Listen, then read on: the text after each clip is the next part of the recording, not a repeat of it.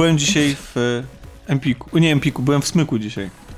Ale ja byłam w Empiku. Wy, wysyłałem dzisiaj zdjęcia e, Kasi i Jani, zdjęcia, bo pierwszy raz w życiu kupowałem Barbie. Mhm. I to Ale dla siebie? Czy... zastanawiałem się, ale prawdę mówiąc, jako dziecko tego nie widzisz, ale jako dorosły zauważasz, że nie jest wcale takie super wykonane, te, te, te lalki. I tak naprawdę em, jest ich kilka modeli w ogóle, to znaczy w sensie to nie jest tak, że jest jeden model Barbie. Ja byłem przekonany, że jest Barbie taka kanoniczna i koniec i ona jest tam, tak jak chyba teraz, oglądaliśmy dokument, to od niedawna to dopiero that, made us. zaczęli zmieniać, tak? Wiesz co, na przykład jest, jest Barbie sportsmenka Mhm. i ona w ogóle sprawia wrażenie po pierwsze tęższej, takiej, znaczy lepiej zbudowanej, ma na pewno grubsze takie uda Mhm. i też jest się, przy, przez to, że ona jest sportsmenka, to w ogóle jest ubrana w jakieś leginsy i to, to, to jest szereg tych Barbie, to nie jest tak, że jest tylko Barbie, ale te jej wszystkie koleżanki, whatever, em, ale one są ubrane właśnie na sportowo i e, mają więcej stawów do zginania. Są zge- Mhm. One się zginają bardziej jak takie action figure, G.I. No bo, Joe ma, i tak no bo dalej. mają się gimnastykować, więc to jest logiczne, że... No tak, ale te, myślałem nadal, że Barbie to jest Barbie, ale jednak nie, w sensie tych Barbie jest kilka. No ale chciałem, chodzi o to, że byłem bardzo skupiony na tym, żeby wybrać odpowiednią Barbie, no bo wiecie, jak się ciągnie za Barbie Zła opinia, sława. tak, za sława, że ona promuje wśród dzieci już od maleńkości jakieś tam postawy społeczne, które chcielibyśmy może zmieniać, albo nie utrwalać w nich e, tak na sztywno już od samego początku. Nadal Nie no, ale firma, Nadal firma Barbie bardzo jest- się tym przejmuje i Znaczy, oni no tak właśnie się przejmuje. się Zwłaszcza teraz różne właśnie, typy, no. tak. Znaczy tak. tak. się, znaczy tak się przyjmuje, że większość to są nadal Barbie w różowym samochodzie, Barbie na wakacjach, Barbie w kuchni i Barbie w łazience. I to są Barbie z dziećmi jeszcze i Barbie z psami. E, Ja znalazłem jedną, jedyną Barbie, która jest Barbie nauczycielką i właściwie żadnych innych takich ambitniejszych powiedzmy, to też e, to, to nie znalazłem. To jest na, rockmenka była, no ale to też jest raczej, chyba dzisiaj to pewnie byłaby bardziej influencerka, nie? Na, na jej miejscu. Barbie influencerka. Natomiast y, Ken, Kenowie są okropni. Ja, znaczy w sensie po prostu Ke- Kenny jak, jak, jak, jako, Ale jako oni i tak przeszli ewolucję, bo jak, jak ja byłam mała, to je był jeden Ken, No. miał No. żółte włosy plastikowe. No i to jest mój Ken. I tak Ken powinien wyglądać. A takiego jak, Kena ale wiecie nie co, robiłem. ale jak moja Teraz siostra jest była mała, Ken. ale nie, no po prostu Jest słuchajcie. taki dziwaczny e, Tomek, taki. nie wiem jaki jest teraz, ale jak moja siostra była mała, a to jest dziecko roku 90, no więc już trochę też minęło od tego czasu. Do tej pory pamiętam, jej Ken miał zarost na buzi, miał takie włosy dokładnie. takie doczesane i takie tak. całkiem długie i był ubrany tak, no na tamte czasy była taka moda skaterska. I Skatersko, więc pewnie teraz jest hipstersko To, ubrany. że, to, że jest hipster, Teraz ma to brodę, spoko. długą Właśnie o to chodzi, że oni wyglądają, w sensie o ile Barbie wygląda Aż to zobaczę w Na, internecie. nadal, jestem na, ciekawa, na, jak na, nadal, nadal jestem w stanie uwierzyć, no w sensie to wygląda jak na dorosłą kobietę, Mhm. to właśnie o to mi chodzi, dlatego to nie chodzi o to, że on jest metroseksualny czy nie, bo rozumiem, że moda się zmienia Mhm. i tak dalej, gusta i, i w ogóle, tylko on jest, wygląda jak dzieciak, on A, wygląda jakby miał 16 lat. Nie ma tam, wie- wiecie, jakby mi się Ben kojarzy, że to jest przede wszystkim, że to są dorośli ludzie, no bo ona tam dziecko ma, prawda? My z moją siostrą byłyśmy zawsze bu- zbulwersowane, że Barbie nie ma bielizny, a Ken ma przerośnięte plastikowe majtki i że to jest nie fair. Bo my Wiecie, chciałyśmy, żeby był bez majtek. zobaczyć, jak wyglądają tak, ale- te lalki, ale jak wpisałam w Google'ach, to wyskoczyli mi ci modelowie, co się robią na Kena. Ojej! No dobrze, ale dlaczego Barbie Nie można zdjąć tego. majtki, a Kenowi nie, bo ma plastikowe? No ale ja po zdjęciu majtek Barbie nadal nie widzisz jej narządów intymnych przecież. No ale to Ken też nie musiałby mieć, mógł mieć jakieś tam wz- wzgórze. Ja nie wiem, Mój czy on nie Ken ma... nie czy- miał nic absolutnie między nogami. No i tak samo Barbie nie ma. Ale nie miał majtek. Nie miał majtek, też Nie miał nic nie miał. Ja, ja nie pamiętam jak za naszych czasów, może dlatego, że nie sprawdzałem Kenowi majtek, ale... Jak to, a Ale na Barbie pewno nie ma jakieś krótkie spodenki czy Nie, coś. a Barbie nie sprawdzałeś? Nie miałeś siostry? Znaczy, to, ale, Barbie, siostrę ale, Barbie, ale Barbie nawet nie trzeba sprawdzać, on no, jest taka... Znaczy nie wiem w sumie. Jest taka. Bo, ja, nie- bo to, co kupiłem, to nawet jej nie zaglądałem, Barbie- prawdę mówiąc. A Barbie miała pośladki tak zarysowane? Nie, nie, one tak... Tak, no ma Nie, to było takie i ma dziwne pośladki. połączenie. Dobra. Ma pośladki. Ale ja nie o tym chciałem w ogóle Ma rozmawiać. przedziałek. Okej. Ja chciałem o czym Ma innym. nacięcie pomiędzy nogami. Jako dziewczynka bawiłam się Barbie, no więc no. Chodzi, cho- chodzi mi o to, że mnie urzekł, urzekły mnie y, dwójkę dzieci, zupełnie różnych. Jeden dzieciak to był y, chłopiec i to był, i on przyszedł z ojcem ewidentnie i chodzili po dziale z Lego. No bo ja oczywiście poszedłem też na Lego, nie? Żeby sobie poglądać Żeby nie było? Star Warsowe em, klocki Lego. I ten, e, i, i bardzo mi się podobało, jak ten, ten, te, to dziecko patrzył na te klocki tak, a to, a to, a ten ojciec mówi, nie, nie, nie. A on mówi, a to, a to, a on mówi, nie, nie, daj mi spokój, nie? I, a w końcu mówi tak, o, ale to, to ci się na pewno spodoba, kup sobie. Ja mówię, o kurde. Dziecko mówi tak, a ty Tak, breciarz! ale nie, ale nie, on mówi, nie, właśnie, właśnie ja tego tak nie odebrałem, bo on, ten dziecko, to dziecko, być może jest takim dobrym właśnie spryciarzem, ale ja to odebrałem w taki sposób, że ono chciało, żeby to, ten ojciec sobie kupił, że on mówi, że to jest to, a to są dla ciebie. I wiecie, ale wiecie, bo ja, bo ja myślę, że to jest spryciarz, tylko wiecie, jaki on wybrał? E, Architecture, te takie od, odzorowania prawdziwych budowli. I on mówi, bo to są, mówi, to są dla ciebie, bo to są dla dorosłych. I, i ten, ten ojciec tego nie kupił. Oczywiście nie oceniam ojca, bo wiadomo, to są drogie rzeczy i, i jakby i to są jego... Zwłaszcza i- te I architecture to jest są ich drogie. sprawa. Ale gdyby mój dzieciak tak do mnie powiedział, to bym totalnie kupił, bo to by oznaczało, że on chce się ze mną bawić, w sensie takim, że razem to przeżywać, nie? E, więc, y, więc to jest to jedna, jedna była fajna sytuacja, a druga mi się... y, To był ojciec, który jest nie za bardzo wkręcony e, w klocki Lego i zabawki, ale a drugi, druga sytuacja to była to był, e, chyba dziadek, bo taki już był troszeczkę starszy pan i to była już, i to była dziewczynka, e, czyli wnuczka podejrzewam. E, I oni sobie e, chodzą po tym sklepie i ona już taka była taka, taka zrezygnowana, taka zmęczona. już nic nie dostanie. Kilka lat, ki, kilka lat miała, nie? I ona tak, i ona tak, no taka już była taka, mm, wiecie jak to dzieciaki, nie? Że już tak nie są za bardzo zainteresowane. Tak, tak. I ona do pewno. niego w końcu mówi tak, ja nie wiem, chodźmy stąd, tu jest za dużo tych zabawek. Na co ten dziadek odpowiada? Nie, nie, chodź jeszcze tam pooglądamy. Więc, czyli ewidentnie, nie wiem, chyba chciał jej coś kupić, albo... A podejrzewam, że dziadek też chciał sobie poglądać zabawki. Ja też czasem lubię chodzić po Ja smyku. też, no tak po prostu, żeby pooglądać. Nie no, I czasem sobie myślę, dlaczego ni- moja siostra albo jakiś mój bliski znajomy nie ma małego dziecka. Ja bym tak kupowała te zabawki, jakbym Ja miała najczęściej komu. myślę sobie, Boże, dlaczego nie było takich zabawek, jak ja byłam A to dzieckiem? też. Ale nie masz ochoty ich Ale bym komuś się kupić? bawiła. Nie no tak, ale na szczęście mam komu kupować, A, bo no u mnie w widzisz, rodzinie ja nie akurat mam. jest dużo takich takiego gówniarstwa. Powtarzam, ser- p- pozdrawiam serdecznie. Gówniarstwo z rodziny, bo jest spoko. E, I faktycznie gdzieś tam z Baszką łazimy i szukamy takich, ten, zwłaszcza, że młody, jest jeden młody właśnie z wielkim fanem Gwiezdnych Wojen. E, Rozróżnia, znaczy ma co prawda niecałe 3 lata, ale rozróżnia R2D2 i, i ten, i BB-8. I jakby naśladuje dźwięki i bohaterów kojarzy, więc jakby, no, rodzice zadbają o jego edukację. Bardzo Ale dobrze. tak. Ja czuję porażkę osobiście, bo mój syn jakoś przestał się interesować Gwiezdnymi Wojnami.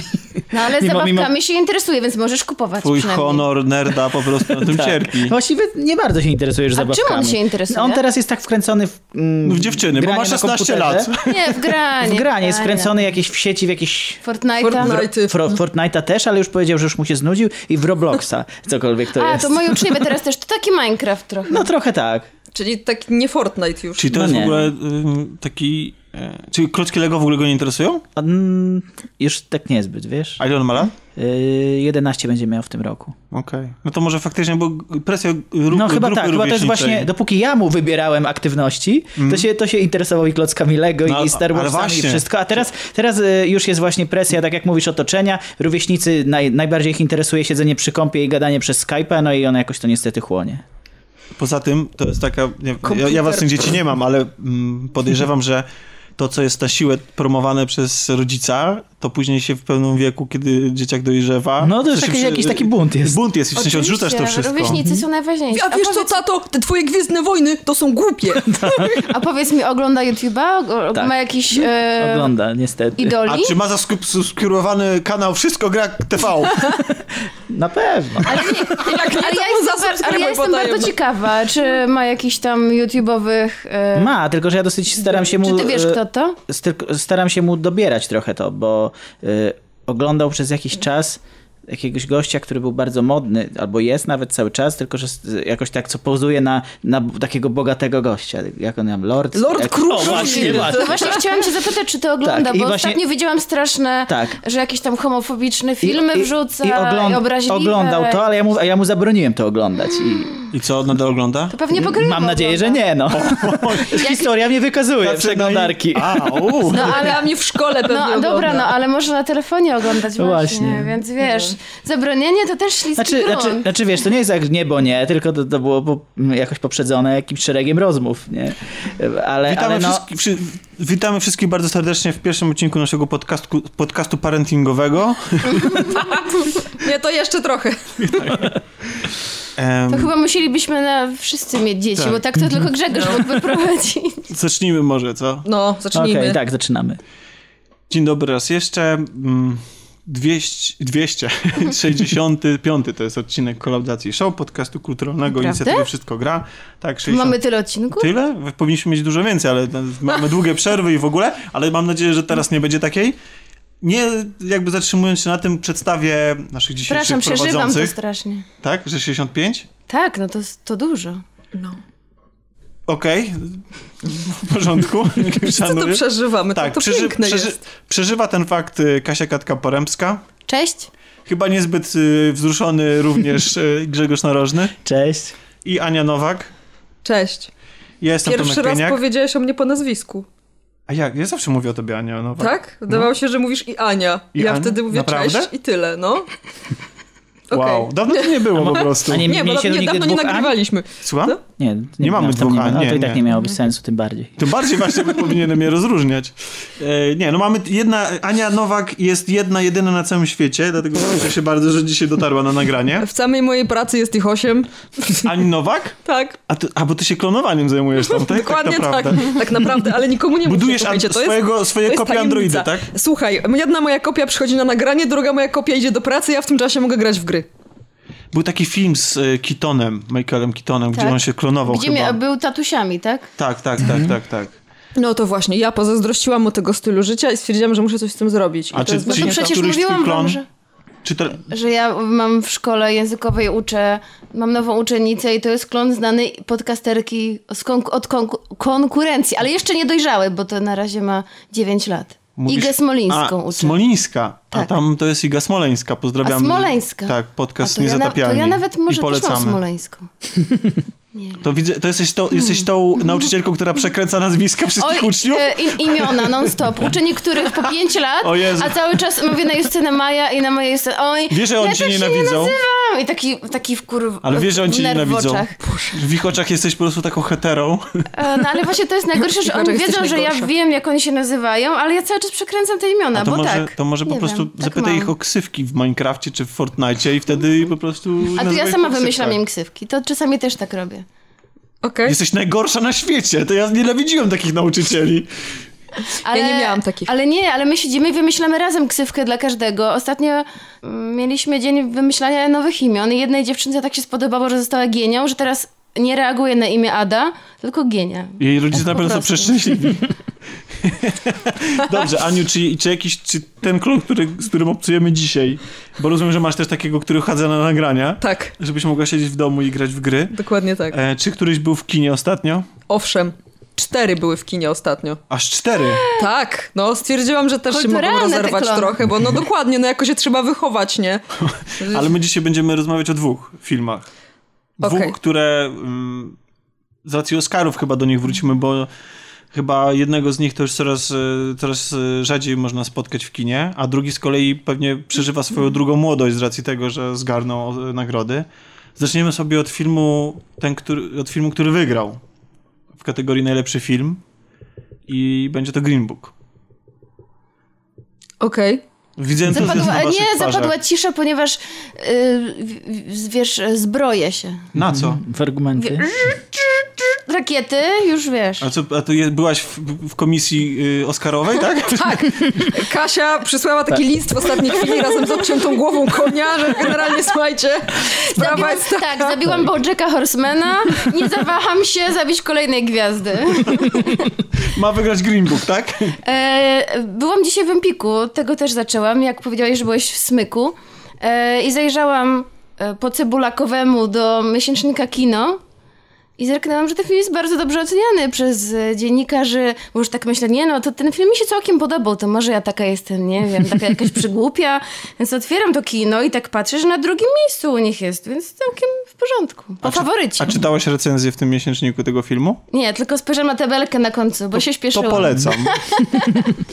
Ale Czyli chcesz powiedzieć, że to recenzja sugeruje, że ktoś, kto ją pisał, nie oglądał tego filmu? nie, nie, raczej y, sugeruję, że właśnie oglądał dużo uważniej niż y, komisja e, Pozosta- Oscarowa. ale pozostała ekipa Akademia. dziennikarzy oceniła ten film dobrze. Średnia tam wyszła powyżej 4, więc jak na kino to jest naprawdę dobra, dobra No średnia, bo tam są srodzy belwszy. Nie będę was pytał, czy waszym zdaniem, na razie, czy waszym zdaniem zasłużenie ten film e, zdobył tego Oscara, e, bo chyba, chyba wszyscy się zgodzimy, że wolelibyśmy chyba inne inne tytuły na tym miejscu, nie? Które No, miały... co najmniej dwa No. lepsze filmy były. Czy z Grzegorzem rozmawialiśmy, że u nas obojga ten film był na trzecim Tak. miejscu, ale zgodziliśmy się, że to jest e, te dwa pierwsze, te dwa pozostałe filmy są tak przed e, całym peletonem, Mhm. a Green Book jest tak na przedzie już tego peletonu. Jakby jest e, duży dystans dzieli go od tych pierwszych dwóch filmów. No, Chyba w nagrodzie o pasz, po paszport Polsatu. Oj, Tomku. Dobrze, ale zanim, zanim, zanim przejdziemy do, do opinii, to może opowiedzmy dla tych, którzy nie, nie, nic o nim nie słyszeli, o, o czym film jest. Nowy Jork, wydaje mi się.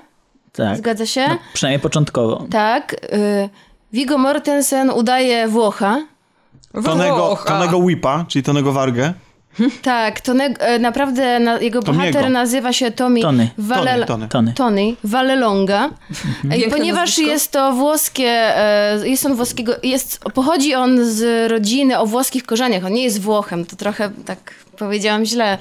E, Jak wiemy z wielu innych filmów, które toczą się w Nowym Jorku, e, jest tam całkiem spora mniejszość właśnie włoska i zwykle całkiem przypadkowo się zdarzyło, że ma ona dużo wspólnego z półświadkiem. Tak.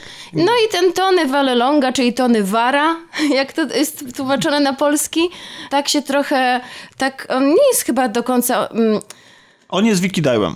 On pracuje... przestępcą, prawda? Tak, tak, on pracuje, on pracuje w klubie nocnym takich właśnie ludzi z półświadka przestępczego, no i ma z nim kontakty. Nie jest to do końca wyjaśnione, na jakiej zasadzie to działa, no ale podejrzewam, że tam się po prostu w tej...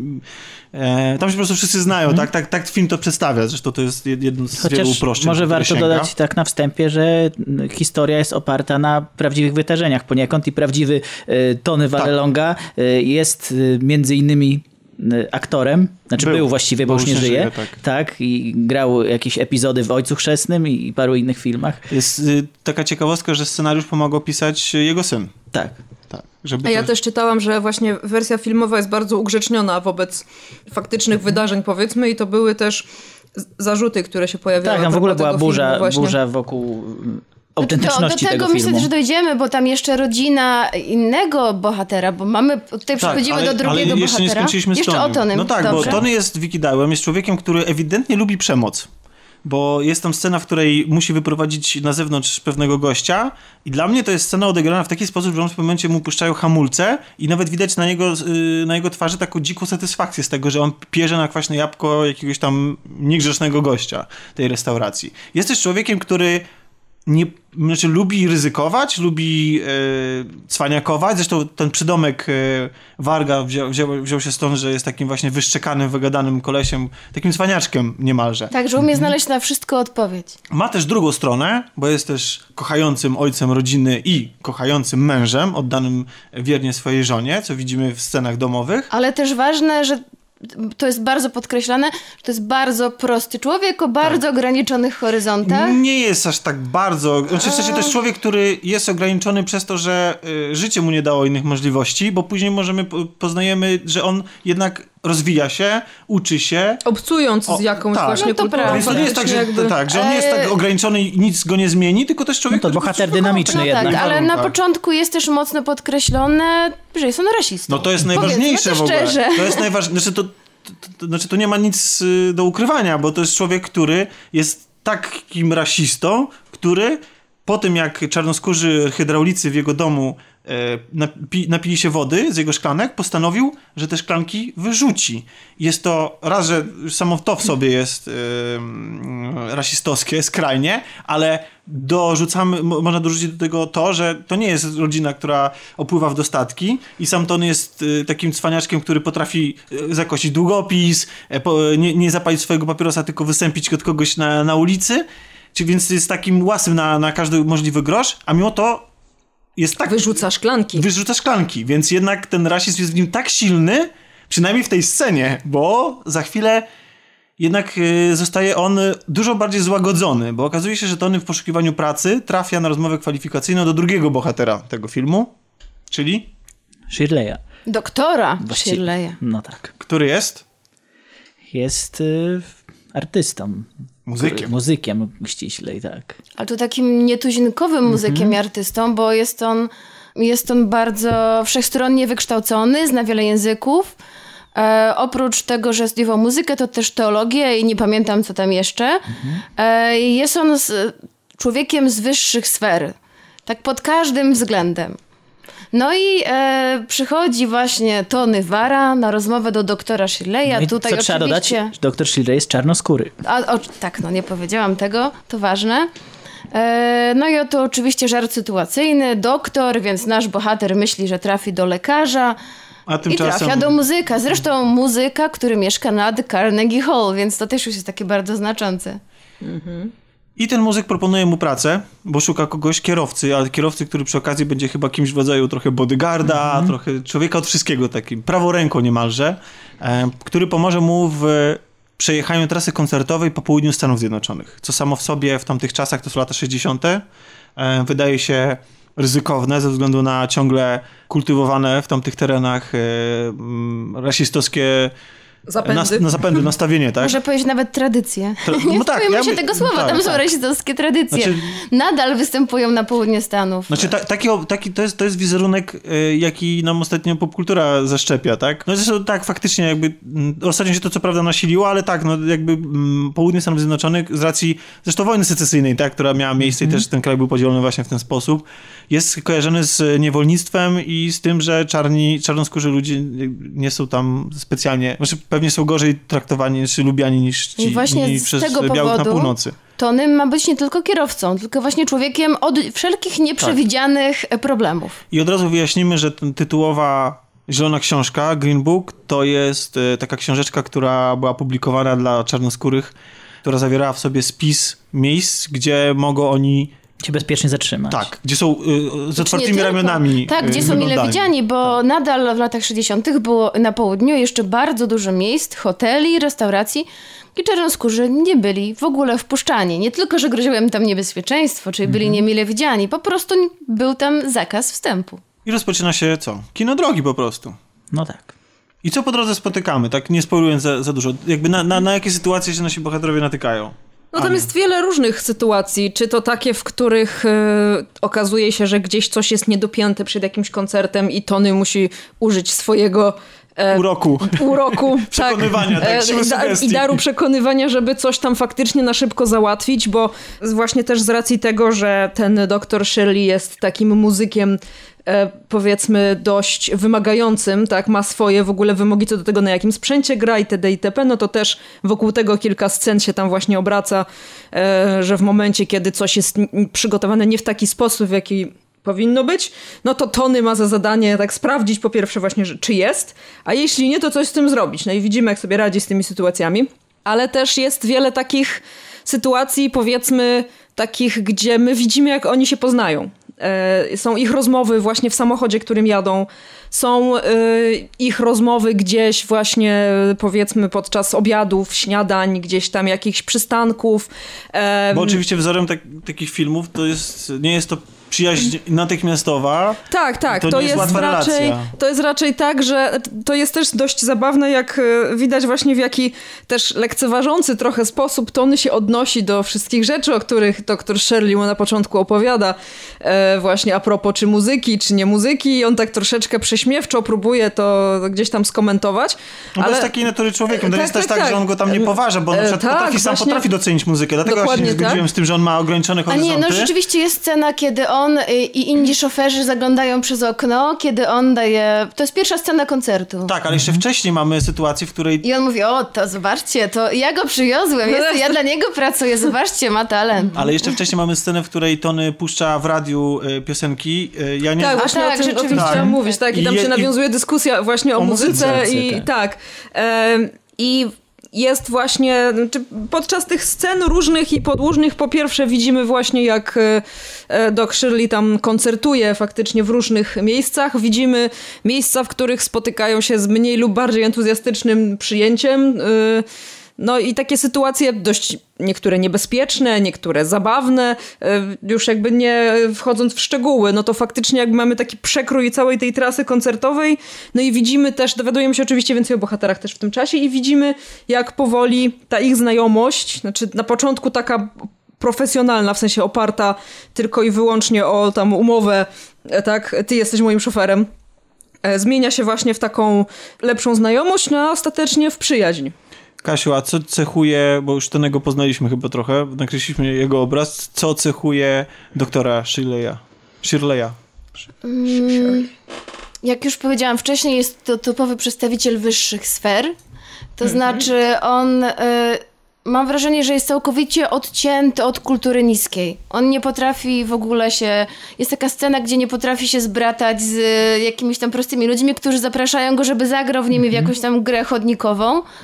Jest przestraszony w ogóle tą ich propozycją. Tak jak powiedzieliśmy wcześniej, e, scenę słuchania muzyki z samochodu, okazuje się, że on e, nie zna zupełnie muzyki popularnej, e, Nawet, rockowej. nawet tej, która jest wykonywana przez czarnoskórych Tak, e, Nat King muzyków. Cole. Bo to jest kluczowe, muzyków. bo to nawet nie chodzi o to, że on nie schyla się po tą kulturę niską, ponieważ ona jest niska, mimo tego, że pewnie też, ale moim zdaniem, ja tak to czytałem, kluczowe w jego odrzucaniu pospólstwa jest to, że on to pospólstwo przypisuje czarnoskórym.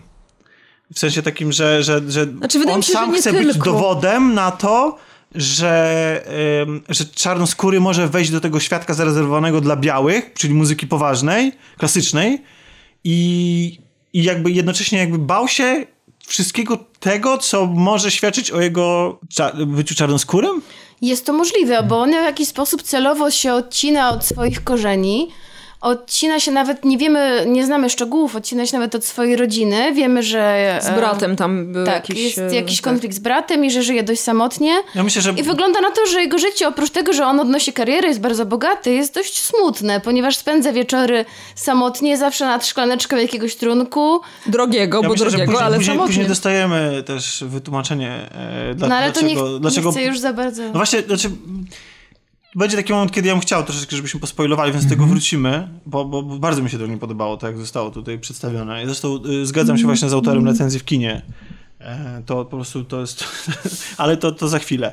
E, ich ró- róż, y, różnice klasowe są przełamywane, oni się zaprzyjaźniają.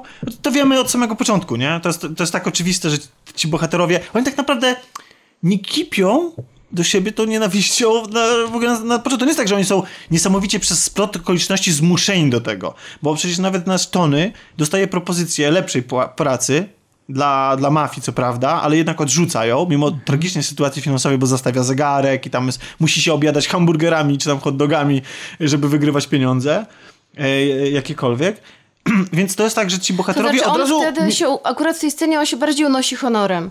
On mówi, że za, on już przyjął to zlecenie i, i jakby musi dokończyć to, co No tak, zaczął. tak. To nie jest tylko dlatego, że polubił tego No doktora. tak, ale gdyby, go, gdyby tam naprawdę była nienawiść... W, w, Nie, nie ma tam, tak, chyba więc- bardziej nie, nie, obojętność, Więc to jest tak, więc oni na początku wydają się z różnych światów, a później oczywiście się docierają Mhm. i, i gdzieś tam kumplują, co zresztą chyba niespecjalnie ma e, przełożenie, czy co nie specjalnie jest odzwierciedleniem rzeczywistości. Bo, Podobno nie do końca. Tak. To znaczy też nie wiemy, jaka jest prawda, bo e, No film jest napisany z perspektywy Tak, właśnie jednak. rodziny to, prawdziwego Tonego e, i wypowiadał się w mediach e, właśnie brat e, doktora Shirleya, żyjący, e, który został w filmie przedstawiony w dość średnim świetle, więc rozumiem, że mógł się poczu- poczuć Właśnie. niezadowolony, ale Więc też nie wiadomo, na ile to nie jest do końca obiektywne. wiemy, e, gdzie leży prawda. No podobno panowie się nie zaprzyjaźnili nigdy, e, Mhm. po prostu według tego brata e, ich stosunki nie wyszły nigdy poza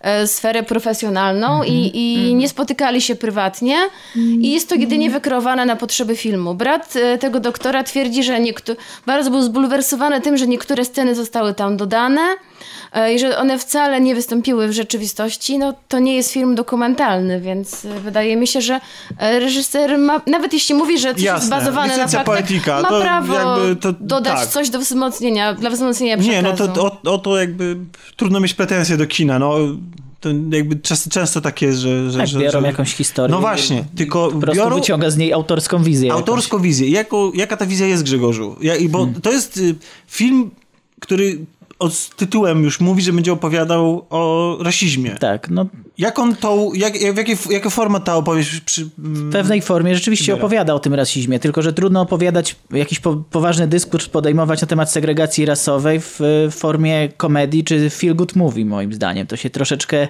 e, no, to się troszeczkę kłóci ze sobą. A widziałeś B- Black Black y, Klansman. Klansman. Wi- Widziałem. On też ma Widziałem. podobny ton. Y, może tak, ale... ale Znaczy dobra, mi może nie, no bo Ale przesadzam, jest- to nie jest ale- podobny ton, ale- ale też ubiera to w y, Ale jest taki ostrzejszy. humor. Tak, ale jest, jest jest, jest, jest dużo ostrzejszy, jest, jest wprost oskarżycielski, jest troszeczkę innym filmem. Zresztą Sp- Spike Lee a propos bardzo się oburzył z powodu zwycięstwa Green Booka. Wręcz jak, jak wynik został Oscarowy ogłoszony, to ostentacyjnie wyszedł z sali. E, Ale z powodu tego, że uważał, że jego film bardziej zasługuje, czy miał jakieś konkretne zarzuty do Green Book? No właśnie trudno powiedzieć, bo, bo nie skomentował tego, ale podobno oburzony tak samo był Jordan Peele. Mu się chciało, mu się chciało sikać. Może. E, Jordan Peele, czyli, czyli reżyser Uciekaj, e, też podobno był zbulwersowany, czyli wydaje mi się, że czarnoskórzy nie odbierają dobrze tego filmu. Z jakiegoś znaczy, były powodu. też takie komentarze, i też o tym czytałam artykuł, że czarnoskórzy uważają, że ten film bardzo spłyca i bardzo ślizga się po powierzchni i on wręcz ugładza, jakby udomowia rasizm. A wy- to znaczy, a wy- wy tego- takie wy- wy są nie mieliście tego e, wrażenia, takie komentarze, jeszcze tylko dokończę, ta- komentarze są właśnie takie, że ten film sprawia, że ten rasizm może nam się wydać nawet taki całkiem spoko.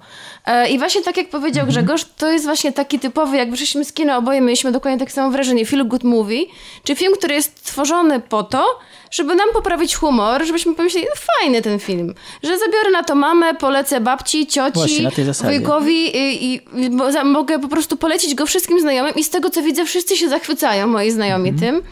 Ale taki film jakby nie pokazuje rzeczy, które mogą być niewo- niewygodne, nieprzyjemne. No bo to, ma być, to jest film, który ma poprawić nam humor.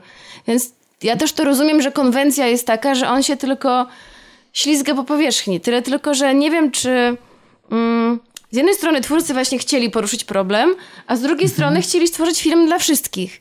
I ten film nie jest ani, ani taki, ani taki, moim zdaniem. Tak jakby, no... Tak, no, Znaczy ja to jest powiem szczerze, ramotka. że jeśli chodzi właśnie o y, nawiązywanie do tematu rasizmu, którego no nie, nie będę oszukiwać, ja na przykład nie jestem w stanie zrozumieć tak do końca, tak jako biały człowiek, nie jestem w stanie jakoś tak się wczuć y, totalnie, to najbliżej mi było takiego poczucia faktycznie, w czym jest problem, właśnie oglądałam Uciekaj. E, Mimo, że to był film, który nie przedstawiał niczego wprost.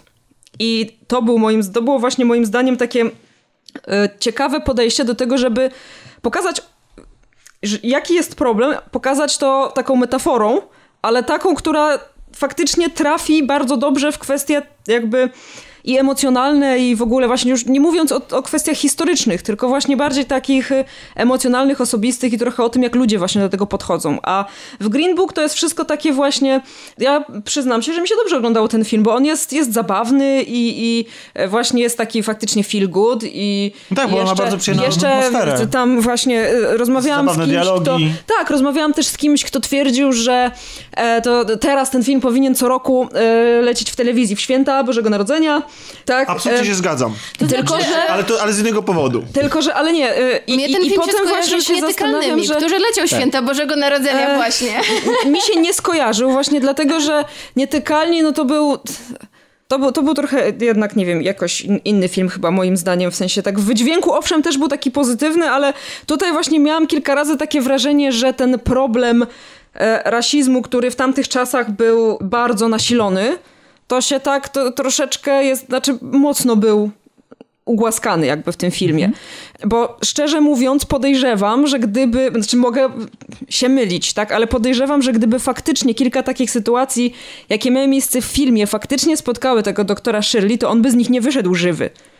I, I skończyłyby się o wiele gorzej niż się skończyły. I, I tak właśnie miałam wrażenie, że to jest taki trochę deus ex machina, że jakoś tam zawsze im się udaje tak, e, Tak. wyjść z tych e, Znaczy, opresji. Podobno wręcz, e, bo takie sytuacje wręcz nie miały miejsca. Brat Shirley'a twierdzi, że Shirley nigdy nie został pobity na przykład. Że nikt go nigdy nie uderzył. Ja byłam o Widzisz, tyle... widzisz, widzisz? To jest Właśnie- bardziej dramatyczny niż Właśnie ja, ja pamiętam, że oglądając ten film właśnie, no jakby faktycznie bawiłam się bardzo dobrze i on był taki fajny i przyjemny, ale właśnie pojawiały się potem takie sceny i wiemy, gdzie oni są i w którym miejscu i znając troszeczkę historię Stanów Zjednoczonych i wiedząc, jak jak wyglądały prześlady- prześladowania czarnoskórych w tamtych czasach i w tamtym miejscu, e, w momencie, kiedy on postanawia, że sam pójdzie do knajpy, żeby się napić alkoholu. Bo ty nie rozumiesz. Ale, On miał misję. ale ja wiem, że on Pewnie w miał rzeczywistości misję. sam nie poszedł nigdy Ja do wiem, że on miał misję, tylko, daj że- mi skończyć. No, oczywiście, przepraszam. Bo zapomnę, co chciałam powiedzieć. E, tylko ja przede wszystkim, moja pierwsza myśl była taka, mówię, Boże, oni tylko udawali, że ten film jest taki feel good, on teraz pójdzie sam do tej knajpy i go tam zabiją. Bo e, wiedząc jakby rzeczy, które wiem, które gdzieś tam czytałam i td. i tp, to podejrzewałabym właśnie, że tak to się skończy. A nie, że on pójdzie do tej knajpy, ktoś go tam zaczepi, powiem jakieś trzy słówka, e, tak, i jakoś, no, no owszem, jakoś go tam obrazi werbalnie, tak, ale generalnie potem na tym się skończy. Nie no, trochę tam się- go poturbowali. No to, no ale to co... trochę. Ja się spodziewałam, że to nie będzie trochę. Ja się spodziewałam i za każdym razem, jak była taka sytuacja, to ja się spodziewałam, że oni mu zrobią jakąś naprawdę poważną krzywdę. A tutaj tak naprawdę... Jakoś się za każdym razem udawało z tego wyjść i wręcz czasem niektóre te sytuacje były trochę obracane w takie żartobliwe. I ja z tym miałam problem. No bo to jest film, który nie może być, tak jak powiedziałam przed chwilą, nieprzyjemny. Jeśli wydarzyło No się tak, coś ale złego, jest nieprzyjemny. ale się się dyskomfort, jest. Ale no. właśnie w, w tym jest problem. Znaczy, No ale dlatego mówię, że ten film No i- próbuje być jedną tak. nogą trochę taki, a jedną nogą taki. On Czyli- unika, czyli inny- unika odbycia niekomfortowym no- i nieprzyjemnym właśnie. Ja, sobie pozwolę być być wobec tego filmu jeszcze bardziej krytyczny, bo, bo mnie ten film po prostu zaskoczył faktem, że on w ogóle powstał.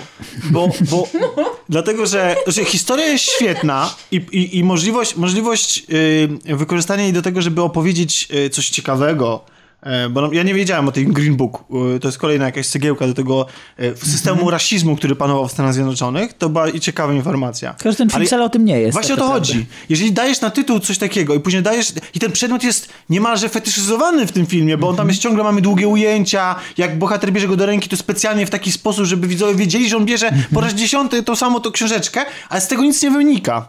Bo, y, bo bohaterowie jeżdżą po tych miejscach, zatrzymujesz się w miejscach, w których, których są mm, mile widziani. Później jest sytuacja, w której y, ten y, y, doktor Shirley idzie sobie na miasto i robi jakąś rzecz, w który, z której później musi, musi go wyciągać tony i to się powtarza notorycznie, ale najbardziej nie rozumiem tego, po co w ogóle ta podróż jest. Bo w, bo w pewnym momencie w filmie, sorry, znaczy może to być spoiler, może nie, y, nie wiem, jak, ale to nie jest nic, nic takiego mega istotnego, w sensie fabularnym, że tam nie wiadomo, co się dzieje, ale generalnie jest tak, że jest pewną tajemnicą, jaki jest plan tego doktora.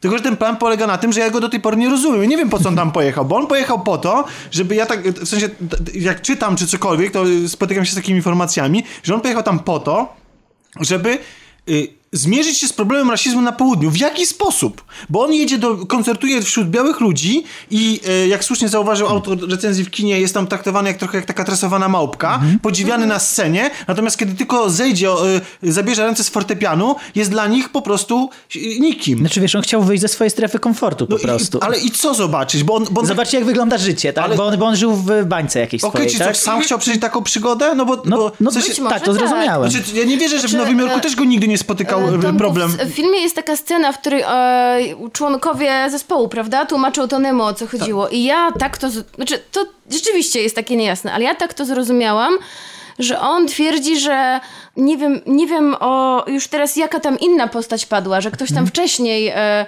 też właśnie był na południu i że takie osoby jakby przecierają szlaki i że tak jakby on, nie wiem, może chce dać przykład kolejnym No osobom, przecież, a- no nie absurd, wiem. bo nawet, bo nawet bo, Chce udowodnić, że można. I że co może, bo on, bo on jedzie tam, spotyka się z sytuacją agresywną wobec siebie i jej ulega.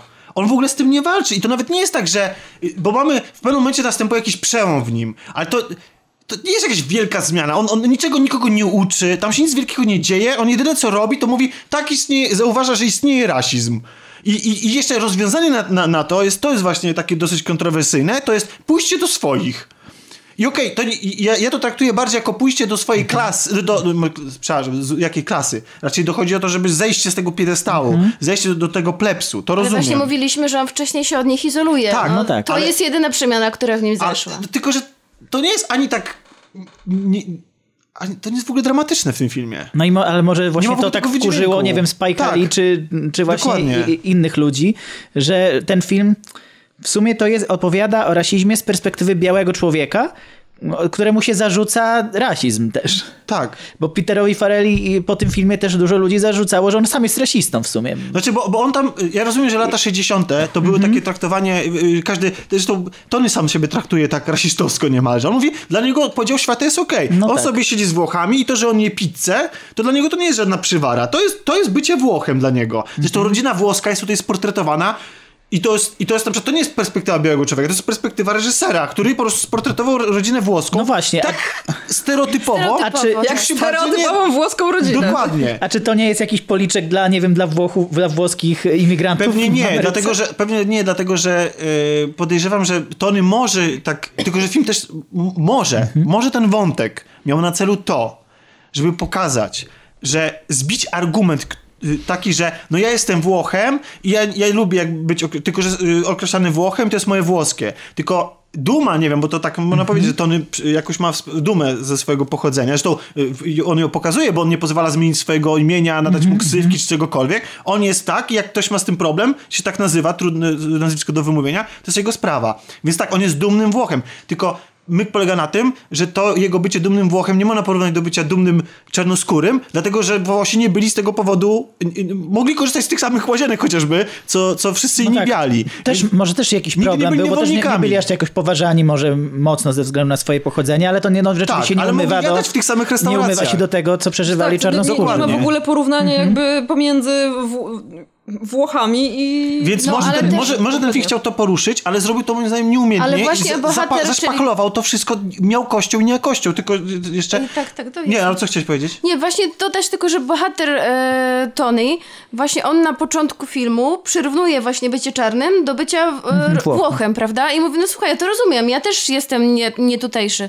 No i dopiero on tutaj podczas e, e, tych wszystkich scen, o których wspominaliśmy, podczas całego filmu, on się przekonuje, no to, to jednak nie jest to samo. Okej, znaczy dla mnie ten film tego tak nie uwypu- uwypukla I, i to jest moja interpretacja tego i to jest na takim poziomie, który ja bym nie przypisował intencji temu filmowi takich po prostu. Ja, w- jak już jesteśmy przy Tonem, ja nie kupuję tego człowieka po prostu. W sensie, kupuję go jako... Inaczej, W sensie nie wzbudza twojej sympatii, Nie, nie, czy nie, nie, nie, podacie nie. się konstrukcja Nie. postaci, jak jest napisane? Niewiary... Dla mnie scena wyrzucenia szklanek do kosza, o której wspomniałem wcześniej, to jest scena człowieka, który się brzydzi podać rękę czarnoskóremu.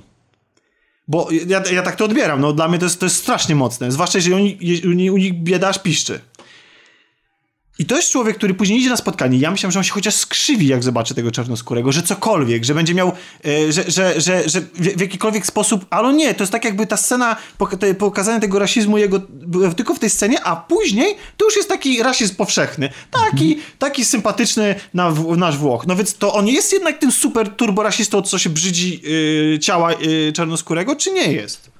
To, to dla mnie było niekonsekwentne i mnie to wybiło już na samym początku, bo ja na autentycznie na tej rozmowie kwalifikacyjnej myślałem, że on na przykład będzie wstyjdzie, w- wstanie i wyjdzie i będzie chciał od razu pod, y, wyjść. A ten powie mu, słuchaj, oferuję ci takie pieniądze i on się wtedy tak, wiecie, że on będzie zmuszony do tego, ale nie, on podejmuje tą pracę już na samym początku. On tylko się nie zgadza, żeby nie prasować jego koszulę.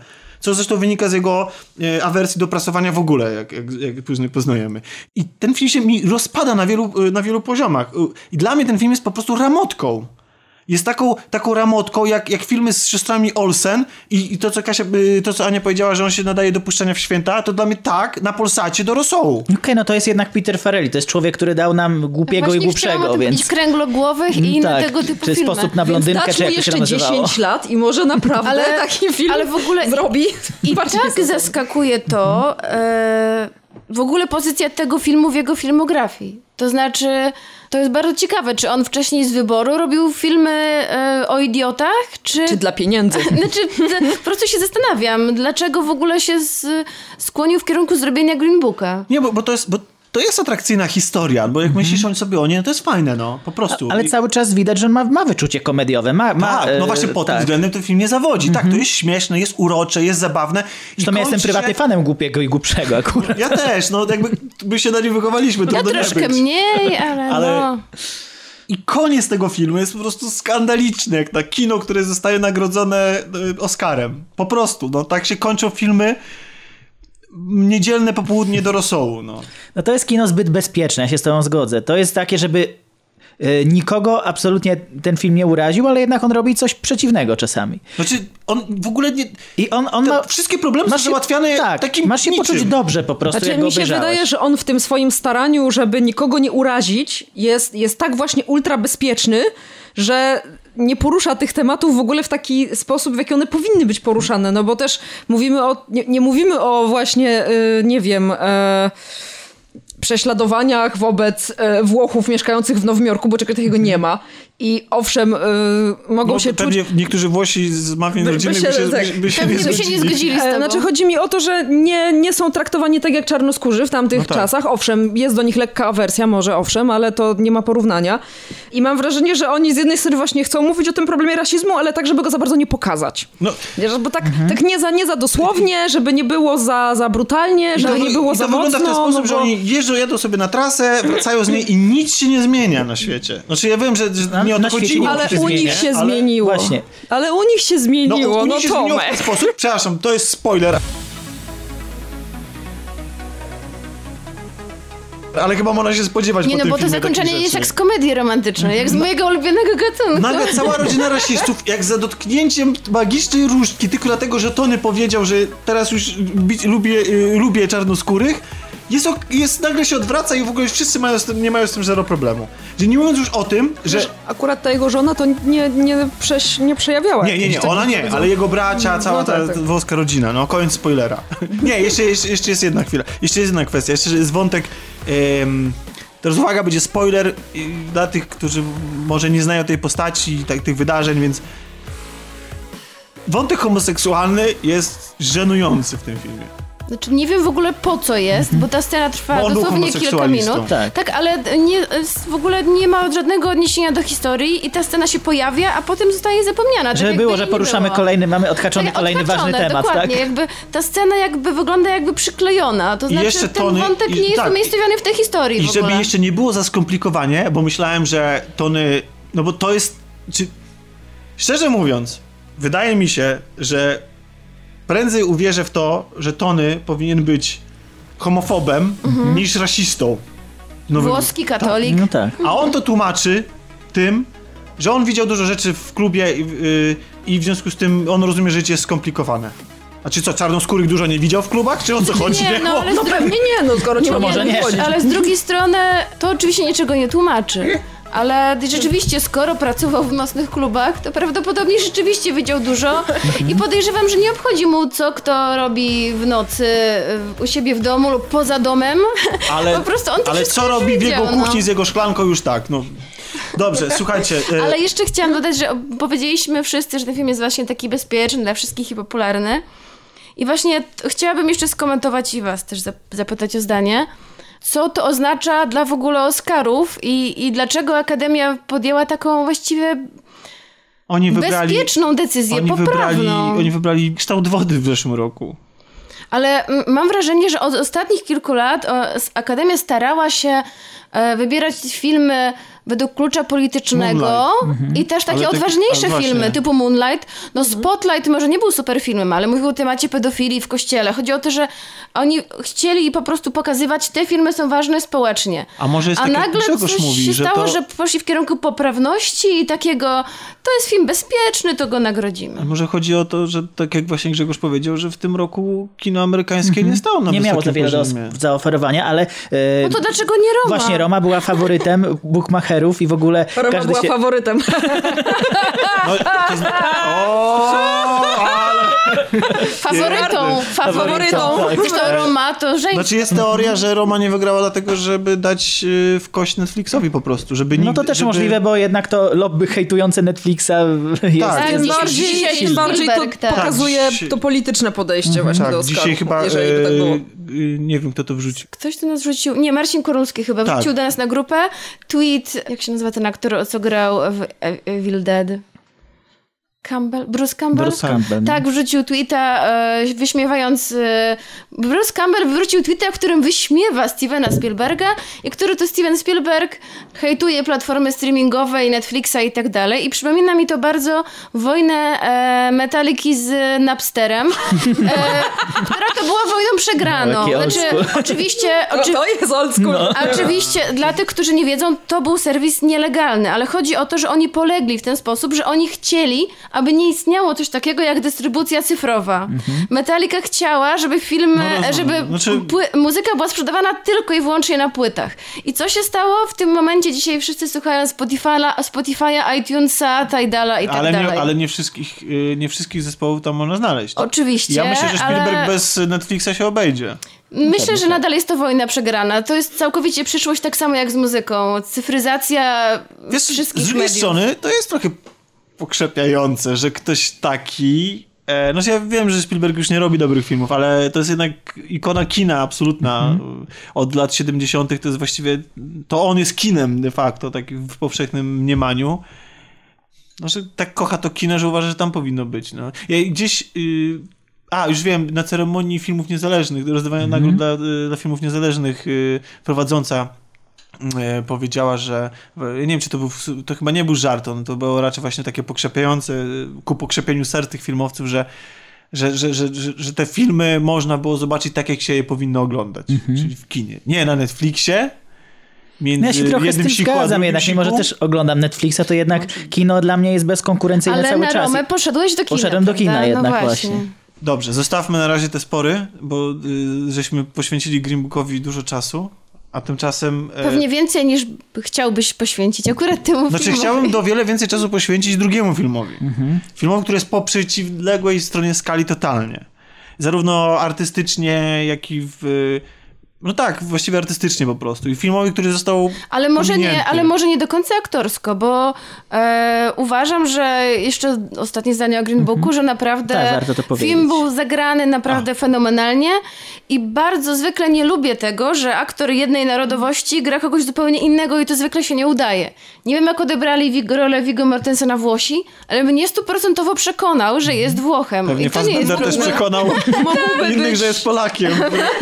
Mógłby być. Synem Tony'ego Soprano, generalnie. E, Naprawdę, no i a e, nie wiem jak wymawia się imię tego aktora, Ali, na, w każdym razie na nazwisko, dostał już drugiego Oscara za rolę drugoplanową. Aktorsko tak.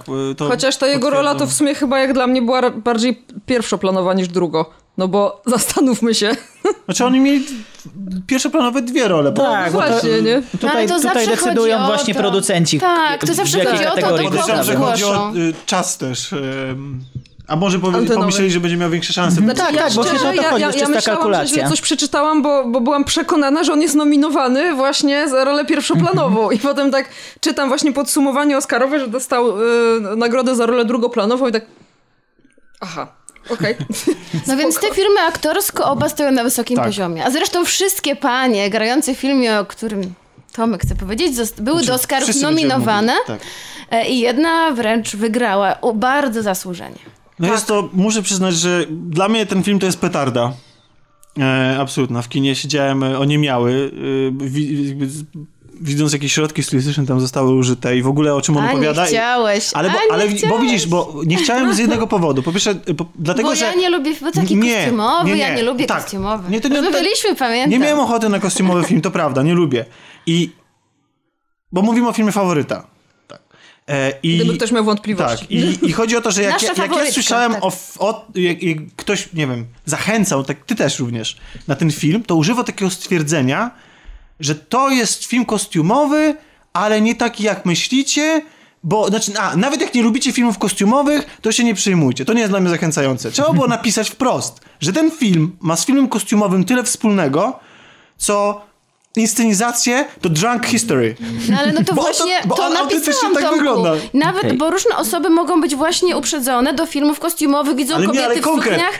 Nie idę na to. To jest film, który jest tylko i wyłącznie dlatego kostiumowy, ponieważ bo ponieważ najłatwiej byłoby te relacje, w sensie osadzić to w jakiejś tam przestrzeni właśnie, gdzie ktoś jest służącą, Dworskiej, dworskiej tak. i tak dalej. Natomiast on w ogóle nie chce być filmem kostiumowym, on w ogóle to nie jest tak, że on z pieczołowitością opowiada o tamtych czasach, że on jest, że on jest, że on się trzyma w ogóle tych realiów historycznych. Mało tego, nawet nawet politycznych za bardzo. Tak niby jest to tam troszeczkę poruszone, gdzieś tam jakieś polityczne zagrywki, ale to zupełnie nie o to chodzi. Dokładnie. Ale Tomku, okazało się, że kilka osób przekonałam. Ja idąc na ten film, Nie- chodzi o- nie byłam, e, nie byłam, ale żart nie, ale wiem, wiem, ale rozumiem, ale chodzi mi o to, że ja poszłam na ten film, bo, bo akurat o, przedpokaz przed, przedpremierowy Unlimited, dobra, idę.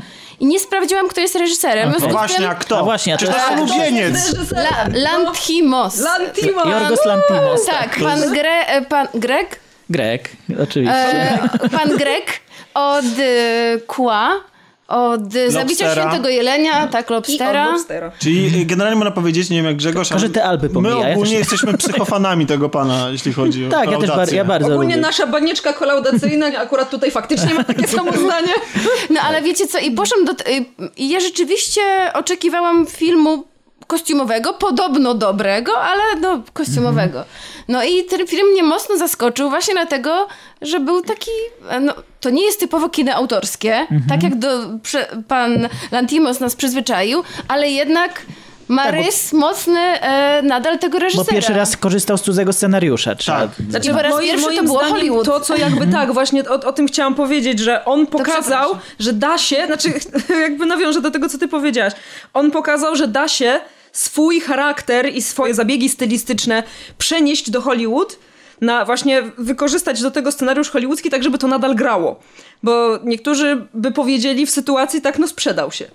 No Ale, ale nie można tak Nie, ale on się powiedzieć. nie mógł o nim- sprzedać. Ale właśnie nie można tak o nim powiedzieć w kontekście tego filmu, bo to jest, mimo że właśnie nie korzystał ze swojego scenariusza, to to jest nadal tak bardzo jego film. Po prostu po, to Po Hollywood prostu- kupił jego, Tak. a jak ja muszę to powiedzieć, bo tak mi się udał ten tekst, że jestem z jego dumna, po prostu. Czekamy. Napisałam, że Hollywood, nie, to teraz mi przyszło na myśl, że Hollywood kupił jego, ale nie udało mi się stępić mu kła. Ha. O, o, o, to dzisiaj, dzisiaj A słuchali. nie przekupić o, e, homarami.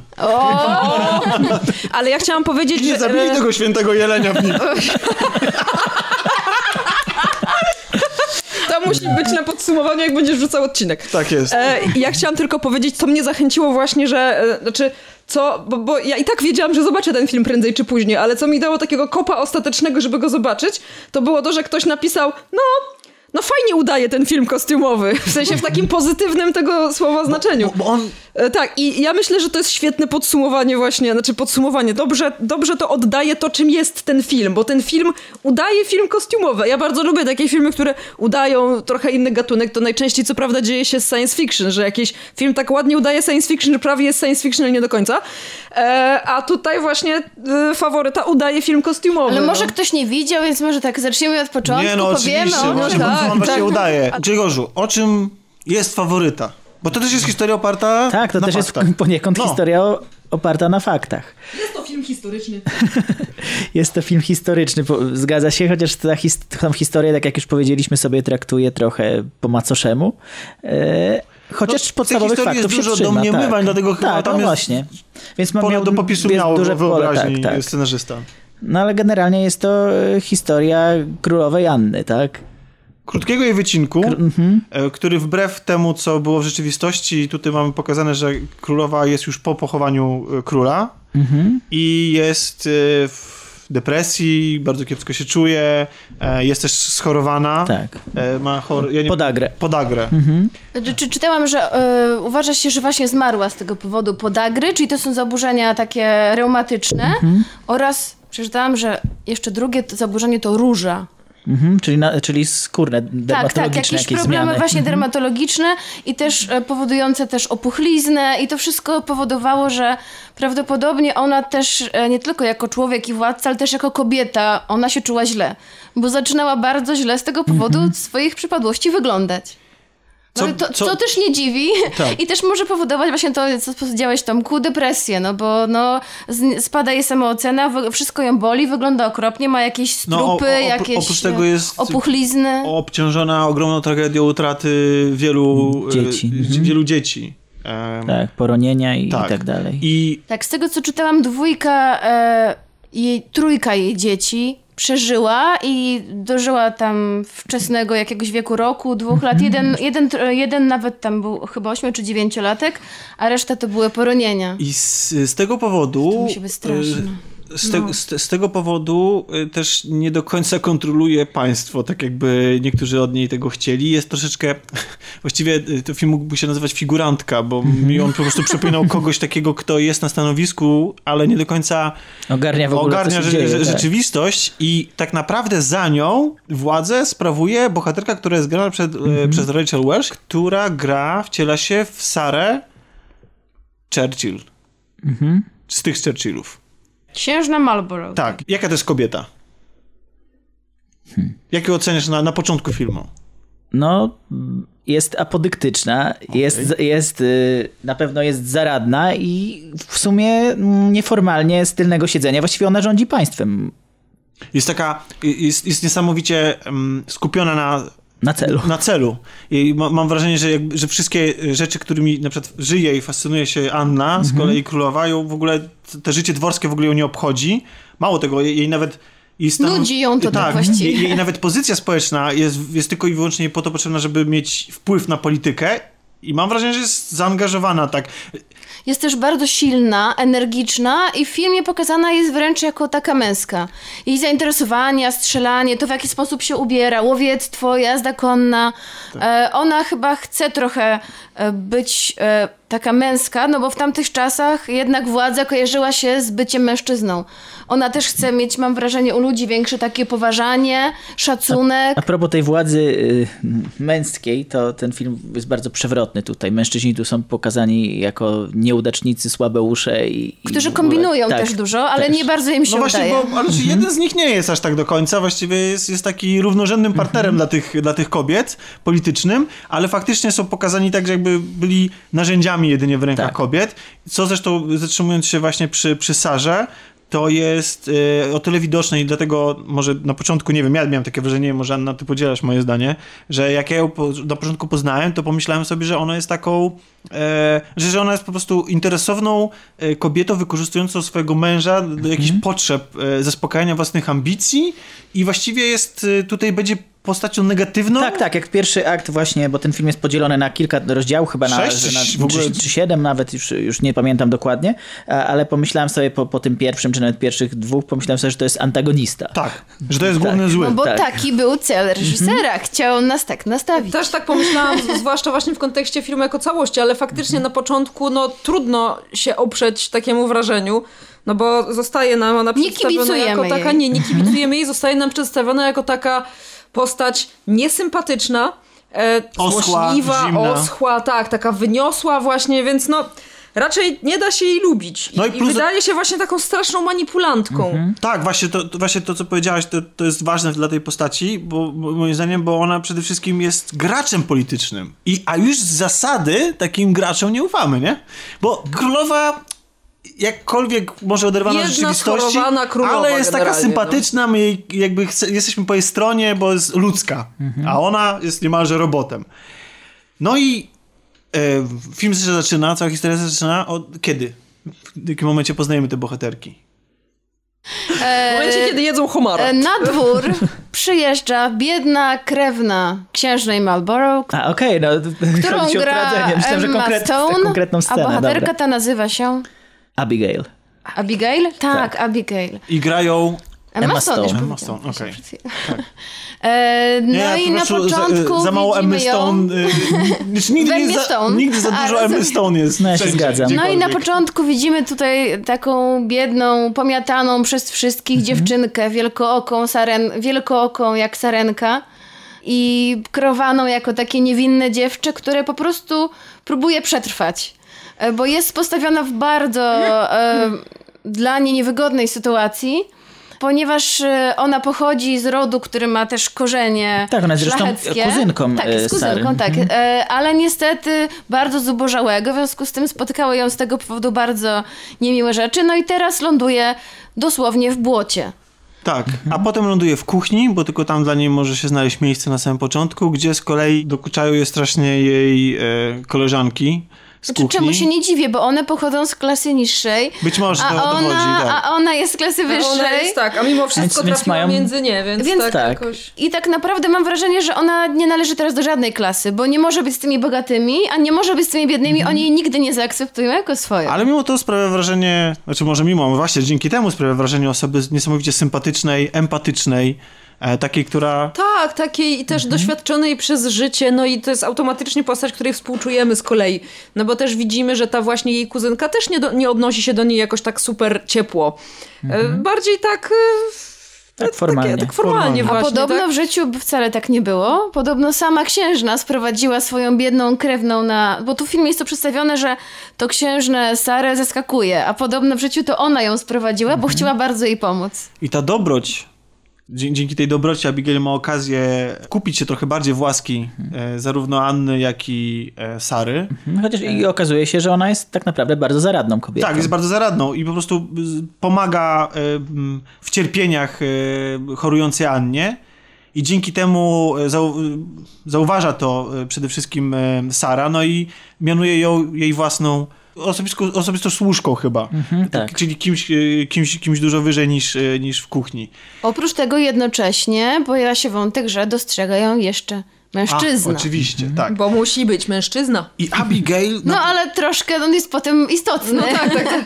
e, nie zdradzając zbyt dużo, to jest moment, a właściwie chwilę później, kiedy Abigail odkrywa sekret Królowej. królowej i Sary. I nie wiem, czy możemy to zdradzić, ale w sumie to jest tak oczywiste To od jest samego sam początku. początek Właśnie, filmu to nie jest jakiś więc- wielki Tak, spoiler. bo generalnie okazuje się, że relacje, jakie łączą królową z e, Sarą, e, czyli właśnie z tą ambitną polityczką dworską, e, to jest tak naprawdę romans. Po prostu one są kochankami. E, I to takimi właściwie zakochanymi w sobie, bo łączy je bardzo ciepłe uczucie, długie uczucie. Tak, tak to Tak, wygląda. bo one są e, przyjaciółkami e, od lat i myślę, że to też jest coś, o czym warto wspomnieć, że one się bardzo dobrze znają i faktycznie mają dość, tak, Tak. mają bardzo głęboką więź. Królowa nawet chce wystawić An- Sarze pałac zbudować, tak?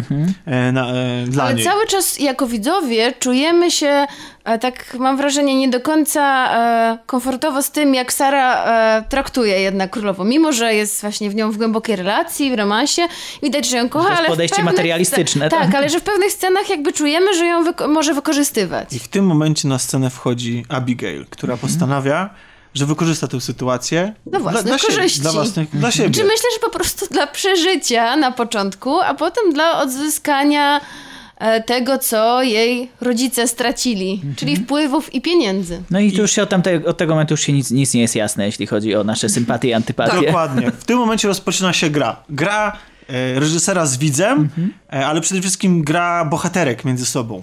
Właściwie wszystkie trzy w tym biorą udział. Tak. Wszystkie trzy zaczynają z gierki, słowne, e, fizyczne, wszystkie zaczynają knuć, kombinować. Jak wam się ten, ten cały, te, te, te całe mm, dworskie spiski i, i kombinatorstwo tych bohaterek podobało? No, mi się to podobało, chociaż generalnie e, w kinie jakoś nie, nie bardzo lubię oglądać takie, takie polityczne intrygi i nie tylko polityczne, ale też takie między, międzyludzkie. E, Ale tutaj to było. e, Dużo w tym Lantimosa widziałem. Te dialogi były tak, tak świetnie z, e, napisane, to, to, to akurat już jest nie, nie zasługa Lantimosa, ale jego zasługa jest e, to, że potrafi poprowadzić aktorów e, w taki sposób, że to, że to jednocześnie miało wydźwięk y, komediowy i dramatyczny y, jednocześnie. Ja, się, ja, ja po prostu byłem poruszony, a jednocześnie się śmiałem. Mało, mało który reżyser potrafi ze mną zrobić coś takiego, jednocześnie smutek i, i śmiech we mnie No tutaj dobrym wywołać. przykładem jest scena z Borsukiem. Mhm. to znaczy scena, w której ona jest właśnie poruszająca, śmieszna i smutna jednocześnie, Tak. kiedy królowa pyta swoją przyjaciółkę Sarę, jak wygląda. I widzimy, i ta Sara mówi, w ogóle okropnie wyglądasz, pomalowały cię strasznie, Mhm. wyglądasz jak borsuk. I królowa robi się smutna, zaczyna płakać. Jest, w pierwszej chwili bul- bulwersujesz się, no jak można coś takiego powiedzieć, Mhm. kobieta kobiecie, ale z drugiej strony, jeśli jesteś osobą przy władzy nikt nie mówi ci prawdy, bo wszyscy chcą się wkupić w twoje łaski, a to jest jedyna osoba, która zawsze mówi jej prawdę prosto z mostu. I Tak, nawet jeśli, nawet jeśli ta prawda jest trudna. Czy, ja pamiętam, że mi się bardzo fajnie śledziło te wszystkie intrygi, w sensie byłam bardzo wkręcona w to, co się dzieje. I bardzo mi się podobało to, jak bardzo właśnie wiele razy my stajemy po różnych stronach barykady, bo to jest tak, że z jednej strony nam się wydaje, że no ta została źle potraktowana, ale w sumie ta to też została źle potraktowana, a ta biedna królowa to ona przez obie te dziewczyny jest wykorzystywana, a w ogóle to oni wszyscy się wykorzystują nawzajem. I jest bardzo dużo takich momentów, gdzie po prostu my, to są takie czasem nawet krótkie ujęcia, jakieś takie pozornie nieznaczące sceny, które nam zmieniają podejście do bohaterek. I to się dzieje bardzo często podczas trwania tego filmu i ja pamiętam, że oglądając właśnie całość, już mi się wydawało, że sobie jakoś poukładałam to, kto tu jest, gdzie, w którym miejscu, a potem... Tak, a finalnie znowu potem się nie. rozbija. A już finał tak. rozwalił w ogóle wszystko. Już wiemy, komu kibicować, a potem nie, no jednak, no bo zawsze chcemy kibicować temu dobremu, prawda? Ale kto tu jest tym kto tu jest dobrym? tym- Czy No w ogóle tutaj tak. jest jakiś dobry? Albo przynajmniej temu, kto ma rację w jakiś sposób, tak E, Mi było powiedzmy na. Żal tak? e, tego zakochanego faceta, czy zakochanego. A, mi też. To I nim... jest trudno się w Abigail nie zakochać, prawdę mówiąc, jak ją poznajesz. I ona, ale to jest Jak ją poznajesz? jak ją tak. I ona, ona jest tak, y, tak potrafi, y, znaczy przede wszystkim to jest ogromna zasługa Emmy Stone, która zagrała, raz, że ona tu gra pełną paletę emocji i je, ja mam wrażenie, że w ogóle, że wszystkie y, te aktorki po prostu się ona doskonale właśnie- bawiły na tym planie. A to nie? na pewno. I, I Emma Stone tutaj pokazuje niesamowitą taką uwodzicielkę, ale w taki sposób, który pasuje do jej aparycji i aktualnego wizerunku, który kreuje.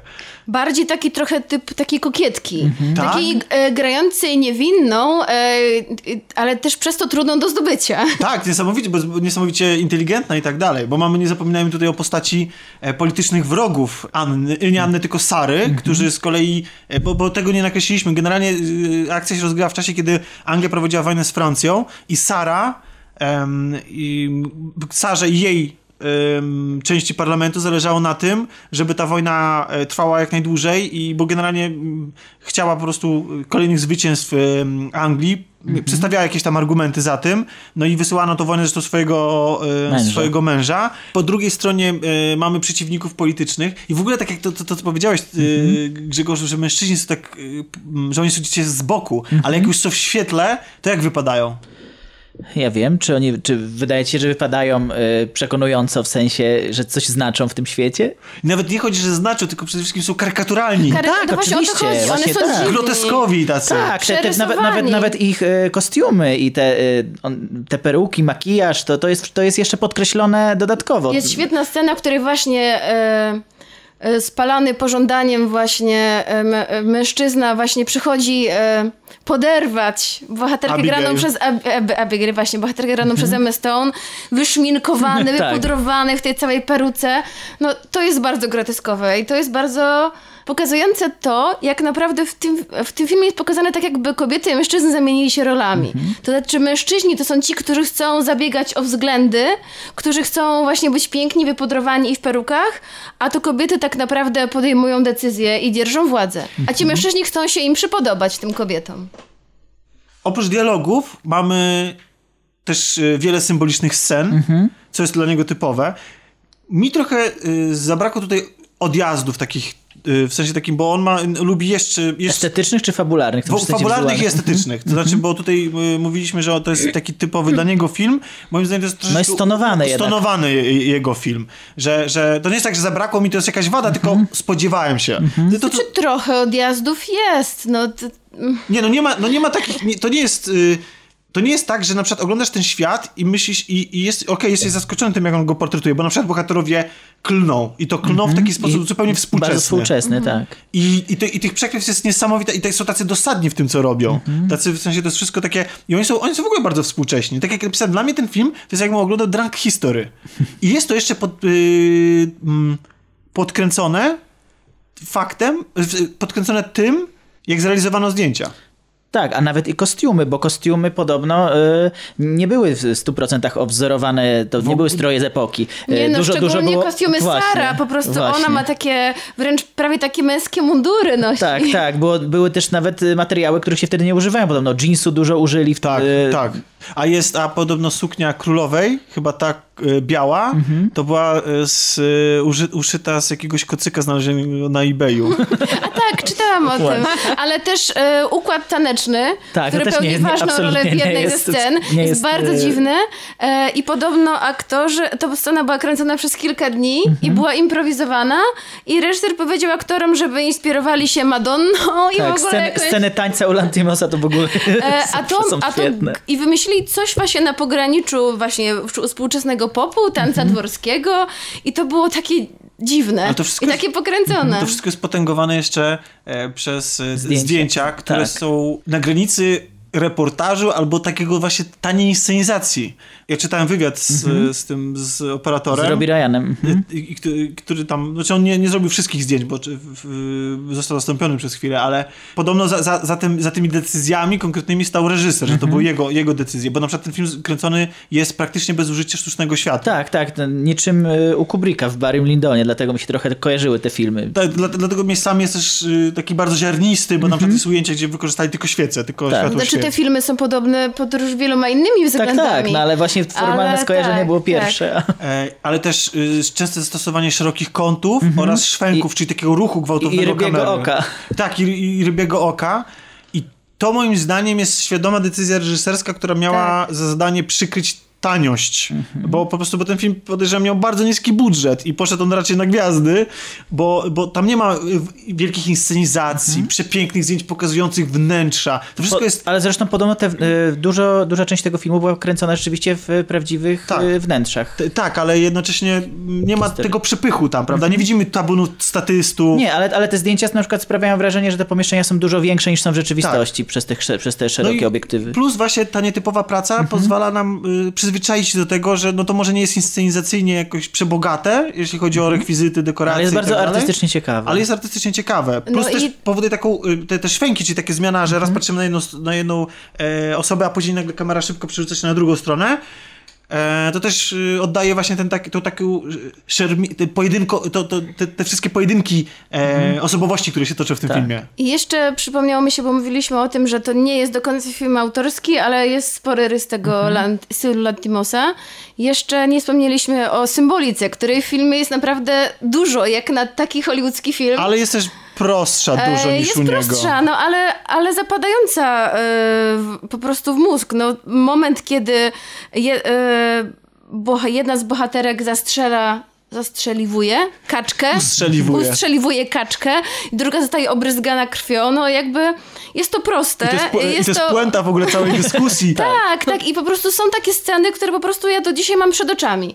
E, I to jest moim zdaniem bardzo duży plus e, tego filmu. Czy macie coś temu filmowi do zarzucenia? Myślałem, że będzie jeszcze bardziej, jeszcze mocniej. A jednak. tak. Ja też, te, też Znaczy, nie wiem, czy to jest zarzut do końca, tylko tak jak mówisz, że, że się do tego spodziewałeś, to ja też mówię, o, teraz się odwali, tak, za, za każdym razem pomyślałem. Ale jednak, jednak jakoś trzymał się w ryzach y, reżyser. Może i dobrze. może liczył na tego Oscara. A, Anno? Ja się właśnie zastanawiam tak, czy... y,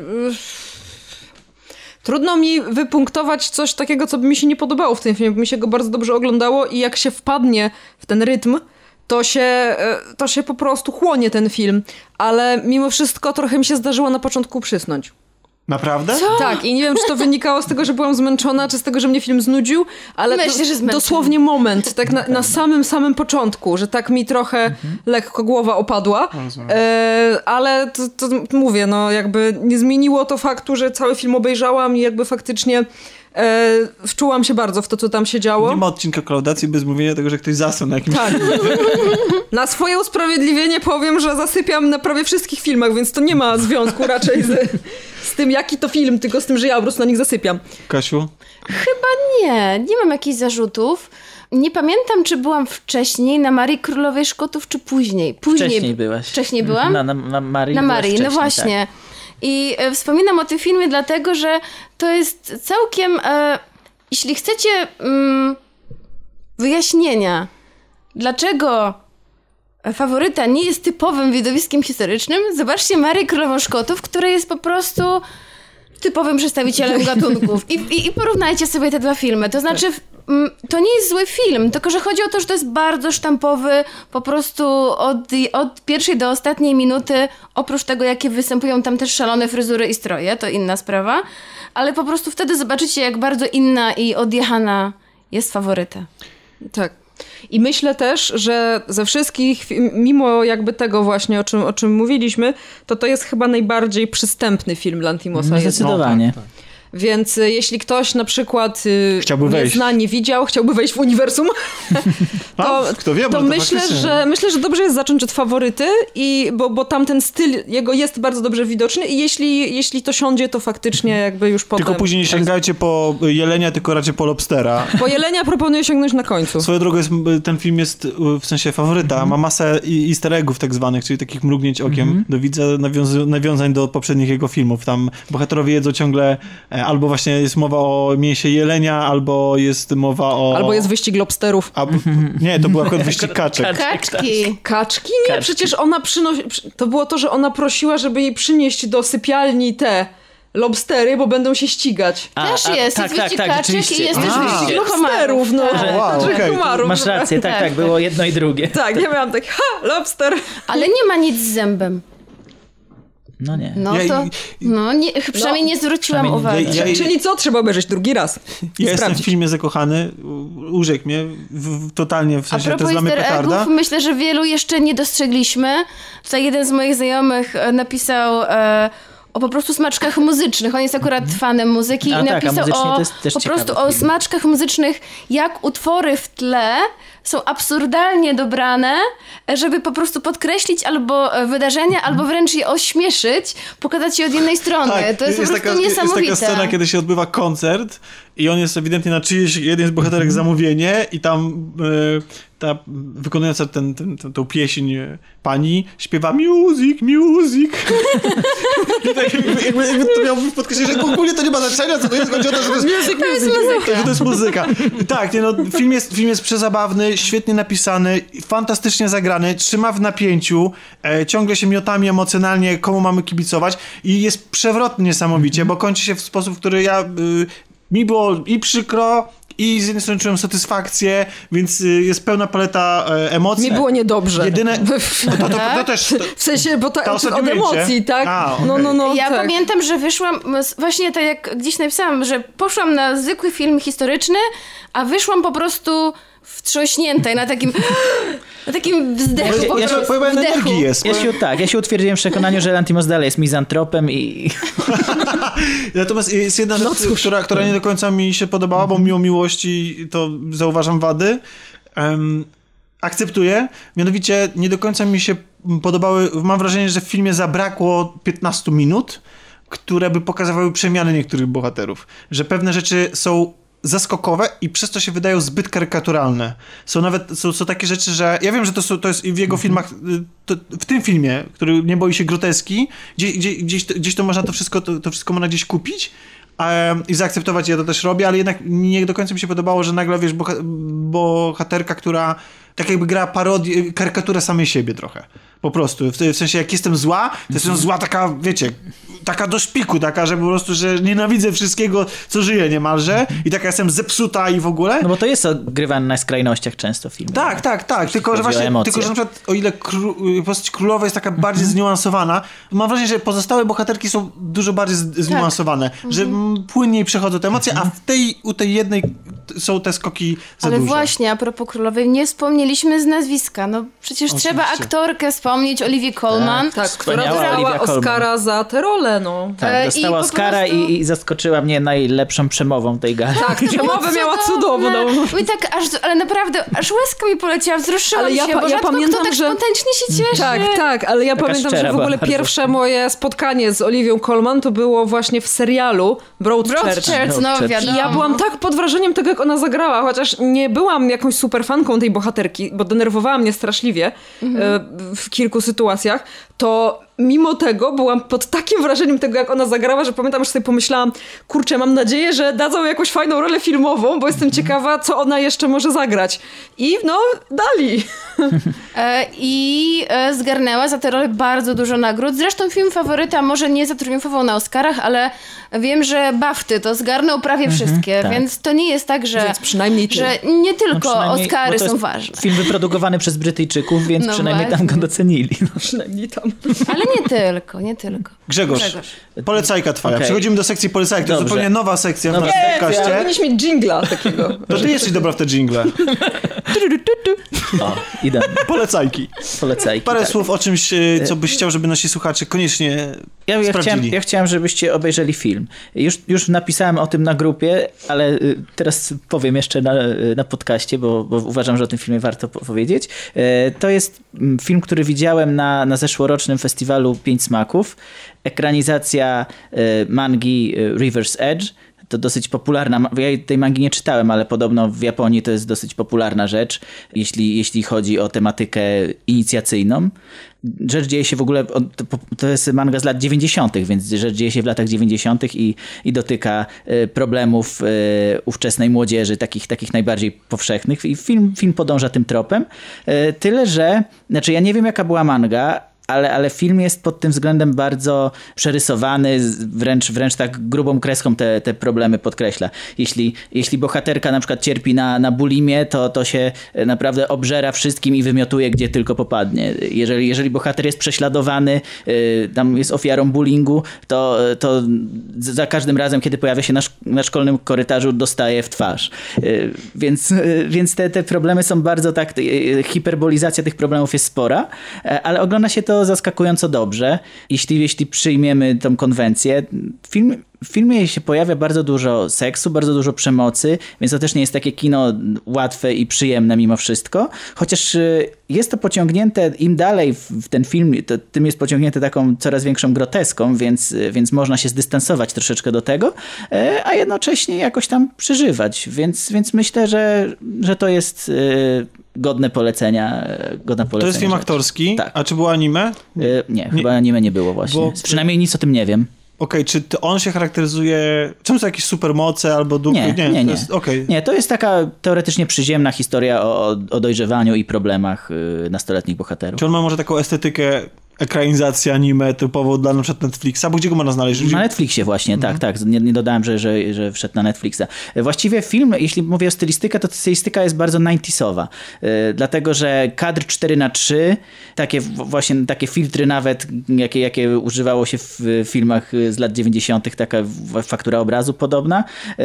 S- Ciekawe są nawet dokumentalistyczne, takie pseudodokumentalistyczne wstawki, gdzie, gdzie pomiędzy poszczególnymi scenami tak jakby ktoś prowadzi wywiad z poszczególnymi bohaterami i na przykład pyta o, o, o ich problemach. Tak wygląda trochę jak coś na pograniczu sesji psychologicznej czy coś takiego, więc poz, pozwala tych bohaterów fajnie poznać. Albo coś jak te dokudramy. A, właśnie. Tak, Szkoła. Tak. O, o, o, właśnie. Szkoła. może, tak, tak, może to nawet jest bliższe temu. Ale rzeczywiście. jakoś, tak? Tak, tak, zdecydowanie. Ty tak y, powiedziałeś, że, że z opisu tego trochę wynika podobnie do Riverdale. Ja na początku się broniłem przed tym, ale teraz sobie tak przemyślałem, że, że może rzeczywiście że to jest trochę takie lepsze Riverdale.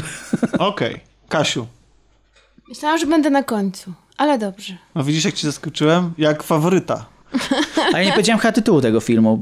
Brzeg rzeki. A, Nie powiedziałam. najważniejsze. Właśnie. Okej. Okej, Anno. Kochałaś się, że... Anno, co, co, Dobrze. Nie za chwilę. Ja też chciałabym polecić film. Co więcej, film, który widziałam dzisiaj. to zacznijmy może od tytułu i gdzie go można Tak. obejrzeć, żebyśmy o tym nie zapomnieli. Poczekaj, bo muszę sobie zobaczyć, jaki on ma polski tytuł. Okej. Film e, o polskim tytule Za trzy ślady. Tytuł oryginalny Leave No Trace. To jest film z roku 2018.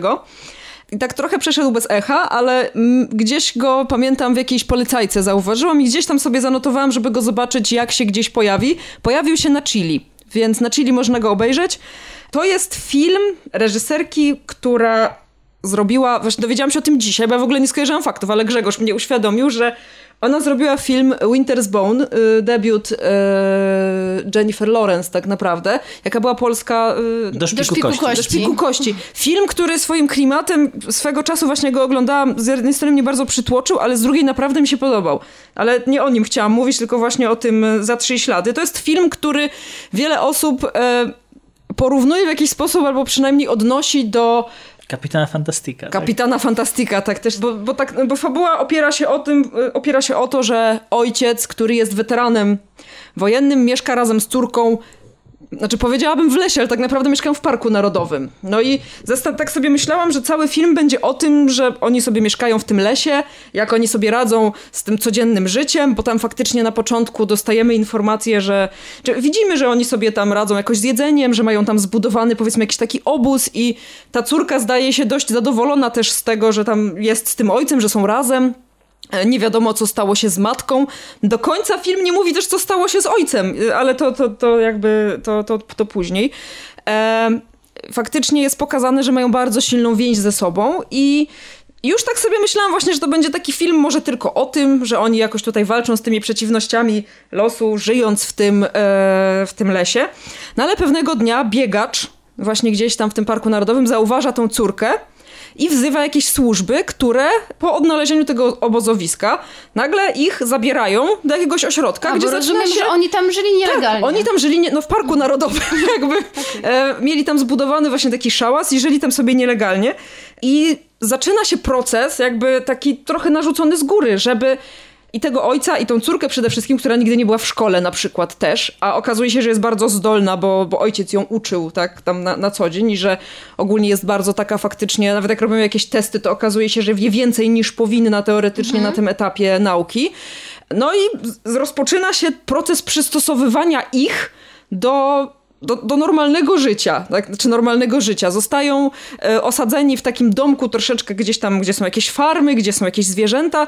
No i jest pokazane, że z jednej strony ta dziewczyna zupełnie inaczej sobie radzi z tym światem, ale z drugiej strony widzimy też jej ojca, który tak naprawdę był inicjatorem tego ich mieszkania tak w, w Parku Narodowym, ale z drugiej strony e, córka też w kilku momentach mówi na przykład, że tęskni za tym ich miejscem, że mieli taki fajny obóz, że w końcu znaleźli takie fajne miejsce.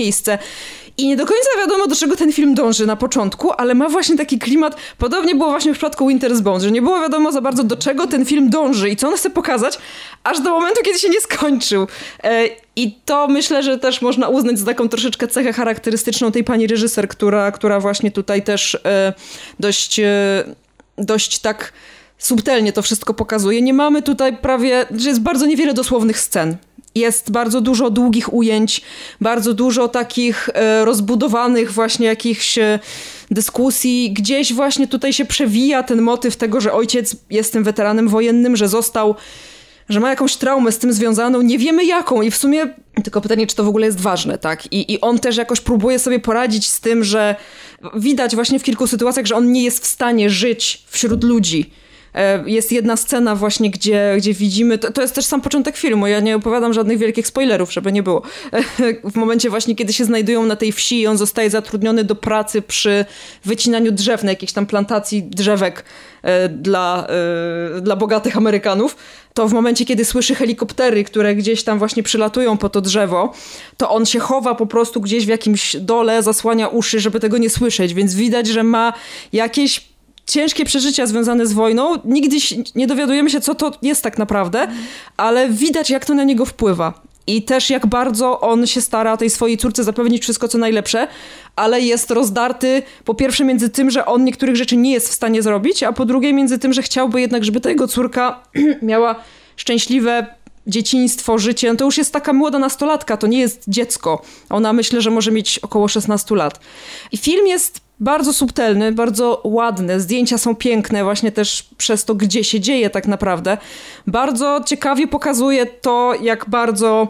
E, do czego może prowadzić uciek- uciekanie od problemów.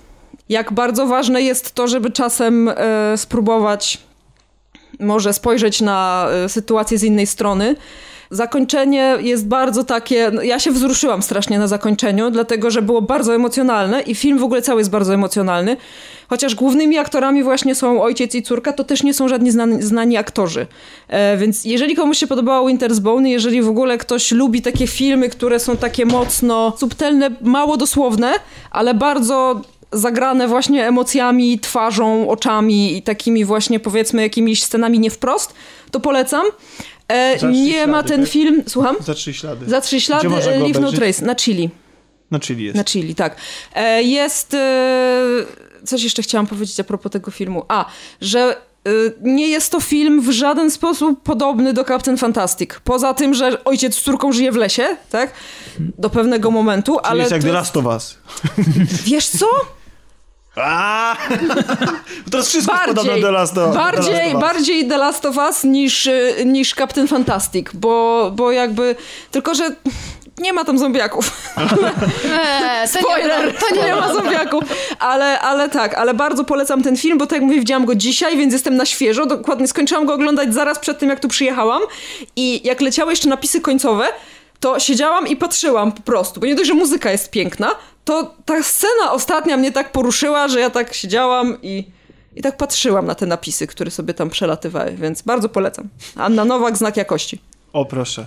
Ja, swo, ja swoją polecajkę e, na razie oddaję Kasi, żeby mogła opowiedzieć i o Oscarach, i o tym, co chciała polecić dzisiaj. Nie, ale to, bo to, to będzie jedno. O! To będzie w jed, jeden na pigułka. To Mam nadzieję, bardzo. że tak, że, że uda mi się krótko. Zacznę od tego, że bardzo dużo osób e, często mówi w ogóle Oscary, Oscary nikogo, e, kogo to interesuje, to jest tylko jakaś grupa starych dziadków w Stanach, którzy sobie tam od wielu lat wzajemnie przyznają nagrodę. Ale mimo tego mam wrażenie, że e, to jest ważne po to, że dzięki temu możemy zwrócić uwagę na filmy, które normalnie w ogóle o nich byśmy nie usłyszeli. Bo Oscary to nie są tylko te Green Booki i faworyty i te filmy takie bardzo głośne, ale to też są animacje, to są też krótko, krótkie metraże, to są też dokumenty. I powiem wam, że od kilku lat, odkąd staram się obejrzeć jak najwięcej nominowanych filmów, to trafiłam na kilka takich perełek, na które prawdopodobnie nigdy w życiu bym w inny sposób nie trafiła. Na przykład w zeszłym roku była to animacja Breadwinner, która potem zresztą weszła chyba na Netflixa. E, I uważam, że świetny, świetny film, a gdyby nie to, że był nominowany do Oscara, to być może wcale o tym bym nie usłyszała. I tak samo dzieje się z wieloma innymi filmami i naprawdę w tym roku polecam e, krótkie filmy dokumentalne. W zeszłym roku byłam bardzo zawiedziona krótkimi dokumentami, zresztą dużo długimi też. Ale w tym e, wśród e, krótkich filmów dokumentalnych znalazło się kilka perełek, a między innymi film, który też, nie, nie dzisiaj, który oglądałam kilka dni temu, ale też jestem bardzo na świeżo i którym, o którym też pisałam w naszej grupie. A można go zobaczyć gdzie? E, można go zobaczyć na Netflixie, ponieważ jest to film właśnie produkcji w ogóle Netflixa, czy nie produkcji Netflixa, nie, ale e, kupił e, to Netflix i dzięki temu możemy to zobaczyć. Period End of the Sentence. Mówię zagraniczny tytuł, ponieważ polski to okresowa rewolucja, która odnosi się do tego, że period to właśnie jest kobiecy okres, menstruacja. Oryginalny tu bardzo jest wieloznaczny. Jest wieloznaczny, właśnie, bo end of the sentence oznacza kropkę na koniec zdania, ale sentence oznacza też wyrok. I ten film odnosi się właśnie do końca wyroku. A tym wyrokiem właśnie jest to, że my kobiety mamy menstruację. No, przesrane. E, ale Aniu, właśnie wiesz, nawet jeśli tak myślisz, to e, nie wiesz o tym, że w niektórych krajach naprawdę kobiety mają z tego powodu ostro Znaczy wiem, wiem nadal. bo kiedyś o tym czytałam, chodziło mi raczej o to, że po prostu my kobiety z racji tego, że mamy ten okres, to mamy przesrane, ale faktycznie tak, y, y, kiedyś pamiętam była seria artykułów, już nie przypomnę sobie gdzie, ale gdzieś na jakiejś zagranicznym, na jakimś zagranicznym serwisie, właśnie opowiadających o tym, jak trudny jest dostęp na przykład do podstawowych takich produktów higienicznych w wielu krajach Właśnie- nadal. Właśnie o tym między innymi No jest właśnie. ten film, e, ponieważ okazuje się, że w Indiach ile procent kobiet używa podpasek lub tamponu? O to tamponach to w ogóle nie mówię, Mhm. podpasek. 10%.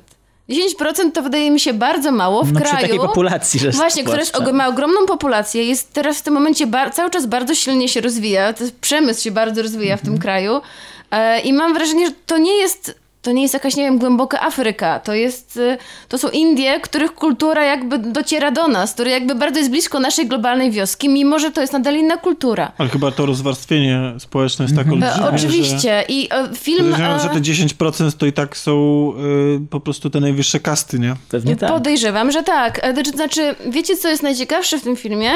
E, to jest w ogóle krótki, e, krótki metraż. To jest jedynie 25 minut, więc ja tak to zareklamowałam na naszej grupie, że to jest krócej niż odcinek serialu przeciętnego. Można sobie go włączyć podczas na przykład, nie wiem, picia sobie poobiedniej herbaty, bo może do jedzenia to jednak nie. I z, od samego początku film właśnie bombarduje nas takimi informacjami. Nie wiem, jak bardzo jest to film, który został zmontowany w ten sposób, bo wiadomo, że kiedy pytamy ludzi na ulicy o różne rzeczy, możemy wybrać to, co nam pasuje. Ale przerażające jest to, że ludzie pytani na ulicy o menstruację, o okres, w 100% zawstydzają się, chichoczą, zakrywają usta. Są osoby, które wypowiadają się, że nie wiedzą, co to jest, ale coś związanego z płodnością kobiet. To jest coś, czym Bóg ukarał kobiety lub obdarzył kobiety. Mężczyźni mówią, że to chyba jakaś choroba i chyba związana z kobietami, ale nie są pewni. A kobiety wiedzą co to, młode kobiety, ale nie chcą o tym mówić, bo się wstydzą. Jestem I ciekawy, okazuje się, że... jakie odpowiedzi byłyby na polskiej ulicy, prawdę mówiąc. Tej, Ale- Tego cywilizowanego świata. Ale jednak myślę, że, że wiecie, jaki jest powód, że tak mało używanych jest produktów higienicznych? Ponieważ kobiety wstydzą się iść do sklepu kupić podpaski, bo okres jest to coś bardzo wstydliwego w tym kraju i one po prostu wstydzą się, szczególnie jeśli sprzedawcą jest mężczyzna. Wstydzą się powiedzieć, poproszę to, poproszę podpaskę. E, Używają jakichś szmatek, E, tak? Tak, i po prostu one w jaki sposób e, sobie radzą, drą lub tną stare ubrania na szmatki i, i używają tych szmatek, co nie jest zbyt higieniczne, zdrowe, ani no, nie zapewnia dobrej ochrony. W związku z tym jedna z bohaterek filmu opowiada o tym, że po prostu zrezygnowała ze szkoły, ponieważ bardzo wstydziła się tego, kiedy dostała okres, no po prostu, że jeżeli to gdzieś przemoknie, że będzie miała plamy, a nie miała za bardzo też gdzie zmienić tej szmatki, bo musiała, musiała odejść bardzo daleko od szkoły. Nie wiem, być może nie było toalety. Mówiła też, że wszędzie kręcili się mężczyźni, więc ona chyba szukała takiego miejsca odosobnienia. A czy film pokazuje tylko problem, czy też pokazuje próby jego... No właśnie No właśnie na, rozwiązanie. tak, na tym się skupia się na rozwiązaniu, bo jest to film tak naprawdę bardzo pozytywny. E, I ktoś na grupie zarzucił, że to, że to na pewno nie- rozwiązanie nie jest takie proste. Oczywiście, to jest jakiś wycinek sprawy i to jest film nakręcony przez studentów i całkowicie sfinansowany z Kickstartera i jakichś tam akcji charytatywnych. E, Po prostu pojawia się w filmie mężczyzna, który wymyślił tanią metodę mm, robienia e, dobrych, dobrej jakości podpasek. I sprowadza ten sprzęt, jakiś, to jest jakaś taka maszyna, do, do bardzo małego miasteczka czy tam wsi e, i zatrudnia przy tej produkcji kilka kobiet. Więc jakby mamy tutaj pokazane, jak może być rozwiązany ten problem od kilku stron, prawda? Po pierwsze, kobiety dostają pracę, po drugie, zostanie przełamane tabu i po trzecie, zwiększa się dostępność do środków higienicznych, ponieważ kobiety, to, które to wyprodukowały, e, potem biorą to w siatki i próbują to sprzedać do okolicznych sklepów lub po prostu bezpośrednio innym kobietom. I sama się jest zastanawiałam. No właśnie, sama Że, się że kobiety zastanawiałam. przychodzą i rozmawiają z kobietami z innymi na ten temat kobietami, bo i tamte nie muszą podejmować żadnych tak. aktywności, jasne. E, I, I też co jest ciekawe, zastanawiałam się, że mężczyźni pozwalają im na to, żeby tu była jakaś, przecież to jest takie nieczyste, ten okres i to jest takie religijnie uznawane za coś złego. Kobiety mają przecież zakaz wstępu do świątyni, kiedy mają okres. Ale bardzo padają kilka ważnych zdań, że kobiety mówią, że zarabiają pieniądze. I czu, po pierwsze czują, że mają jakąś siłę. I mąż jednej z kobiet mówi, że wreszcie jesteś do czegoś potrzebna, wreszcie się przydajesz, przynosisz pieniądze do domu. Więc one czują się potrzebne. Czy to Ich cały czas mówimy o Indiach, tak? Tak, Tak. ich rola w, troszeczkę wzrasta w rodzinie i być może społeczeństwie.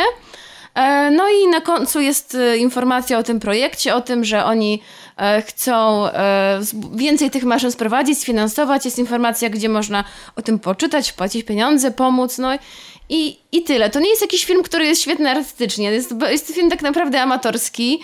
Widać e, jakie braki warsztatowe gołym okiem, ale myślę, że właśnie tym urzekł Akademię, że po prostu jest nim, to jest bardzo proste rozwiązanie i jest tak właśnie bardzo spontaniczne i taki oddolny. Że widać, że zrobili go po prostu ci ludzie z ulicy, którzy tam naprawdę działają w tej organizacji i którzy naprawdę chcą coś zmienić, a nie, że przyszedł wielki pan reżyser, to teraz zrobimy film o waszej biedzie. Tylko Bo po mówiłaś, prostu... że ten film wygrał Oscara? Пока. Tak, tak, on dostał Oscara i... i... Widzicie? Nie, nie tylko Oscary są złe, puste i... Tak, więc coś, coś ciekawego może pół, pół, zostać. ku pokrzepieniu białych serc Amerykanów. A jeszcze coś, czego nie widziałam, bo dopiero będzie dostępny nie, niedługo na National Geographic, o czym z kolei Paweł na naszej grupie napisał. Film, który z kolei zdobył Oscara w kategorii dokumentu długo, Pełnometrażowego. pełnometrażowego Free Solo. Wcześniej czytałam o tym filmie i już wtedy mnie bardzo zaciekawił. Mnie A- jest to... A ja jeszcze Tak? przerwę ci na chwilę, Tak, bo proszę, proszę. Proszę. E, a propos tego Free Solo, to e, dwa tygodnie czy trzy tygodnie temu do naszych kin wszedł film, który pod, podejmuje identyczny właściwie temat o wspinaczce górskiej. E, się nazywa The Down Wall. E, I podobno jest, e, jeszcze go nie widziałem, ale podobno jeszcze gdzieś tam można go złapać w kinach i jest filmem nawet lepszym niż Free Podobno Solo. jest lepszy. Tak. Więc, No, więc jeszcze, więc, więc te, je- jeżeli macie... zgłoszony. Tak, nie właśnie, może, może jakoś mniejsze studio za niego odpowiada, czy cokolwiek, ale w każdym razie ten, ten drugi film, jeśli przy okazji będziecie mieli okazję złapać, też, też Okej, warto zapiszemy obejrzeć. sobie. Mhm. Ale Free Solo jest, będzie dostępny niedługo na National Tak. Geographic, więc szeroka widownia będzie miała szybko dostęp, nie będziecie musieli iść do kina. E, No i dla mnie to jest e, o tyle ciekawe, że jest to film o, jak się mówi, o człowieku, który profesjonalnie się wspina. Wspinacz? Spinaczkowiec? Nie, jak się To, mówi to, o chyba, to chyba zależy od na jakie góry się Tak, wspina. gdzie No się więc wspina, e, może być alpinista no po na angielsku mamy wyrażenie free solo climber, czyli po prostu to jest taki, taka osoba, która się wspina bez, Tak, a bez zabezpieczenia. żad- bez Mhm. żadnego zabezpieczenia, używając swoich tylko rąk i nóg. Ja widziałem tylko trailer. Już mnie dreszcze przeszły nad, nad Mhm. oglądałem te, te właśnie, kilka ujęć, które tam Co jest jest pokazane. ciekawe, ja nie jestem w ogóle fanką sportów ekstremalnych, więc mnie zastanawia i bardzo chciałabym dostać odpowiedź na to w filmie, jaka jest motywacja takich osób. Czy to jest tylko uzależnienie od No adrenaliny? myślę, wydaje mi się, że tak. Czy może jest coś więcej? Bo to ja rozumiem, że mm, sporty ekstremalne są pociągające, ale nie każdy wiąże się z ryzykiem utraty życia. I to jest film, który opowiada o przygotowaniach e, tej osoby właśnie do jakiegoś ogromnego wyczynu, do wspięcia się na jakąś bardzo wysoką, niebezpieczną ścianę wspinaczkową. A także jego życiu osobistym, które rzutuje e, na to wyzwanie, ponieważ w międzyczasie on się zakochuje. No więc e, wcześniej jego całe życie było poświęcone w 100% na przygotowaniu się do tego wyczynu, a tu nagle się em, już nie jest taki skupiony. ty widziałaś już, Kasia, ten film, tak? Nie, nie, czytałam Aha, o tym a, artykuł okej. tylko. Mm, nawet nie wiedziałam zwiastunu, bo e, boję się. boję się po prostu, bo ja się ja mam trochę lęk wysokości. nawet nie trochę. Czytałam tylko właśnie Mhm, o tym, e, że właśnie jest bardzo ciekawy ten moment, kiedy no i trochę jesteśmy tak, w takim oczekiwaniu, czy uda mu się, czy wygra ta dziewczyna, ta kobieta, czy on jednak u, uda mu się spiąć i, i, i, i dokończyć i zrobić to, co planował. Jestem ciekawa, czy właśnie tłumaczy motywację. Jakieś zarzuty już słyszałam, że trochę za bardzo o tej miłości, że przez coś robi taki telenowelowaty. Sama chciałabym to ocenić i jeszcze nie polecam, ale, myślę, że może, telenowela może nie być, zła, więc może, może być akurat. Dokładnie. Tak, oczywiście. Na wspólnej na przykład. Grzegorzu, bo dziewczyny się rozgadały, bo, bo z tych po, krótkich polecajek kilkuzdaniowych wyszły nam praktycznie normalne tematy, więc e, znowu plan nie wypalił. E, może chciałbyś dodać coś, coś jeszcze polecić, żeby było tak sprawiedliwiej, że... Nie, myślę, że moja polecajka jest na tyle mocna, że się obroni. Okej, okej, rozumiem, no dobrze. Znaczy nie, myślałem o jakimś innym, kolejnym tytule po prostu, bo ty na pewno oglądasz, ty zwłaszcza, że teraz byłeś chory, to na pewno pochłonąłeś tego... Wiecie co, ja, ja jak byłem chory, nie obejrzałem ani jednego filmu. Oglądam teraz na Netflixie Sons of Anarchy i, i, i się wkręciłem. Naprawdę? Jest mi tak przykro. Bo to, jest, bo to jest serial, który jest do trzeciego chyba sezonu, jest świetny, Na razie jestem na drugim. a później, A, no a później to jest taki The Walking Dead. A ja, w, a, ja w, a ja w ogóle wróciłem do The Walking Dead, bo się pojawiło na Netflixie. Ale pojechałeś teraz. Ja nie miałem, ja nie miałem tak... Ja nie miałem tak, nie wiem, z kilka lat, nie? Ja nie wiem, chyba z pięć sezonów opuściłem, jak nie Ale więcej. dlaczego w ogóle do tego wracałeś? Ja Wiesz chyba co? skończyłam na jakimś trzecim, czwartym. no bo już Ja, ja chyba pięć wytrzymałem. No, bo- no bo to nie było tak, że ja tych bohaterów nie lubiłem. Rick, Daryl, kurczę. o Daryl przede wszystkim. No, Daryl, właśnie, przede wszystkim zapomnieliśmy. Ana- Anarchy, nie? Może dlatego mi się tak skojarzyło, ale em, dla, dla mnie y, ta przerwa była taka, że ten serial do mnie nic nie wnosił, po prostu byłem nim zmęczony, ale teraz jakiś rok czy półtora roku temu jakoś strasznie było głośno, on nawet jest teraz y, y, bohaterem w jakiejś grze, e, jako postać grają, y, normalnie grająca w jakiejś biatyce, już nie Negan? pamiętam. Tak. Aha. Negan. I tam wszyscy, jaki to, w ogóle, jaki to był dramat. Normalnie czerwone wesele w, w tego, y, The Walking Dead, nie? Myślę sobie, okej. to Ale jest- wróciłeś do pierwszych odcinków, czy do nie, no aktualnego? Nie, nie, w ogóle zupełnie strzelałem na pałę. Myślę sobie, w ogóle nie pamiętałem, kiedy się ten Negan pojawił, kto to w ogóle jest i tak dalej. Wybrałem, że to jest, wybrałem szósty, yy, znaczy nie szósty, przepraszam, szósty sezon, ostatni odcinek. I strzeliłem idealnie. I mam wrażenie, że nie oglądałem tego serialu przez y, tam, nie wiem, 3 czy 4 lata i totalnie w ogóle tak jakbym go skończył na tamtym... Nic się nie zmieniło, okej? Cały czas chodzą po lesie i... Syn Rickiego, e, e, e, A Ricka- Koral nie urósł? No właśnie, Sinrika po, podrósł jest tak samo nijaki i irytujący jak, Jak był. wcześniej, nic się nie zmieniło. E, e, Michonne jest, nadal żyje. E, te odpowiednie postacie, które ja lubiłem, akurat żyły. Wszystkich innych albo zapomniałem, czyli nie byli specjalnie istotni. Albo się pojawić i zginąć w międzyczasie. Więc tak naprawdę nie oglądałem tego serialu 4 lata, a wszedłem w niego jak w masełko. Czyli Zupełnie, to jest twoja polecajka, rozumiem. zupełnie, zupełnie, jak, zupełnie jak Negan w e, czaszki naszych Swoich bohaterów. wrogów. Tak. Bo film się, serial się zaczyna, w sensie kończy się właściwie szósty sezon od tego, jak bohaterowie spotykają właśnie tego antagonistę i tam jest niesamowicie rozwleczony na ca... No dobra, A przesadzam, tam byli ale już tacy ostatni antagoniści fi- rozwleczeni na kilka sezonów, jak był ale ten ta- gubernator, tak, czy... To tak i właśnie dlatego mam wrażenie, że Bo to ja skończyłam na czołgu właśnie. Że- że- już była przeginka dla Okej. mnie i wtedy przestałam oglądać. A propos Jeszcze, gubernatora. jeszcze chyba dwa sezony po, później. E, i, I chodzi o to, że o, jest przez 15 minut rozciągnięta scena, kogo on zabije. Potem się... A tak, bo to były nawet Po jakieś czym i tak typowania zabił w tą postać, co w Tak. komiksie, więc jak ktoś czytał komiks, ty tak wiedział, kogo zabije. To jest spoiler trochę dla tych, co jeszcze nie oglądali. Dlatego nie mówię. ale nie. Ale przecież to już było dawno, jak Ja, on a, no, ale może ktoś ogląda właśnie, bo się pojawia na A Netflixie. która seria jest teraz? Dziesiąta? Aktualna? Dziewiąta? Dziesiąta chyba teraz? No. chyba teraz A dziesiąta, ja bo na myślałam, że dali? Grey's Anatomy ma 15 sezon, to jest dużo. W każdym razie... Komiks chyba jeszcze Simpsonów powstaje, zacznij więc to oglądać. może być jak Tron, to może być tak komiks, y, s- serial, W każdym razie serial. to, co chcę powiedzieć, toczyć. że, że 15 minut trwała ta scena, w której y, Negan się znęcał nad tą grupą i nie wiadomo kogo zabije, po czym widzieliśmy zabójstwo z POV zabitego, więc nie widzieliśmy kto zginął, po czym odpalam pilota następnego sezonu i tam jest po prostu cały odcinek jest o tym, żeby 45, czy tam ile, ile to trwa, żeby się dowiedzieć, kto w końcu zginął. Aha, cały Naprawdę. czas trzymają jeszcze w niepewności. Dokładnie. I muszę przyznać, że to jest takie, tak, to jest takie taka fetyszyzacja, takie, takie porno wręcz nad Mhm. tym udręczeniem tych bohaterów. Tam właściwie ja mam wrażenie, że, że to jest tak, że jest autentycznie, że oglądanie tego, tego filmu to jest cierpienie razem z nimi. Muszę że jest jakieś takie torture porn. Dokładnie, to, czy- to jest, a to nawet nie chodzi o to, że tam zadaje im ból, tylko psychiczny. I on po prostu, i, i wiecie co ja zrobiłem? I teraz, teraz mam taki plan, że po prostu totalnie omijam cały sezon, wskakuję na ostatnie trzy odcinki i tak sobie po prostu zobaczę, de, gdzie, gdzie, Aha, gdzie, gdzie, gdzie, do czego to zmierza? Przewiniesz sobie trochę. Dokładnie, bo, bo, bo po prostu, bo jest podejrzewam, że tam po prostu się nic nie dzieje. To to- nie jest moja polecajka. To, jest naj- to, to ja mam tylko nadzieję, że, że Sons of Anarchy jednak będzie dalej trochę lepsze Ale niż jeśli, Walking jeśli Dead. mówimy o zombie, słuchajcie, ja mogę zrobić szybką pięciominutową polecajkę, bo O, przypomniała mi się... pięcio to się rozciągnie do 50. Śmiało wal. Słuchajcie, serial Kingdom koreański o zombiakach. W sensie, Właśnie- tam się, akcja się dzieje w latach, To miała być powiedzmy, polecajka Tomka? Nie, Tak? nie, absolutnie nie, nie. w latach powiedzmy średniowiecznych e, i właśnie gdzieś tam też jesteśmy świadkami jakichś dworskich intryg i to jest też takie trochę kino historyczne, tylko że są tam zombie. I Ale to jest takie historyczne jak, jak Wielki Mur? nie, nie, nie, jest To o wiele bardziej Coś historyczne, Duma, tak. Uprzedzenie i E, Zombie? Nie.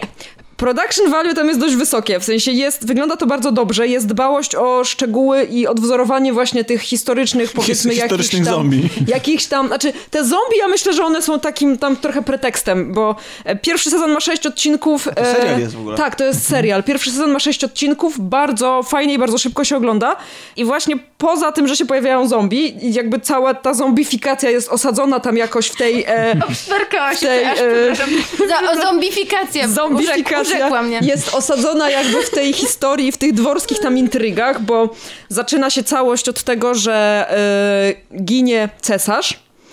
E, Umiera, zapadł na jakąś chorobę i umarł i sprowadzono jakiegoś uzdrowiciela, który e, przygotował wywar z jakiegoś kwiatu, który rośnie gdzieś tam po prostu w górach nie wiadomo gdzie i to jest kwiat zmartwychwstania i on po wypiciu tego no mm, zostaje zombiakiem. Gdzie staje się zombie. Żyje, bo jakby, tak, jest to prawda na łańcuchach i żyje. Nie jest w stanie się z nikim komunikować, no ale z racji tego, że żyje, to nadal jest cesarzem i ta jego zombifikacja, nowe używane słówko Kasi, miała przysłużyć się właśnie temu, żeby on dłużej był, gdzieś tam powiedzmy, żeby jego rodzina była dłużej u władzy. Tak, no i Jest tylko jeden zombie? Właśnie nie. Właśnie potem niestety tak miało być. Oczywiście w założeniu, że tylko on miał to przejść, ale niestety w wyniku różnych tam zdarzeń nieprzewidzianych i, i niezaplanowanych, ta choroba się rozprzestrzeniła bardzo szybko i bardzo szeroko. I całą tą tajemnicę próbuje może nawet nie rozwikłać, ale zrozumieć e, syn właśnie tego cesarza. Książę, który gdzieś tam właśnie ze swoim jakimś e, e, obrońcą, znaczy obrońcą, to jest jego Boże, jak ja dzisiaj, nie, nie wiem, się dzisiaj trudno myśli. E, z dowódcą jakiejś tam swojej armii obronnej, no, jakimś tam prywatnym takim bodyguardem. Oni wyruszają do, do innych miast, żeby po pierwsze znaleźć tego uzdrowiciela, który podał ten, e, ten napar z tego kwiatu. No i żeby wyjaśnić sprawę o co chodzi, bo, bo właśnie ten y, młody książę widział i, i, czuł gdzieś jakiegoś potwora na, na dworze. Nie wiedział wtedy jeszcze, że to jest jego zombifikowany ojciec, ale gdzieś tam jakiś potwór się mu przy, przy, przytrafił, więc... Y, to jest takie, takie lekka, przyjemna rozrywka. Faktycznie jakby y, bardzo ładne są stroje, pięknie odwzorowane są właśnie te wszystkie realia dworskie. Wygląda to super i cała ta intryga w ogóle tam, że są dwa rody, które ze sobą konkurują, no a w tle są zombie. Ale mówisz, Aniu, że są odwzorowane stroje, czyli to nie jest fantazja twórców, czyli rozumiem, nie. że sięgnęli rzeczywiście do tak, historycznych tak, strojów, sięgnęli tak? Do, do historycznych strojów, do historycznych właśnie y, też wszystkich jakby tematów związanych z hierarchią, z władzą, z różnymi powiedzmy prowincjami. Fajny serial, polecam. To Grzegorz, ładnie się pożegnaj ze słuchaczami. Tak, dzięki bardzo że mnie wysłuchaliście i że, że, że, może, może Tomek mnie nie wytnie, więc nie, dobra. Nie, dzięki Grzegorz, nie, Dzięki bardzo, że mnie dopuściliście tak. słowa na te kilka minut. Mhm. Właśnie, dobra. E, tak zupełnie serio. Spadasz. Trzymajcie się, cześć. Jasne, cześć. To co, kończymy ten 65 odcinek. Tak, tak, kończymy. No, cudownie. To była Kasia Katka-Porębska. A, w ogóle, y, oczywiście wchodźcie na naszą stronę, dołączajcie do naszej grupy i przede wszystkim, i to jest ważne, y, dziękujemy za to, że y, przy nas y, ciągle jesteście i że poprzedni odcinek, mimo tego, że minęło 4 miesiące, 3 miesiące od kiedy, od, w sensie przerwy mieliśmy, to y, odsłuchało właściwie nas y, właściwie niezmienna liczba osób, więc y, fajnie, że jesteście. Bardzo, bardzo dziękujemy. Tak. Bardzo na, mnie to cieszy, bo oba mieliśmy sporo obawy, że już zapomnieliście o nas. Tak, tak. Dziękujemy. Dziękujemy i do usłyszenia następnym razem. Miejmy pa, pa. nadzieję, że bardzo wkrótce. Bardzo wkrótce. Cześć. Pa.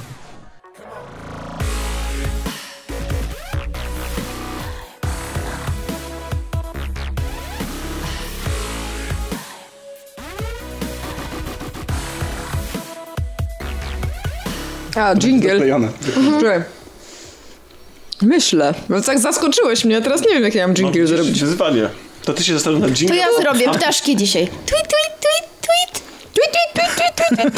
Taka Mamy. reklama no, była chyba. jest, no. Okej. Okay. To był sygnał dźwiękowy oznajmiający, że przechodzimy do drugiej części tego łączonego po raz kolejny odcinka. E, taka niespodzianka, jesteśmy dokładnie w tym samym składzie co mm, tydzień temu, czy dwa tygodnie temu, jak nagrywaliśmy tą pierwszą część, ale plus tym jeden. razem dotarł właśnie do nas plus jeden. Tak? To znaczy, że to nie jest taki sam, bo inny. No właśnie, roz, roz, rozbudowany. Uzupełniony o Tomasza Dziela. Uzupełniony. Wypełniam sobie lukę, wszystko. No, co wypełniasz tak? Luki wszystkie sobą. No, o Jezu, wyobraźcie takiego bloba, który tak się rozlewa. Ja mam inne skojarzenia. Wychodzę. Natomiast na pewno uzupełnisz lukę w naszej niewiedzy na temat Y, komiksowego uniwersum Marvela i filmowego. No nawet ja nie dam rady. Nawet ty nie dasz rady? Chcesz powiedzieć, że nawet ty nie wiedziałeś, kim jest Kapitan Marvel? Nie, mówię o waszej luce. A, dzięki. No. Myślałem, że to luki, które robi sam Marvel. Dobra, i to tym razem o, ja, Tomek ja wychodzę. Już, Tomek już zaczyna, Tomek już zaczyna. Zacznę, zamknę tylko... Do kilkunastu. Będziemy rozmawiać teraz o serialu, no to chyba jest serial, można tak powiedzieć, prawda? Chodzi no, taki, antologiczny, serial antologiczny. No. kompilacja. Tak. Mhm. Seria, y, czyli coś jak, jak Black Mirror, tak? Czyli taki no. serial łączący masę historii, które są ze sobą tak naprawdę niepowiązane. Mhm. Co wybuchło w weekend. Y, tak, wybuch w weekend. Jest to serial, który... Co je łączy w takim razie ze sobą? No przede wszystkim to, że w przeważającej większości, właściwie w 99,9% to są animacje, mhm. bo jeden film łączy z, e, technikę aktorską z, z animacją, właściwie, ale więcej jest nawet tej techniki aktorskiej, ale tak poza tym to są po prostu animacje rozmaitych styli, stylów? Stylów. Stylów. stylów E, Stylistyk. Aczkolwiek dominuje zdecydowanie grafika 3D komputerowa. Mhm. E, ale nawet ona jest nie zawsze realistyczna, czasami idzie w większy, czasem w mniejszy realizm i nawet w niej można wyszukać pewne charakterystyczne dla twórców, którzy odpowiadali za ten konkretny... y, I Jest polski akcent. Jest właśnie, ja od razu rozpoznałem, Tak. że to... Ale może powiedzmy o czym mówi. Mówimy o e, serialu Tylko Miłość, powiedz teraz dobrze nazwę. Śmierć i penisy. Przepraszam, członki. Może trzy razy zobaczy penisa i już po prostu jak w gimnazjum Nie, są. 33. Ojej. No 18 odcinków. Nie no, y, Miłość, śmierć i roboty. tak. Taki Dziękuję. starasz się być poprawny, Tomku, a nie wiem, co z tymi penisami masz problem. No, Chciałam wam powiedzieć, słuchacze, bo nie nagrywaliśmy tego, ale Tomek bardzo przeżywa, że tam tak dużo jest Nie członków. tylko ja. Ja tego nie przeżywam na Tam jest przykład. scena, gdzie jeden z potworów bierze i przyczepia coś, y, czy jakąś ślinę, czy język do penisa jednego z bohaterów. I go wciąga za go wciąga penisa, za tego tak. penisa. No nie da się tego nie zauważyć. No ale Znaczy, gdyby ta scena dotyczyła... Tam jest nawet budynek faliczny. Narządy prozroczy, tak samo bym zareagował. No dobrze, ale jest też jeden odcinek, w którym bohaterka, no kilka jest takich, w których bohaterki biegają całkiem nago, no to dlaczego nie faceci też? No bo jest tylko jed, jeden tylko. Dwa właściwie. Dwa. No, a penisów jest więcej niż piersi. straszne. Dobrze. Okropne. Pierwsze występują w parach. Nieprawda, piersi jest też dużo i to w jednym e, nam, oglądaliśmy z Piotrkiem i podobał nam się, później wam powiem jaki, ale Piotr w pewnym momencie mówi, ojej, jaka kiepska animacja piersi. Nie, jednak mi się nie podoba. tu chodziło o e, orła, pewnie bohaterka leży w łóżku i tak piersi tak nienaturalnie w pewnym momencie tak, Tak zwisa. zgliczowała się. Nie zgliczowałaś, ale zwisa i mówię, o nie, kiepska pierś, nie podoba mi się. Po kolei. Są to opowieści science fiction albo fantasy, prawda? O penisach. tak, o penisach. Między innymi. Nie, Nawet, nawet budynek wygląda jak penis w jednym. Jednym, tak? I nawet zauważ, jak to bohaterowie. Tak. No, właśnie, nawet tam, gdzie nie ma penisy. Czyli jak w życiu, no. E, dużo ludzi, przez to, że to jest science fiction jest i faktycznie pojawiają się w większości tych opowieści roboty rozmaitej treści, porównuje ten, y, tą animację, znaczy w sensie ten serial do Animatrixa i to jest skojarzenie, wydaje mi się, na pierwszy dla naszego pokolenia oczywiste, ale Tak. jak z y, Grzegorzem razem zauważyliśmy, nam ten serial przypomina zupełnie co innego. Mhm, tak, przypomina inny właściwie film e, antologiczny, bo, bo tam to było kilka odcinków, to trwało razem ze, ze dwie czy z półtorej godziny, z, z lat 80. pod tytułem Heavy Metal. To mm, może, może to jest rzecz dzisiaj trochę zapomniana, ale, ale w środowisku takim nerdowo-geekowym to, to było, to się jakoś zapisało jako kult. I czym się charakteryzowały tamte filmy? No, czymś podobnym właściwie, bo znaczy tam była jakaś fabuła, y, która, która łączyła te A, to episody, bardzo ale, ale to była bardzo To taki Jakiś, McGuffin, który tak, tak, jakiś zielony, zielony tam y, kryształ, który, który Tak. tam jest jakimś deus ex machina. Ale to tak Zielona latarnia. właśnie było, było tylko po to, żeby spiąć te wszystkie filmy w całość, natomiast tak naprawdę Tak, ale, ale, ale to były takie bardzo pulpowe opowieści też y, z gatunku science fiction lub fantazy, gdzie Brutalne, brutalne i peł, wulgarne. wulgarne, pełne y, przemocy i erotyki, Ale właściwie też pornografii prawie. się ciekawymi technikami Tak, animacyjnymi. tak, też to były różnicowane techniki, chociaż no, nie użyto wtedy animacji 3D jeszcze z wiadomych przyczyn, bo wiadomo jak ona wyglądała w latach 80., ale, One ale były takie, ja bym jednym słowem określił odjazdowe.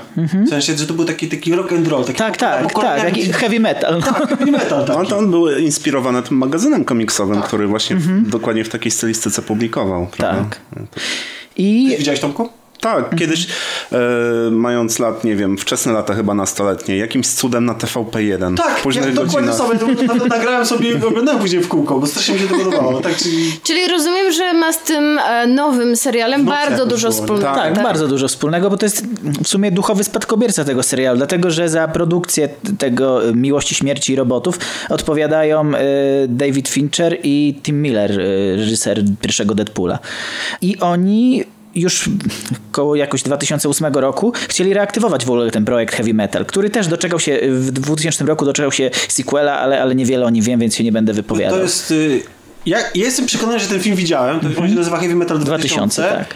Natomiast... y, I on, tylko, że on wydaje mi się, że jest opowiada o jedną historię. E, Możliwe. Ja i, go... i, bo wiem też... Ale skoro niewiele pamiętasz, to być może to nie było dobre. To znaczy, tak, ja nie byłem właśnie, nie byłem chyba zachwycony, natomiast y, doszedłem do, y, do tego filmu tropem gry Heavy Metal Fuck 2. Aha, bo tak, bo to chyba to jest... y, Heavy metal, fuck. Tak, ale to jest F-A-K-K. No nieważne.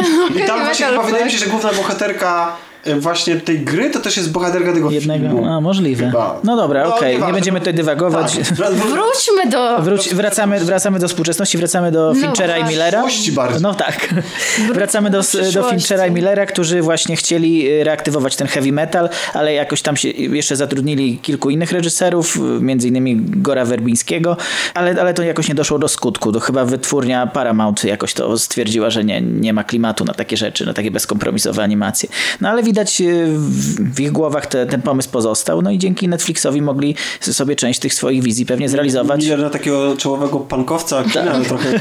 Tak, tak. Deadpool.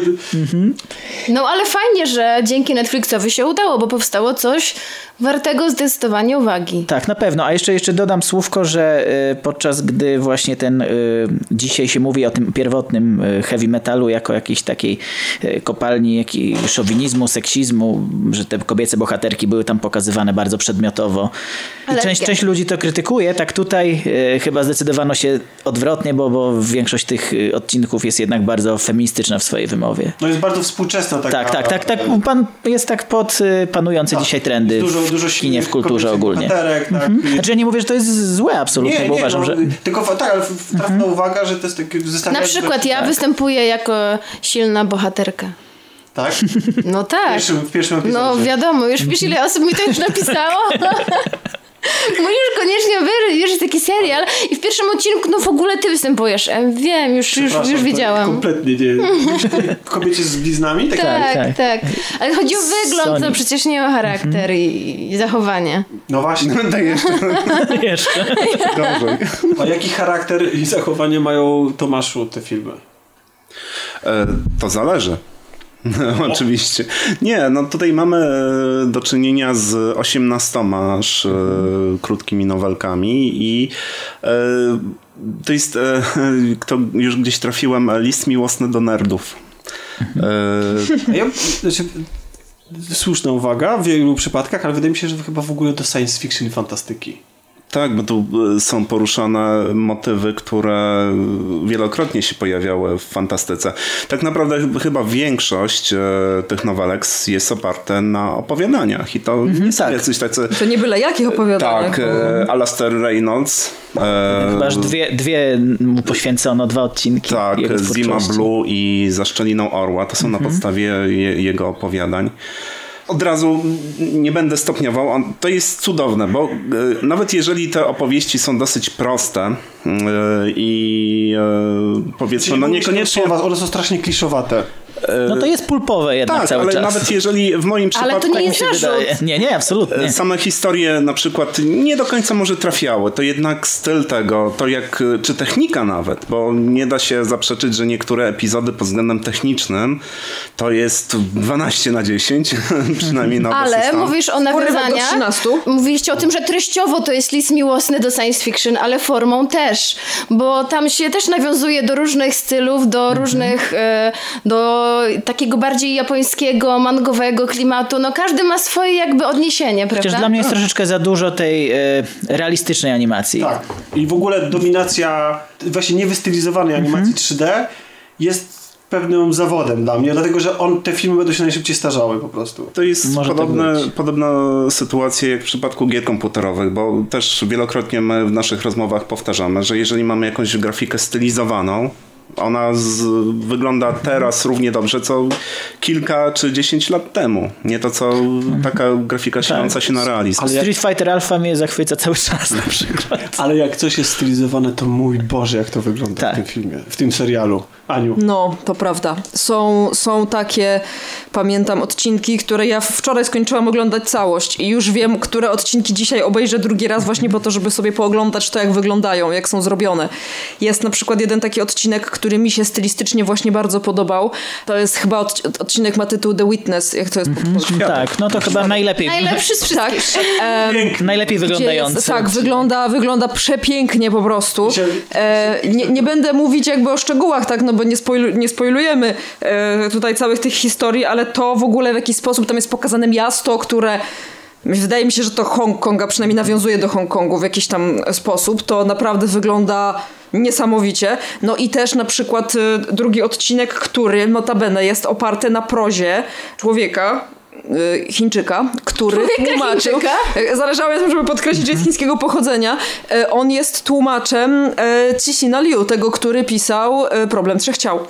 I jego opowiadanie posłużyło za inspirację właśnie do tego odcinka, który e, opowiada o tej e, demonicy lisicy i młodym chłopaku właśnie, który e, gdzieś tam faktycznie na, na początku mamy wrażenie, że to jest historia fantazy, która się potem fajnie przekształca w steampunkową. Bo to jest jedna z moich ulubionych. Tak, moich też. I, I fajny jest też, bardzo mi się podoba sposób w ogóle wykorzystania po pierwsze trochę takich wierzeń, tak, e, takich legend gdzieś tam jakichś azjatyckich, ale z drugiej strony rozwinięty w sposób tak bardzo właśnie nawiązujący do, e, do steampunku. Ja się nie spodziewałem, że to pójdzie w ogóle w tą Tak, ja stronę. też. Właśnie ja myślałam, że to będzie takie... Ja myślałam, że to będzie takie magiczne Tak, trochę, tak. Ten, ale zupełnie się nie spodziewałam, w którą stronę to pójdzie, dlatego też mi się to podobało. I od razu sobie pomyślałam, że albo to jest Cixin Liu, albo to jest ten jego tłumacz, który e, Ken Liu się chyba nazywa zresztą. I, i faktycznie, jak Ale, ale sprawdziłam, rzeczywiście tak, jest charakterystyczne, tak? jest, dla jego jest, twórczości. tak. E, Ale to było też takie mocne i smutne i ładunek bardzo. emocji i tego znaczy, wszystkiego, co Ja powiem tak, że w w- nawet nie, nie tylko tam. E, Good Hunting. Good Hunting, Good tak. Hunting, tak. Nie wiem jak... e, Dobrych łowów? czy Do- dobry udanych łowów Udanych chyba. łowów. E, muszę przyznać, znaczy jeżeli chodzi w ogóle o ładunek emocjonalny, to wiele tych, e, nie wszystkie, ale wiele tych odcinków ma właśnie taki ładunek, że ja jak one się skończyły, to tak musiałam się zastanowić, w sensie zanim jeszcze, w, co prawda nie zatrzymywałam między odcinkami, ale właśnie jak coś tam obejrzałam, to, to był taki moment, że zaczęłam się tam zastanawiać i rozkminiać i coś myśleć, już mi się My, coś roz, tam gdzieś z urodziło. E, Ja tak robiliśmy miałem. pauzę i dyskutowaliśmy. Nie, to, Ja miałem tylko tak w jednym przypadku, jeden, jeden e, odcinek mnie zmiażdżył, jeśli chodzi o przekaz i o filozofię ogólnie, bo reszta, reszta to No, ciekawa bardziej mi się jestem jaki, może ten co- To odcinek e, Zima Blue. Tak, to ten za... o, Zima Blue jest cudowny, to, jest, to Ojeju, jest rozkminiałam to przez pół godziny. Przecudny jest ten odcinek. Tak, ja tak, właśnie to po nim mnie- miałam takie, że siedziałam i tak. Tak. To jest pod względem, Aha, pod względem treści mój okej. ulubiony A odcinek. właśnie To mogę powiedzieć dwa naj- zdania to jest o chyba tym? najambitniejszy. Tak. E, mogę powiedzieć Właśnie. dwa zdania. Właśnie, e, jak kiedy zaczął się e, ten odcinek, to sobie pomyślałam, nie, zupełnie mi się nie podoba, ponieważ styl graficzny Stylistycznie jest okropny moim zdaniem. e, Mi się podobała to ta był kreska. trochę, trochę komiksowy. Marek, ona ma długie nogi laska. Trochę komiksowy, taki komiksowy, takie retro Taki asymetryczny. Ale z drugiej strony, nie wiem jak to nazwać, ale przekaz... E, bardzo to odniosłam do... Do ludzkiego życia. Tak, naprawdę, do ludzi. No i, ale ja też. W sensie stwierdziłam sobie, że uzyskanie świadomości jest jednocześnie darem, jak i przekleństwem. I tak sobie pomyślałam, że Adam i Ewa, gdyby mogli, to pewnie oni chętnie by nie zrywali tego jabłka Ciekawe i by wrócili no. i żyliby sobie w tym raju szczęśliwi, nie przejmowali się niczym. A w dzisiejszym e, społeczeństwie jakby mamy świadomość, mamy możliwość e, rozkminiania, analizowania, refleksji, e, roz, roz, otwierania wszystkiego, wiecie, o, z każdej strony, Tak, bo że, analizowania. trochę jest o tym, że człowiek nie jest w stanie osiągnąć spełnienia po Tak, prostu i ciągle, i ciągle nie jesteśmy przez to szczęśliwi. A gdybyśmy tylko myli basen przez Mhm. całe życie i nie myśleli o niczym innym zupełnie, więc może byśmy byli Dla mnie, dla szczęśliwsi. mnie ta historia jest trochę mi przypomniała wątek Doktora Manhattana. Manhattana? doktora, doktora Manhattana. Tak, też mi się trochę Że tylko, skojarzyło. tylko, że on poszedł tro, trochę w, inną tak, stronę, wprost przeciwnie. tak? E, ale tak, bo bardzo mi się też ten odcinek podobał i ja, ja oglądając niektóre odcinki miałem autentycznie motylę w brzuchu. To jest coś, co ja mam oglądając Blade Runnera, e, jakiegokolwiek, albo jakby rzeczy, które są bardzo mi bliskie i, i wpływają na mnie estetycznie i w ogóle, bo trzeba sobie zdać sprawę z tego, że te wszystkie filmy są głównie bezpretensjonalne. To Znaczy, ten akurat Zina Blue jest, y, niesie ze sobą jakoś... Nie każdy ma jakiś głębszy przekaz. Tak, Tak, nie ale każdy. większość No. z nich tak naprawdę to są rzeczy albo popisówy, takie stylistyczne, albo krótkie opowiastki, które mogą być, jak ktoś tam przy jakimś, przy okazji któregoś z tych filmów nazwał, że to może być trailer po prostu kogo, czegoś tam, po prostu jakiegoś filmu dopiero, albo gry nawet wreszcie, które... O, ten rosyjski, ja to widzę jako Ja bym prolog grała. gry, nie Ja trailer, bym w jako to grała. prolog gry. I sobie, I sobie już wyobraziłam z Piotrkiem, wymyśliliśmy już Myśl o scenariusz, co się wojnie, dzieje tak? dalej. Tak. To jest chyba film zrobiony przez y, Pratish Imash, nie? Nie, nie. e, Nie? Nie, e, Nie, ten nie, nie, na ten, pustyni. ten na, na pustyni, Wilkołaki. Nie, nie, ten, ten, który moim zdaniem był jeden z najgorszych, o ile nie najgorszym. e, Rybia Noc się nazywał. To jest... O, no, to ten mi się nie podobał. Tak, to o, o, o, o dwóch facetach Aha, na pustyni. tak, To jest w tak, ogóle, tak. nie wiem czy zauważyliście, bo to reżyserem tego filmu jest Damian Nenow, y, czyli człowiek, który zrobił Jeszcze Dzień Życia. I, i i styl animacji jest identyczny. Ale naprawdę, a propos e, Tajnej najgorsze- Wojny, no. e, wyobraziłam sobie, to nie jest trailer, bo to jest za długie, ale jakby to był prolog gry komputerowej i wyobraziłam sobie, że potem wracamy do tego świata na przykład po roku i wydaje nam się, że te wszystkie potwory już wymarły. E, no i oczywiście zaczyna się jakaś tam nasza misja. No Taki lepszy, taki lepszy The Order mógł być z tego. Dłuższy może przede ja, bym, wszystkim. ja bym pomiędzy, pomiędzy te, frag- te, te sceny, które mamy w tym filmie, po prostu wrzucał misję z gameplayem, gdzie po prostu musimy walczyć z tam Ale z od- albo też. I, nawet, ale, I to mogła być nawet strategia, mogła być strzelanka.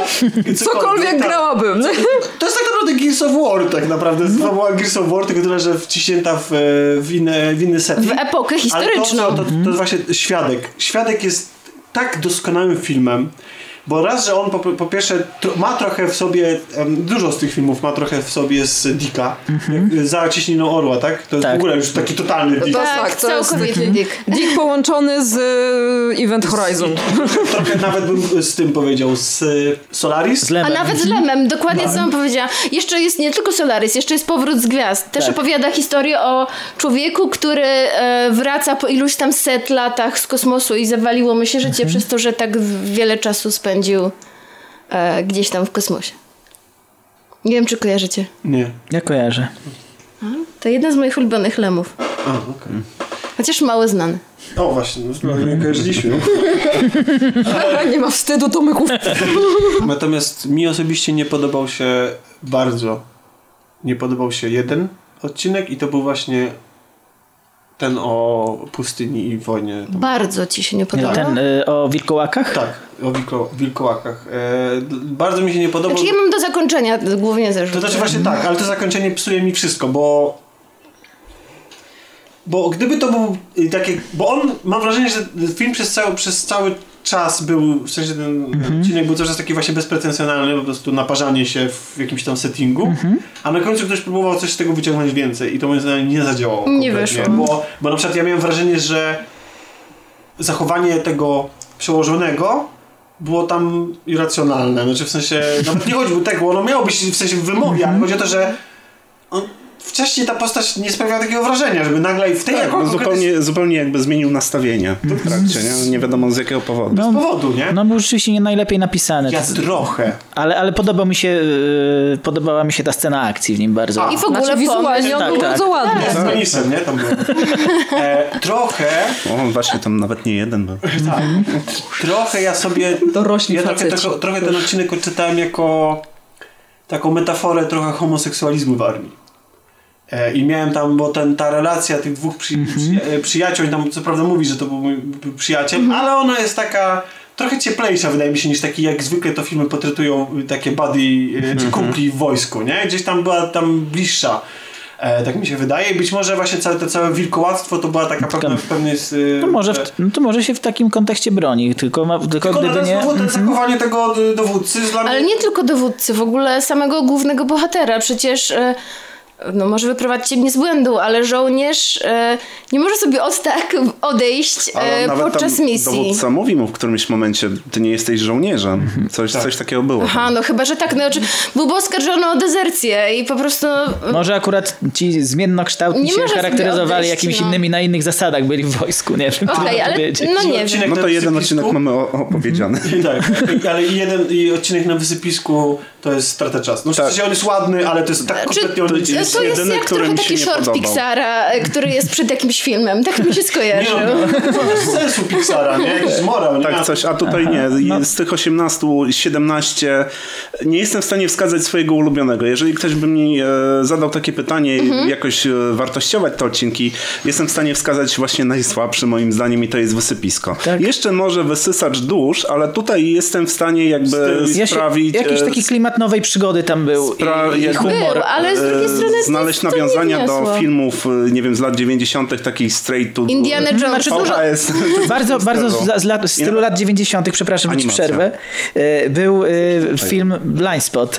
E, ten, który mi się nie podobał, on- a Ania mi tłumaczy, że to to tłumacz. Tak, tak, ja, ja, ja, on mi się po prostu tą pierwsze moje skojarzenie, jak Rzeczywiście. on się zaczął. E, To był ten z napadem na, na ciężarówkę.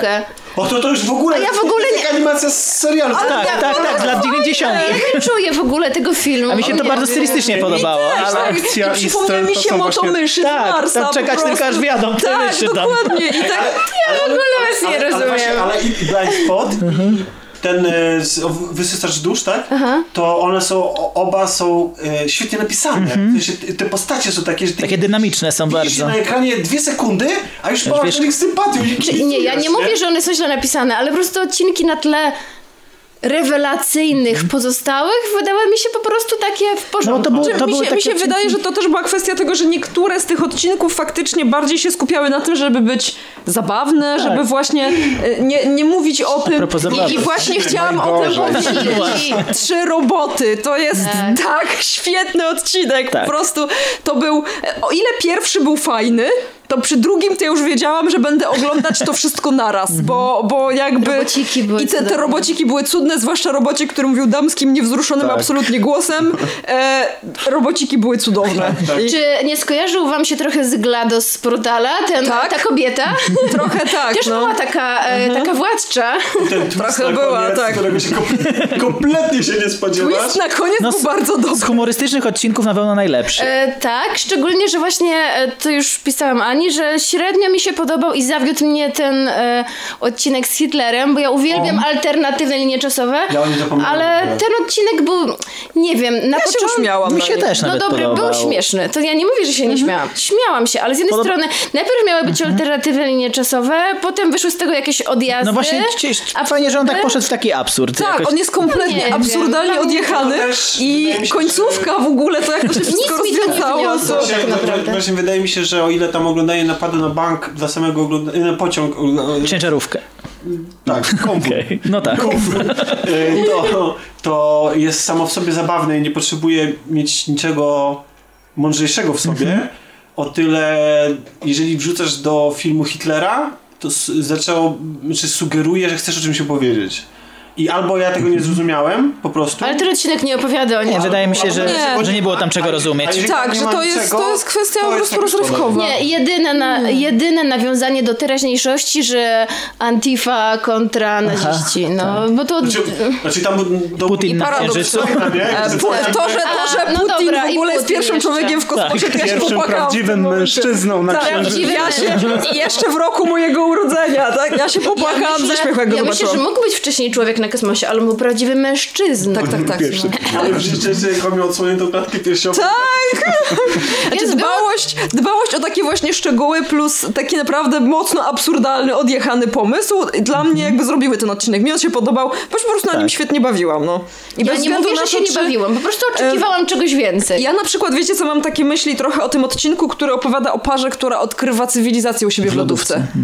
Bo Ja się- to jest odcinek, który jest przepiękny i który jest ciekawy, ale jakoś tak naj, najmniej nie, zaskoczył, poruszył. Nie Ja się, ja się no. ucieszyłem, że zacząłem Mary Eliz- Elizabeth Winstead. Ja tak samo. Oraz e, Ja się szalone ucieszyłam z- lata, e, różowe lata, No tak, tak. 70. Ja się ucieszyłam, że mamut został pochowany w doniczce i No to było jakby, słodkie, tak. ale, ale ten jakoś tak, bo na tle tych wszystkich odjechanych, szalonych pomysłów, tak? Już ten nie wydał się taki to, szalony. To już się nie wydawał taki szalony, no To znaczy, cywilizacja w lodówce, stronie tak? cywilizacji w lodówce. W zamrażarce, to Coś przepraszam. jak być jak John Malkowicz, to coś ale tak w stronę Kaufmana mi podjechało. Nie, pomysł był No fajny, dobra, ale bez przesady, ale jakoś tak? to tak mnie a- zaskoczyło. To mi się bardzo spodobało, bo raz, że zobaczyłem aktorów, których dawno nie widziałem, a, a lubię. A I to był jedyny odcinek, gdzie faktycznie byli aktorzy, bo to, to był odcinek połączony, jakby animacja Tak. była połączona z Ale faktycznie z grą Dla mnie to był jeden, jedyny chyba, który, no oprócz tego z Lisicą, który miał rozwinięcie, że początek, rozwinięcie, zakończenie i to była opowieść o czymś konkretnym i taka sprzedana z, z morałem i w ogóle, w sensie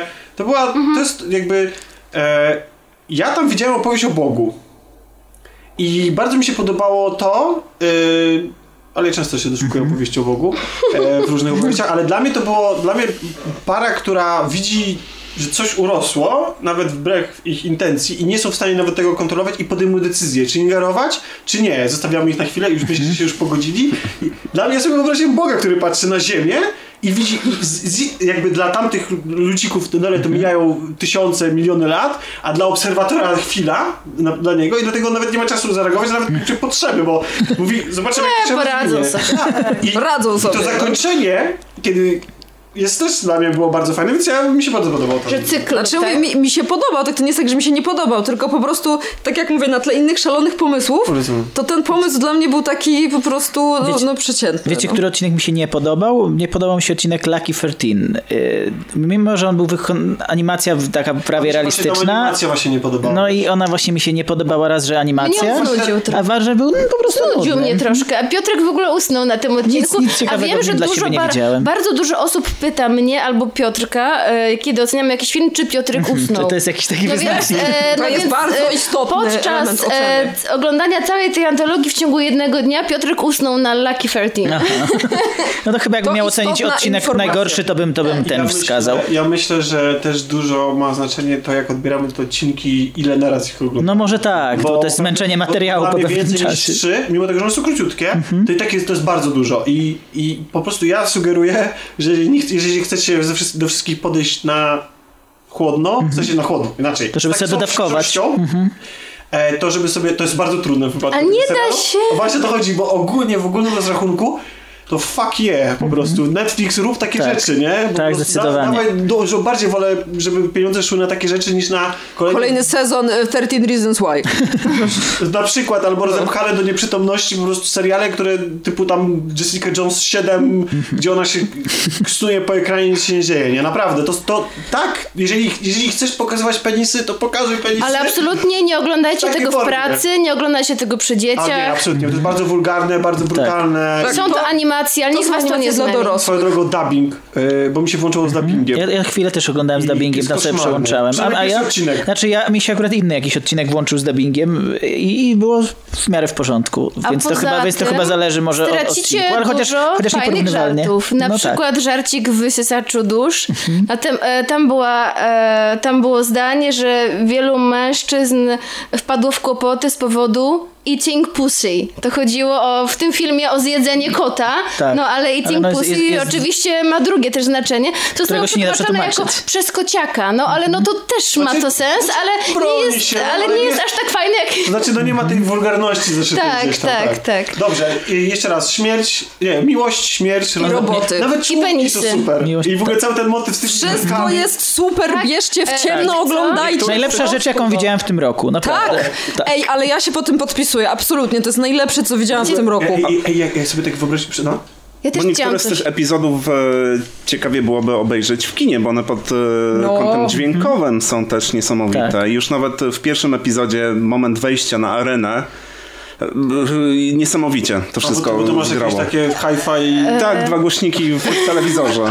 Wiecie co, a ja niektóre odcinki oglądałam drugi raz sam początek, tylko po to, żeby zobaczyć jak ikonki, które się pojawiają przed samym odcinkiem, Mają się do odcinka. mają się do treści, tak. Tak, bo, ikonki, bo ikonki e, zwiastują o czym będzie ten odcinek. Na przykład przed Sekretną Wojną była czacha, czacha, gwiazda, albo przed Zima Blue był kwadrat, Właśnie, kwadrat, a propos kwadrat. tego, nie zrozumiałem, bo przed y, odcinkiem o astronautce w kosmosie choinka. I, I mówię o co chodzi. Bo ona miała choinkę, nie wiem czy zauważyłeś, to Tak, choineczka latała za Miała mną. choineczkę A, zapachową okej. tam w tym. Dobra, Choineczka nie zwróciłem na to zapachowała. uwagi. W tym, w Ja tym odcinku jeszcze ten odcinek było wyłączyłem. nawiązanie do LV426. Piotrek odwracał 426. głowę, e, czy-? Nie wiesz co to jest LV426? Wiecie co. No, to, to jest No to jest ten księżyc, e, na którym znaleźli pierwszego aliena w obcym e, ósmym pasażerze Nostromo. I teraz fajnie byłoby jeszcze zobaczyć raz te odcinki i powyłapywać jakieś takie Tak, smaczki wszystkie. Chciałam powiedzieć, że masz podobną wrażliwość e, do Piotrka na różne drastyczne sceny. Piotrek odwracał głowę podczas tego odcinka A, Helping, helping Hand, tak. I byłam ciekawa, jak ty to Ja, ja, wytrzymałeś. wyło- ja wyło- przerwałem oglądanie. Tak? Tak myślałam, tak myślałam. Wrócę do tego, ale nie, nie, nie. nie. Jak jestem z nimi obaj w kinie, to oni obaj jakieś scena zastrzyku albo czegoś zrobienia skoro, aha. obaj się odwracają i pytają mnie, czy już. Ale oglądanie odcinanych głów i flaków i To spoko, jest Jest spoko. okej, jest tak. okej. Chodzi o obrazowe pokazywanie robienia czegoś z ciała. To ja na przykład nie mogę oglądać tortur. jak ktoś kogoś torturuje i ktoś no, krzyczy, jest to, coś to, to, to ja No. to tego nie mogę oglądać. tak, tak. A jeszcze, jeszcze abstrahując, jedną rzecz dodam, że odcinek y, Suits y, bardzo mi się ze StarCraftem kojarzył, z klimatem StarCraft, takie południe. Tacy tak, tak, takie, takie właśnie amerykańskie A południe i mechy. ciche miejsce. Też. Była No, farma, też. były bardzo podobne potwory i sobie wyobraziłam, że to jest ciche miejsce 50 lat później. Aha. Od niego chciałem przejść trochę do takiego podsumowania, że jeżeli to będzie zmierzało w tą stronę, w sensie te animacje się będą rozwijały zarówno w telewizji, jak i w kinie, bo, bo mi się akurat Suits skojarzył ze Spider-Manem, bo tam też było chyba z 15 klatek na sekundę w tej animacji.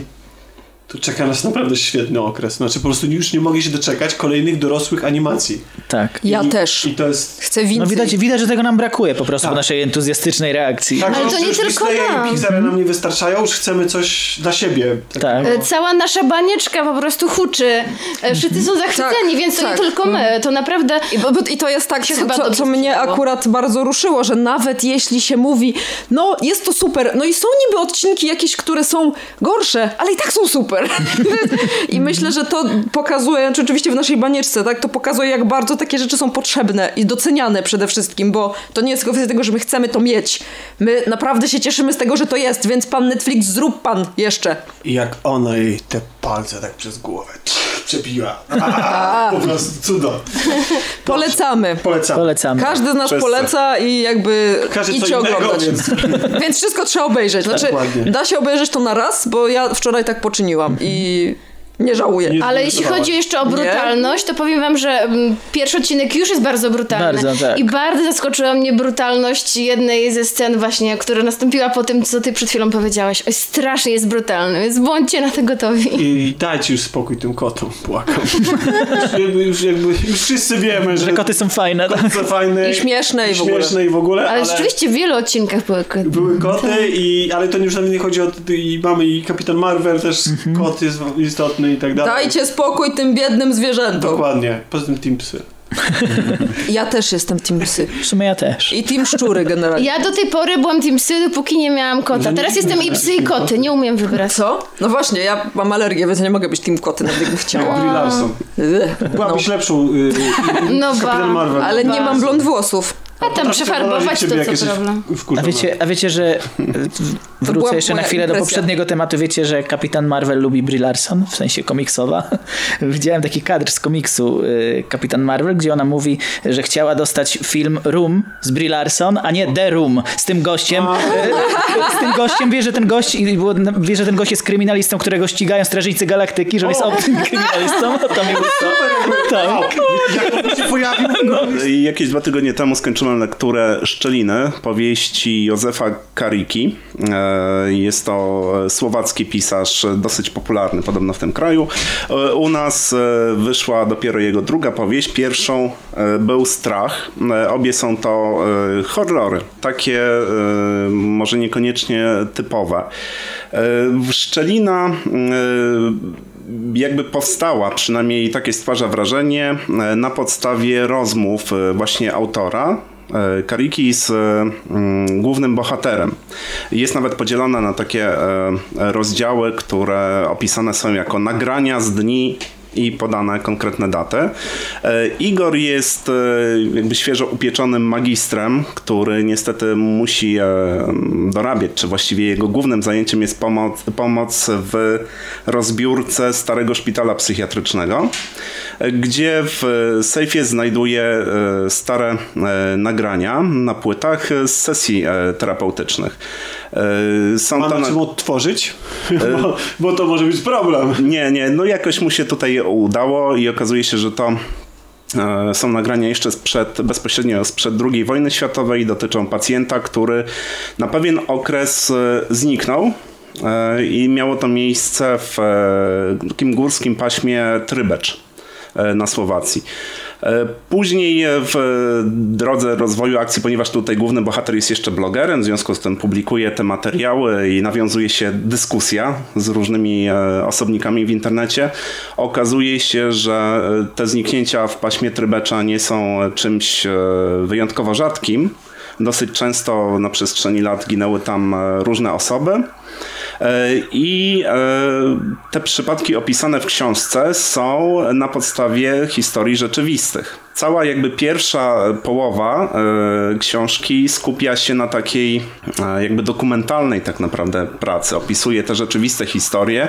E, są przytaczane artykuły, które faktycznie istnieją w internecie, czy nawet pojawiają się gdzieś odnośniki do filmów na YouTubie, gdzie można obejrzeć Prawdziwych. pewne rzeczy opisywane. Tak, Ale nie tak. przygotowanych na potrzeby tej książki, tylko że Nie, nie, to są rzeczywiste artykuły, czy nawet no, chociażby komunikat policji miejscowej. W, jest też przywoływany e, na przykład taki autor e, Dawid Paulides. On e, dosyć długo działał właśnie w, przy takich sprawach związanych z zaginięciami tajemniczymi w e, amerykańskich parkach narodowych. Stworzył serię książek, na podstawie tych książek nawet powstały seriale. E, I e, ta pierwsza, pierwsza e, połowa, jak mówię, jest taka mocno e, dokumentalistyczna, czyli dosyć nietypowa dla horroru, ale już czytając takie, zdawałoby się, suche fakty, e, one pewną taką e, niewygodę psychiczną powodują, e, dosyć e, napięcie duże i tak jak sobie czytam te wszystkie książki na Kindle Paperweight, czyli z podświetleniem i jak do snu, no to już światło wygaszone, żeby nie wstawać, wszystko sobie czytam. Tutaj zaczynam, Po zaczynam ciemku. pewien, pewien rozdział i tak sobie myślę, skur- nie, nie, stałem i zapaliłem światło. Się, drzwi na korytarzu. To naprawdę pewne takie elementy związane z grozą, która czyha na nas tak naprawdę za progiem. To jest no one coś są... w klimacie w takim razie Lovecrafta? Nie, wiesz, e, nie. e, To może się niektórym e, później kojarzyć z Blair Witch Project, ale nawet jakby sam autor trochę to wyśmiewa, bo w trakcie tych e, dyskusji w internecie do głównego bohatera dołącza jeszcze e, oprócz jego dziewczyny e, para internautów, jeden oczywiście sceptyk, drugi entuzjasta tego typu teorii i druga połowa książki już dotyczy ich wyprawy właśnie w to pasmo Trybecza.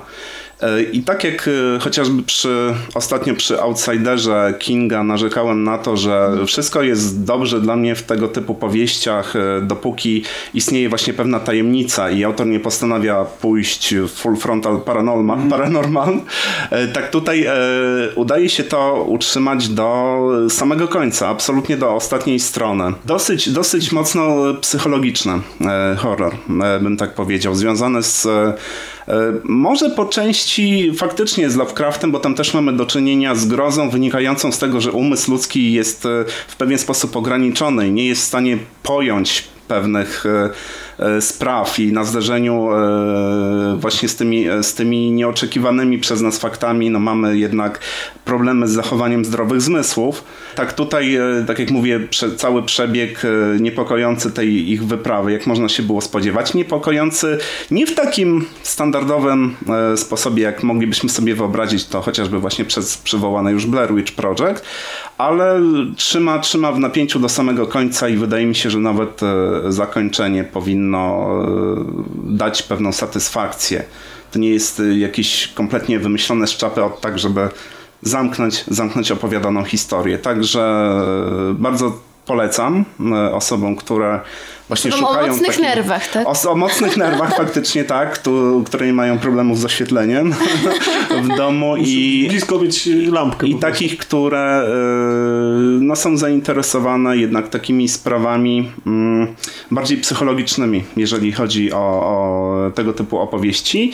I y, jestem w stanie sobie wyobrazić, że na podstawie tych danych, które są w powieści przywoływane, to można jeszcze sporo y, jakby dodatkowych materiałów do przestudiowania sobie znaleźć. No właśnie, to, to, to jest no, najciekawsza strona tego projektu, właściwie można powiedzieć, ale tej Mhm. książki, że ona się odwołuje tak bardzo do rzeczywistych... Tak, do e, prawdziwych do rzeczy. prawdziwych rzeczy, do prawdziwych tekstów, które to jest też wada, bo podejrzewam, że za 20 lat one mogą po prostu zniknąć na przykład, e, więc te odnośniki może, bo nie wiem, chyba, że wydawca kolejny będzie to aktualizował, ale wow, wyobraź Ale sobie, faktycznie te doszliśmy wszystkie- czasów, kiedy, kiedy książki będą update'owane będą musiały być e, aktualizowane. To jest dopiero co? Wszystkie linki czy jakieś filmiki z takich nietypowych miejsc, jakie e, są powrzucane, one są aktywne, bo ja je sprawdzałem. Faktycznie e, artykuł, który jest w całości właściwie przetłumaczony jakby w treści książki, on jest po słowacku w internecie. Widać. No i te filmiki e, można Jak sobie zobaczyć. Jak, słowacki? Dobrze, dobrze się spisali z tłumaczeniem? e, nie, Słowacki no, nie jest bardzo słowacki- trudny do zrozumienia.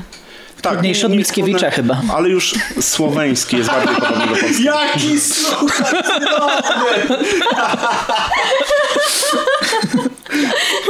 Tak. Tak, także najbardziej, najbardziej polecam. A sam na pewno jeszcze sięgnę po tę drugą powieść e, Strach. Skojarzyło Która też się... jest jednym zdaniem przywołana w jakiś sposób tutaj, no bo w, w książce e, jakby tak bezosobowo występuje też sam autor, bo on wysłuchuje tych e, Jak się opowieści. autor nazywa? Józef Karika. Czyli, czyli to jest coś na wzór Karika Universe książkowe? E, bardzo możliwe, bo nie wiem, nie wiem w jaki sposób, e, bo oczywiście to są tylko dwie powieści. On stworzył więcej tytułów i jeszcze pracuje nad jakąś kolejną. Może one e, właśnie przez taki styl opowiadania są w jakiś sposób ze sobą powiązane. Albo przynajmniej udaje im się stwarzać tego typu wrażenie. Mnie zachęciłeś, mam Mnie nadzieję, też. że, audiobook mnie Mnie po tak samo. E, przy, skojarzy, przypomniała mi się i skojarzyła mi się gra Kolat, czy Kolat, nie wiem Tak, jak się było czyta, kojarzycie? rzeczywiście. I chyba ona też bazowała na jakichś właśnie prawdziwych przekazach, właśnie... Tak, to jest, ona, ona się skupiała o historii z przełęczy Diatłowa. Tak, no właśnie, Rosji no ale lat 50. tak, aż miałam tak ochotę, jeszcze nie grałam, ale mam, że zagram sobie w tę grę i potem przeczytam No książkę. to jest właśnie niesamowite, jak dla mnie przynajmniej, że y, ta pierwsza część zupełnie odbiega od tradycyjnego prowadzenia akcji w powieściach. Mamy tutaj y, prawie jak literaturę faktu, ale coś, co powoduje takie nieprzyjemne dosyć uczucie. Fajne. Jeszcze raz tytuł, żeby słuchacze... Szczelina. Józef Karika. Szczelina. No ja, ja pamiętam, ale wiesz, chodzi o to, że jak się słucha czasami... Tak, Szczelina. Józef Karika. Bo ty nie słuchasz podcastu, to nie wiesz, z jakimi problemami się słuchacze muszą... No, że muszą przewijać, tak, żeby No usłyszeć, ja o co tak chodziło. mam, nie, Czasami- jest tak, żeby... Ja, ja na przykład tak słucham Że na początku tak. i na końcu trzeba Nie dosłyszę tytułu czasami albo zapomnę Nie, i... ale wiesz, zmywasz, Mhm. odkurzasz, jedziesz samochodem, co się dzieje, wyłączasz się i nagle słuchasz, słuchasz i ktoś na przykład, wiesz, podcasty też mają swoją temperaturę, nie? One powinny, ta, te dyskusje powinny być takie falowe, w sensie Mhm. takim, że powinny być ożywione i, i trochę stonowane. E, I rzeczywiście tego się nie da wyreżyserować, no bo trochę można zaplanować sobie, jaki temat się kiedy poruszy, ale tak no, nie da się tego wyreżyserować. No i Chodzi o to, że jak, jeżeli coś jest monotonne i się za długo rozmawia, tak jak my za długo rozmawialiśmy o Kapitan Marvel, to podejrzewam, że większość ludzi się po prostu automatycznie mózg się wyłącza. Wyłącza. I kiedy nagle słyszysz, kiedy po takim wyłączeniu mózgu, to leci w tle, więc sobie tam wiesz, szumimy, szumimy, aż nagle przychodzi coś takiego, że wiesz, i to było takie super, i w ogóle to jest super, i to jest super, i w ogóle, i to są naprawdę te wydarzenia są takie prawdziwe, i w ogóle tak jak krytykowałem to w innych, w, wiesz, sorry Tomek za parodię, wiem, że... Bo, Co? Wyłączyłem się, przepraszam. no, więc, Tak, e, 40 minut, wtedy- taki attention span tak, i wtedy, około. i w, w tym momencie się mózg, mózg się załącza z powrotem, nie? Ty wiesz, co to Tak. było, co to było? było, ale tam już nie pada i tak, jaka to gra, jaka to gra, bo najczęściej ja słucham podcastów growych i mam problem po prostu z dowiedzeniem i trzeba się później patrzeć rozpiski, no a nasze rozumiem. rozpiski są bardzo niestety... A widzisz, a mnie uczono na pedagogice, jakich, e, jakich e, jak e, głos modulować i to wszystko jak stosować właśnie, żeby budzić Utrzymać. słuchaczy. I nie, stos- I nie stosuję tego w podcaście. No. Nie wiedziałam, że to też rzeczywiście ma zastosowanie. Dobrze, teraz będę mówić raz cicho, raz głośno. Wiesz, zwykle audycje trwają maksymalnie do 15 minut, nie? Kiedy wejście na audycję w radiu. W radiu. Tak, Mhm. jakby nikt dłużej nie mówi. Nawet jeśli to jest audycja godzinna, to i tak są przerwy, wiadomości i tak dalej. A podcast to jest takie medium, które 5 godzin, a myśmy Mhm. mieli ile? 6, tak naprawdę nagrane w ogóle mieliśmy 8, nie? Ale 6 i 45, tak? Czy coś takiego nam Mhm. wyszło na ostatnim No ile. SoundCloud To weź to pozwolił. słuchaj w skupieniu. No dobrze, to No był okej. Szczelina. Właśnie dlatego nie słucham Józef. Karika. Szczelina. A, Dobrze, a, Grzegorzu, a z czym ty do nas przychodzisz oprócz koszulką z jednego z najwybitniejszych anime wszechczasów? Czyli Cowboy? Bebop. Ale nie będę mówił o Cowboy Bebopie, tylko pozostaniemy w temacie kina grozy w sumie, znaczy grozy ogólnie. Ja powiem o, o filmie, który właśnie miał premierę i dystrybucja jest dość ograniczona. Yy, Od razu powiem na początku tytuł. Monument. Okej. Mm, To jest film y, Jagody Szelc. Pewnie część słuchaczy już kojarzy to nazwisko, bo dosyć zrobiło jakieś zamieszanie y, w, wśród rodzimego kina, bo pani zrobiła wcześniej mm, taki film jak Wieża Jasny Dzień, y, której A, już to dobrze coś mi się kojarzy. który już, mm, tu, o którym już tu kiedyś wspominałem. No i teraz powraca z kolejnym projektem właśnie z Monumentem. Mm, Ja ten film oglądałem już w zeszłym roku na, na festiwalu i uderzyło mnie na początku to, że właśnie reżyserka wyszła y, przed, przed projekcją i powiedziała, że ona nie robi w sumie filmów dla widzów. I, że ona nie robi że ona nie robi filmów dla widzów i że nie chce, że, że nie chce, żeby później po seansie zadawali jakieś pytania o interpretację, bo ona nie lubi jak się filmów interpretuje, tylko po prostu się odczuwa. Mówi, że, że twierdzi, że w przeciwieństwie jak z muzyką nikt nie ma problemu i że to jest jakoś tam medium abstrakcyjne bardziej, że nikt nie, nie każe interpretować e, jakiegoś każdego utworu, to, to w filmie zawsze ludzie chcą, żeby wyłożyć im o czym to było właściwie. Nie potrafią abstrak- abstrakcyjnie podejść do filmu. No i Ale czy ona nie lubi interpretacji, czy pytania o czym to właściwie Tak. jest? Bo to jest co innego, co autor miał na myśli Wyraziła się, powiedziała, użyła słowa interpretacja, ale wydaje mi się, że bardziej chodziło o... Co miała na tak, myśli. Tak, W sensie, co autor miał. Mhm. tak. No i po To takim... ciekawy problem tak w ogóle sam w sobie, nie? Tak. Bo myślę, wydaje mi się, że prze, przeważnie, Mhm. że, że e, ludzie słuchając muzyki w ogóle nie słuchają słów. Tak. I oczywiście są ludzie aktywnie No, ja biorą jak polskiego rapu słucham, to słucham słów. Ale chodzi o to, że tutaj identyfikujesz się, tak? Tak, tak, bardzo. Ale, ale, Blokersem? ale, ale tak, ale faktycznie w muzyce e, często jest tak. e, Ja jak zaczynałem pracę w mon- przy montażu, Mhm. to w ogóle dostałem taką. e, Nigdy się do tego nie stosowałem, ale dostałem taką radę. Jak podkładasz piosenkę, to nie ma znaczenia o czym ona jest. Ważne, żeby, żeby, żeby była fajna. Mhm. I że może być kompletnie, może przeczyć totalnie temu, co. Aha, i co- żeby beat był ok, tak? tak, W tak, dobrych żeby ludziom się momentach. Czyli, czyli w Kapitan Marvel źle to zorganizowali, bo tam słowa pasowała, cała reszta A nie. pytanie odwrotnie. Natomiast ja nigdy, nigdy się do tego nie stosowałem, nigdy autentycznie i zawsze dobieram takie utwory, które zarówno w treści, jak i w formie Mhm. są pasujące. Ale Okej. to już też ciekawe, już Mhm. chcę ci skończyć. Moim zdaniem artysta ma prawo do tego. Powiedzieć, Tak. odmawiam, nie chcę o tym to w mówić, ogóle nie jest chcę, bardzo- nie chcę nic wam tłumaczyć. Tak, to w ogóle jest bardzo ciekawa postać e, Jagoda Szelc, wydaje mi się, że- i to też widać w jej twórczości zresztą. A, a z Monumentem też wiąże się taka ciekawa historia, że, to, że ten film jest projektem łódzkiej filmówki. Ten, tam nie ma profesjonalnych aktorów, to jest film dyplomowy w ogóle, e, aktorów łódzkiej filmówki. Więc, więc pomyślałem sobie, że to będzie jakaś trochę amatorszczyzna, może nie, nie do końca tak mnie zainteresuje, jak jej, jak jej poprzednie dzieło, ale e, nie zawiodłem się. To jest w, w sumie rzecz się zaczyna, e, gdzie 20 z 20 studentów e, hotelarstwa ma jechać gdzieś na praktyki. Jadą busem do, do hotelu, gdzie, gdzie mają się te praktyki odbyć. Oczywiście tam w autobusie, czy tam autokarze właściwie rozgrywa się jakaś libacja, jest alkohol i jak... Jak to studenci? Czym tak. różni? Co, autokar od autobusu? No. Znaczy myślę, że autobus to jeździ jakoś jak- mieście. w mieście, a autokar to jest taki bardziej wycieczkowy, nie?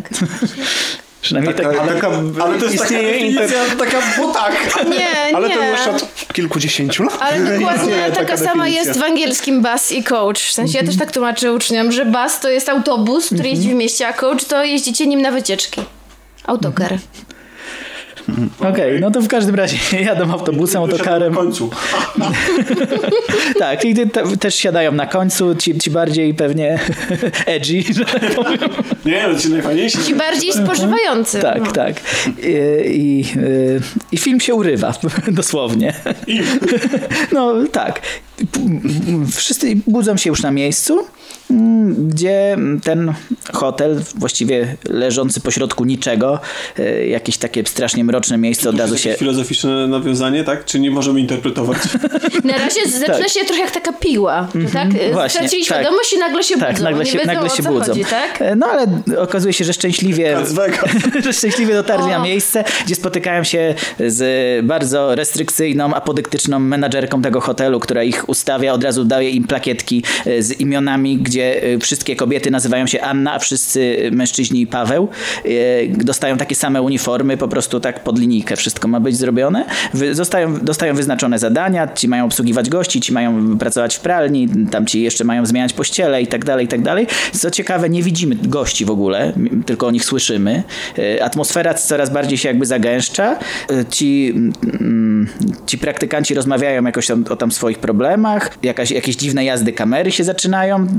E, Klimat się coraz bardziej robi taki jak z Lyncha trochę, że niby nie wiemy, coś, że coś jest nie tak, ale nie wiemy do co. Trochę to jak taki eksperyment Zimbardo. Ta- To o, brzmi, o, eksperyment więzienny. Tak, tak. Coś takiego można, można odnieść takie wrażenie. Ja już dalej nie będę zdradzał, co się dzieje, bo to już by były, by były spoilery. Ja w sumie y, trudno też zaspoilować ten film jakoś bardzo, bo tak jak mówię, no interpretacja. Czyli jazdy się zaczynają zagadkowy. i nie wiadomo do końca. Tak, tak. O co chodzi? No i jeszcze, jeszcze jest motyw, y, że oni muszą czyścić monument, a właściwie postument to jest, który znajduje się na placu. Y, w sumie nie wiadomo po co i dlaczego, czy tam coś stanie w, w miejsce tego na tym postumencie, ale, ale jak do niego podchodzą, to jakby jakieś wizje mają, czy, czy w sumie trudno powiedzieć, bo nie widzimy wewnętrznej ich głowy, tylko zachowują się dziwnie te, te postacie. Co, co cię w takim razie ujęło w tym filmie i czy twoje mhm. obawy odnośnie tej amatorszczyzny, czy mhm. złego aktorstwa tak, ujęło, ujęło mnie właśnie nastrój, bo polski horror raczej to jest zjawisko niespotykane, prawda? Chyba coraz częściej jest. Tak, ale, ale dobry polski horror. To, to już na pewno nie jest. to już na pewno nie jest. No i... takie przerwę na chwilę. Mhm. E, co myślisz o demonie? Wiesz co, no ja, wiem, że... Od samego reżysera. Ja, tak, ja wiem, że ten film się podoba, ale ja się od niego odbiłem niestety i jakoś nie jestem do końca nim, e, nie jestem zwolennikiem tego filmu do końca, dlatego, że ja już widziałem pewne rzeczy tutaj, też mi się jawiło e, takie, takie połączenie trochę wesela smarzowskiego z jakimś horrorem, więc e, no, no, nie chcę się zagłębiać, ale nie jestem zwolennikiem demona. No ja też nie. Właśnie jestem Aha. jednym z tych, którzy... Okej, okay. myślałem, że wszyscy lubią oprócz nie, mnie. Właśnie ja mam wrażenie, że niestety to jest smutne, ale mam wrażenie, że na odbiór tego filmu wpływa samobójcza śmierć reżysera. Mhm, możliwe. Ja obejrzałem ten film w oderwaniu, nawet nie miałem mhm. świadomości i nie. Okej. Okay. No, w, każdym razie, w każdym razie Monument wydaje mi się lepszym filmem, ale też nie bez zastrzeżeń. Na pewno nie jest tak dobry jak Wieża Jasny Dzień, bo to jest dla mnie jeden z e, najlepszych filmów polskiego to, co współczesnego kina. Co nie zagrało? No właśnie czuć, ciąży nad tym filmem te widmo pracy dyplomowej. Widać, że ci aktorzy... Starają się na piątkę. Starają, tak, jakby oni grali na ocenę. Czasami widać. Ja nie twierdzę, że oni nie mają talentu, bo większość z nich y, jednak widać, że, że się dobrze odnajdują przed kamerą. Ale y, nawet konstrukcja tego filmu jest taka, że każdy z tych, z tych tych 20, 20 ludzi, 20, no, dobra, nieważne, każda z 20 osób musi mieć e, swoje jakby 5 minut, czy nawet 5 sekund. I, I, to troszeczkę jakoś mi tam zgrzyta. Mimo, że... Czy to wtedy ma taką konstrukcję trochę epizodyczną? Troszeczkę tak, bo jest... od pokoju do tak, pokoju? Tak, tak, że tu, się, tu, tu rozmawiają sobie ci, tu tamci, tu się dzieje coś u tych, u tamtych. Więc, więc troszeczkę tak jest. E, no i to wygląda jak taki jeden wielki performance, chociaż... Yy, pod względem właśnie udźwiękowienia, oświetlenia, y, zdjęć, to jest, to, jest, to jest super. Y, jeśli chodzi, pani Jagoda też ma doskonałe ucho do dialogów takich naturalnych. Jak oni rozmawiają, to, to nie czuć, że, że oni mają napisane te dialogi, tylko, tylko tak jakby im jakby były improwizowane. Bardzo to naturalnie są wygrane. nowa polska szkoła chyba. Tak, bo tak. Ci młodzi reżyserzy chyba mhm. często sięgają właśnie po to. Więc, więc tak, zdecydowanie i to coraz lepiej chyba wychodzi. Więc film jest godny polecenia jak najbardziej, z uwagami, z małymi zastrzeżeniami, ale właśnie chciałbym, żeby w takim kierunku podążało polskie kino, właśnie e, jakiegoś odświeżenia. Niezrozumiałego bo, bełkotu. No, właśnie to nie jest niezrozumiały bełkot, bo można mieć, można mieć e, wiele tych interpretacji, chociaż e, to, nie no dobra, to nie będzie spoiler, bo nie, bo no, nie powiem do końca. Ja chciałem cię o to zapytać, o czym, o czym twoim zdaniem bez konkretów ta, ta znaczy, jest. Właśnie, to jest najgorsze, że ten film wbrew temu, co powiedziała reżyserka, jakby ona sobie przeczy w pewnym momencie, bo ostatnia scena, ona ostatnią scenę jakby wyjaśnia film. I to tak dosyć banalnie wyjaśnia, więc, więc troszeczkę mnie to zakończenie rozczarowało mimo wszystko, yy, tym bardziej biorąc pod uwagę, co powiedziała przed filmem. Może dlatego właśnie nie chciała dyskutować. Może, że... może. I, I, mam wrażenie, że... A poza zakon... tym my tutaj zauważyłam w klaudacji mhm. jesteśmy raczej fanami niedopowiedzianych zakończeń mhm. takich tak. filmów. Tak, więc, więc to dopowiedzenie troszeczkę mi zazgrzytało, mimo że to nie było dopowiedzenie wiadomo wszystkiego, ale nakreślenie jakiejś konkretnej linii interpretacyjnej. Yy, więc dlatego też, też nie będę ale mógł... zawiedziony jestem, jesteś faktem, że coś takiego nastąpiło, czy bardziej... Bardziej czy to... Tym, że to było dosyć... Jaka ta interpretacja tak, właściwie... Tak, jestem bardziej zawią... Nawet, nawet mm, tym, w jakim kierunku ona, ona chciała mi tutaj coś zasugerować.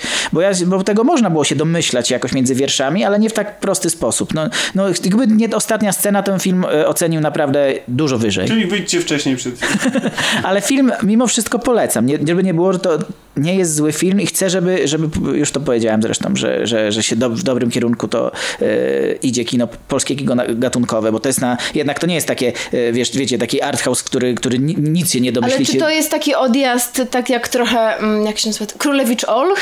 Czy nie, właśnie kierunku? nie. Właśnie taki bardziej stonowany. Nie jest tak bardzo e, pretensjonalny. Okay. Nie jest taki... No właśnie tak. o to tak. chciałam zapytać, czy jest to właśnie... Nie jest taki egzaltowany właśnie, mhm. wiesz. Jest, jest, jest bardziej stonowany, spokojniejszy. I ten niepokój tak narasta jakby w naturalny sposób. E, bo budowany napięcia jest, jest naprawdę na wysokim poziomie. No i ładnie. Jak się nazywa film? Monument. Monument. Tak, tylko pewnie, pewnie będziecie mogli go złapać jeszcze w jakichś kinach studyjnych, bo, bo w multiplexy niestety się wyparły i nie, ch nie chcą go grać. Pewnie trzeba czekać na VOD. Albo właśnie najprędzej. Czasami Cinema City mnie zaskakuje i wprowadza w te... W, w, Tak, bo on, oni mają chyba umowę z Gutek Film i filmy Gutka właśnie się pojawiają e, w, w Ale Cinema to nie jest City. Gutka, nie? To nie jest Gutka, to jest właściwie dystrybutora, który zadebiutował w zeszłym roku, Velvet Spoon się nazywa i który, który właśnie stara się wprowadzać takie, takie odświeżające A gatunkowe że rzeczy. Widzieliście, czy jest już na VOD? Jest chyba gdzieś. Jest na DVD na pewno. A, tak? Wyszła na pewno na DVD, tak. Ale Z reguły takie filmy na VOD.pl y, chyba można znaleźć, bo faktycznie tam jest sporo takich... produktu. I przejdziemy do tematu e, wy, wy, wydało, wydawałoby się, że odcinka, czyli Kapitan Marvel. I ja myślę, że możemy przejść od razu do tak Od naprawdę... razu do krytyki. To jest beznadziejny film, dziękuję. Następny. Nie, no myślę, że możemy przejść od razu do, do rozmowy spoilerowej. W ogóle bym, e, zrobiłbym coś takiego. E, Będzie zaznaczone oczywiście od jakiego do jakiego momentu mamy spoiler. Spoilery, znaczy właściwie od zaraz się zaczną, ale zanim zaczniemy spoilerowo, to tylko e, jedno pytanie do was. No bo to, to jest, nie wiem, 67 Mam dźwięk, mam dźwięk na spoilery. tak? Uwaga. No. I jak będzie spoiler, to w- dawaj miał. Dobrze, dobrze, ale no to generalnie jest bardzo- w ogóle będzie, będą zaraz a propos tego temat filmu. Natomiast em, zanim, zanim się rozłączycie, damy wam czas, żebyście się rozłączyli, przełączyli, przesunęli ten podcast, cokolwiek. Generalnie e, chciałem się zapytać, bo to jest 67 film w e, historii Marvela. Naprawdę? No nie, jest jakiś 20 czy Co coś. ty? no. No, chodzi o to, 60... że Już myślałam, że się liczą jakieś z lat 60. czy Myślę, co? że każdy już widział jakikolwiek film e, z tej serii. I teraz pytanie tylko do was, że, żebyście, mm, jestem ciekawy jak to ocenicie. Czy ten film nadaje się do polecenia komuś, tak zaczniemy troszeczkę od, od, od drugiej strony, e, kto z doskoku ogląda cokolwiek widział w tym uniwersum i tak naprawdę nie obchodzi go cały ten, ten wielki lore i dążenie do do, do endgame'u, tak? Do, do tej części, która zakończy tą kolejną fazę i, Tak. tak dalej, przygód tych... Nadaje się. Ja już poleciłam. Nadaje się, ale nikt się nie będzie dobrze bawił. Nie, nie, to nie tak, że nikt nie będzie. To. Nikt nie będzie. To Nie, nie. Absolutnie, w ogóle film jest najgorszy na świecie. To znaczy- Trzeba spalić Nie, nie, nie, twórców. tak- Cho- Nie, nie, ja to ale Tomku, chodzi mi o to, że Chodzi o to, nie osoba masz to... pojęcia ki, ki, o co chodzi z Tesserakiem, nie masz pojęcia o co chodzi z Kree, nie masz pojęcia w ogóle o czym... To ja do tej pory nie mam pojęcia o co chodzi z tylko- Kree. Ja Właśnie nie ja chciałam tylko powiedzieć, że twórcy nie mają pojęcia nawet o co chodzi z Kree. Nie mówię o twórcach filmu, tylko komiksów, bo... Super. To jest tak. Ale nie, Znaczy ale nie, dobra. Ja myślę, ja, ja myślę, że faktycznie jakby, jeżeli ktoś tak tylko z doskoku Marvela ogląda i nie jest wkręcony i nie wie, co tam na bieżąco się działo i gdzie którzy bohaterowie z którymi ten... z Galaktyki. E, nie, no to jak dla mnie, myślę, że spokojnie może Kapitan Marvel obejrzeć. Ja też tak bo, uważam, właśnie. Bo tam nie ma, e, nie ma nawiązań zbyt wielu. Ja myślę, że to tak naprawdę, a nawet jeśli są, to są raczej takie właśnie ukłony w stronę ludzi, którzy gdzieś tam kojarzą, co się działo i czym jest Tesseract itd. itp. A poza tym e, dużo Ale takich, to to, są nie- takie heheszki, prawda? Tak, to są tak, tylko, jest- jest dość to zabawne straci to. jakieś takie mrugnięcie okiem, a tak naprawdę może nie wiedzieć, kim jest w przyszłości bohater grany przez Samuela totalnie nie Jacksona. zgodzę, ale to za chwilę sobie do tego przejdziemy w, se- w sekcji spoilerowej. Policzyłam ten, Moim poleciłam ten film mojej siostrze, która nie oglądała większości filmów Marvela.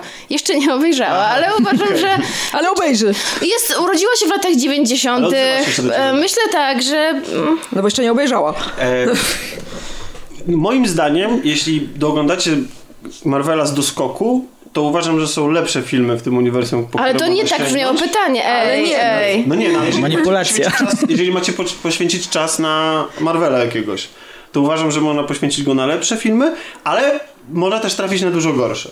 Więc e, te, które się ukazały pod tym szyldem. Czyli można oglądać, ale można też tego nie robić. Dokładnie. Tomku, zobacz, patrzmy na to jako na zupełnie oddzielny film.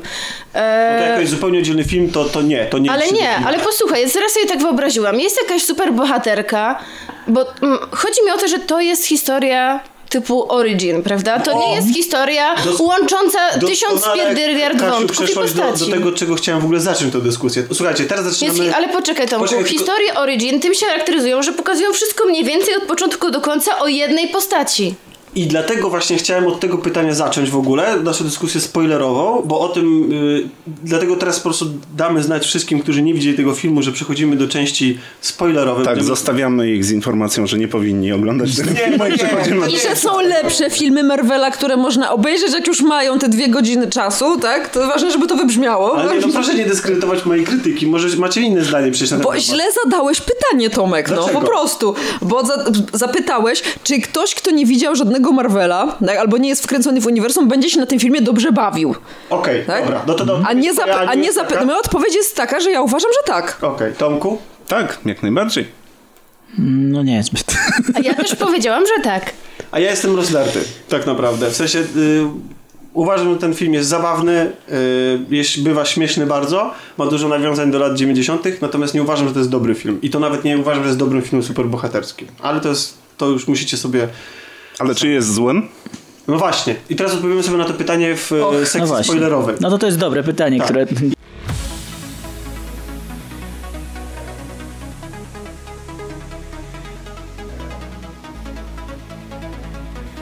Ja, zada. ja bym zaczął, spróbował pod, podejść do tego, do, do tego filmu od strony właśnie tej super, superbohaterskości, od, bo nie chcę, nie chcę y, temu, od, od tego filmu wymagać czegoś, czym on nie jest, albo czym on nigdy nie miał być na przykład. Ja na przykład uważam, że mimo tego, że wokół tego filmu było strasznie duży szum związany z jego feminiz, z, fe, feministyczną wymową, No, z wypowiedziami No i też właśnie z Picasso. pozafilmowymi rzeczami, jak Tak, i właściwie wypowiedzi. Mam wrażenie, że to jest tak główne y, pole bitwy y, internetowych krzykaczy. To jest nieistotne w kontekście samego filmu i Trochę jego jest. fabuły. Nie, ja mówię, że jeśli chodzi o to, czy ten film jest dobrym filmem, czy nie, tak jak o tym rozmawiamy, no to to jest absolutnie bez znaczenia. No. Tak, dlatego ja bym chciał, żebyśmy zostawili na razie, na razie, zostawili całe dywagacje na temat tego, czym ten film jest dla kultury i zajęli, zajęli się stricte tym, co widać na ekranie. Okej, ale, się, Bez- ale ja się cieszę, że będziemy omawiać ten film nie jako sami biali heteroseksualni mężczyźni. Tak? Acz, aczkolwiek nadal nasze kobiety są białe, co... No tak, to może też nie do końca tak, jak powinno być. Nasze tak? kobiety zabrzmiało seksistowsko. Nie, nie, Nasze- wychodzimy. Gdzie są te Nasze wasze redakcyjne kobiety? kobiety. Nasze redakcyjne Wychodzimy. kobiety. Wychodzimy. Nara. Em, więc moje pytanie na sam początek jest takie. To jest film, który jest określany miarem origin postaci. Czyli takim filmem, który pokazuje nam w jaki sposób bohaterka uzyskała, bohater, bohaterka, ten super bohater uzyskał swoje moce i jak przeszedł przemianę od y, normalnego kogoś do kogoś... No Nienormalnego. właśnie nie. Tutaj e, Ale trochę... poczekaj, poczekaj, tylko- ja mówię o tym, o czym, o czym jest origin. Natomiast pytanie... Mhm. A, ty się nie zgadzasz z tą definicją. Nie, no jeżeli mówisz tylko o definicji ogólnej, to jak najbardziej. No jak od człowieka do półboga, Dokładnie. powiedzmy, idzie. I co się z tym wiąże, jak on sobie z tym radzi i tak dalej. I teraz mam w związku z tym do was pytanie, Tomek już zaczął, więc może zacznę pierwszy odpowiadać. Czy to jest dobry origin story? To jest dobry origin story, tylko to jest zrobione zupełnie w poprzek względem tego, co, czym nas karmiły filmy, filmy Marvelowe do tej pory. Mamy na początku właśnie potężną już postać, y, która z czasem tak naprawdę uczy się swojego człowieczeństwa w pewien sposób. Ona dopiero odzyskuje wspomnienia, dowiaduje się, kim tak naprawdę jest, kim była, i y, właśnie tutaj mamy jakby przekręcone zupełnie od powiedzmy takiego bohatera wyobcowanego, jednak no, w kierunku człowieka. Zwykłego po trochu. Że ona Plus- musi się dowiedzieć o swoim człowieczeństwie, żeby y, być w pełni superbohaterska. y, można tak powiedzieć. Znaczy, na, na teorii tak można, w sensie tak to zinterpretować, bo to, czy ten film to pokazuje, to inna sprawa. I powiedziałeś, że zaczynamy, że, że, to, jest, że to jest coś odwrócone, bo poznajemy bohaterkę, kiedy jest e, e, częścią, w sensie obywatelką tak, rasy Kree, Tak, Imperium Kree. Kree które y, tak widzimy je na ekranie, przynajmniej przez większość czasu filmu, które pozuje na takiego strażnika galaktyki trochę, tak? W sensie takich e, Galactic Rangers, czyli dobrych, którzy walczą ze wszystkimi złymi siłami we wszechświecie. Dobrze to Tak, zrozumiałem? tro, trochę nawet wyglądało na jedynych dobrych. E, na jedynych dobrych. Co i, i ja mam pewien problem z tym, e, ponieważ e, ja tego nie wiedziałem wcześniej, bo nie znam tego uniwersum z komiksów, ale podobno to jest oczywiste, że oni są źli. Znaczy w sensie, że nie są tacy dobrzy. Tak, no w komiksach, w komiksach to jest e, bardzo oczywiste. Jeżeli tutaj mamy czas na pewną dygresję dotyczącą historii. E, tu mamy w filmie e, Kree i Skrulli. To są dwie rasy, które też w komiksach e, prowadziły ze sobą wojnę. I wszystko zaczęło się od tego, że Kree, e, przepraszam, skrólowie byli bardzo pokojową rasą i bardzo zaawansowano technologicznie i po odkryciu napędu wyruszyli w takie tour de galaxii, e, aby odwiedzić inne, inne planety i trafili Autostopem właśnie... przez galaktykę. Trafili Ale na, pokojowo? E, tak, tak, jak najbardziej. Trafili na planetę e, zamieszkaną właśnie przez Kree i jeszcze jedną rasę i aby mm, jakby wybrać przedstawicieli tej planety do kontaktu z sobą, tam był mm, no, może nie konkurs, ale pewna, pewna rywalizacja. No okazało się, że ta rasa inna niż Kree wypadła tutaj lepiej, w związku z tym Kree się wkurzyli, tamtych wymordowali. No a ponieważ e, skróle stwierdzili, że no to w takim razie nie są godni naszego kontaktu, no to oni stwierdzili, zabierzemy się też za skróli. no i taka była geneza całego konfliktu. Czyli od razu widać, że nie ma. W filmie tego nie ma. I tu jest e, w filmie kompletnie nie ma e, słowa e, albo nawet jakiejś interpretacji tego. I jesteśmy zostawieni w takim e, zamieszaniu, bo kompletnie Ale nie wydaje wiemy o mi co się, że to chodzi. jest celowy zabieg, żeby zrobić twista. To znaczy po to, żeby zaskoczyć widza, na początku jesteśmy wrzuceni w sytuację, która jakoś tam ma zbudować e, nasze osądy, Zaufanie tak. zaufanie. Nawet, bohat- nawet aktorzy grający dane postacie są tak dobrani, żeby, nie wiem, czy możemy już spoilerować, czy jeszcze nie? No chyba to były spoilery, tak? Nie, Tak? tak, tak to jest spoiler. E, to znaczy, chodzi mi o to, że na przykład Ben Mendelsohn jest znany ze swoich ról antagonistów, natomiast Jude Law, no to raczej gra protagonistów. Zresztą sam, jest sam to, wygląd ich, tak? Tak, Tutaj no i jest to, i to ma kostiumy i wszystko tak jest dalej. tak zrobione, żeby nas Tak, bo e, skrólowie burzą odpowiednio naszą, nastawić. naszą, naszą odrazę. Tak, się, Więc gdyby Ca- pokazano tło, no to nie udałoby się tak nastawić nas, jakby oszukać nas Tak, jako no i widzów. absolutnie nie mam o to w ogóle pretensji. W sensie przynajmniej tam przez pierwszy Mhm. akt, czy tam dwa e, akty filmu, że, że, że my jesteśmy oszukiwani i myślimy, że ci...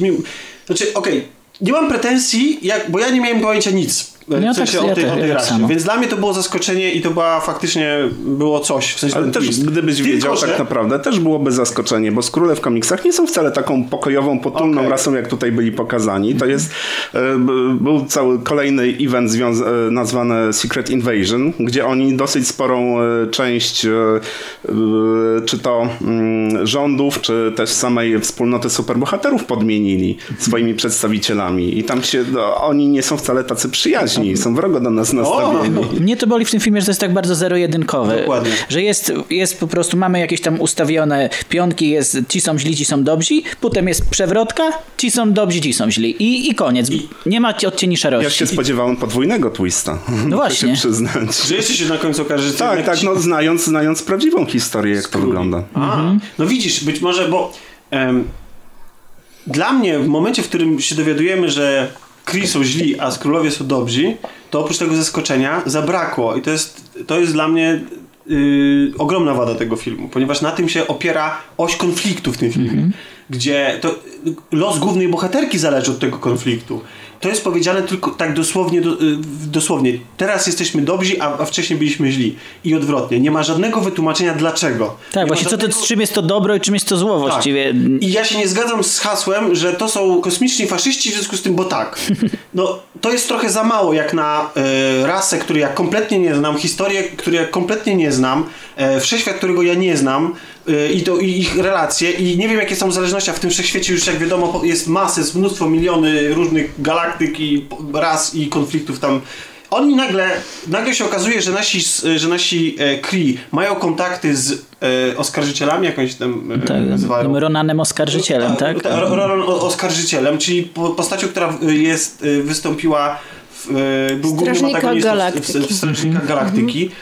On, jeżeli, dlatego ja, dlatego ja mam prete- jakby troszeczkę e, takie wątpliwości, czy ktoś, kto kompletnie nie widział wszystkich Marveli, to się tam odnajdzie, bo tam jest, bo ty powiedziałeś, że to są tylko takie śmieszki, że to są takie nawiązania na poziomie śmieszków. No nie, bo na przykład właśnie e, Ronan, tak, jest bardzo ważną postacią w tym filmie, bo jest właśnie też z głównym zagrożeniem. No, Tak, ale jest takim figurantem. Ale jednak. nie wiesz, w tym filmie, jakby w tym konkretnie, to Ronan się jawi jako taka postać, która niby przylatuje wszystkim przywalić, ale ostatecznie to w sumie tego nie robi, więc no dlate, nie, no, dlatego myślę... Kapitan Marvel mu Tak, dala, no. ale dlatego myślę, że to raczej nie będzie przeszkadzać komuś, kto nawet, nawet nie wie, kim jest Tylko, Ronan. że nawet nie wiesz, jakie on zagrożenie stwarza.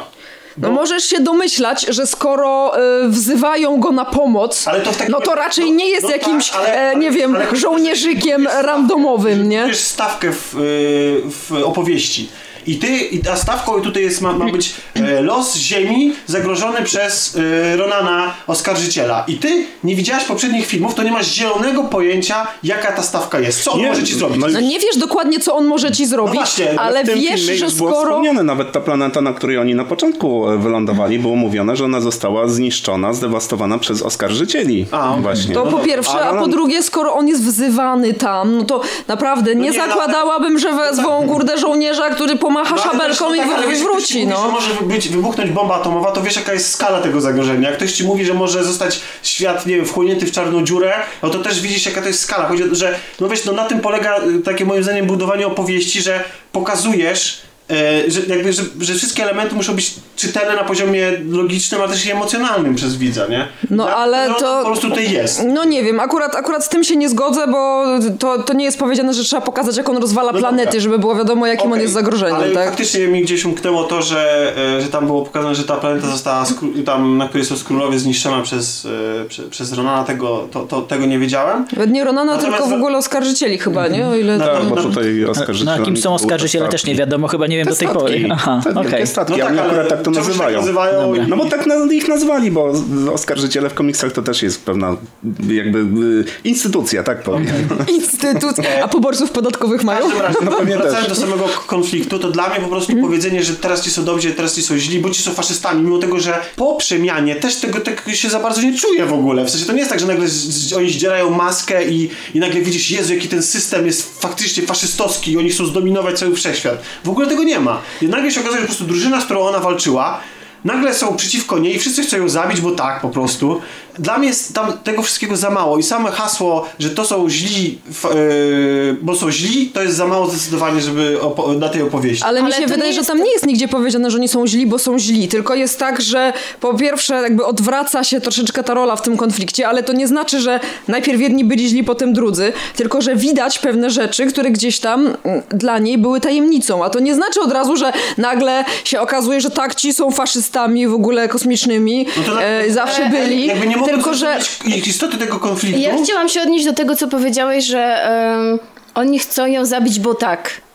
No nie no, wiemy dlaczego chcą ją zabić, ponieważ ona odkryła, co wcześniej się z nią działo i Odkryła odkryła prawdę. prawdę.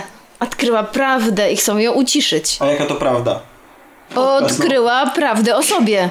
Co jej zrobiono. Kim jest? jest. I co- i co jej I że może, i być może, i że być może ma mocy. Nawet nie być może, tylko na pewno, bo ona o tych mocach przecież wie. Tylko jest y, przez... No ale nie zdaje sobie sprawy, jak ma. Co to w ogóle za Co to moc? Skąd jest, jak wzięła? ma ich używać Tak. i, i co to jest tak naprawdę. A wy dlaczego sobie nie zdaje sprawy?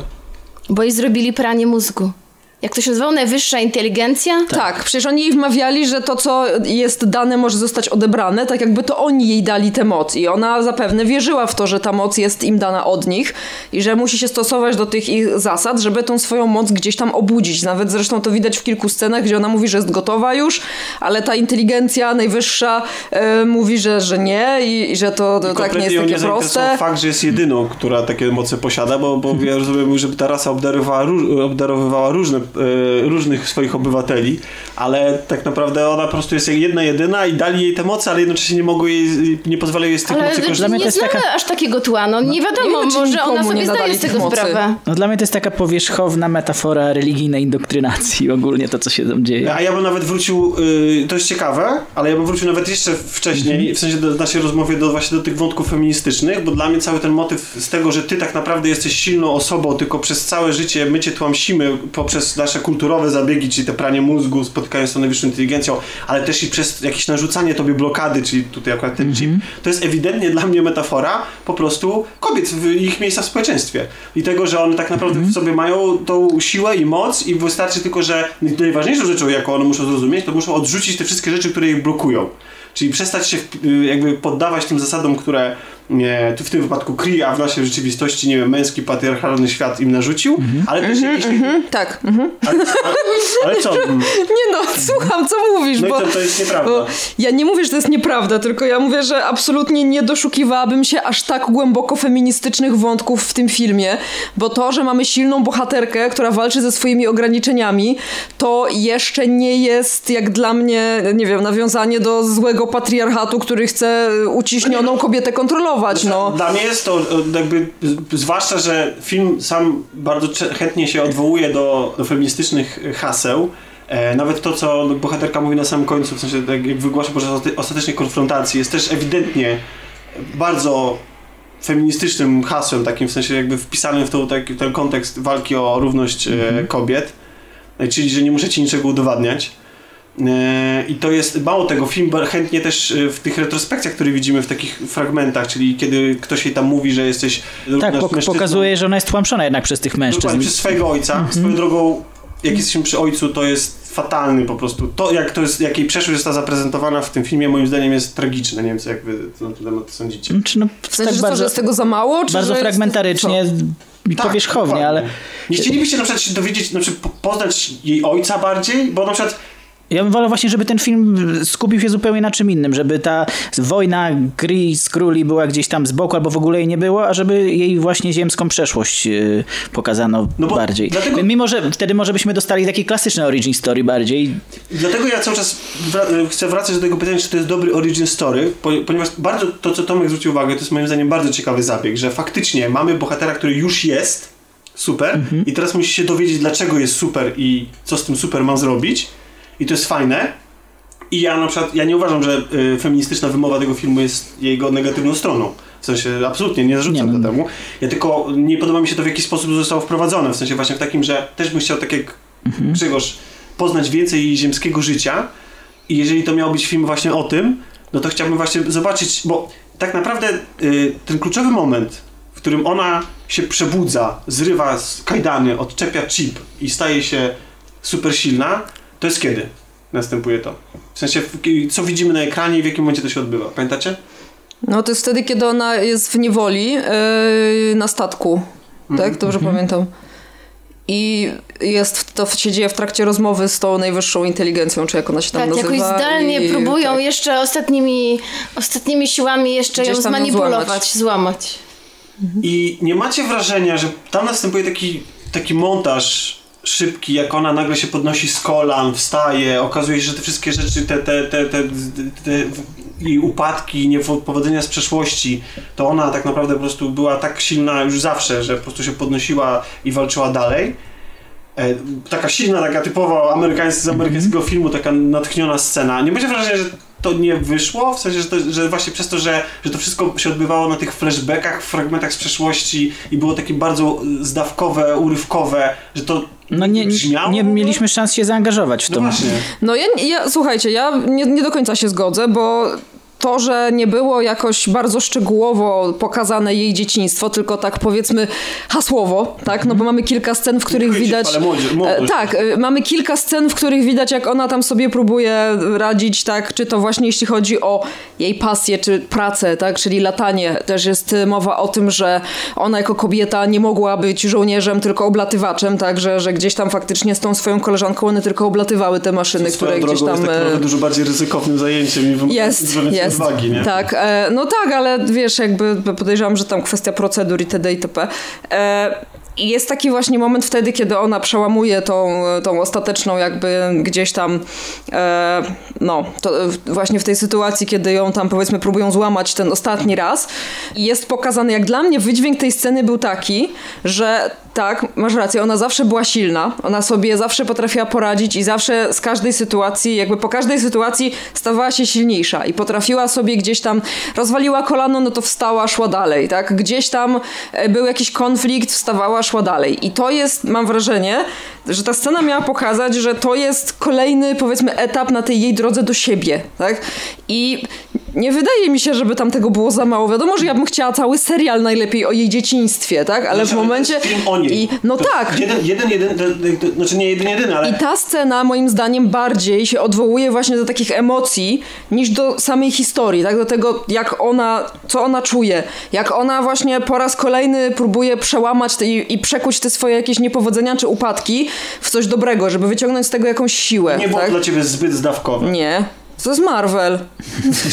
Okej, no ale to, to, to jest... To nie jest argument w ogóle za niczym, no w sensie, no. No słuchaj, ja tak jak mówię, chętnie bym obejrzała cały serial y, tak o jej dzieciństwie i młodości, ale oglądając ten film konkretny, tak, no nie odczułam, żeby tego było za mało. Mnie na przykład interesował ten konflikt Kree i Skrulli. Ja się cieszę, że on tam był, bo mam nadzieję, że zostanie gdzieś tam dalej rozwinięty, bo już był poruszony w Agents of S.H.I.E.L.D., które gdzieś tam kiedyś oglądałam. Co prawda przestałam, bo mnie znudzili, ale pamiętam, że tam jakby podbudówka do tego już była. I wiesz, to, no, no nie wiem, no jakoś tak, no Kasia, widzę, że chcesz coś Tak, powiedzieć. nie, doczekałam aż to koń- Już skończyłam. Bo chciałam się odnieść do tego, co, a, do tego montażu jeszcze, bo już widzę, Mhm. że przechodzimy jakby na, na kolejny temat, że mm, rozumiem ten zarzut mm, i rzeczywiście to była trochę wada, ale była podyktowana jakby formą, jaką wybrali sobie twórcy. Znaczy oni stwierdzili, że pokażą e, jej życie na zasadzie przypominania sobie różnych rzeczy, że ona miała wyprany mózg. Oni sobie wymyślili taką formułę i ona jest moim zdaniem ciekawa, bo jest to coś innego. Coś innego niż pokazujemy jako dziecko było tak, potem dojrzewał, w szkole były takie rzeczy. Więc po prostu poznajemy jej historię na zasadzie odzyskiwania strzępów pamięci. Bohaterka miała... W różnych filmach już były takie rzeczy, że komuś tam wyprano mózg, wykasowano pamięć, nie wiem, Total Recall na przykład. I ktoś tam sobie odzyskuje jakieś tam fragmenciki i coś sobie układa. I to jest pomysł super. Rzeczywiście ponosimy tego koszt taki, że nie możemy tego poznać w pełni. Ale jakby, no, To znaczy- akceptuję to, bo podobała mi się ta forma. A mi się To jest ciekawy forma- zabieg. Mi się, A mi się też podoba, bo to było coś innego. Bo moim zdaniem, my jako widzowie wiemy o bohaterce, zanim ona się sama dowie, dużo wcześniej już od samego początku i to jest dla nas oczywiste. Te, te wszystkie, że ona nie wie, że pochodzi z ziemi i tak dalej. I zaprezentowanie tego w takiej formie, tej niewiedzy bohaterki, kiedy my już i tak wszystko wiemy, jest stratą czasu ekranowego. A to Bo nie jest tak, że wszystko wiemy, bo na początku ja się zastanawiałam, skąd pochodzą jej flashbacki z Ziemi. Czy ona tam była na trochę, czy Naprawdę? miała tam jakąś misję. Na, No, poczo- na początku, nie mówię, że w Wiesz, trakcie. Bo, bo, bo, bo, bo gdybyśmy, bo to co powiedziałaś, y, y, jaki podałaś przykład, doskonały zresztą, e, filmu Total Recall, gdzie mamy bohatera, który nagle odkrywa, że ma, e, w, w, czyli pamięć absolutna, który, który nagle od, jakby do, do niego docierają jakieś wspomnienia i my jesteśmy razem z nim. To znaczy wiemy dokładnie tyle Mhm. samo, co on. I nie mamy zielonego pojęcia i nie wiemy czemu ufać. Własnym zmysłom, jego żonie, najbliższym, kto kłamie, czyjemu się coś wydaje, co jest, co jest No prawdą, dobra, co nie. rozumiem twój zarzut, że my wiemy za dużo, żeby nas to związało z bohaterką. Natomiast w tym filmie jest to przedstawione w taki sposób, że od samego początku wiemy, że ona pochodziła z Ziemi. Że to jest oczywiste i że co się działo, więc nie ma tam dla mnie żadnego zaskoczenia. Znaczy wiemy, bo, bo jakieś znamy zaplecze komiksowe, czy wiemy to z filmu? Nie, w ogóle, w sensie przeczuwasz to, jakby... Na samym początku filmu nie wiedziałam. Ja nie, też nie, bo wiedziałam, ja tej postaci w zupełnie. ogóle nie znam z uniwersum komiksowego. Znaczy, więc i też jakby to. Nie oglądałam specjalnie zwiastunu. w trailerze było nie tylko oglądam. powiedziane, to, to dokładnie pamiętam, że była część tych flashbacków gdzieś tam pokazana i było powiedziane, miałam tu jakieś życie. No tak. To nie znaczy, że ona jest z ziemi. Ja też myśl, ja myślałam, że została gdzieś tam wysłana. Właśnie ja też tak pomyślałam, że może na ona gdzieś, e, zwłaszcza, myślałam. zwłaszcza, że widzimy już na samym początku, że ona ma niebieską krew, bo jest gdzieś tam tak jakaś taka scena, w której widać, że No no sobie coś czyli- przypomina, bo tak? tak to działa, no nie? tak, ale tak to wygląda. Ale chodzi o... tak to działa, że Ronan Oskarżyciel rozwala planetę jednym stryknięciem palca. No come on, Tomek, to jest Marvel. Nie, to- Ale Tomek miał powiedzieć.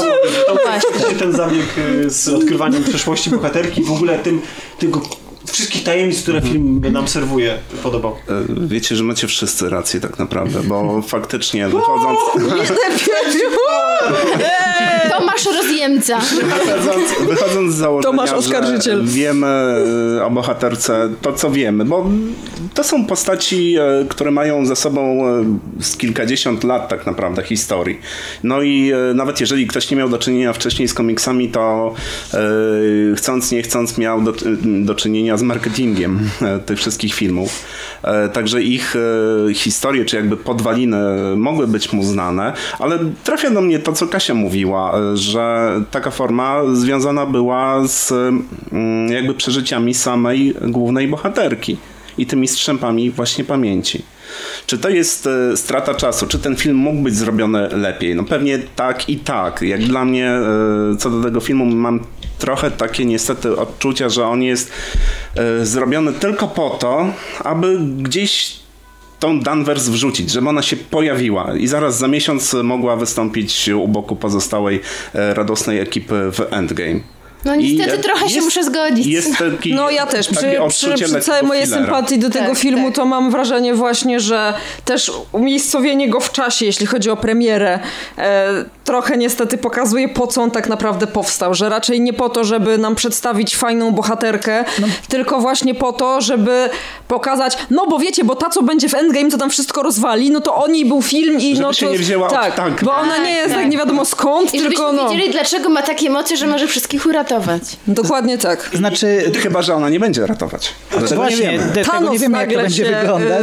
yy, nawróci właściwie jaka będzie, dobra. jaka będzie stawka w tym endgame, ale ten film yy, możliwe, że chcieliby, żeby był czymś takim dla kobiet, chociaż to brzmi jakoś tak może nieładnie za bardzo, tym, co, czym dla czarnych była Czarna Pantera. Tak? Bo pierwsza, pierwszy film Marvela, gdzie, gdzie superbohaterką, gdzie bohaterką jest kobieta i patrzy na to z kobiecej perspektywy. Czyli coś takiego już zrobiło DC przy okazji Wonder Woman, który uważam, że jest lepszym filmem niż Kapitan Marvel, mimo A wszystko. właśnie ja uważam, że nie. Ja też, a a ja z kolei zgadzam się z Gregorzem. Wonder Woman też oceniam wyżej trochę. Co Ja nie, dziwne, ja, nie DC. oceniam, ja nie oceniam wyżej nie dlatego, że DC, tylko dlatego, że Wonder Woman, jakkolwiek jakby uważam, że aktorka jest cudowna w tej roli i jest przefantastyczna i zagrała rewelacyjnie, to Wonder Woman jako postać przez, przedstawiona w tym filmie nadal niestety wydawała mi się taką słodką kobietką, która gdzieś tam e, za tym swoim Chrisem Pine'em uroczym wypatruje Tyle, że tam oczy. chcieli odwrócić ten schemat y, tego romansu, tak? On był tą damsel in distress. A poza tym to, No że ona wiem. jest naiwna, to nie znaczy, że każda silna kobieta ma być od razu... Ale ja Ona tak, ja nie mówię, że tak kobieca, ma być. Ja mówię, że mi się nie podobała jako postać, bo ja pamiętam, że swego czasu właśnie jak czytałam też nie wszystkie komiksy o Wonder Woman, ale strasznie lubię jako postać i ona w większości komiksów też faktycznie była przedstawiana jako taka po prostu silna, zdecydowana kobieta, a ja miałam wrażenie, że bardziej w tym filmie ona była pchana gdzieś tak nie do końca z swoimi decyzjami w to, co się dzieje, że tu się angażowała, tu się angażowała, no ale tak do końca to w sumie nie, nie czułam jakoś tego przekonania u niej, że, że ona tutaj musi o coś No, zawalczyć. ale ona była tam Danvers, trochę- trochę jak dziecko. pchana, tak, trochę jak zdaniem. takie dziecko. Znaczy wiesz, E, Danvers nie- jest w trochę innej sytuacji, bo ona, ona tak nagle odkrywa, że jakby rasa, przez którą uważała, że jest jedną z nich, tak, no jednak nie jest jedną z nich i że w dodatku została przez nich oszukana, więc tu jest też kwestia takiej trochę osobistej, może nie wendety, ale jakiegoś no jest, takiego zawodu, właśnie tak. e, poszukiwania takiego, tak, e, Ja- to jest zupełnie inna motywacja Ale tutaj. Właśnie, jak jesteśmy, jak wróciliśmy z powrotem na ziemię, kapitan Na zie- to chyba raczej nie na ziemię. y, to mówiłaś, powiedziałaś jaka jest y, Wonder Woman, a jaka Mhm. jest nie jaka jest Kapitan Marvel, tylko jaka jest ym, jaka jest Carol Danvers, jaka to Danvers. jest postać? Danvers. Danvers. przepraszam. Denver, ostatni Dinozaur, oj tak. Ostatni kapitan Marvel. No, ale w sensie chodzi ci o to, jaka jest, jaka, jaka Tak, jest scharakteryzowałaś- postać? Scharakteryzowałaś y, te, y, teraz Wonder Woman, nie Mhm. Wonder Woman, tylko jak ma Wonder Woman na imię? Diana. Diana. Diana. Diana, a jak, jaka jest Karol? No to przede wszystkim e, to, co do mnie na przykład bardziej trafiło, jeśli chodzi o Karol, to jest ta sytuacja, że ona jednak ma jakieś takie, ma te ziemskie korzenie i faktycznie jest pokazane, że ona po, każdej, po każdym swoim niepowodzeniu musiała w własnych siłach gdzieś tam próbować się z tego podnieść, tak? I że musiała o swoje trochę zawalczyć. Też jeśli chodzi o to, czym ona się zajmowała, tak? Jeśli chodzi o jej pracę. to ściśnięte do krótkiego, szybkiego montażu. E, No i ja mówię o tym wszystkim, co wyciągnęłam z filmu o niej, tak? Więc to nie jest tak, że ja gdzieś tam to czytałam i to wiem, tylko o tym wszystkim, co zobaczyłam w filmie i co mi wystarczyło, żeby stwierdzić, że ona jako bohaterka mi się podoba bardziej niż Wonder Woman. Bo może to jest też kwestia tego kontekstu, w jakim ona jest osadzona, właśnie tego, że ona jest tym pilotem oblatywaczem, czy tam była tym pilotem oblatywaczem i faktycznie musiała się mocno przepychać i rozpychać, żeby udowodnić, że ona może to robić, no bo to wtedy przynajmniej nie był i zresztą nadal nie jest to zajęcie, które się często powierza kobietom. Do tej pory jest tak, że e, wśród kapitanów statków powietrznych kobiet jest bardzo mało. Są, owszem, ale jest ich bardzo mało. I ja nie wiem, może to też moje trochę zboczenie zawodowe, ale do mnie właśnie trafiło to, co, co fajnie właśnie podkreślił ten montaż, o którym ty mówiłeś, że był za krótki i zbyt zdawkowy. Dla mnie to właśnie emocjonalnie fajnie podsumowało to, jaką ona jest postacią. Że ona właśnie za każdym razem, jak napotyka jakąś przeszkodę, to ona za wszelką cenę walczy, ona nawet jak upadnie, to się podnosi, tak? Próbuje za każdym razem własnymi siłami wyjść z tej sytuacji. Nie jest tak, że nie wiem, ktoś jej pomaga, tak? Że, że ktoś przychodzi jej na ratunek nagle, tak? Tylko ona gdzieś tam własnymi siłami się musi zmierzyć z tym swoim niepowodzeniem albo z tym swoim jakimś strachem, lękiem i ona to musi zrobić sama. Bo tak samo to, to jest też pokazane w tej sytuacji, kiedy ona się wyrywa ostatecznie spod tej sztucznej inteligencji, która ją tam indoktrynuje. To jest po raz kolejny coś, co ona zrobiła sama. Bym bar- a, Nie. No. mm, bardziej bym do tego, e, jak zapytałeś, jaka jest, podeszłabym do tego bardziej przyziemnie, bo ja tu mówię o takich wewnętrznych, bardziej osobowości. No bo mówię o, E, takich, ale, mówię, e, mówię o takich rzeczach, które ale, wiesz, mm, e, to też wybrzmiewa jako bohaterka, nie? Tak, w sensie... tak, ale jasne, i, ale O, przepraszamy. Dla mnie ona po prostu jest taką kumpelką. To znaczy, to jest taka e, dla... Moja wymarzona przyjaciółka, naprawdę. Chyba mówiłyśmy nawet, film, gdzieś pisałyśmy, tak, że chcielibyśmy mieć taką koleżankę. Tak, oglądając ten film po prostu cały czas miałam takie wrażenie, ale fajnie byłoby się z nią jest tam w tych montażach, oprócz, tym podnosz- oprócz tego podnoszenia się i tak dalej, to jest dziewczyna, którą można się napić piwa, z którą można pogadać, pośmiać się, potańczyć, śpiewać karaoke. Ja, ja tego w ogóle nie, nie, nie odczułem. Jak nie, jak tak? były takie To- no to były te sceny, ale no to były jakieś to- przebłyski, które... Panowie, w jaki sposób wy widzicie budowały. Kapitan Marvel w tym filmie? Nie wiem, dla mnie to po prostu była taka, wiecie, dziew... No bo- taka fajna Ja- kumpel, właśnie ja no. też tak pomyślałam. Na, siebie, na siebie barki krytyki. y, krytyka- Na siebie barki krytyki, co? co? krytykę. Okej. E, to ja nie mam pojęcia, jak ona jest. I to jest moja odpowiedź. To znaczy, y, oprócz tego, że jest silną y, bohaterką, bo jest silną bohaterką, bo dlatego, że jakbym nie zauważył tego, to jeszcze mi to jest powiedziane wprost, bo to jest w ogóle to jest najgorsze, co, moż, co można zrobić. Najgorsze w scenopisarstwie, jakimkolwiek, jest to, że nie widzimy na ekranie jakiejś cechy, tylko ktoś przychodzi i nam o niej mówi. I tam jest jej przyjaciółka, do niej podchodzi i mówi, bo To ty jest- zawsze byłaś super silna i super odważna i tak dalej. Dla mnie aktem odwagi jest moment, w którym, w którym ona po wypadku, po tym zestrzeleniu przez Kree e, leży i jakby oddaje życie, e, swoje życie, strzela w ten e, tam zbiornik z tym czy silnik, czy cokolwiek. Napęd. Ten napęd, który ją tam na, napromieniowuje. Motor. E, to, Motor. to, jest, to, to dla mnie jest zachowanie, które ja uznałem jako właśnie odważne, y, takie, w którym ja myślę, okej, wtedy nabrałem do niej y, takiego ekranowego szacunku. Tylko, że w tym filmie to jest jedna jedyna scena, bo te wszystkie montaże super szybkie, to jest kompletnie, to nie, to, to, to dla mnie nie działa na żadnym poziomie. A samo to, że ona się zgodziła na tą misję też do znaczy ciebie nie no- trafiło? No, to, znaczy fakt, no to tak, fakt, że ona jest tym, e, że ona jest y, oblatywaczem, to wymaga takiej odwagi, tylko oprócz tego faktu jeszcze fajnie było widzieć jej te zachowania. Nie chciałbym na pewno, na pewno żeby mi jakikolwiek bohater do, mówił, charakteryzował tą bohaterkę e, do, dla mnie jako dla widza. Bo nie dość, że ja widzę, że ona jest super silna i że ona nawet zakuta w kajdany potrafi walczyć, że, że jest to, to Ale jest weź jedno. pod uwagę, Natomiast że ja- ta... no. Przepraszam. E, Mogę? No. Że ta jej koleżanka mówi jej to w momencie, kiedy ona w siebie wątpi. To jest taki moment, kiedy ona jeszcze nie do końca wie, co się z nią stało, nie do końca rozumie, gdzie te jej wspomnienia, tak jak one powinny być po- no, ułożone. Ona jest w takim momencie, że jest trochę w takim impasie, bo się też dowiaduje, że to wszystko, w co wierzyła, jest kłamstwem, no bo że jednak ci e, tam Jude Law i reszta ekipy to jednak nie są jej przyjaciele, tylko oprawcy tak naprawdę. E, I ona jest w takiej sytuacji, kiedy trochę wątpi we wszystko to, co widzi dookoła, nie tylko w siebie. Myślę, Dlatego przez- jak dla mnie to, że ona, w, to, że w tym momencie ta koleżanka jej mówi, ale poradzisz sobie, zawsze byłaś silna, no to nie jest mówienie o tym, że ona ma jakieś cechy, których nie widać. Nie, no, dla, dla mnie, dla mnie Tomku, czy poleciałbyś w kosmos statkiem przerobionym z samolotu? Ale- Czy to nie jest odwaga? I Dla- no ja bym nie Dla poleciała. mnie, dla mnie to jest, dla mnie to jest y, s, y, ta, ten dialog godny na wspólnej po prostu. A, szczeg- Oj, a, szczególnie, a szczególnie dialog córki z matką.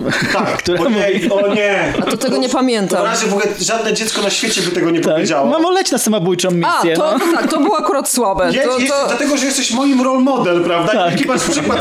Wiesz, to jest to, właśnie... To- ja to- to fakt, to mi się nie podobało. y, Co ten film wnosi y, dla widzów, dla widzek przede wszystkim. Bo to jest na pewno słuszne i dobre, tylko po prostu sposób, w jaki to robi. Dla mnie Carol Danvers jest postacią, że ja jej nie potrafię scharakteryzować. Znaczy, nie jestem w stanie jej polubić, bo ona w każdej scenie jest Nawet zapamiętać jej nazwiska. Nie wiem, em, Oj, No Kasia, ja mam Kasia, podobnie jak Tomek, w sumie nie, nie, mam, nie mogę tu nic dodać, bo mam identycznie. Po prostu ona w każdej scenie mi się jawiła jakąś inną postacią. Kiedy trzeba była mega sympatyczna, kiedy trzeba była twarda, zdeterminowana, ale, ale to jakoś nie tworzyło mi wspólnej Dokładnie. całości. Ona była jak. Ona bardzo często na przykład odwoływała mi się, ja to nawet powiedziałem Tomkowi w kinie, że ona mi przypomina jakby udawała Willa Smitha. Trochę z lat 90. E, że, że, tyle, tyle, że e, w, w uniwersum Marvela są postacie, które są, e, mają, można opisać jednym zdaniem, prawda? Bo wiemy jaki jest Thor, wiemy jaki jest Kapitan Ameryka, wiemy jaki jest Królik. E, wie- Wiemy, jaki jest Kapitan Ameryka? Bo ja właśnie z nim mam problem od iluś tam No, filmów. taki- Ale, na, dobra, na początku To jest było bohater dynamiczny, no. ale Po Civilu, bohater dynamiczny. Wszystko co on robi, po Civil War się zmienił. wszystko co on robi. Oj, oj, oj, oj, oj. No ale wiemy, że taki jest Stark, tak? W sensie... Tak. Że po nim się wszystkiego można spodziewać, ale, ale na pewno... No i, i, i Ale kocha swoich przyjaciół i, chodzi o to, tak, że- to dla nich dobrze. że- Super charakteryzacja postaci. że niezależnie od tego, i- czy te postacie grają smutne sceny, wzruszające, czy załamane, czy żartują sobie, czy dogryzają i tak dalej, to nadal mam, to zawsze pozostawały jakby sobą. W sensie takim, że to jest teraz, nie wiem, Stark jest smutny, ale to jest nadal smutny Stark.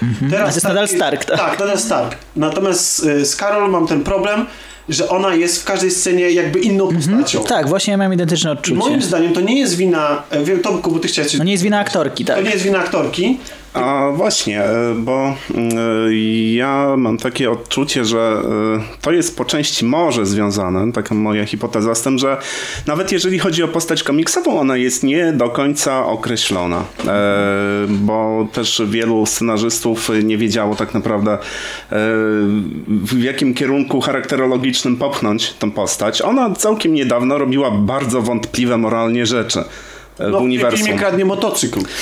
No to o! Trochę, trochę mocniejsze jednak. Schwarzeneggera. I, I po pewnym czasie stwierdzono, że będziemy ją jednak e, usympatyczniać. No szybko, szybko. Później jeszcze przyszedł pomysł e, z tym filmem.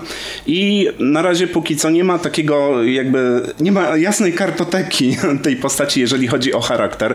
Może to też e, odbiło się w filmie, że no, e, zaczęli się posługiwać tak naprawdę e, bardzo prostymi pojęciami. E, Próbowali to e, jakby zawrzeć, zawrzeć właśnie w tej ekranowej postaci.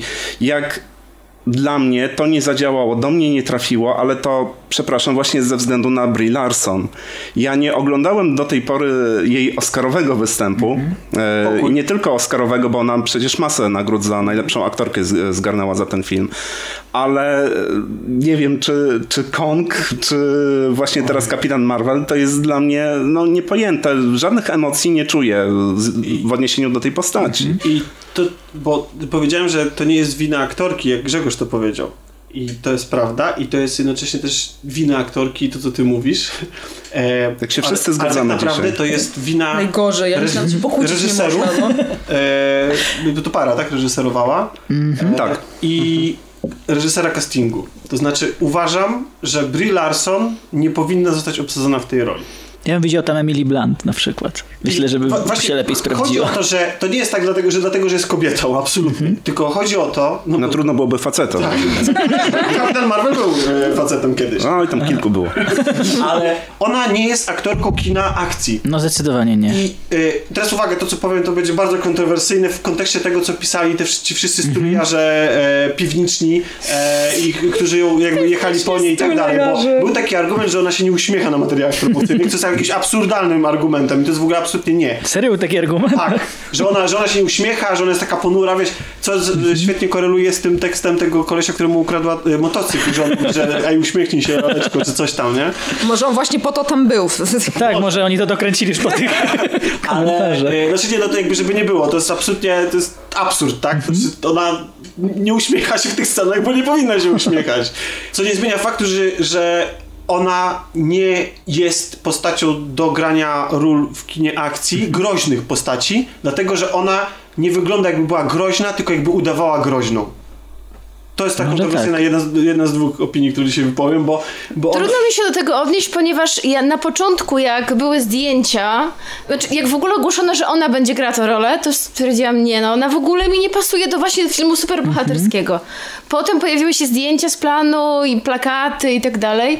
I nadal twierdziłam, nie no, fatalnie.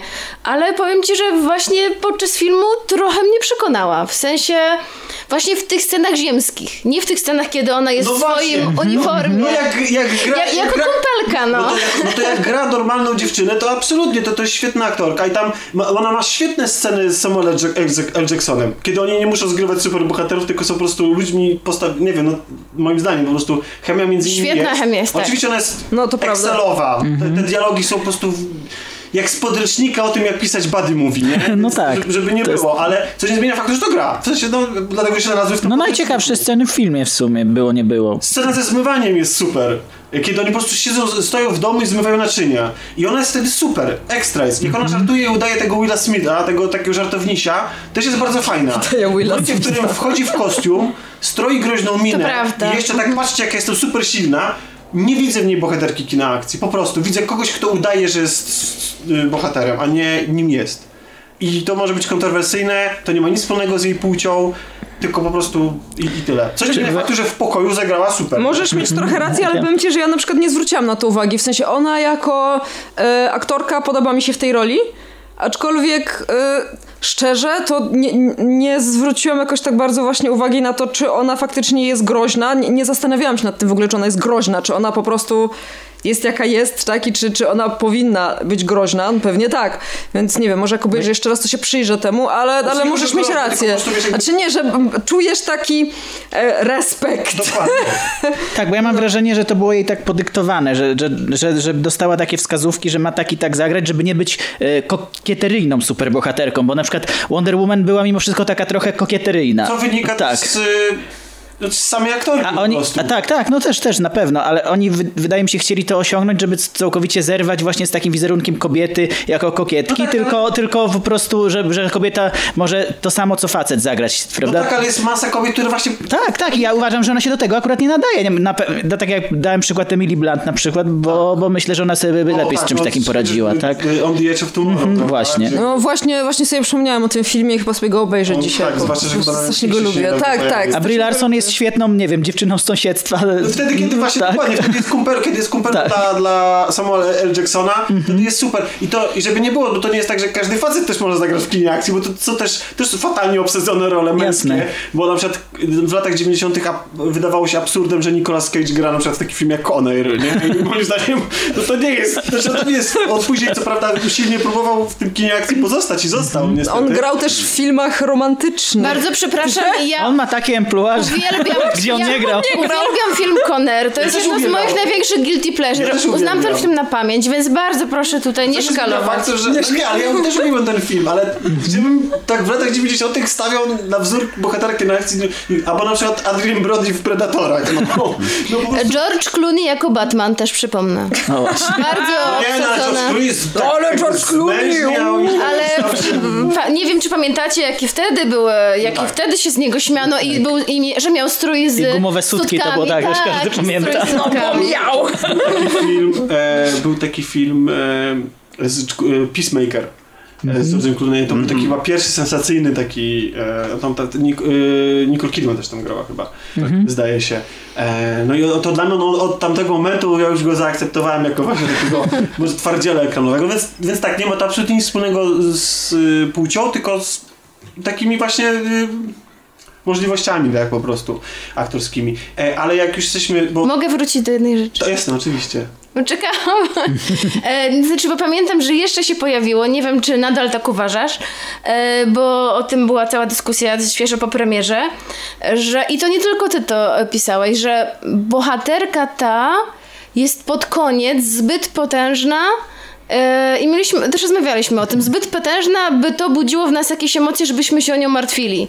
To znaczy, że jest zbyt silna, To ale... też nie ma absolutnie nic wspólnego z jej płcią. Znaczy taki syndrom Supermana jest No, ale właśnie to chciałam powiedzieć, że to jest moim zdaniem odpowiednik e, Supermana. Który jest postacią, przepraszam, ale nudną. I, Ale Superman jest też z kosmosu i też jest super i ma, silny. chociaż ma kryptonit. No właśnie chciałam powiedzieć, że Superman ma kryptonit i podejrzewam, że ona też, e, bo na razie rzeczywiście Też jest bardzo silna. jeszcze nie wiemy, co jest jej kryptonitem, się tak? z Thanosem na pewno się okaże, że jakiś kryptonit ma. Tutaj wypytywaliśmy Tomka Dziela, który powiedział, że... Musiałem już spać. Powiedziałeś, że, nie wiem czy pamiętasz, Alkohol. że jej kryptonitem może być alkohol, właśnie. No właśnie, bo, no, A, bo ja tak. o jednym wątku, bo, y, jak, bo ta Ale- postać ma w, w komiksach dużo więcej Alkohol w sensie, że ona, że ona sobie lubi wypić w, komiksowej Oczywiście, wersji. że tak. Ona ma du dużo wspólnego tutaj z Tonym Starkiem. E, Oboje są alkoholikami po prostu. Mhm. Ale patrząc po tym, co zostało pokazane tutaj, nie, ta wersja nie. Nie ma takich Disney słabości. przejął Marvela, to wszystkie te drażliwe tematy zostały Mhm. łagodzone, bo przecież Tak myślicie, że nie, no, może się Tony to Stark pojawić? przed, no. przed Avengersami był y, playboyem, otaczał się kobietami, lubił bardzo wystawne i hula, hulaszcze życie. Tego to w ogóle kompletnie No. zniknęło później. Iron Man 3 był poniekąd o jego alkoholizmie, więc... No. Ale przecież e, akcja tego filmu się toczy w latach 90. A Wtedy nie pili Avengersi jakoś w miarę współcześnie, więc co się działo z nią w międzyczasie? No nie Może wiadomo. Latała po kosmosie, tak? Mogła się roz- ro- rozpić. nie Rozwiązywała konflikty wielu galaktyk. Ale to nie chodzi tylko o alkoholizm, bo cały wątek z ojcem tak jest też dużo bardziej, dużo lepiej poruszany w komiksach. I To znaczy, e, mocniejszy. to jest jakiś ojciec taki molestujący, bijący? E, Tak, ale to e, teraz e, pojawiły się e, jakby kolejne, jak, najnowsze serie, bardziej poruszają też historię z jej przeszłości. Ja Nie jestem w tym aż tak bardzo e, rozeznany, ale e, jednocześnie jest trochę jej origin zmieniony, bo okazuje się, że na przykład jej matka tak naprawdę była Kree. Hmm. Co wiesz, to już trochę ten zmienia też cały, No tak. e, całą Ale to, postać. To by na przykład tłumaczyło, że... Niebieską krew. Niebieską krew. Ale wiemy, Nie że- transfuzja. Ale wiemy, że to nie to. Ale też e, słabością takich bardzo potężnych postaci z reguły są osoby im bliskie. Czy No tutaj właśnie. możemy mieć z tym do czynienia? No, właśnie, do różnie czego może mamy być. To, mamy, y, mamy kapitana Nygusa w polskiej wersji. Ojej. Nie y, kapitana, tylko to jest lutenant, tak? Lieutenant Porucznik. Trouble. Porucznika. Porucznik, po, porucznik Trouble.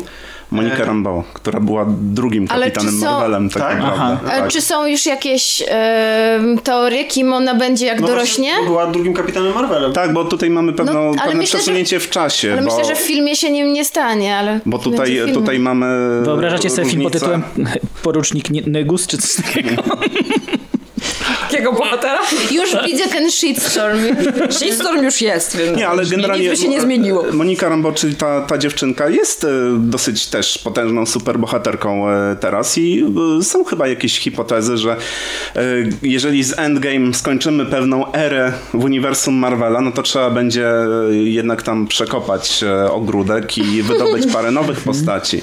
Które, I tutaj mamy już jakby świetny zalążek ku temu. No, Mamy jest też e. Spidermana nowego przecież. Mówiliśmy o tym, że e, Brie Larson niekoniecznie e, do kina akcji pasuje, a to jest jednak kino superbohaterskie i trochę prania po pyskach to tutaj jest, trochę mordobicia. No i to jest... I jak wam się te, te sceny podobały? No- cała, bo tutaj mówiliśmy też o, o, o Tak. tym, że ona jest przedobrzona pod względem mocy. Mi to w ogóle nie, nie przeszkadzało. Aha, właśnie, przepraszam, jeszcze tylko jedna rzecz, Dobrze. zanim do tego przejdziemy. Bo ty, Kasia, mówi, że ona jest, że tak samo... Superman też jest nudny, ale to coś ciekawego w Supermanie i to, co nawet Snyder próbował zrobić, to było fajne.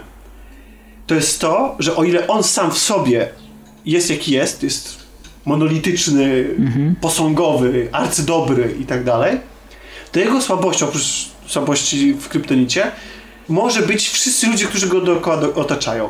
I patrzenie i portretowanie reakcji ludzi na jego moc, to, że nie uwierza- wielbili go jak zbawiciela, to, że on się stawał symbolem narodowym, to, że można było przeciw, że, że ktoś, ktoś się go obawiał, że na początku go traktowano jako obcego. Te wszystkie wątki są, jakby, są, są ciekawe tak. wo, wobec postaci o super, no i też co, jak on ma się zachowywać, jak, w sensie nawet ten wątek, nie znoszę tego wątku, ale znaczy, idea jest fajna, tylko on jest źle poprowadzony, czyli wątek Kenta starego, który, e, który czyli Kostera, który, który go uczy, e, w sensie, który boi się, że jak ludzie po, poznają jego prawdziwą naturę, to, to, to, to, to, to będzie dla niego jakimś zagrożeniem. Tutaj tego nie ma po prostu. No ale, silna już. ale Tomku, Superman jest postacią, która wystąpiła już w kilkunastu chyba filmach i która Tak, jest jakby... ale- A jak- Już ile o No nim tak. już historii poznałeś? No tak, tylko że jak wygląda origin Supermana? Właśnie wygląda w idealny wręcz sposób. Modelowy wręcz. Że przyjeżdża ktoś, kto dowiaduje się o swoich mocach, uczy się, uczy się nad nimi panować, musi się zmierzyć z otaczającą go rzeczywistością, musi prowadzić podwójne życie, żeby móc, żeby chronić swoich bliskich. Mhm, Ale ogólnie, jeśli chodzi o takie omnipotentne postaci, no to, to można to jednak poprowadzić interesująco. Na przykład przypomnijcie sobie e, Strażników i e, doktora Manhattana. Najsilniejsza postać we wszechświecie, Tak. nie? I, i, i, i, i, i, więc tak, więc to, to nie jest dla mnie problem, że ona jest super e, silna. Problemem jest dla mnie to, jak to super siła jest przedstawiona na ekranie. A jest po prostu, mo, moim zdaniem, nieinspirująco i wręcz nudną po prostu.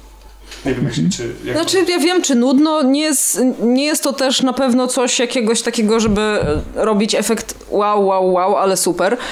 E, ale tak sobie myślę, że mówiąc na przykład o tym, jaki origin story ma, czy tam Tony Stark, że oni są takimi bohaterami właśnie, to, to trochę w nawiązaniu do tego, co Kasia mówiła, oni też już mają za sobą kilkanaście filmów, w których No był czas na to... tak, nie? nie, chodzi mi o to, że w których był czas na to, żeby ich pokazać jako bohaterów, tak? I e, po pierwszym filmie, na przykład po pierwszym Iron Manie, okej, ja byłam w stanie sobie gdzieś tam określić, jaką postacią jest Tony Stark, ale za to na przykład po pierwszym Kapitanie Ameryce e, no nie do końca. A to też właśnie była postać, która gdzieś tam tak była potężna. No ale Też to nie był gdzieś udany tam- film. On się no, rzucił na granat, chroniąc kolegów, to już to jakby więcej mówi o tej postaci niż... Ale wiecie co, bo już Jasne, po- godzinę rozmawiamy o Właśnie, tym, jaka jest Danvers, jest- analizujemy, a tak naprawdę... A. Moim wątek, zdaniem- Wątek tych scen akcji. No dobra. Bo tam jest... Bo tam jest Bo chciałam coś jeszcze a propos tego filmu innego, nie tylko o niej, ale to... Nie, to jasne. to- To Ja tak- też jeszcze chciałem. Jasne, No oczywiście. widzisz, to... a już godzinę ją analizujemy. No, No taką właśnie. psychoanalizę dostała jak nigdy. Dobry, jak ci się podobała e, scena głównej bitki z oddziałem komando? e, na Mówisz o tej na końcu, tej jakby w kulminacyjnym prawie że momencie. No tak, I'm tak. just a girl. Tam nic y, nie było widać, co się dzieje. Było ciemno, światła na ścianach, które dodatkowo ten kontrast jakby podbijały. No, nie wiem, no takie kino lat 90. pewnie. Właśnie. Gorzej, bo, bo najgorsze jest to, że i za chwilę do lat 90. Nawet nie kino, a telewizja. A, że, tak, że to było fatalnie zmontowane, źle nakręcone, a najgorsze jest to, że ktoś tam wrzucił piosenkę, to jest pełno, e, popową, e, I'm Just a Girl, która może gdzieś w wymowie, w sensie w treści może gdzieś tam pasuje, ale totalnie nie pasuje tonem do tego, do tej sytuacji. Bo jeżeli to miało być lata 90., I'm Just a Girl, to powinno być bardziej kolorowe, jasne, ta scena, ja sobie tak wyobrażam.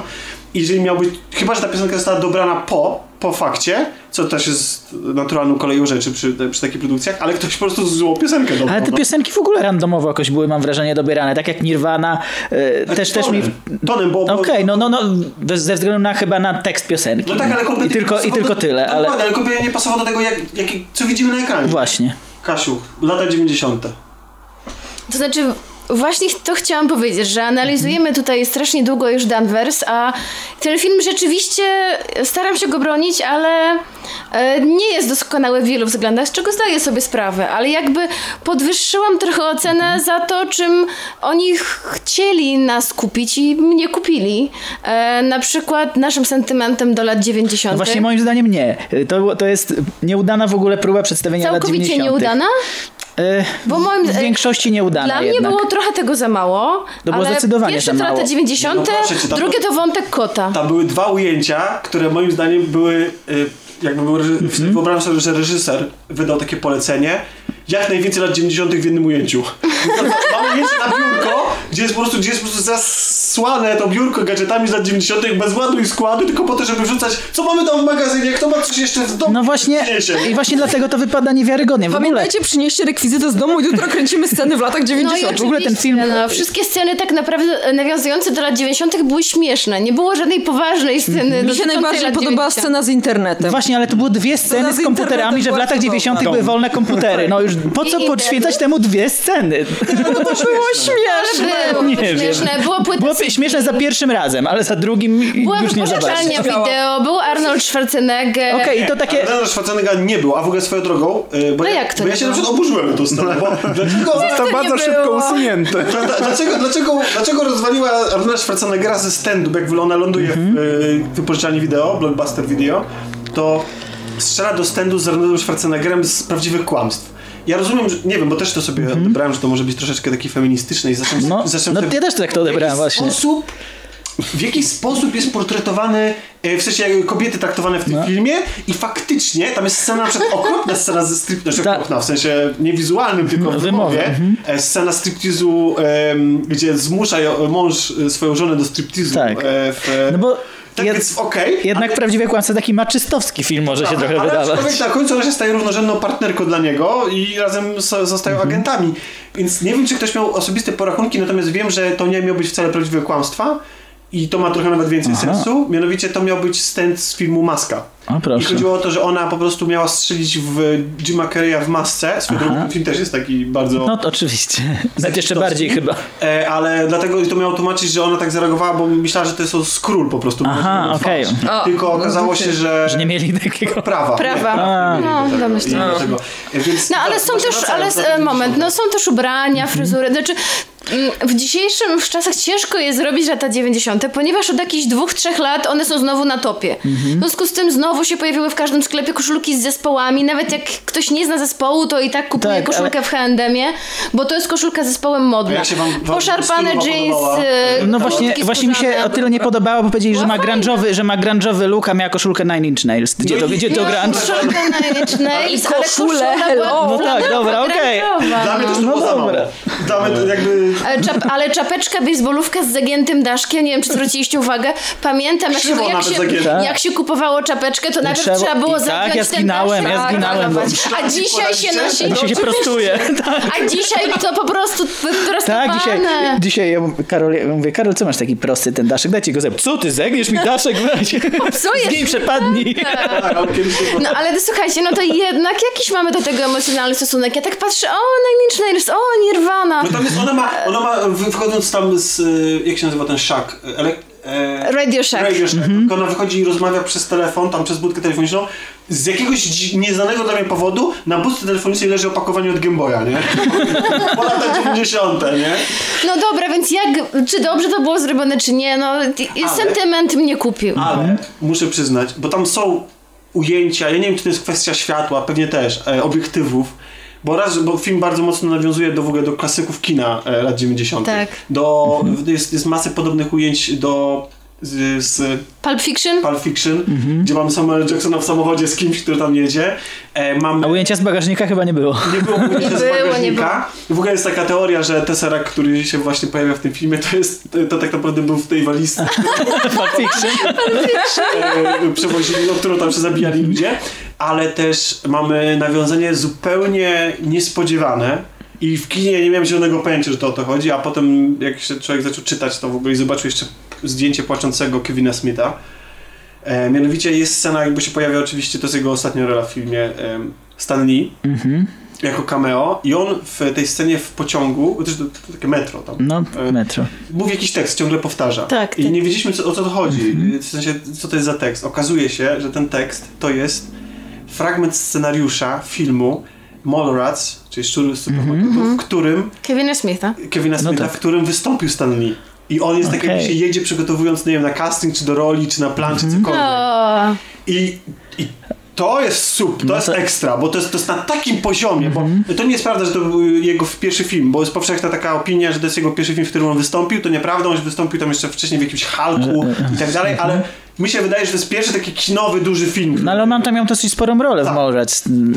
Więc i to, to takie nawiązanie do lat 90., czy nawet... No okej, no właśnie, no dobra, tego nawet nie wyłapałem. Absolutnie, to jest w ogóle totalny Bo to było- sz, sz, szacunek. I jak widząc Samuela L. Jacksona i w ogóle całą policję i w Mhm. ogóle te, w kanciastych samochodach amerykańskich tamtego okresu, jeszcze w, w takim, takim sraczkowatym kolorze, no przed oczami miałem wszystkie zabójcze bronie i wszystkie te, te filmy, na których my się wychowaliśmy, więc trochę tego klimatu tam jest też fajnie przemyconego, nie? No i jest przede wszystkim Samuel L. Jackson, który akurat należy do wszystkich epok świata.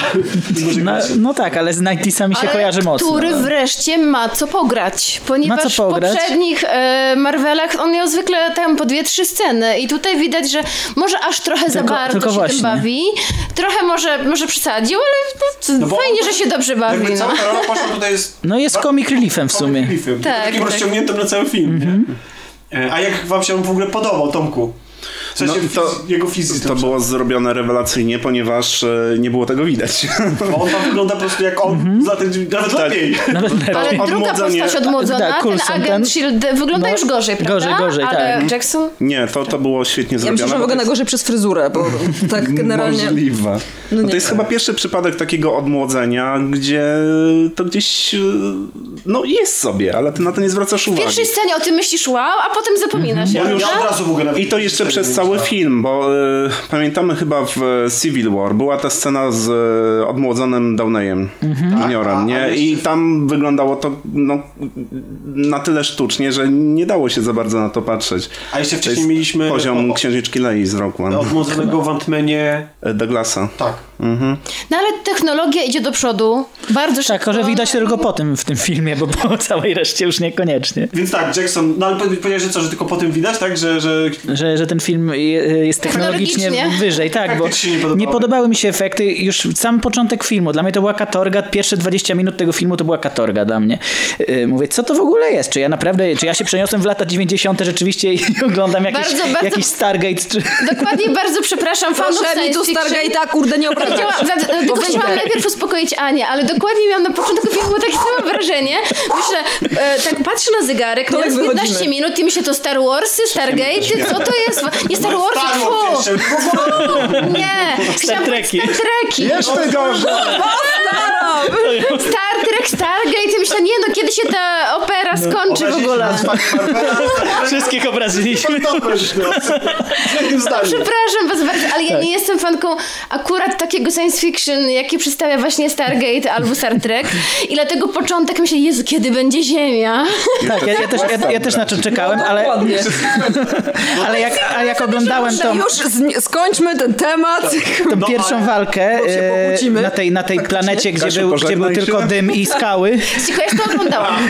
To też takie budżetowe Tak, tak, właśnie to było bardzo budżetowe i mówię, rzeczywiście, no kurczę, albo taki hołd właśnie dla tych seriali lat 90., albo coś jest rzeczywiście nie tak z tym filmem. No później już było coraz lepiej, ale Ale... ale mi się na przykład bardzo podoba sam kostium y, Kapitan Marvel. I w ogóle ten, ta cała scena, gdzie ona sobie gdzie ona sobie koloruje ten koloruje kostium. razem z... y, No to było- y, kap- Kostium jest super. To Aż, ciekawe, aż już tak. chciałam sobie nawet kupić bluzę, ale zobaczyłam, że jest cała z poliestru i nie kupiłam. Ale właśnie jest taki wzór To fajny. też jest scena, w której właśnie Brie też ma fajną chemię z tą dziewczynką i w ogóle, bo jest zwykłą dziewczyną Mhm. po prostu, która sobie dobiera kostium, e, a nie tą super twardą zawodniczką.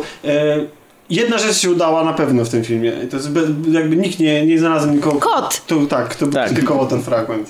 To jest kot. Tak, no zgadzam się. Grany przez czterech aktorów aż. Tak? Tak. O, tego nie wiedziałem. O, I Cztery kotki różne? Tak, i kolejna ciekawostka. Um, Brie Larson jest uczulona na koty, w związku z tym grała z maskotką albo z jakimś tam... E, Ojej. Rozumiem jej ból.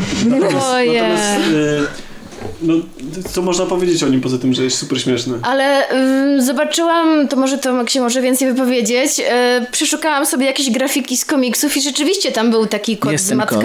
On nie dość, że on jest tam, to ten pomysł tych macek też już jest z komiksów No, wzięty. to nie kot, to flerken.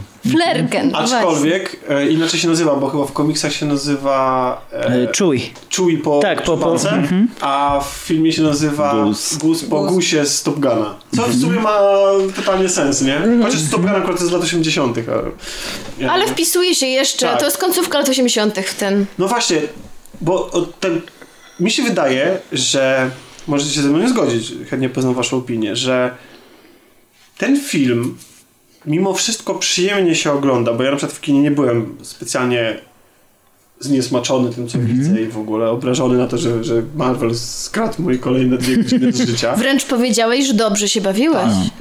Ponieważ film ma, film jest zabawny, mnie on śmieszył. Ma bardzo, kiedy trzeba, je bywa emocjonalny. Znaczy, kiedy trzeba, zdarza mu się być. Jest ta scena rozmowy z, między Karol i jej przyjaciółką e, i ona jest taka nagle, że ej, to działa. W sensie ja kompletnie nic o nich nie wiem, a one siedzą przy stole, bo znowu okazuje się, że, że Brie Larson świetnie gra w tych scenach, kiedy nie jest super No właśnie, to mógł być film obyczajowy w sumie. Był lepszym filmem obyczajowym. Dlatego, że te wszystkie niedoskonałości są szpachlowane i przykrywane toną humoru i tego, że i tych wszystkich rzeczy, które są wykalkulowane na to, że na nas będą działały i działają i one są super. W sensie właśnie no, super, mniej lub bardziej, ale w sensie, że się na nim można dobrze bawić. Tylko, że na końcu, koniec końców, mówiąc o tym filmie, rozmyślając o nim, czy pamiętając o nim, najfajniejszą rzeczą i w ogóle wszyscy jak wychodzą z kina, to co mówią? Kot. Kot, to jest, że kot jest super, kot jest w ogóle rewelacyjny i tak dalej. Po czym siadamy teraz tutaj przy stole, rozmawiamy o tym filmie i powiedzieliśmy o tym kocie, że kot jest super, to jest koniec. Co mam... Możemy powiedzieć więcej, nie no mam tak, nic przeciwko. ale nie, no tylko, że tak naprawdę, tak naprawdę nie ma. Nie ma, nie ma co mówić więcej, tak? I, I to jest coś, co jest jednocześnie, jakby co pozwala temu filmowi, e, pozwala widz, widzom się dobrze bawić na tym filmie, a jednocześnie jest, pokazuje, że ten film moim zdaniem, w mojej opinii nie jest dobrym filmem po prostu. Nie no, ale to jest chyba cecha charakterystyczna w większości filmów Marvela, że one nie są dobrymi filmami, ale nie są też złymi filmami. Ale są, Są fajną niektóre- są rozrywką, niektóre, są są fajną niektóre rozrywką, filmy. zabawą. Tak, no. są niektóre jakby- filmy złe, są niektóre filmy dobre. Bardzo dobre nawet. E, no, to już się zaczyna działać prawo statystyki. Tak. Mamy 20 filmów. To jakiś dobry się znajdzie. Które w tych ogonach rozkładu się znajdzie. Aczkolwiek jest pewna, no może nie wiem, bo chciałem powiedzieć, że, że jest pewna zależność, że im bardziej lud, y, przyziemne te filmy są, tym są lepsze. No, ale akurat- Iron Man czy... Tak, akurat, ale akurat najlepszy był moim zdaniem najbardziej kosmicznym filmem, bo, Czyli bo Go- Goddess of the Galaxy, tak. Tak. Ale tak, ale to dla mnie to jest, tak, to jest dla mnie przykład, y, ten film to jest przykład tego, jak pisać postaci. Mhm. Jak, jak, jak sprawiać, że to wszystko ma emocjonalny sens. Jak, jak pisać wątki. Tam też nie jest wszystko jasne. nie, no jasne. i też ma- Nie jest wszystko dobre też. Tak, ale to nadal jest, uważam, że gdyby wybierać taką średnią, to tak, to jest film, w ogóle, to jest jedyny film, do którego w ogóle chcę wracać i go oglądać y, y, kilka razy. Nie? To prawda, to jest jedyny film, rzeczywiście, to jest jedyny film Marvela, na którym byłam w kinie dwa razy, bo na wszystkich innych byłam tylko po jednym razie. Jeszcze Ja nie byłem na Infinity War dwa razy. ale oglądałam go faktycznie kilka razy i za każdym razem mam z niego taki sam ubaw. I podobny jeszcze jest case, przynajmniej w- moim przypadku, ze Spider-Manem tym nowym, który mi się też strasznie podoba. Ale w sensie, ale... Marvelowym. Marvelowym? Marvelowym, tak. okej. Ja, ja mówię o Marvelowym w sensie, że właśnie Guardians of the Galaxy i jeszcze właśnie bardzo mi się podobał ten nowy Spider-Man. Mam twoją grę. A propos Yo. Spider-Mana. Weź sobie ją z torby. Eee, dobrze, Ale kończymy. Co? Kończymy, tak, bo chyba- Coś jeszcze dodać? No, no Nie, tak, chyba zapomnę. ja Ale chyba kończymy nie. w ogóle? Czy... Nie, kończymy o, Mar- o Kapitan O Jezu, Marvel. wreszcie skończmy. Chyba- tak. Tak, w, Chyba swoją drogą chyba robotach ni, i- ni, ani razu nie tak. pada y, w stosunku do Brie Larson określenie Kapitan Marvel. Tak, jest Marvel, tam Mhm. dyskutują... e, Tak, Marvel, jak się akcentuje. Aha, w ogóle nie Marvel. o e, Mendelsonie. No właśnie. Jak to nie powiedzieliśmy? Powiedzieli... Znowu nie ma pieniędzy. Ja powiedziałam, że był, o- że był zawsze Jako antagonista, Że tak? był zawsze obsadzany jako antagonista. Uwielbiam go, e, odkąd obejrzałam Królestwo Zwierząt, gdzie był takim antagonistą, że aż się go nienawidzi w tym filmie, ale był genialny. Jest to aktor, który po prostu nawet jest charakterystyczny, nawet mając gumową maskę na Tak, twarzy. właśnie- Po prostu głos i takie typowe seplenienie Tak, jego, tak. które wcale nie przeszkadza. Absolutnie musisz obejrzeć serial Bloodlines. Tak, ja właśnie chciałam, do, do tego zmierzam. Tylko bo dwa śmialiśmy sezony. Się, śmialiśmy się Dobrze, kiedyś oglądając właśnie Dobrze. Bloodline, że e, Ben Mendelsohn to najczęściej, jeszcze gdzieś go tam w jakichś filmach widząc, to śmialiśmy się z, z Alkiem, że to jest aktor, który zawsze gra postaci, które nie mają pieniędzy. A, o, I potem, potem były, tak, i potem były Gwiezdne Wojny i był taki inside joke, że o, w końcu ma pieniądze. Ale ja, właśnie- nawet, ja nawet nie wiem, czy Królestwo Zwierząt nie polecałam w którejś z pierwszych kolaudacji. I miałeś też obejrzeć ten film. Jest to świetny Nie. film. Ale naprawdę. Bloodline faktycznie, Kasia, myślę, że ci się spodoba, w sensie faktycznie, no pierwsze dwa sezony. No I moim zdaniem, bo y, ja go porównuję często do Christophera Waltza, bo to też Tak? jest taki, bo to też jest taki ym, no tak, bo on też tak zasłynął takimi y, rolami z Woli, ale mam wrażenie, że Waltz niestety jest za bardzo Waltzem zawsze, w sensie takim, że albo te role, albo prowadzenie go, albo... Jego się chyba z niemiecka czyta, Waltz. Waltz, Waltz? okej, Waltz? ale no w każdym razie jakby, że, że Mendelssohn jest ciekawszym aktorem, lepszym po prostu, że, że, że też gra tych zawsze z Woli, tych współczesnych, ale z jakiegoś powodu oni zawsze są trochę inni. Trochę, trochę to może po prostu trafia na lepsze role napisane lepiej. Ja powiedziałem, że się dobrze bawiłem, powiedzcie może jakieś słowo końcowe. No ja się średnio bawiłem, zapomnę pewnie za tydzień, że to widziałem, oprócz kota. Ja się bardzo dobrze bawiłam w tę koszulkę z Kapitan Marvel, tak jak Kasia mówiła Ja o już bluzie. powiedziałam, to... że znalazłam sobie bluzę, Tak, dokładne no. odwzorowanie jej, e, jej munduru, ale ponieważ ja bardzo nie lubię poliestrowych ubrań, więc nie kupiłam, ale znajdę sobie jeszcze jakąś inną. Ja sobie koszulkę kupię. chętnie kupię i, i fajnie było, podobało mi się. Tomku? Y, Nie ciągnie mnie, żeby drugi raz to zobaczyć, ale prawdopodobnie to jest film, który mm, pewnie wypadałoby zobaczyć przed y, kolejnymi Avengers i no pewnie nie będzie nikt żałował, że na to pójdzie. Jeżeli Jeżeli No pójdzie. nie, bo aż tak, aż tak źle to tam nie jest, jasne. Natomiast Rozmawiałam dzisiaj z moją nastoletnią uczennicą, która przyszła do mnie na korepetycję, której ten film poleciłam w zeszłym tygodniu. Obejrzała go i była zachwycona. Ale tak samo u mnie w pracy, jak pytałam ludzi i pozdrawiam ludzi ode mnie z 16-letnia pracy, którzy też generalnie są dość wkręceni powiedzmy w, w Marvela i chodzą na te wszystkie filmy i gdzieś tam sobie dyskutujemy często też o nich, to ci, którzy byli, to oczywiście nie było tak, że zachwyty i najlepszy film Marvela w historii, ale wszyscy mówili, że bardzo fajny, że, że się uśmiali, że się dobrze bawili, że w sumie taki przyjemny, lajtowy i, i tak To jest film generalnie. skrojony do tego, że No można to się dobrze Bo to bawić. się dobrze Tak. ogląda. No, ja Tak, nie, nie, właśnie, nie, do, właśnie dobrze się go ogląda. To jest, to jest myślę właśnie Tak. lepiej oddaje to niż powiedzenie, że jest fajny. Dobrze się go ogląda i nie jest jakiś przydługi, także myślę, że... No może pomijając pierwsze sceny w kosmosie. Jakoś nie przeszkadzało, Moim- ale, ale... Moim zdaniem jest na pewno lepszym filmem niż Czarna Pantera. E, że- I Ultron. Inaczej, na, pewno, na pewno się lepiej Oj, Ultron, Na pewno się lepiej na nim bawiłem niż na Czarnej Panterze. I w ogóle odsadzał kilka długości nawet mimo tych wszystkich wad e, takie dzieło jak Ant-Man 2. Po prostu, w sensie drugą część, tam Okej. Ant-Man i Osa. To, No. jakby to, to jest... y, To mnie, jeden z niewielu filmów Marvela, których nie widziałem. Teraz powiem też, nie musisz. Ja dwie widziałam i tak się czuję właśnie jakbym nie widziała, bo on Okej. nic nie wnosi generalnie. Uwielbiam Jakoś tego aktora, Pola Ja też. Rada. I tylko E, on mnie ucieszył w tym tak, filmie. Tak, no jakby- tylko dla niego oglądałam ten film. Natomiast powiem... Ja lubię Evangeline Lilly, ale Tomek, ja muszę iść, przepraszam, ale muszę spadać, bo pierwsze jestem głodna, po drugie jest późno już. Muszę No, ale no, wiesz A proponowałam pierogi. tak brutalnie nas opuszczasz? Właśnie już jak ja zobaczyłam, że ty proponowałaś, to już, Już już, było było, po. za Już późno. było, no. się Więc ja się słuchaczami. żegnam. Anna Nowak, dziękuję bardzo. Oglądajcie Miłość, Roboty i Kłamstwa. Śmierć. Tak, Czy tam tak e, Dziękuję, na razie. Na razie, pa. Tomku, dziękuję Ci bardzo za przybycie i za nagranie. Dziękuję wam za uczestnictwo również. E, Grzegorzu Narożny, to, to będzie lat. e, Grzegorz Narożny się teraz pożegna. tak, dziękuję wam bardzo. Ej. Do usłyszenia. Totalnie musimy sobie zrobić e, odcinek o Kobo- Cowboy Bebop. E, Tomek, ja muszę siusiu. no to się pożegnaj, no. To była Kasia Katka Porębska. Pożegnasz się, czy już nie mogę? Tak, Dzisiaj motyw toaletowy jakoś taki... żegnam się. Dziękuję. Do widzenia. I to byłem ja, Tomek Pieniak. Do usłyszenia w następnym odcinku. Papa. Pa.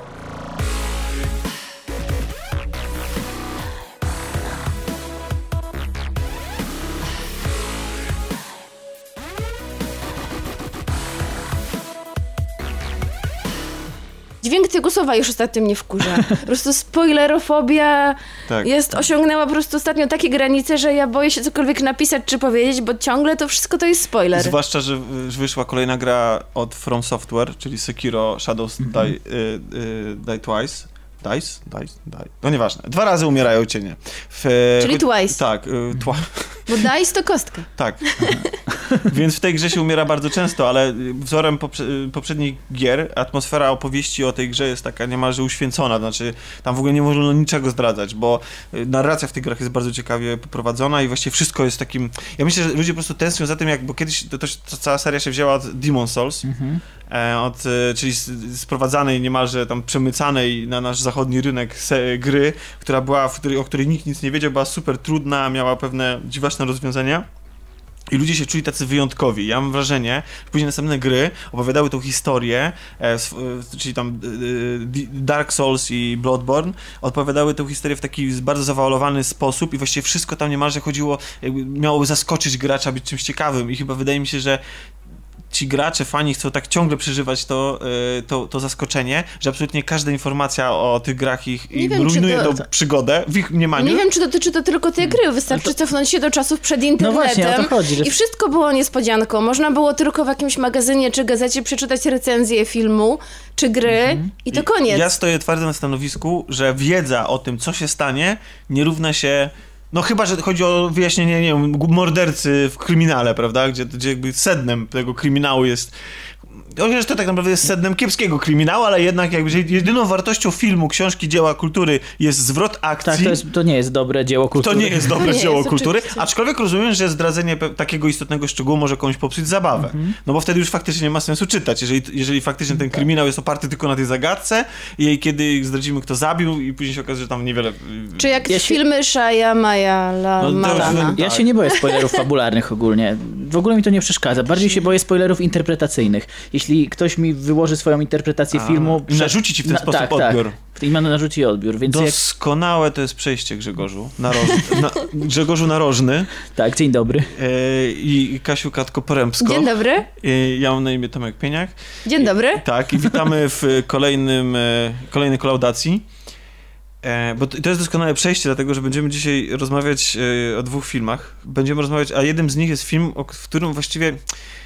No właśnie, ja tu mówiłem, że spoilery to w ogóle się nie boję i w ogóle, a z drugiej strony chciałbym przestrzec na- naszych słuchaczy przed nadmiarem informacji o tym filmie w sekcji niespoilerowej, ponieważ mam wrażenie, że dużą jednak e, istotną rzeczą, e, jakby wartością tego filmu jest to, że przystępując do lektury nie wiemy nic i jesteśmy zaskakiwani i jednocześnie szukamy tych wszystkich możliwych interpretacji wydarzeń, bo one nie są takie oczywiste i nie, takie, nie są takie wprost niektóre te rzeczy nam podane. I dlatego właśnie im mniej tak paradoksalnie wiecie, drodzy słuchacze, o filmie, który się nazywa As, albo to my, jak chcą polscy dystrybutorzy. dokładnie, nie wiem czy to chodzi o jakby jest jakaś e, sentyment może do polskiego filmu, to my, ale chyba nie. Właśnie, dlaczego nie po Który pod prostu wieloma, my? pod wieloma względami był nawet straszniejszy niż, e, ni, niż my. Ja nie wiem dlaczego my nie. Może... Wydaje mi się, że, znaczy nie wiem, czy to o to chodzi, ale w momencie, kiedy wpisałam na film Łebie my, okazało się, że to jest za mało znaków. Trzeba wpisać trzy, żeby jakiś film odnalazło. W, W takim razie tym, film to też nie powinien mieć racji bytu. A nie ma żadnego wiem, podtytułu? wpisałam my, to nie To znalazło się. historia... cho- Nie, nie ma Okej. właśnie. Historia klauna. Historia, prawdziwa historia klauna. Teraz będzie miał tegoroczny y, to rozdział drugi.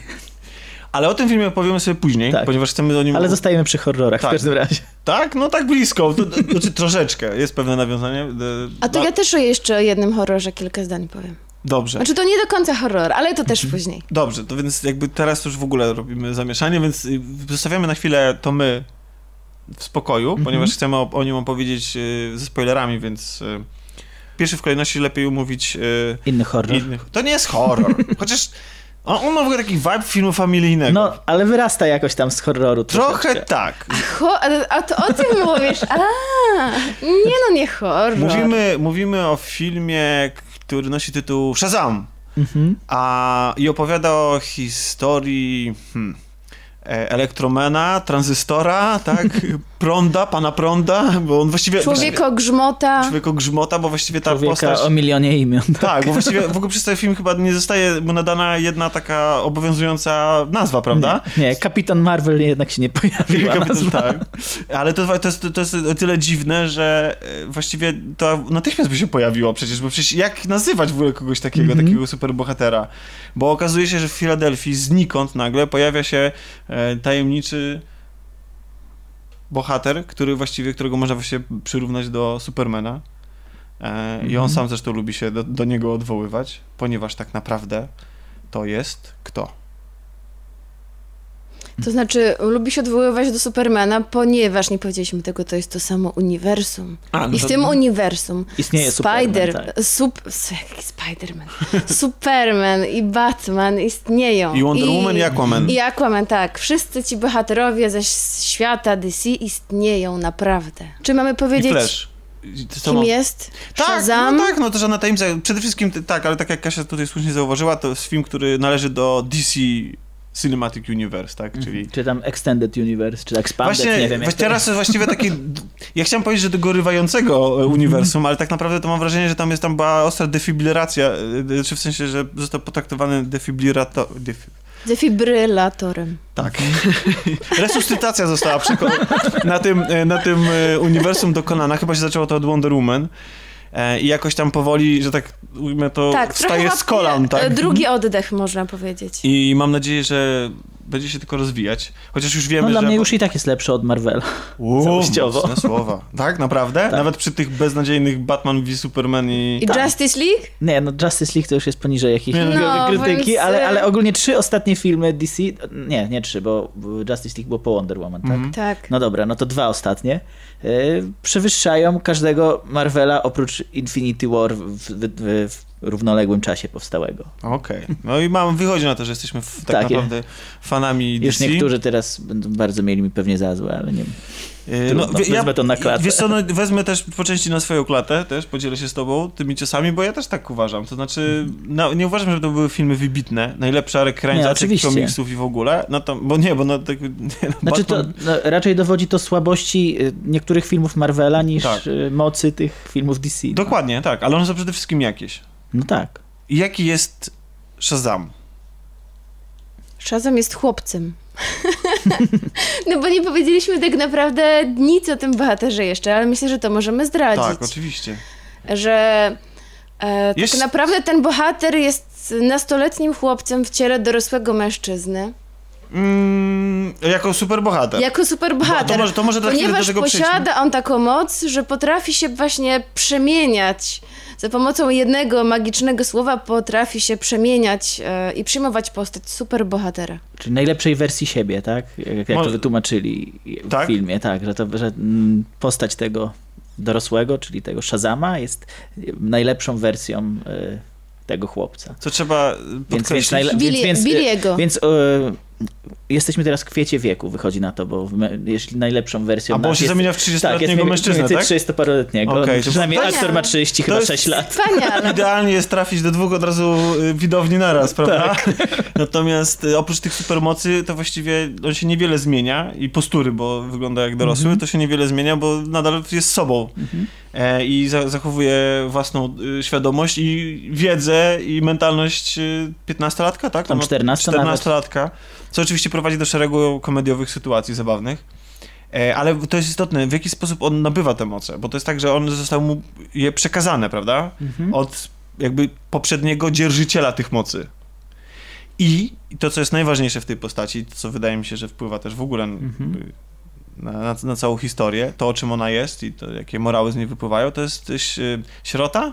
No, y, chłopak, który całe życie się tuła mm, Po, po rodzinach zastępczych. po rodzinie. Znaczy nie do końca No nie sierota jest może. sierotą, tak, ale no e, jako małe dziecko zgubił swoją mamę i Mhm. jest przerzucany z rodziny do rodziny z tego powodu, że cały czas ucieka. Tak, a jego bo życiowy- cały czas szuka Mhm. swojej A mamy. jego życiowym celem jest tą mamę odnaleźć, więc dlatego cały czas ucieka. Tak. I kombinuje z takim cwaniaczkiem trochę taki... I też rodzina tutaj w związku z tym jakby on bardzo jak był kilkulatkiem e, stracił swoją mamę, i, a do żadnej kolejnej rodziny się nie przywiązał i rodzina dla niego nie jest żadną wartością. Znaczy on czegoś szuka, Szuka ale sam nie wie rodziny, czego, tak? ale sam nie wie czego, tak. Nie wie czym będzie ta biologiczna rodzina, Mhm. a te rodziny zastępcze dla niego nie przedstawiają żadnej wartości. I taką ostatnią niemalże szansą dla niego, nie wiem, chyba przed po, e, jakimś poprawczakiem, czy jakimś domem dziecka w ogóle tra- tradycyjnym, jest rodzina, e, do której trafia na pewnym etapie i która go przyjmuje z otwartymi ramionami, szczerą miłością, Znaczy, która on- jest dosyć y, Jest tam liczna. wspomniane, że to jest rodzinny dom dziecka, czyli on nie jest, zostaje e, przez nich wzięty jako do rodziny zastępczej, tylko oni właśnie prowadzą taki rodzinny dom No, dziecka. Piotr Franceski tam się Tak? pojawia. Nie? Jezu, jaki suchar Grzegorz. A, że rodzina zastępcza, okej. Już myślałem, że dubbing robił czy coś, ja nie, nie, nie, nie dosłyszałem takiego charakterystycznego głosu. Okej, tak. A wie- wiesz co, prawdę mówiąc, to, to ma bardzo dużo wspólnego z rodziną zastępczą, Tak. bo ona się charakteryzuje tym, że są tam dzieci e, w różnym wieku. Tak, wielorasowe. Wielorasowe. E, totalnie... Tak mi się skojarzyło właśnie. tak, e, każde z nich jest inne, ale gdzieś tam razem się dogadują, no i próbują tego Bilego zaadaptować, prawda? Jak zaado- zaadoptować i zaadaptować. Tak. To znaczy oni e, jakby, myślę, że to dla niego jest trochę dziwne i cięż trudne do zaakceptowania, że oni mu dają właśnie taką war- bezwarunkową, no może jeszcze nie miłość, ale taką przyjaźń, akceptację. Po prostu jaki jesteś, takim cię bierzemy i, i spoko.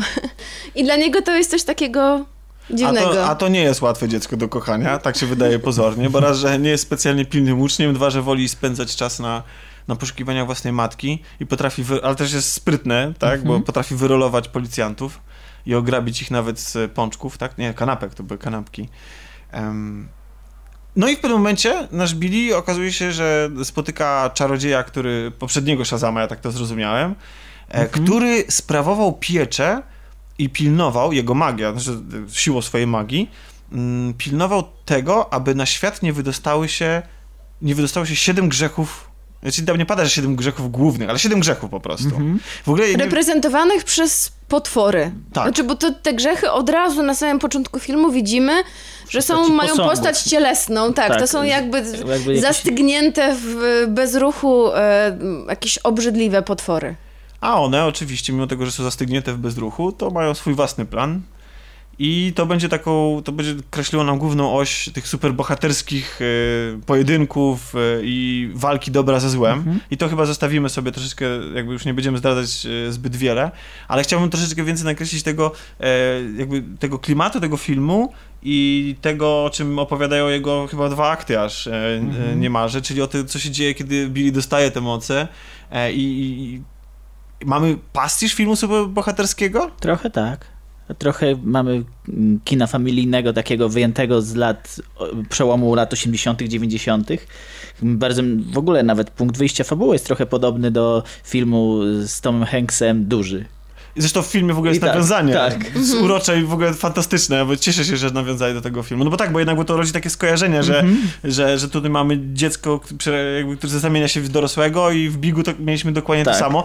Bo nawet powiem szczerze, że, że niektóre problemy i, jakby, i rzeczy mm, i wątki się powtarzają, tak? No bo jak, pi- pi- pierwsze co, co jak dziecko co może zrobić, żeby zamienić się w dorosłego, czy po zamieniu się w dorosłego, to korzystać z tych uciech, które dorosły może korzystać, ale chyba niespecjalnie to im przypada do gustu Tak. e, dzieciakom, ale to jest y, ten cały, jak wam się podoba cały ten proces Znaczy- y, odkrywania mocy, uczenia się? Bardzo podobało mi się to, że on e, nie zachowuje się jak superbohater w tym względzie, że to, że stał się dorosły i, i że ma takie ciało i te wszystkie moce, to nie znaczy, że on od razu stał się super prawy i super dobry i od razu chce pomagać uciśnionym. Właśnie nie. Na początku Mhm. on chce korzystać z tych mocy dla, dla własnych korzyści i to nie tylko, żeby Dla napić się alkoholu. wyświetleń na YouTubie. Tak? tak, tak. W czym pomaga mu zresztą jego nowy brat, y, przy, y, przyrodni, z rodziny zastępczej. Nie tylko wyświetlenia, bo on po prostu pobiera opłatę za Tak. selfie. Za selfie, ale za robienie sztuczek I za różnych, robienie sztuczek. strzelanie z, z palcy, bo do tych mocy należy między innymi strzelanie piorunami, latanie, bycie super silnym, super, Super szybkim. szybkim. Więc on właściwie, ja mam wrażenie, ja nie, znam, ja nie znam w ogóle genezy tej postaci. Ja nie wiem, kim ona miała być. Wiem, że kiedyś się nazywała Kapitan Marvel, ale później to się zmieniło i teraz mamy inną Kapitan Marvel, o której wspominaliśmy na klaudacji, ale mi się wydaje, jak w, tej, w tym filmie chociażby, jakby, że to jest taki właśnie pastisz, taka próba sparo... To jest trochę, trochę Deadpool, ale tak delikatnie tylko, bo Taki, to... taki Deadpool PG-13 właśnie. Tak? Młodzieżowy Deadpool. Młodzieżowy, w sensie pozbawiony tych wszystkich Tak, nie, nie, nie ten Deadpool wulgarności. PG-13, który wyszedł jako, jako okrojona wersja. to wolę Tak. właśnie w takiej formie. Tak, znaczy w sensie to, jak już powiedziałem, że to jest trochę Deadpool, no nie chciałbym być zjedzony za tą opinię, bo faktycznie to jest tak, że może trochę na wyrost jest ta opinia. Natomiast jest on równie śmieszny, albo bardzo dużo stawia y, y, ciężar na, na, na tą komediową stronę y, super Tak, jest żartów sytuacyjnych, słownych. Jest mnóstwo, jest naprawdę zatrzęsienie, przynajmniej przez pierwsze dwa akty filmu, a nawet w trzecim, który się robi bardziej dramatyczny, cały czas pojawiają się żarty. No i e, ja się bardzo dużo śmiałam, Piotrek tak samo, cała widownia naprawdę rżała i wszyscy wychodzili bardzo e, o, o, z bananem na U twarzy. mnie, u mnie było to samo, ale co ciekawe, taką anegdotkę wtrącę, y, że jakaś, nie wiem dlaczego, ale jakaś pani y, zwracała uwagę ludziom, że się śmieją na sali w kinie. Naprawdę? Tak, tak, powiedziała, dlaczego wy się śmiejecie, przecież to nie jest zabawne. A to były dzieciaki, czy... No tak nastolatki raczej. Ale to było zabawny moment. Tak, ja się śmiałem. Może nie tak głośno jak te dzieciaki, ale... Może my wszyscy jesteśmy tak naprawdę takimi dzieciakami, jako nerdy A pani, pani tak była około pięćdziesiątki i wyglądała na to, że przyszła na ten film w ogóle sama, więc... O, No, okej. jeśli jest scena, że na przykład, może nie wiem, potwory gonią Mikołaja Mhm. i Mikołaj krzyczy i się boi, to może dla to pani może. to było straszne, a dla mnie to może być śmieszne. Może I tak. dla pani mówi, no dlaczego się śmiejesz z biednego Mikołaja? No przecież Nie, no tam tam były dużo śmieszniejsze sceny, aczkolwiek jak teraz tak... Ale rozmo- chodzi o to, że próbowałam Tak, sobie może- wyobrazić, właśnie- jaka scena dla pani Tak, mogła być jasne. nieśmieszna. Niestety nie pamiętam, przy której scenie ona tak wybuchnęła. Albo może ale... dzieci kupiły piwo, to też jest bulwersujące. Może. No może to No jest tak, ale, ale ta, akurat ta scena jest bardzo edukacyjna, prawdę mówiąc, więc właściwie, właściwie wszystko tam jest takie, e, nawet jeśli oni robią coś złego, to ja, ja mam, akurat to jest fajne w tym filmie, że ta moralność jest taka względnie pilnowana, w sensie takim... Względnie bardzo nawet bym powiedziała. Mhm. To za każdym razem nawet każda najmniejsza wiadomość bardzo wybrzmiewa, jest bardzo wytłumaczona, ale to też nie jest takie, że to jest tylko powiedziane. To jest Mhm. podbudowane i fabularnie, i tym, co mówią bohaterowie, co robią, e, jaki jest Mówisz tego o morałach. wynik. Tak, w naprawdę ogóle. bardzo konserwatywny film. Właśnie też mi się to kojarzy, jego wymowa i w ogóle taka e, budowa tego filmu kojarzy mi się e, właśnie z latami 90 80 gdzie te filmy były takie bardzo robione pod morał. No tak, tak, Mhm. bo tutaj bo wydaje mi się, że właśnie że to jest coś, co, co ja zgubiłem oglądając Spidermana od Mhm. Marvela, bo dla mnie porównanie tych filmów jest bardzo... Mm, może nie takie oczywiste, no ale ja chętnie bym je porównał właśnie ze względu na to, że... No, że rzeczywiście, bo to jest podobny typ superbohatera jakby. To, tak, dziecko, E, które dostaje supermoce i ono musi się nauczyć odpowiedzialności. I tam też był wątek rodzicielski, który tam No to- wiem, że nie za bardzo ci się Ale to podobał. akurat, ale wątki rodzicielskie dotyczą absolutnie każdego superbohatera. W ogóle nawet, nawet mieliśmy chyba, nie, nie pamiętam z kim rozmawiałem e, o tym ostatnio, ale mieliśmy e, właśnie taką rozmowę, że to właściwie jest znaczące dla superbohaterów, bo oni zawsze muszą mieć problemy z rodzicami. Co rzeczywiście, to, oczywiście to jest dlatego, że odbiorcy superbohaterów głównie to są dzieciaki, które mają pewnie jakieś problemy z, z rodzicami, ale ci rodzice albo nie żyją, albo w, jakby wybuchnęli razem z planetą, albo są zastępczy, albo e, jesteś adoptowany, No albo ich nie znasz Znasz tak jakiegoś superbohatera, który ma normalnych, nie wiem, rodziców, czy, czy żyje w normalnym związku, czy cokolwiek? O, już wiem, z Pawłem o tym to? rozmawiałem, bo Paweł przywołał e, Miss Marvel. I, Kto i jest Miss... Marvel? A, widzisz, to jest, jest taki, jest taki, jest, jest, y, Miss Marvel to jest, to jest dziewczynka, która dostała supermoce od Kapitan Marvel. Okej. ogóle. E, Jeszcze nie została zekranizowana, natomiast jej problemy z rodzicami są zupełnie normalne. I wiesz co? Miles Morales ma normalne relacje z rodzicami. W sumie tak. W, Ale z wujkiem już nie za bardzo. No to No wujek tak. jest jego... tak, ty, ty to y, pięto achillesową. Właśnie, o tak chciałem A powiedzieć. to faktycznie, ale tak, ale ci klasyczni bohaterowie wszyscy tak na pierwszy rzut oka mieli te problemy. E, I mm, właśnie, bo mówiliśmy tutaj o tym, że to jest zabawny film, ale jak teraz, jak, teraz jak, jak, jak szukałaś przykładu zabawnej sceny, Kasia, Ale szukałam z przykładu zabawnej sceny, którą, która mogła sobie. zbulwersować e, panią. a jak a podasz przykład zabawnej sceny, która jest, która ci utkwiła w pamięci? Cytatu, tekstu? A Ostatnia- widziałaś ten film wczoraj, nie? Tak. Ostatnia scena po napisach. Nie, ale Eee, poważnie, w sensie i tekst, tekst, sytuacja, i, i, bo ja podałem, znaczy mogę podać przykład z piwem, prawda? Nie, że, no, że oni tak, kupują o tym- piwo, a później się, i są oczywiście bardzo szczęśliwi z tego powodu, a potem się okazuje, że to piwo niespecjalnie im smakuje, nie? Znaczy ogólnie cała, e, sama postać tej e, małej dziewczynki, tej Darli, tak? Ona się nazywała, to była takim comic reliefem, która, tej rezolutnej małej dziewczynki. Tak, aczkolwiek jej było dosyć mało, nie? Mało, tak? Ale, ale przynajmniej na mojej sali... Cała rodzina była zbudowana z takich dość e, śmiesznych, charakterystycznych, Mhm. bardzo jed, no, dość jednowymiarowych postaci. Tutaj oczywiście dla graczy pewnie dość bolesne jest stereotypowe przedstawienie chłopca gracza, który po prostu nie widzi nic poza ekranem swojej gry, swojej konsoli czy swojego laptopa. No ale to, to też było śmieszne. No, ja się No ale jak, jak grasz w gry, to czas. automatycznie zostajesz hakerem, więc... to A, no i. Prosto, oczywiście, a, no tak, i już. jeszcze hakuje. Oczywiście. Znaczy, znaczy, ja nie mam pretensji o to, że ta rodzina jest taka, że te postacie są jednowymiarowe. Trochę mam. Właściwie to trochę mam, bo to, to za chwilę do tego przejdziemy. Mhm. Ale, em, ale tak naprawdę no to, to chyba na tym trochę polega w takich filmach, żeby po prostu żeby pokazać ich różnorodność, że każdy tam się charakteryzuje określonymi cechami i nie ma tam miejsca za bardzo na rozbudowanie tego.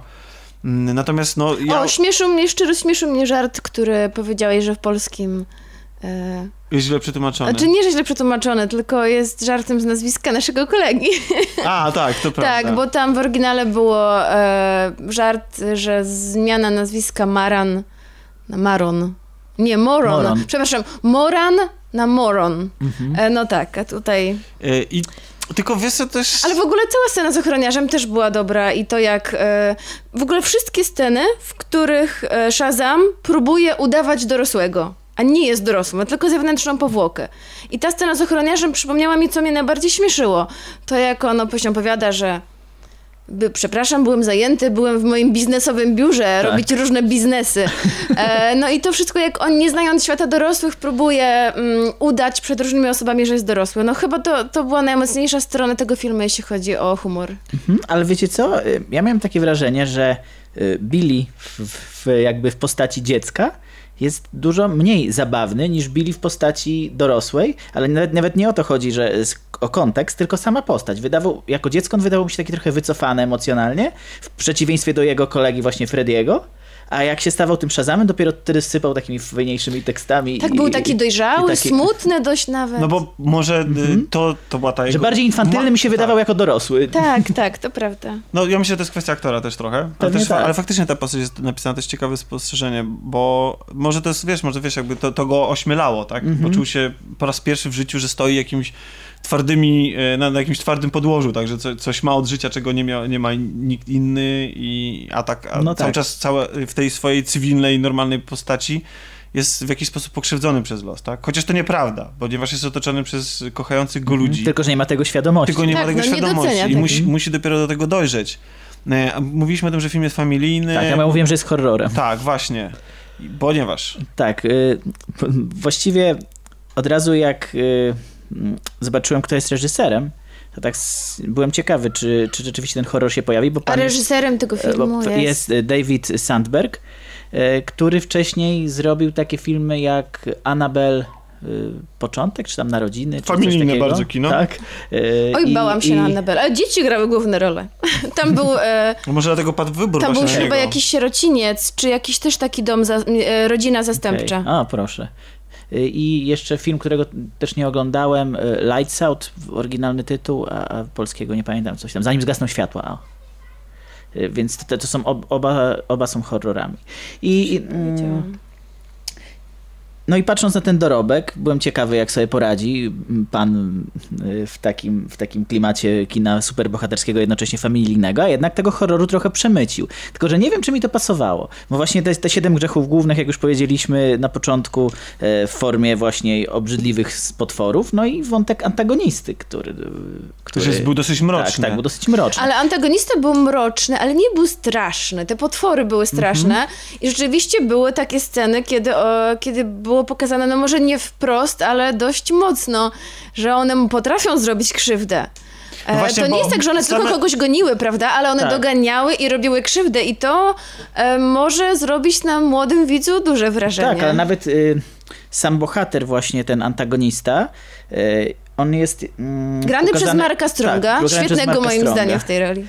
On jest pokazany jako bardzo bezwzględny człowiek, tak nawet wobec, wobec swoich bliskich. No, Tak, to, jest, tak, to prawda. Tam, tam, tam, są, tam są rozgrywane bardzo brutalne sceny, chociaż nie zawsze widzimy tą brutalność na ekranie, ale w domyśle. Ale- ale w domyśle. Że mamy, mamy scenę, w której jeden z potworów odgryza komuś głowę Mhm. i nawet nie wiem, czy, czy, my, czy, czy my to widzimy, czy ja sobie to dopowiedziałem, ale E, To jest Taki- tak taki- pokazane przez ułamek sekundy, Tak. ale I widzimy. mamy też scenę, i to była dla mnie pierwsza taka, takie pierwsze, taki znak ostrzegawczy, że może faktycznie to nie jest film dla najmłodszych. Mhm. To jest scena, w której jeden z potworów wyrzuca kogoś przez okno. Z, takiego A ja, już, już, już wieżowca. wcześniej miałem taki sygnał, jeszcze zanim się te potwory pojawiły, jak y, ja- jakaś kobieta pod wpływem tamtej mocy rozpada się na kawałki, tak? Y, tam to jest pop, Tak, tak, I tak, to też było, tak, to prawda, ale to jeszcze było takie w stylu takich Avengersów, Tak, tak, coś tak, tam, to coś tam, a, ale- a tutaj, wiesz, taka śmierć, taka wyrzucenie żywego człowieka, wiesz, bo tam magiczne jest. roz, rozpylenie się No. gdzieś, ale tak, ale to było I te też... potwory to nie są jak takie te pocieszne duchy z Ghostbusters, No nie, tylko właśnie. takie naprawdę Takie takie obrzydliwe mocno. demony właśnie.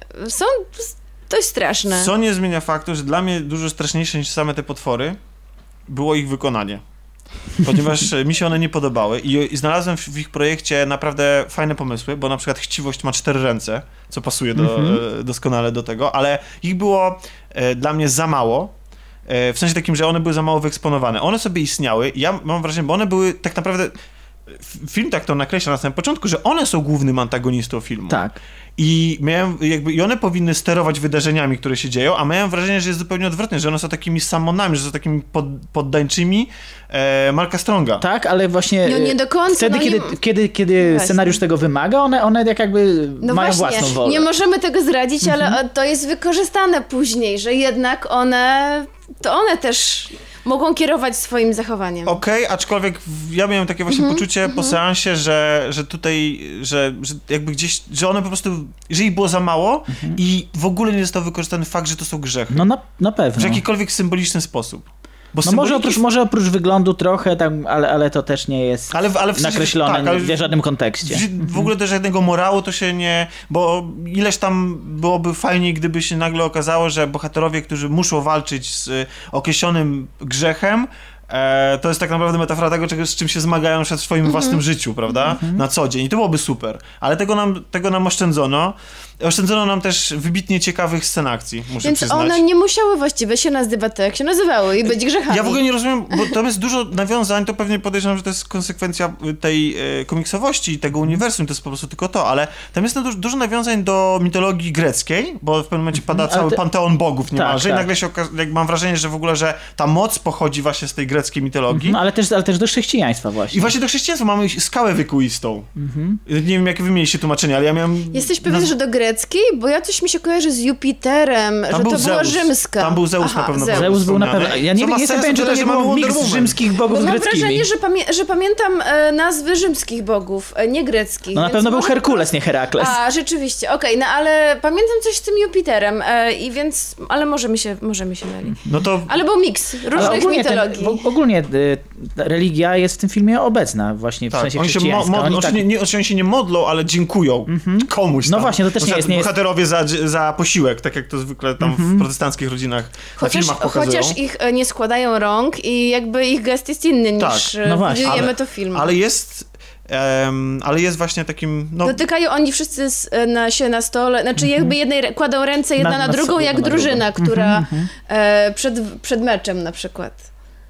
Ja tutaj rzuciłem zarzutem, e, trochę go zignorowaliście, więc po, słyszeliśmy. pozwolę sobie do niego wrócić, mianowicie, no niespecjalnie... Walki, niespe- tak. nie- W ogóle, znaczy, zaj- zajmijmy się może realizacją. Ja, ja już narzekałem trochę na wykonanie tych potworów, bo Mhm. moim zdaniem one są raz, że niewykorzystane fabularnie, a dwa, że one są trochę sztywne. Mam wrażenie, że z ich animacją jest coś nie w porządku. Że one się zachowują jak takie jak takie niewprawne próby, e, znaczy nie próby, tylko jak takie, takie wiecie, początkowe intra e, do gier z połowy lat 2000, że, że one okej, wyglądają ładnie, ale jeszcze im brakuje tej mięsistości takiego życia wewnętrznego. No Może to są ożywione posągi, no właśnie więc one wiesz... teraz sprawiają wrażenie ożywionych posągów. Może to, to- mają być takie gargulce, No, co wiesz, nie zmienia które faktu, są takie właśnie ciężkawe. że miałem poczucie tego, tej, Ale tego, nie tej, mówią, tej nie ruszają ustami, budżetowości. Właśnie, właśnie to, co Grzegorz powiedział. No, że co? Że, że nie ruszają ustami, jak mówią. I to już wydało mi się totalnie tanie po prostu, że to już, już nie jest I byłem kwestia... ciekawy, czy to jest budżet, czy po prostu oni chcieli, żeby oni się porozumiewały niby telepatycznie, ale to było bez sensu. Nie, mogły kłapać tymi y, jadaczkami, a Okej. tymczasem nie, nie ten, tego nie robią. I to wyglądało też tak właśnie budżetowo. Plus efekty specjalne, które są wykorzystane w tym filmie, jak na przykład kruszący się beton, łamiąca się stal. Wydaje mi się, że lód? Szkło lód na też pewno. jest i lód też. Tak, i lód jest. To są takie podstawowe efekty specjalne e, wykorzystywane w Hollywoodzie na przestrzeni ostatnich dekad. Po prostu. I ja w tym momencie widziałem tą e, sztuczność tego. Po prostu widziałem, że wiem, beton kruszony na ekranie, to na- nawet przy tak wysokobudżetowych filmach i tak z pietyzmem wykonanych pod względem technicznym jak The Last Jedi, gdzie mamy unoszące się kamienie, po prostu kamienie, gruz i beton, moim zdaniem wyglądają w CGI, czyli w grafice komputerowej jeszcze nie tak, jakbyśmy sobie tego życzyli. Za- Zawsze czuję tą, tą sztuczność, ale byłem bardzo zawiedziony lotami naszego głównego bohatera, który potrafi latać. Tam są takie sekwencje, gdzie to wyglądało jak niemalże jak z filmów z lat 80., gdzie bohater na jakimś takim, e, y, na projekcji wstecznej, tylnej tak zwanej, że no, na tle, na którym jest wyświetlony, tutaj gdzieś pewnie na greenboxie. Tak, Nawet- szczególnie na, na, jak na tle chmur jeszcze się pojawia, to też to jakoś tak sztucznie wygląda. Jak Tak, i nawet jak y, antagonista, który też potrafi latać, nagle mm, wisi w powietrzu i tam jego ubranie w ogóle nie reaguje w żaden sposób, nie ma żadnego podmuchu, nawet jeśli to miałoby być nierealistyczne, to by nadawało tego, y, wiecie, tego efektu, że, że znajduje się on w powietrzu, gdzieś tam są jakieś prądy powietrzne, czy cokolwiek, tutaj w w ogóle tego nie ma, chociaż akurat żart z nierealistycznych komiksowych rzeczy typu przemowy na pół kilometra się pojawia. E, i, ale tam efekty to PAL 6. To co, to, co jest dla mnie wadą tego filmu, to jest ten ostatni akt i to, że nie ma tam po prostu ciekawych scen akcji, takich samych, poza tymi No. komediowymi. Tam, kiedy już dochodzi do takie mucki. Ja miałem przed oczami Matrix Revolution. Revolutions? tak. Czyli trzecią część Matrixa, po prostu te takie Dragon Ballowe naparzanki. No I mnie one, zmęczył ten trzeci akt też. I one wyglądały jak wielokrotnie po prostu powtarzane i w Marvelu, i, a przez, w ogóle przez DC to już w ogóle, w Supermanach Znaczy, i jak ja Batmanach. myślę o scenach walk, to mi się przypominają głównie sceny, kiedy i jeden bohater uderza drugiego i w tym momencie odlatuje on bardzo daleko. Potem to się powtarza w drugą stronę. Potem znowu, znowu się powtarza, w sensie ten uderza tego, a czasami oni we dwaj gdzieś, we dwóch gdzieś odlatują, więc no to rzeczywiście jest prawda. Jakby nie ma, nie dzieje się jakoś nic No takiego choreografia walk jest w ogóle nieciekawa. Zresztą, spektakularnego. zresztą zdjęcia też nie są ciekawe. Y, Jak sobie przypomniałem Aquamena na przykład i jego kilka naprawdę wspaniałych ujęć, tak tutaj Tak, właśnie Aquaman, aż kipi od takich komiksowych, fajnych, takich Tak. e, ciekawych ujęć, jak chociażby te zanurzenie się w wodzie z, O, to, to, to, to, z jest, potworami, to jest prawda? super, naprawdę. E, to jest te, te takie do góry, tak jakby, Mhm. y, gdzie on nurkuje w wodzie, to jest super. A tutaj brakuje takich. Jest, jest jedno fajne, fajne ujęcie, jak Sh- Shazam wyskakuje, czy jeszcze Billy wyskakuje Mhm. z budynku, y, w sensie z dachu, odbija się i krzyczy Shazam i piorun Mhm. go w locie trafia, on się wtedy zamienia w tego superbohatera i on jest do- dosłownie na ułamek sekundy, Mhm. a, jak, a to idealnie można było zrobić w slow na przykład, właśnie po to, żeby podkreślić. Ale jest dużo slow-mo, jak to Odyssey. Ja w ogóle go nie zauważyłem, ale Tak? ja jestem, jestem akurat... y, Aha, ja wiem, że jesteś fanem slow-mo. fanem w slomo, więc, y, więc mi to w ogóle nie przeszkadza. To w ogóle mi nie przeszkadzało w y, Wonder Woman, gdzie było go ale fakt, tam zauważalnie więcej. Mhm. Tak. Tutaj w ogóle prawie tego nie, nie odczułem. Y, Coś jeszcze chcemy powiedzieć? Czy czekacie na drugą część? Umiarkowanie, ale pewnie się przejdę. A podobało wam się w ogóle? Tak. Tak, e, no szczególnie, że tak jak powiedzieliśmy wcześniej, było sporo humoru. E, był właśnie taki wyrazisty morał i można po prostu, można na to pójść jako właśnie na taki film, który przypomni nam dzieciństwo, lata nastoletnie, filmy o jakichś takich bohaterach, które oglądaliśmy wtedy. Albo pójść z dziećmi, jeśli mają więcej niż 12 lat. Y, Je, je, tak, jeśli mam być szczery, to dla mnie ten Ja, film... ja nie wiem, czy tego, swojego się- syna na to jeszcze zabrał. Nie wiem, bo on jest, on nie jest niby jest wrażliwy mocno, niby oglądałem z nim mocniejsze filmy, ale, ale, tak, ale tak bym się zastanawiałem właśnie, czy ja bym na to z Karolem Mi się poszedł. na przykład nie podobało, ja nie wiem dlaczego tam się to znalazło, bo to w ogóle było niepotrzebne. Tam, tam się pojawia słowo, uwaga, teraz będzie słowo, które może być uważane za przekleństwo. Pojawia się w tym filmie słowo kuta. Jeżeli, drodzy słuchacze, Mhm. macie dzieci i nie chcecie y, swoim dzieciom tłumaczyć, co to znaczy przez najbliższy miesiąc, to, to nie zabierajcie go, bo to słowo tam pada. W wersji, ja oglądam akurat wersję z dubbingiem, której nie polecam, bo mam wrażenie, że, ja, że ten film jest dużo śmieszniejszy niż y, ja go odbierałem, właśnie przez to, bo widziałem po prostu nawet angielskie, tak w domyśle po prostu s- słyszałem te angielskie dialogi, które brzmią śmieszniej niż to, co było Okej, zaprezentowane znaczy, W mi. oryginale ten kutafon też występuje jako dickhead. No właśnie Mhm. i nie wiem czemu tak, nie wiem, może to nie jest uznawane przez jakieś tam gremia oceniające. e, Może że tam chyba jeden, jeden, jeden, y, jedno F-word na, na, na film Może może, paść. może paść. Ale z drugiej strony on chyba się nie pojawia w, w takiej kluczowej, jakiejś emocjonalnej scenie, więc też nie wiem, dlaczego go tam wykorzystano. Natomiast to, co film moim zdaniem robi bardzo fajnie, to jest to, że on się skupia na opowieści, o takiej rodzinnej opowieści, o takiej, o, o, o więzi, o przyjaźni, o tym właśnie, że to rodziną jesteśmy silni i mógłby to robić lepiej. Natomiast y, to, co robi, robi fajnie. I bardzo fajne jest na przykład zestawienie, jak sobie porównamy życie y, głównego bohatera i na przykład antagonisty. Tak, tak, to jest tak, taki awers i rewers jednej Dokładnie. monety. I jak, i jak i i chociażby to, że to na tym poziomie działa, że on jest takim przemyślaną, przemyślaną opowieścią o czymś, że nie rzuca hasełek w jednych czy dwóch zdaniach, czy w jednej czy dwóch scenach, tylko faktycznie ktoś pomyślał ten film i napisał go jako konkretny film z morałem i to, i to, to mnie kupuje. A wracając jeszcze tylko na chwilę do tego ostatniego aktu i tego, tych scen, moja, y, ja jestem, jak pojawiają się na ekranie różni bohaterowie i oni posiadają różne moce, to ja bym bardzo sobie życzył, y, drodzy twórcy, w przyszłości, żeby ci bohaterowie byli zróżnicowani pod względem y, tych mocy. Ja nie wiem, na ile coś jest wierne pier, y, pierwowzorowi lub nie, ale wydaje mi się, że po prostu tworzenie, mno, pomnażanie bohaterów o takich samych umiejętnościach i niezależnie czy są antagonistami, czy protagonistami, czy, y, czy głównymi bohaterami i tak dalej, jest po prostu nudne zwyczajne, po prostu, bo to jest mielenie tego samego i nie wprowadza absolutnie żadnego takiego geekowskiego dramatyzmu, czy jakichś takich nowych, fajnych rzeczy, o które się można spierać, zastanawiać, czy ten jest silniejszy, czy ten by, ten by pokonał tego. I co z tych wszystkich mocy super wynika, a przecież można to było idealnie dopasować do bohaterów, którzy dzielą te, e, dzierżą te moce. Ale polecamy. Polecamy. Czy mogę powiedzieć? Nie. Ja bym chciał zobaczyć go dużo bardziej w Justice League tego bohatera niż e, Flasha chociażby. Ale w sensie Shazama, tak? Shazama, tak. A już na pewno już bardziej niż Cyborga. E, to co? Przechodzimy, zostawiamy Shazama, zamieniamy się z powrotem w, w ludzkich recenzentów. A byliśmy nieludzcy? No, Tacy trochę superbohaterscy trochę. Łagodni trochę, bo... A jaką, by, jaką byście wybrali supermoc? A, Bo jednym, A, czy, z, po- czy niewidzialność, czy latanie? jednym, z punktów wyjścia filmu jest dyskusja bohaterów, tak, którzy e, rozmawiają o tym, Mi to przypomina dyskusję... ta- No, przepraszam. e, jaką wybraliby supermoc i do co ludzie naprawdę chcieliby mieć, a do czego się przyznają. I tam jest wybór pomiędzy niewidzialnością a lataniem. Lataniem, tak. E, I mi to przypomina taką dyskusję, czy chciałabyś umrzeć przez utonięcie, czy spalenie. Więc y, ja nie chciałbym mieć żadnej mocy.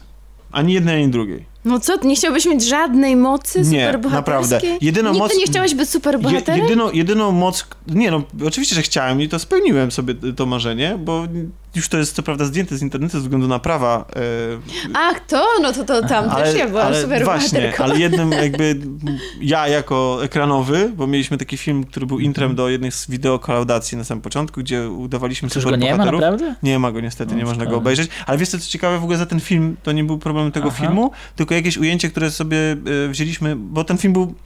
To wyglądało w ten sposób, że to był miks trailera do Tak, X-Menów. nie, ja to widziałem. Połączony z naszymi autorskimi zdjęciami i moim zdaniem nieskromnie e, jakby powiem, że mi się to jakby robota podobała i że wyglądało to całkiem fajnie, że wyglądaliśmy faktycznie tam kompetentnie i się zgrywało z tymi scenami mniej więcej. Natomiast, mm, bo to było takie wkomponowanie nas po prostu w te sceny z trailera X-Menów. Natomiast poleciał ten film zupełnie za co innego, poleciał za y, jakiś fragment trailera, który był później użyty w samej już omawianiu i dla ilustracji rzeczy. Aha. I po prostu tam 20th Century Fox uznało, że, że widocznie przekroczyliśmy linię, mimo tego, że jakby nie wykorzystaliśmy tam nic z filmu. było wszy- z trailera. To było wszystko z trailerów i, i, abs- i też my na tym, na tym nie zarabialiśmy, ani nie chcieliśmy w ogóle w jakikolwiek inny sposób, to było czyste, moim zdaniem prawo cytatu absolutnie miało pra- tutaj e, zastosowanie. No trudno, ale tak, chciałbym strzelać Ale nie ogniem. miał... Strzelać ogniem. Strzelać ogniem, nie wiem po co, ale jakbym, ale chciałbym na przykład móc po prostu się zapalić i, e, ale pewnie, bo widzisz, chodzi o to, że po pierwsze z wielką mocą przychodzi wielka odpowiedzialność. Nie musiałbyś A, ja, a, dla, a, a dla mnie No właśnie, wyrzucenie ale- śmieci to już jest odpowiedzialność, z którą się Ale muszę czasami mierzyć. ogniem już ci wiąże w podtekście z robieniem jak, z jakimś, jakąś agresją, z robieniem komuś krzywdy. Tak No. wiesz, dlatego się zdziwiłam. Bo niewidzialność czy latanie to jest takie Może neutralne. często zapominasz zapalniczki po prostu. Właśnie, a poza tym chciałem powiedzieć, że, że też supermoce zazwyczaj e, komplikują życie tak naprawdę. Po pierwsze ciągną za sobą jakieś konsekwencje, w stylu zapalałbym się w tych momentach, kiedy nie trzeba i mógłbym ranić swoich Ale jakbyś był najbliższych. niewidzialny, jakie konsekwencje masz niewidzialności? Wiesz co, wydawało, wydaje mi się, że oni rozmawiali w ogóle o niewidzialności jako w ogóle stałej niewidzialności. Aha, okej. I, I właściwie Ja... ja... Stała niewidzialność to słabo, no. No i to jest raz, a dwa, ja bym, chyba wiesz co, chyba moje ego by mi nie pozwoliło być niewidzialnym. Ja po prostu bym chciał, żeby wszyscy widzieli moje superczyny, a nie, że, a tak naprawdę do czego tą niewidzialność bym Znaczy, wykorzystał? oni- Ze, Oni właśnie to, oni to uznali jako jakieś e, he, ciągotki do jakiegoś stalkingu czy podglądactwa. Tak, że bo możesz wtedy, no, no bo no możesz. to ze wszystkich możliwych rzeczy chcesz wybrać tą, która jest najsmutniejsza i taka najbardziej żałosna i która się stawia w ogóle w takiej sytuacji, że jesteś przegrywem życiowym, to ja bym to już wolę to latanie, bo w ten sposób jestem pewien, że byłbym w stanie zaimponować wielu osobom, zdobyć jakąś ciekawą pracę, e, czy po prostu podrywać dziewczyny na lewo i prawo, więc... Tak, wybieram latanie. Szczerze i otwarcie mówię, z tych dwóch latanie. Dobrze. A ja, jak byłam mała, wprawdzie to był taki odcinek Benny Hilla, ale strasznie, strasznie jak byłam mała, mi to zainspirowało, że on miał takiego pilota, że mógł robić pauzę, mógł ten film przewijać do przodu i chyba. do tyłu. I ja jako dziecko sobie zamarzyłam, żeby mieć takiego pilota i żeby robić sobie pauzę, wszyscy zastygają, a ja sobie mogę się ruszać, robić co chcę, a potem sobie przyspieszyć albo cofnąć. Och, to było moje największe marzenie. Naprawdę, pamiętam to dobrze. Jak znajdziecie takiego pilota, to, to dajcie mi znać. Ciekawe, jakie supermoce chcieliby mieć, posiadać bohaterowie filmu As. Chyba mocne nogi do ucieczki. Jeden z bohaterek y, posiada taką moc. Przechodzimy sobie do filmu Tomy, czyli As. Mm, Filmu, który w ogóle zrobił furorę na zachodzie i przyszedł już do nas z, z, z taką... Opromieniony już. Opromieniony, z taką opinią w ogóle Glorią. sukcesu kasowego. Już nie można było go nie polubić za to, tak? No na pewno nie można się było na niego nie wybrać. Zwłaszcza, że widzieliśmy w, i chyba też doceniliśmy, jak tutaj wszyscy siedzimy we trójkę, jego, czy tego reżysera poprzedni film, czyli... Jordana Pila, Tak. powiemy sobie. A film jak się nazywał? Uciekaj. Uciekaj. Get I, Out. I mimo tego, że tam ja miałem osobiście do niego kilka zastrzeżeń, to na pewnych polach robił perfekcyjną Ja robotę. miałam też zastrzeżenie do zakończenia, Mhm. ale tak jak teraz myślę o, mm, o filmie My i o wielu, mno, o mnogich interpretacjach, tak sobie myślę teraz, że wzięłam to zakończenie... E, Zbyt za- dosłownie? tak, Aha. że ono właśnie i śmiałam się, że jest ono nielogiczne i w ogóle wszystko mi popsuło. No bo on I tam potem rzeczywiście... dopiero zaczęłam się nad tym zastanawiać, że można to było też wziąć tak bardziej w nawias i z tej perspektywy nie jest ono tak złe, jak mi się wydawało. Mhm, Tak, bo on tam e, brał motywy kina klasy B i je przerabiał i tutaj w sumie robi dokładnie to samo. E, Żeby powiedzieć coś dużo, dużo bardziej e, ciekawego, uniwersalnego niż...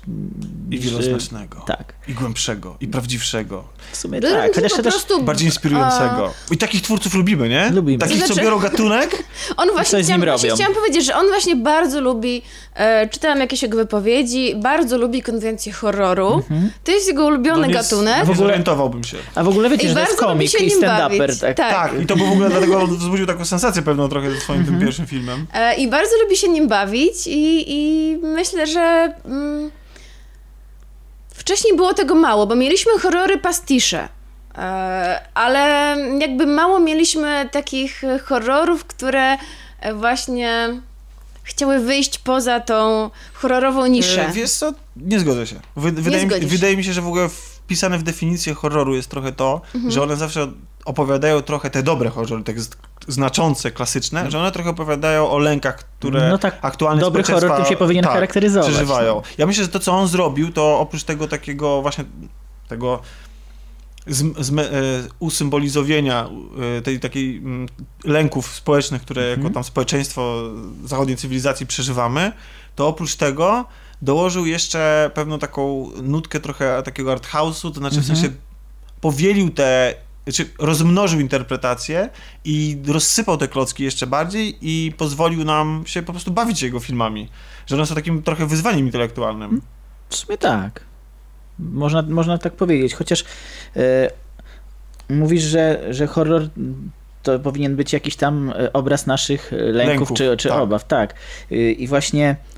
Nie no, nie zawsze nim jest. Ale, no. ale ja Są właśnie po nie prostu lubię. takie slashery, które są slasherami Tak, tak. tylko po to, żeby Oczywiście, nas Ja że zawsze. Ja Sikającą krwią, Tak, po ja prostu. Tylko, że te, te Tak najlepsze, te wpisujące się w jakieś tam e, historię kina po prostu. historie kina, Nie, powinny no to- opowiadać o czymś więcej. No dobrze, Tylko ale znaczy, to nie znaczy jest, wiedziałam, jest kino rozrywkowe, to nie oczywiście. wiedziałam, że mówimy o pierwszej lidze. No dobra. tak. Ale jeśli- dla mnie te horrory jego to są e, horrory z pierwszej ligi. jeśli, ma, jeśli mówimy, nie wiem, o Carrie, o dziecku Rozmary, o... Mhm. E, Wiesz co, jak ja- się nazywał ten film? O Jezu.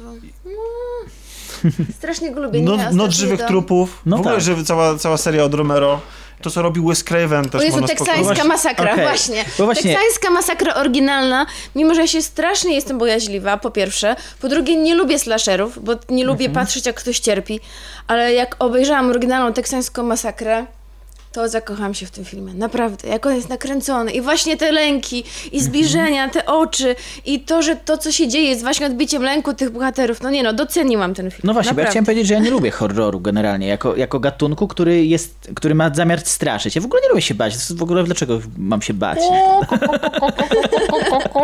Ale ja też nie, nie, Ja też nie. Ale, ale filmy po prostu, e, dobry horror, on umie znaleźć tą granicę naszej przyjemności w baniu się i jej nie przekroczyć, bo w momencie, kiedy ją zbyt mocno przekracza, a my czujemy się bardzo niekomfortowo, no to to już Ale- nie jest ale- fajne. Ja, ja lubię składać puzzle sobie w głowie. Jeżeli horror mnie do tego inspiruje, żeby szukać tam drugiego, trzeciego i kolejnych dem, to Ale ostatnio w ogóle mamy wysyp takich horrorów. Ja Mhm. mam wrażenie, że, w, że żaden gatunek tak, tak nie odżył jak horror. tak właśnie. Przy okazji Get Out właśnie mówiliśmy o indie horrorach i o tym, że właśnie ten gatunek teraz Mhm, e, taką drugą zwany młodość post-horror przeżywa. właśnie, tak. też Ale- ten bardziej arthouse'owy. I... Tak, ale właśnie chodzi o to, że wszelakie gatunki się, Mhm. się rozwinęły, bo mamy i te, te art house'owe właśnie te, te post-horrory, Mhm. mamy bardziej tradycyjne horrory, jak chociażby Heredity, tak? Gdzie, Mhm. Hereditary. Heredity, Tak, dziedzictwo, czy...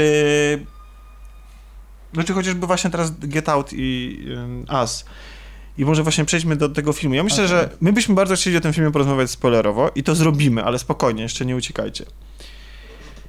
Najpierw sobie powiedzmy, tak w skrócie, bo dla tych, którzy może nie są przekonani jeszcze do końca, albo zawiedli się na przykład na, na upadku, nie wiem dlaczego chciałem powiedzieć, na uciekaj. Mhm. E, I i nie chcą dawać już drugiej szansy temu twórcy, albo na przykład, nie wiem, boją się za bardzo i w ogóle nie lubią horrorów, tak jak Grzegorz i Kasia.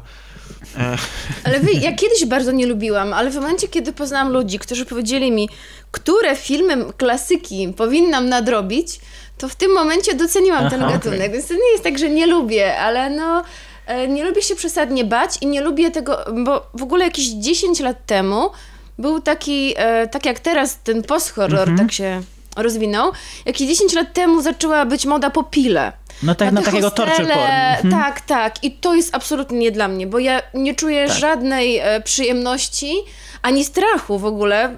Strach już bardziej mi się podoba niż patrzenie, jak Na ktoś cierpienie. cierpi. Mhm, ja też tego nie ktoś jest torturowany, bo no, nie potrafi. Ale jest wyjątek, horror, ale, jest, ale nawet w tym. Totalnie e, mnie nie. Jako torture porn jest wyjątek dobrego filmu francuskiego. Martyrs. Martyrs? Tak. tak myślę. Wytrzymałam ten film. Wytrzymałam ten film. E, są, to jest film o cierpieniu, Mhm. jak sama nazwa wskazuje. E, Martyr to jest cierpiętnik taki e, nie religijny. łapać za słówka i wytykać jakieś niekonsekwencji, Ale? ale czy tobie się nie podobała Suspiria. Suspiria? Która jest tak naprawdę zapisem cierpienia.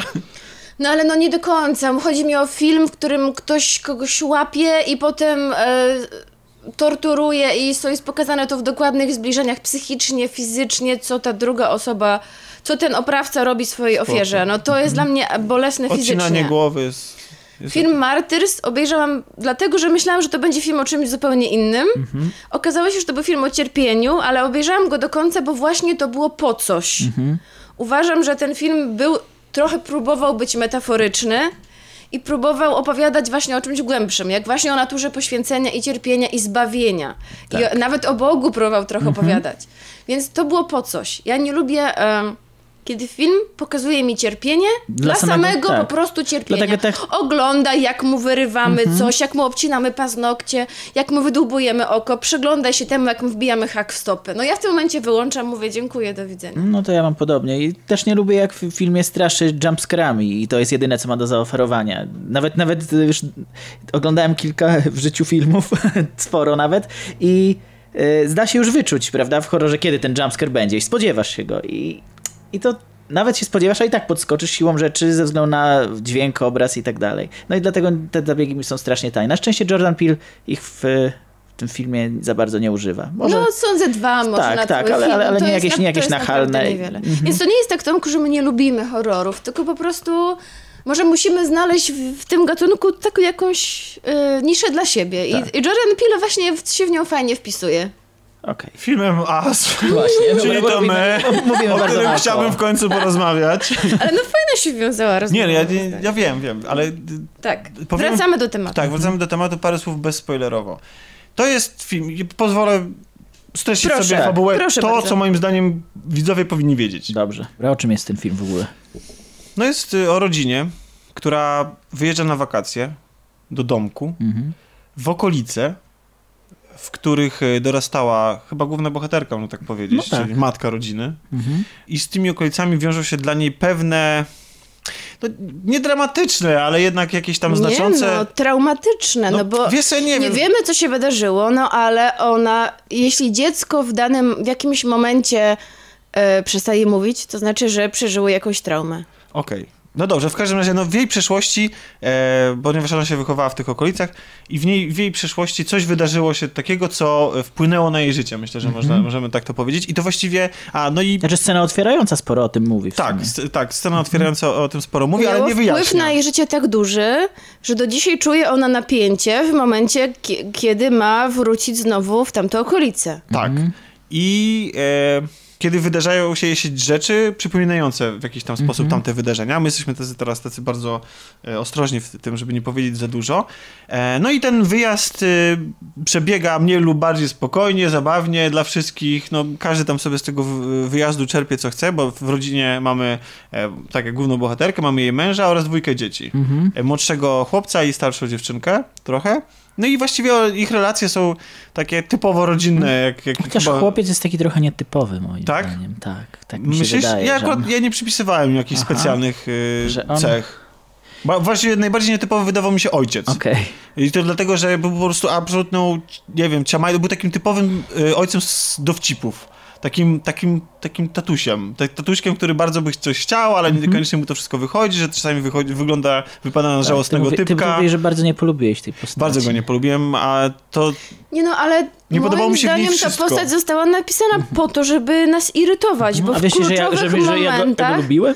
Ty naprawdę? tak, jakoś sympatyczny mi się wydawał. w kluczowych momentach jemu nic mu nie wychodzi, no to to jest specjalny Mhm. No tak. zabieg scenariuszowy. No nie, no to co za ciamajda, no Mhm. żeby człowiek tak powiedział. A poza tym e, odczułam to, że we wszystkich momentach, kiedy bohaterka chce zwierzyć mu się i powiedzieć mu, że ma problem, to on jakby trochę tak zbywa to. Mhm. A kiedy ona się przed nim otwiera, to on jej nie rozumie. Ja sobie myślę, co za mąż? Gdzie ona go znalazła? Co to w ogóle za koleś? No właśnie o to chodzi. On dla mnie, mi on przypominał w pewnych momentach Bandiego niemalże.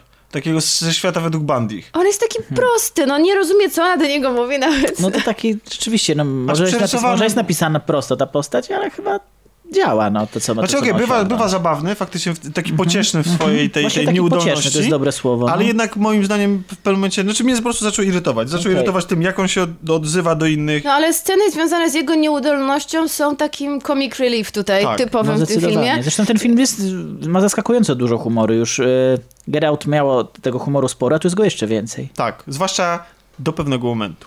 No dobra, ale chyba możemy powiedzieć, że rodzina wyjeżdża do tego domu, bo to jest No chyba tak. jakiś letni domek, Tak, jest prawda? chyba jakiś domek letniskowy, chociaż No chyba, daw, i- chyba No dawno właśnie- nie, nie odwiedzany, I skoro... ten, Tak, tak. I ten ich E, uroczy wyjazd. Podejrzewam, zostaje- że być może, być może rodzice już nie żyją. Coś no tam było coś, tam było to coś jest nawet wspomniane, że, że od śmierci babci tu No nie właśnie, byliśmy, od śmierci. Mhm. Więc chyba to był jakiś, jakaś tam smutna się historia wydarzyła. Być może właśnie mama głównej bohaterki, Mhm. czyli babcia dzieci umarła. I dopiero po jakimś dłuższym czasie oni odwiedzają to miejsce. E, Mama dzieci, czyli główna bohaterka odczuwa napięcie. Nie zostaje zrozumiana przez pozostałych członków rodziny. Em, I wszystko to. I zaczynają dziać się różne i w ty- rzeczy. Znaczy, to co się dzieje, to ma mniejsze znaczenie aż do momentu, kiedy na tarasie domu, znaczy nie na tarasie, przepraszam, na podjeździe, Na podjeździe. na podjeździe domu, w którym zatrzymali się nasi e, bohaterowie, pojawiają się tajemnicze postacie ubrane w czerwone kombinezony. Mhm. I to właściwie wszystko, co powinniście wiedzieć, bo od tego momentu zaczyna się horror. O ile wcześniej mieliśmy jeszcze jakiś Jak thriller, widzieliście jakiś... trailery, to wiecie trochę więcej już. Tak, ale może ktoś nie właśnie. widział. Ja myślę, że, że nie ma, nie ma Ja co przed obejrzeniem filmu nie, nie widziałam. Udało mi No się, dobrze. nie, znaczy nie, widziałam w kinie, ale tak przelotem, nie patrzyłam Mhm. e, i tylko skoja- kojarzyłam, że to chyba będzie coś bardzo strasznego. Mhm. Tak, bo w tym momencie rozpoczyna się walka o przetrwanie naszych bohaterów i rozpoczyna się mniej lub bardziej klasyczny horror. I kończy... Home Invasion. e, Tak, ja właściwie przez dłuższą chwilę miałem wrażenie skojarzenia z Funny Games. A właśnie, ja też. Ja też Z taką rodziną, która też wyjechała na wakacje i która nagle znalazła się w takim oblężeniu albo właśnie takim home invasion, czyli e, w zagrożeniu we własnym domu, co jest chyba najbardziej No przerażającą tak, ale to Home Invasion e, po pewnym czasie rozszerza się No no, tak, na tak, to większy jest tylko obszar. punkt wyjścia Tak, to jest, właściwie. to, to jest punkt wyjścia. Ja jeszcze jakby w tej części bez spoiler, po- spoilerowej. To jest horror i to jest ho- horror taki na granicy slashera, prawda? Tak, Tak, tak śmiało myślę. można tak powiedzieć. Jest krwawy. Je, jest krwawy, ale mm, to, co jest istotne, bo y, moim zdaniem on nie jest specjalnie straszny. To znaczy, on może zależy, trzymać w napięciu. Znaczy, mówię o takim straszne. klasycznym Mhm. horrorowym straszeniu. Nie ma tam wielu jumpscarów. Mhm. Jest sporo przełamań takich humorystycznych, nawet już Tak. później, w późniejszej części filmu, gdzie mamy jakieś takie sceny humorystyczne, które nam troszeczkę łagodzą to napięcie. Ale też i y, te momenty, w których nasi bohaterowie, nie wiem, mierzą się bezpośrednio z zagrożeniem tego życia, ja osobiście nie czułem Tak, no specjalnie ja, przerażenia. ja, ja poczułem napięcie, ale nie czułem takiego zaszczucia, jakie czasami w horrorach jest, że horror cię zaszczuwa, tak jak, nie wiem, Hereditary to robiło momentami. No, no to... w- Mhm. w No ogóle. Więc ja mam też podobne odczucie jak wy w tym względzie, to znaczy po tych fragmentach e, z, mm, zwiastunu, jakie odważy, na jakie odważyłam się spojrzeć, wydawało mi się, że ten film będzie zbyt straszny, żebym go w ogóle była w stanie obejrzeć. I myślałam, że się będę bała straszliwie, a okazuje się, że nie czułam e, dużego napięcia związanego z, z fabułą, z tymi wydarzeniami. Bardziej czułam napięcie e, dotyczące relacji bohaterów i temu, co, jak potem się to rozwija, ale rzeczywiście nie czułam takiego typowego horrorowego strachu.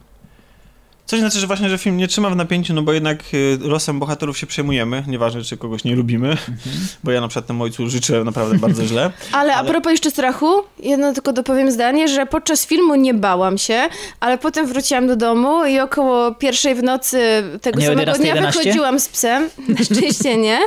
I przyznam, że tak jak zawsze sprzątam e, kupę po moim psie, tak, e, tak bardzo szybko chciałam już wrócić do domu, e, że nawet już przyznam się, że nie sprzątnęłam i tak szybko rozglądałam, czy nie ma tu gdzieś jakiejś małej czarnej dziewczynki. Naprawdę, naprawdę wydawało mi się, że coś gdzieś szeleści i zaraz ktoś wyjdzie z Trochę krzaków. rasistowsko to zabrzmiało. Nie, ale to... Nie, no to Ojeju, tak samo jak w wielu horrorach są dziewczynki z długimi... małej białej Kasi e, z drugiej. długimi czarnymi włosami, albo w długo, albo w białej koszuli nocnej. To tylko chodziło o to, Mhm. no. E, To nie było ani trochę Okej. rasistowskie, Tomku. Więc tak, film może nie straszyć, ale trzyma w napięciu, bo zależy nam na tym, żeby bohaterowie e, przeżyli. Jesteśmy zaangażowani, ale powiedzieliśmy na samym początku, że filmy tego pana i ten również, znaczy filmy aż dwa, ale, ale ten film em, to nie jest y, prosta historia. To znaczy, nawet jeśli doświadczamy jakiejś linearnej historii, to za tym wszystkim, co widzimy na ekranie i co przeżywamy, to jest, jest coś więcej. Jest pełno symboliki, pełno niektórych, moim zdaniem, mylnych tropów, Tak. próbujących nas zwieść, o czym ten film będzie opowiadał. Jest, e, ten film się charakteryzuje tym, że jest masa różnych rozmaitych interpretacji, e, że my siedząc w kinie intensywnie się zastanawiamy, co właściwie oglądamy, o czym to właściwie jest, bo gdybyśmy odpuścili sobie Tak, to, i oglądali tylko to, co widzimy na ekranie, podstawową tak jakby warstwę tej historii, to by wyszła straszna bzdura moim zdaniem. To znaczy nie, nadal uważam, że można oglądać tą podstawową warstwę Znaczy, i się dobrze, dobrze bawić. bawić, tak, tak. Dobrze bawić tak, ale dla mnie rozwiązanie tej historii na takim poziomie najbardziej racjonalnym, Mhm. takim logicznym i takim tu i teraz, takim bezpośrednim, jest niestety, byłoby zawodem. To znaczy, jeżeli nie chcecie się bawić w te wszystkie doszukiwania się ukrytego sensu, to ja nie Ale jestem... za to bardzo przywiązujecie dużą wagę do logiki Mhm. y, wydarzeń na ekranie. Tak, a zwłaszcza do, roz, do tego, mm, do, rozwiązy, do rozwiązania tajemnicy i zagadki, żeby ona miała s- ręce i nogi, żeby to było logicznie e, wytłumaczone, to ja osobiście bym tego filmu w ogóle nie polecał. To Tak. znaczy, bo jeżeli chcecie iść sobie na, po prostu na horror i to wydaje mi się, że są lepsze historie, na, autentycznie. No, y, Nie no, okej, ja się- straszniejsze. Ja się zgadzam, jeśli nie macie oczekiwań, że chcecie sobie porozkminiać coś po seansie, znaczy no doznania audiowizualne na pewno są gwarantowane mimo wszystko, ale To prawda, e, ale widziałam bardzo dużo właśnie komentarzy na Filmwebie. Film bzdurny. No nielogiczny, bez sensu, wyjaśnienie zawodzi 1 na 10, 1 na 10, 1 na 10. tak, akurat bardzo 1 na 10 dużo. to bym się nie sugerował, ale, ale faktycznie tak. Ale chodzi mi o też o to, co, jak ludzie argumentują prostu swoje zawodzą się oceny, że mówią, że właśnie jest to nielogiczne, że niewyjaśnione i, i bez sensu, pokręcone, albo że nie zrozumieli, o co w ogóle chodziło. Mimo tego, że może sprawiać wrażenie właśnie jakiejś linearnej, takiej Mhm. konkretnej opowieści od punktu A do B z, przy, z jakimś ciągiem przyczynowo-skutkowym i wyjaśnieniem. To jednak, jeżeli będziecie się skupiali tylko na tej warstwie, możecie wyjść z kina zawiedzeni. Mimo to, ja bym jednak sugerował, żeby się z tym filmem zmierzyć. Żeby pójść, spróbować, bo ma kilka niezaprzeczalnych atutów. Nie zgodzę się co do zdjęć, bo w sensie bo ja akurat jestem nimi zawiedziony. Nie uważam, że to jest jakiś ładny, specjalny film, albo przemyślany pod tym względem. Natomiast jestem użyczony, nie wiem czy wy również, aktorstwem. Nie na zawsze pewno. równym, ale jednak. aktorstwem i też ścieżką muzyczną. Bardzo, bardzo w tym względzie film, film mi się podobał. Zarówno utwory napisane e, do tego filmu, jak i te wykorzystane w filmie, które ws- m, czasami podbijają nastrój, ale czasami też w zabawny sposób komentują Czasami rozładowują e, też wydarzenia. napięcie. I, rozład- I właśnie są też tym takim wentylem bezpieczeństwa, który sprawia, że e, roześmiejemy się. Jak się, jak się czyta nazwisko Lupity? Znaczy, Nio- imię. Niongo? N- Nie, Ale- Niongo. Niongo. Niongo chyba. Moim zdaniem Niongo. No chyba tak. Bo tak- Lupita Nyong'o. Imię jest hiszpańskie, Mhm. ale nazwisko kenijskie. Okej. No i to tyle, nie? Co? No, No ale, to o tym aktor, ale o aktorstwie możemy jeszcze powiedzieć parę słów, bo właśnie, No właśnie chodzi mi o jej sama rolę. Lupita właśnie jest, uważam, niesamowita. E, Mhm. Oglądałam z nią wywiad na YouTubie, gdzie ona opowiadała o tym, jak tworzyła tę postać, e, czym się inspirowała. No nie mogę tutaj za, za dużo teraz zdradzić, bo, bo jest to, jest to część niespoilerowa. I też widać, że mm, z jej strony, a to jest młoda aktorka, było to bardzo wszystko głęboko przemyślane i, Mhm. i widać to też na ekranie. Tak. E, że to jest takie aktorstwo już naprawdę wyższej klasy. Przynajmniej tak, dla byłem mnie. pod dużym wrażeniem. Jest to też, ten film y, daje okazję bohat, bohat, znaczy aktorom do popisu po prostu.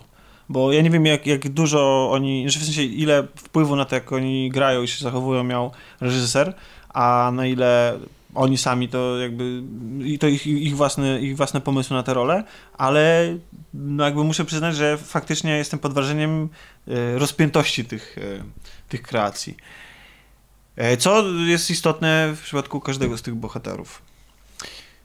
No to tyle, nie? W tej części bezspoilerowej. No chyba tak. Znaczy powiedzmy, że, że od razu, że Grzegorz jest zachwycony w ogóle. Tak, Widziałem ja- tam rzucał dziesiątkami. No, Nie, to ja, to ale... ja, ja chciałam, ja jestem też zachwycona i też ja to ja chciałam dać Mhm. dziesiątkę, tak. E, I powiedziałam, że to jest taki film, który, który pierwszego dnia jeszcze zostawił mnie z takim uczuciem niepewności, nie, niedosytu może, a im dłużej potem o nim myślałam, tym bardziej e, moja ocena wzrastała, bo Tak. ja też bardzo lubię to, kiedy film towarzyszy mi jeszcze przez jakieś dwa następne dni, kiedy usypiam i jeszcze sobie o nim myślę. A wiecie, to nie jest takie, że teraz będę myślała o tym filmie. Nie, samo Tylko przychodzi. budzę się i spontanicznie zaczyna mi coś przychodzić do głowy i, i to jest jeden z takich filmów i, i to mi znacznie podwyższyło ocenę. Tak, ja się, ja się zgodzę. U mnie też ta, ta dziewiątka wyewoluowała, wyewoluowała z ósemki, Yy, bo, bo na początku obejrzałem ten film i mówię, okej, je- jest, jest, jest dobry, można sobie mm, porozkminiać, pointerpretować go na, na wiele sposobów, ale jak zacząłem drążyć właśnie te, te, te różne interpretacje, więcej czytać o nim i tak dalej, to mówię, kurczę, to było więcej niż dobre. To było naprawdę świetne. I, Ja zaczęłam i... sobie też czytać po prostu, nie że interpretacje, ale zaczęłam sobie sprawdzać w Wikipedii Mhm. po prostu różne tropy. Które tam były w filmie. Na przykład, nie wiem, wzór na koszulce, czy Tak, tam tak, właśnie bo tam jest- napis. bo tam jest smaczków I zaczęłam, mnóstwo I tego zaczęłam sobie o tym czytać. Tam właśnie i... detale mają tak, Tak, ogromne tak. znaczenie dla, dla właśnie poszczególnych interpretacji, o czym sobie za chwilę powiemy w części spoilerowej, że, że to jest y, naprawdę kopalnia. Mi się też film podobał. Ja nie jestem co prawda taki zachwycony jak wy. Ja po prostu mam troszeczkę do niego zastrzeżeń i dlatego może tak do niego nie wracam, bo raz, że ja wydaje mi się, że już w trakcie seansu sobie przemyślałem kilka spraw i dlatego już i tyle. I tam po wyjściu zaraz chwilę po nim. Ale jestem autentycznie pod wrażeniem mm, ilości pracy reżyserskiej włożonej w szczegóły w tym filmie Tak. i w jakieś tam właśnie próby nadania mu kolejnego sensu. Natomiast jestem zawiedziony tym, jak, e, jak ten film e, łączy te wszystkie rzeczy. Znaczy mam wrażenie, że na po prostu na pewnym etapie reżyser, to za za chwilę w części spoilerowej będziecie mogli jakoś szczegółowo, możemy się do tego odnieść, ale jak reżyser po prostu dorzuca kolejne jakieś szczególiki, smaczki i tak dalej, które są imponujące, ale jednocześnie jakby nie dba właśnie o te, o te poziomy, które moim zdaniem, o które powinien zadbać. To znaczy na przykład właśnie O, to bardziej wprost, co o się to dzieje, bardziej tak? wprost na przykład, albo też skupić się na jednej czy dwóch interpretacjach i trzymać się tego i od początku do końca je przeprowadzić konsekwentnie, a nie na przykład sprawiać tak, że jak bierzemy na, e, pod uwagę jedną interpretację, to reszta elementów nam trochę jednak szwankuje i, i nie do końca się Że zgrywają. jedna wyklucza drugą, tak? No, czy może nie aż tak, że tak, tak y, ale gdzieś tam fajnie by było, gdyby wszystkie te elementy można było sobie zinterpretować we wszystkie strony, które chcemy i żeby nie wszystkie rzeczy były tylko po to, że ej, zobaczcie, tu wrzuciliśmy symbol 11, 11 czy coś. Więc to, to właśnie, to, Chociaż- to, to mi przeszkadzało, no i No jestem dobra. zawiedziony tymi, y, jestem zawiedziony y, inscenizacją. To znaczy uważam, że, że Mhm. jakby w Get Out wydawało mi się to dużo lepsze, w sensie rozmieszczenie postaci względem siebie, upływ czasu w poszczególnych scenach. Na przykład mam wrażenie, jest taka scena, w której je, y, jedna z bohaterek znika nagle e, i nie wiem, co się z nią stało, a inna bohaterka idzie jakby w sensie do, do niej, zmierza e, i po drodze wykonuje rzeczy. I tak dużo czasu upływa, że ona nienaturalnie długo idzie. W, sensie jakby e, podczas gdy. No wie, wiecie o co chodzi? To, No się, to się po prostu źle zazębia dla mnie czasowo. Więc to, to są tak, takie rzeczy, że, tak jakby, że, że jakby ja nie czuję, że to się dzieje w tym samym czasie, tylko że, to, że właśnie, że ten czas się z siebie wyklucza. To są takie głupotki, podobnie jak na przykład nie podobała mi się też praca kamery. Po prostu. W sensie kamera często lądowała za plecami. e, Często te kadry nie były zapamięty- e, takie godne zapamiętania. Jest jedna scena na łódce. Czerwona scena na łódce, tak powiem, nie, nie spoilerując za dużo, która mi się bardzo podobała i myślę sobie, Wow, czyli można. Się, mi się, czyli... Wiecie, co mi się bardzo podobało? Prolog. On był tak świetnie y, pod względem operatorskim i ogólnie montażowym E, zrealizowany, że To tak, teraz kończymy w część bezspoilerową. Ci, którzy chcą nas opuścić, to się z nimi żegnamy. Będzie w opisie na pewno informacja o tym, do którego momentu macie przeskoczyć, kiedy kończymy tą część spoilerową. Kiedy się zaczyna również. No ale teraz właśnie macie czas na to, żeby wyłączyć nas i się z nami pożegnać. Do czasu, aż zobaczycie ten film. Chyba, że chcecie o nim posłuchać, o interpretacjach i nie boicie się ich e, i pójdziecie później na film przygotowani i ewentualnie będziecie od razu mogli szpanować. Albo nie chcecie go w ogóle oglądać. Albo w ogóle nie chcecie, albo będziecie mogli szpanować przed znajomymi, że, że zrozum- zrozumieliście na przykład trochę, trochę więcej, co nie znaczy, że my się sami nie posiłkowaliśmy też innymi opracowaniami, bo tych mnogości w interpretacji wydarzeń w filmie jest wiele i Tak, nie zgrywamy takich mądrych, dużo poczytaliśmy. też, tak, co nie znaczy, że ten film też nie jest w oczywisty sposób też w jakiś sposób do, inter, do interpretacji. Już nie mówię o tej podstawowej warstwie, ale przede wszystkim i teraz uwaga, przechodzimy do części spoilerowej. Mam nadzieję, że nas już wyłączyliście, ci, którzy nie chcą e, nas słuchać dalej. No, że to jest opowieść o różnicy e, klasowej. To Klasowe jest, to jest jedna z interpretacji. Nazywałabym tą interpretację społeczną. Społeczna. Punkt Taka, pierwszy, interpretacja I społeczna. ona jest taka najbardziej oczywista chyba, nie? no to się, raczej się rzuca w oczy. No nie jest zbyt trudna. Tak, że mamy jakąś taką klasę średnią, w, mówimy o Stanach Zjednoczonych, która jest uprzywilo, uprzywilejowana w jakiś tam sposób, mimo tego, że tutaj główni bohaterowie akurat są czarnoskórzy, więc możemy No to wy, też- wykluczyć jakby rasowe kwestie, tylko bardziej chodzi o kwestie majątkowe. No bardziej klasowe, chociaż, Nie, chociaż tam te podskórne rasizmy też, się pojawiają. Ponieważ e, przyjaciele naszej, naszej głównej rodzinki to jest rodzina no biała i która też jest lepiej sytuowana. tak. Mimo, że I- nasi bohaterowie też nie są biedakami absolutnie. Ale są... pojawia się to w dialogach. E, Tak, są kilka jakieś tam jakieś zazdrości, o tym, takie- że na przykład zazdrości mu temu, że sobie kupił nowy samochód. Mhm. Widać, że mają świetny dom. Zazdrości, e, żona wypomina mężowi, że nie mają generatora Mhm. własnego, tak jak tamci sąsiedzi. No tak, ale to też nie jest tak, że oni są tutaj, że, że na przykład, że, że mamy białą rodzinę, która jest właśnie tak usytuowana, a atakują ich czarni na No nie, przykład. nie, to jest nie, dużo bardziej no tak, subtelne, tak, ale, tak. jednak, ale jednak podskórnie czuć ten się takie rasizm. wątki, ale oczywiście, tak Tylko jak nie jest- powiedziałeś, ważniejszy jest wątek klasowy. Swoją drogą, ja się Tak? bałem w scenie, jak już jesteśmy w spoilerowej, to gadamy, e, ja się bałem w tej scenie, w której e, biała rodzina została wymordowana Mhm. i ta czarna przyszła i tam sobie poradziła z tymi, jak oni się nazywali, cienie? Cio- Chyba cienie to były, prawda? Połączeni właściwie. Połączeni. W Tak. każdym razie, że, że, Doppelgangers. że po, po, poradziłaś, poradziła sobie z tymi i siedzieli tacy zakrwawieni i ja myślę sobie, to się skończy jak uciekaj. Że teraz przyjadą biali policjanci i zobaczą czarną rodzinę w A, domu białych, okej. która wymordowała Aha. całą rodzinę czarnych. To, totalnie tak to, i mówię, to będzie, dokładnie będzie, i zaczną do nich strzelać, nie? I to się skończy jak, jak, jak, jak, jak uciekaj, czy, e, czy, czy świt żywych trupów. Mogłoby, no ale no... Nie, no oczywiście. Ale na szczęście Oczywiście e, tak tutaj ta różnica między e, klasowa między em, bohaterami a ich przyjaciółmi to jest tylko wstęp, no Tak. bo tak naprawdę chodzi o tych, którzy są na górze i o tych, którzy są na dole. Na dole. Z, z tym, że ci, którzy są na górze, to jest istotne, to nie są, to właśnie fajne jest to, że to nie są turbo bogaci ludzie, że to są, że oni opływają w dostatki. To są klasa średnia, taka średnia średnia, która musi Tak. wyrzec się czegoś, żeby kupić sobie ten dom, znaczy ten domek pewnie odziedziczyli, ale żeby, że, żeby kupić sobie łódkę, a ta łódka to też nie jest pierwszej świeżości. Właśnie. I to jest takie, że oni, że to są ludzie na, nie do dorobku, ale tacy aspirujący. Natomiast ci, którzy Ale ich chodzi mi o atakują, to, ale tutaj mam wrażenie, że chodzi też o to, że każdy, nawet ta osoba, która nie uważa siebie za bogatego, zawsze jest ktoś, kto ci może zazdrościć i kto ma gorzej. I Tak. właśnie ci bohaterowie dowiadują się, oni nie uważają się, tak jak powiedziałeś, za jakichś tam świetnie prosperujących, Mhm. ale okazuje się, że jest ktoś, kto uważa, że dla nich oni są księciem, księżniczką i tak dalej. I y, Mhm. Tak. ta bohaterka opowiada w nich takich słowach, że poznałaś księcia z bajki, masz idealną córeczkę, idealnego synka. No bo ci nasi atakujący, no to są, jak, jak wiemy, to są wychowani w jakichś skandalicznych warunkach, e, prawie nie ludzie, prawda, ledwo, ledwo przypominający ludzi, zachowujący się jak ludzie. I Ja e, jakby i tutaj jakby odczytanie tego jako tych klas najniższych społeczeństwa, które no właśnie, bo pomówiliśmy, że każdy horror, dobry horror charakteryzuje się odzwierciedleniem aktualnych lęków społecznych. I ja mam wrażenie, że ten horror wpisuje się w trochę w takie lęki późnego kapitalizmu. Bo ja mam, ja, ja osobiście... Szczególnie, że odnosi się do czasów Reagana. Tak, które ale, to były czasem Tak, tego ale- rozkwitu ale mamy kapitalizmu. powtórkę teraz Mamy- w postaci Trumpa, tak? Tak, tak, dokładnie. A, y, a jak jesteśmy już przy Trumpie, zanim jeszcze powiesz o współczesnych wątkach, to chcę nawiązać do tych wątków z lat 80., no bo przecież początek filmu, akcja toczy się w Mhm. latach 80., no i koszulka, w której, e, którą ma na sobie, zanim założy koszulkę thriller, bohaterka to jest, nie, to nie koszulka, koszulka też, ale ona wcześniej widzi tą reklamę Tak, w to się telewizji. zaczyna w ogóle film to tą reklamą. nazywa Hands Across America. e, e, Hands Across America, tak. E, I przeczytałam, że to była akcja, która miała... Chciałam powiedzieć raise awareness. Miała budować świadomość tego, że są ludzie bezdomni. Są ludzie bezdomni, którzy sobie nie radzą, którzy nie mogą znaleźć...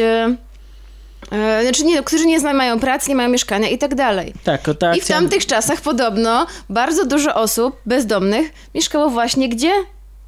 pod ziemią. w kanałach, pod ziemią, no tak jak też dzisiaj się to zdarza. W związku z tym jakby mam wrażenie, że to było akurat pokazane no, prawie stuprocentowo wprost.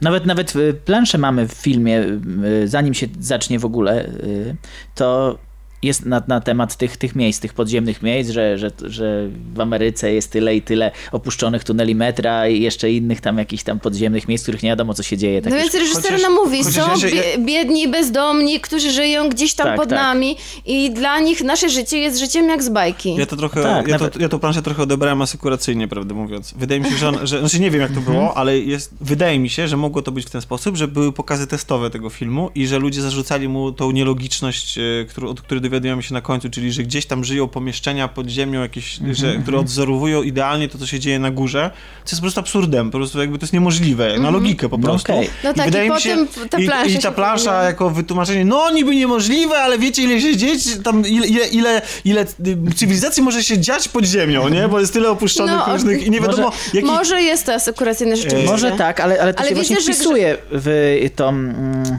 takie spiskowe teorie, w którym w tym filmie padają, bo to nie jest, je- bo to nie jest e, jedyna rzecz, Ale która wiem, taka jest. że chciałeś Bohaterowie- powiedzieć o tym Hands Across Tak, Hands America. Tak, America, to tak, powiedz, Bo tak. to jest też ciekawy Dobrze. wątek. Że, że, że ta akcja zakończyła się właściwie fiaskiem tak naprawdę, bo to Nie było- łańcucha? Był łańcuch, ale nie taki wielki, jak przewidywali. Nie zarobili tyle, ile, ile chcieli zarobić. Koszty operacyjne okazały się tak. zbyt wysokie. E, tak, i, i A kto miał na tym zarobić?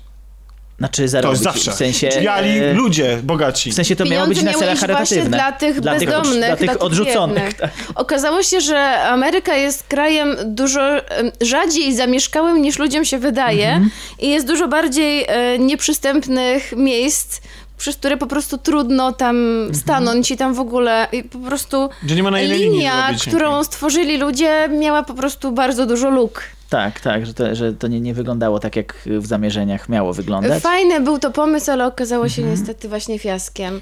Ale no potem do tego Hands e, Across America jest też bardzo dużo odniesień Tak. w samym zachowaniu, bo główna bohaterka, kiedy ląduje ona też w podziemiach, no to jest jakby jej ostatnie wspomnienie, rzecz, którą oglądała Mhm. dlatego w to, telewizji dlatego chcę to ostatnio, odwzorować prawda? jakoś. Tak, potem ona rysuje te ludziki na tablicy, wycina ludziki z papieru i dlatego wymyśla właśnie taką akcję, żeby właśnie zwrócić uwagę. Naprawdę w życiu to było na bezdomność, a tutaj na coś, które jest jakby odzorowaniem tej bezdomności.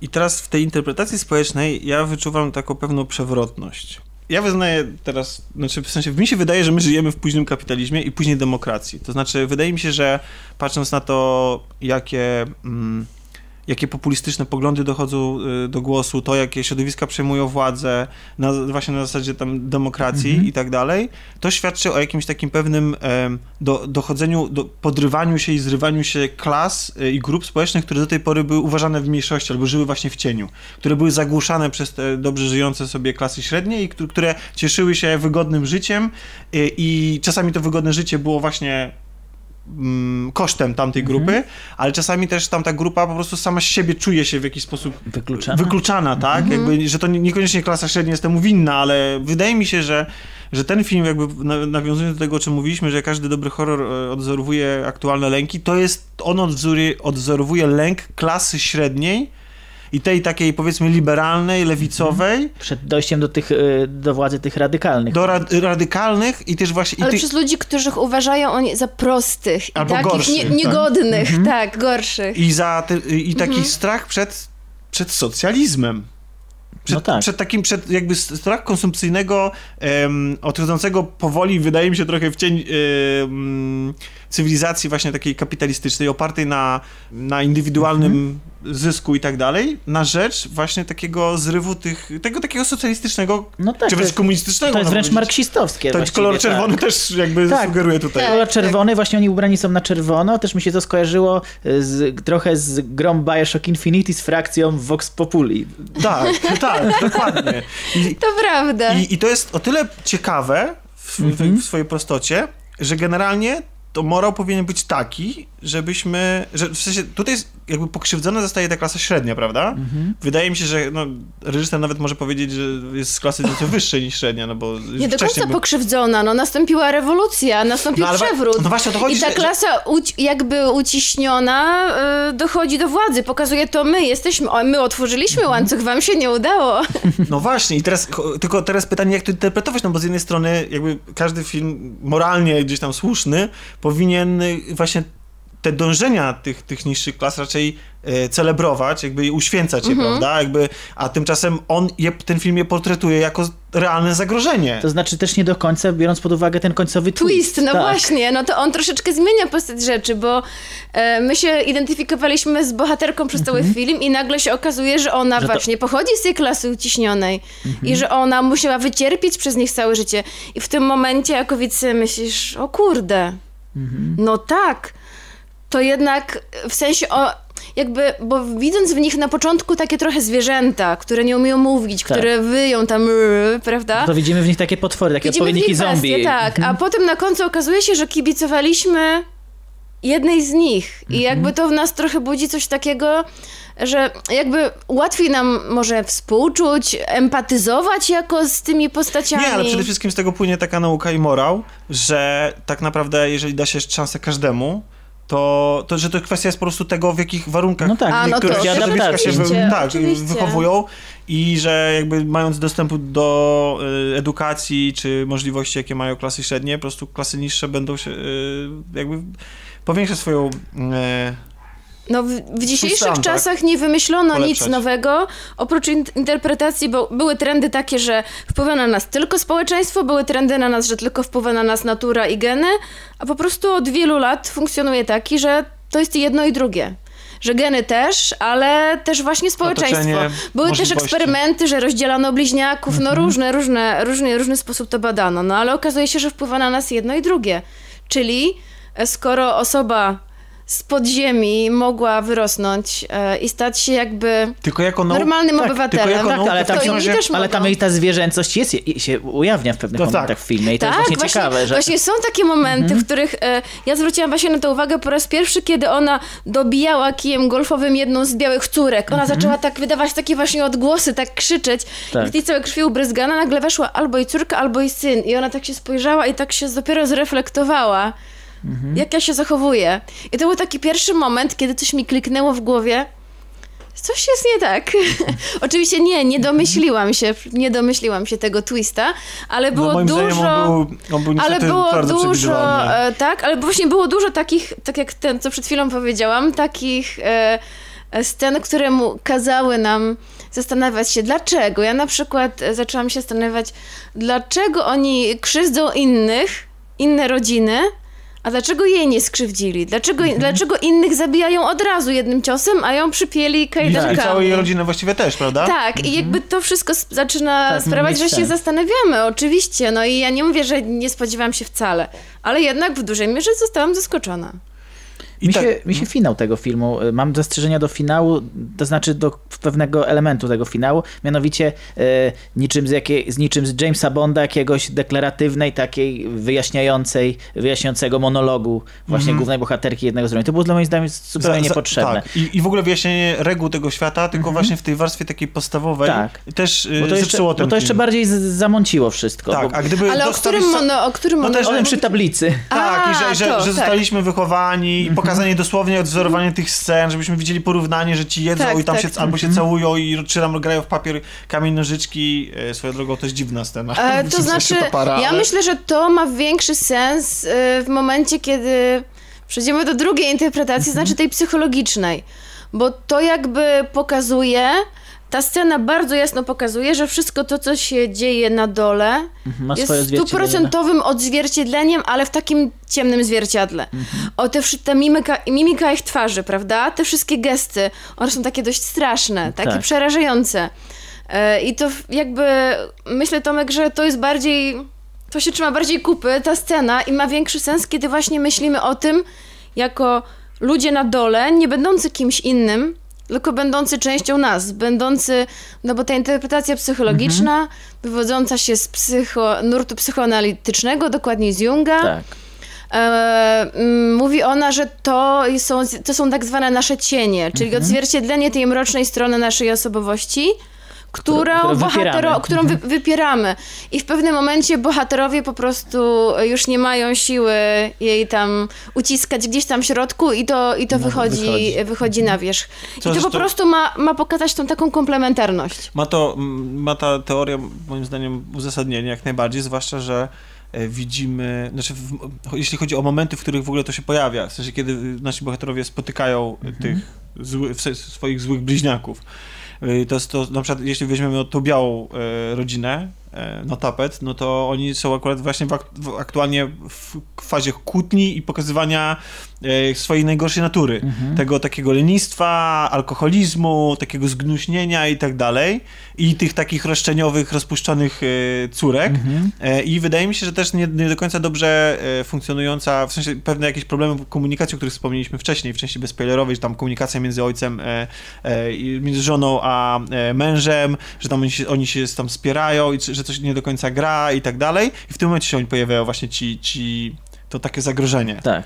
Tylko Grzegorzu, nie przeszkadzało ci w tej interpretacji, o ile się z nią w ogóle zgadzasz, nie przeszkadzało ci te inne rzeczy, ten cały łańcuch na przykład, e, czy to współgrało? W sensie, z, że, że na przykład, że jeżeli zinterpretujemy ten film jako właśnie jako opowieść o, o ciemnej stronie naszej natury, to ten łańcuch cokolwiek e, tutaj na przykład znaczy. Znaczy, no, dlatego mówię, że te interpretacje poszczególne, one się y, jakby łączą ze sobą. Nie, nie- jedna nie koniecznie wyklucza drugiej, bo możemy właśnie spojrzeć na pewne aspekty, y, które, które nam właśnie mówią o tym, nie wykluczając jednocześnie tej politycznej. Bo sam tytuł nawet, nie? W ogóle film jest oparty na dualizmach, co już mówiłem. Sam tytuł wyraźnie mówi, że to jest jednak film o Ameryce, mimo wszystko. Aż as, US. Tak, tak. No to już w ogóle nawet tytuł jest wieloznaczny. no. Mhm. Więc, y, więc nie możemy jakby pominąć tego całkowicie jednak. Politycznego. Nie, Tak. no oczywiście, że nie możemy pominąć tego kontekstu, ale chodzi mi o to, że jakby ty powiedziałeś Tomku, że dla ciebie to się wyklucza, dla mnie Znaczy- to się nie wyklucza, znaczy- bo, bo możesz jakby...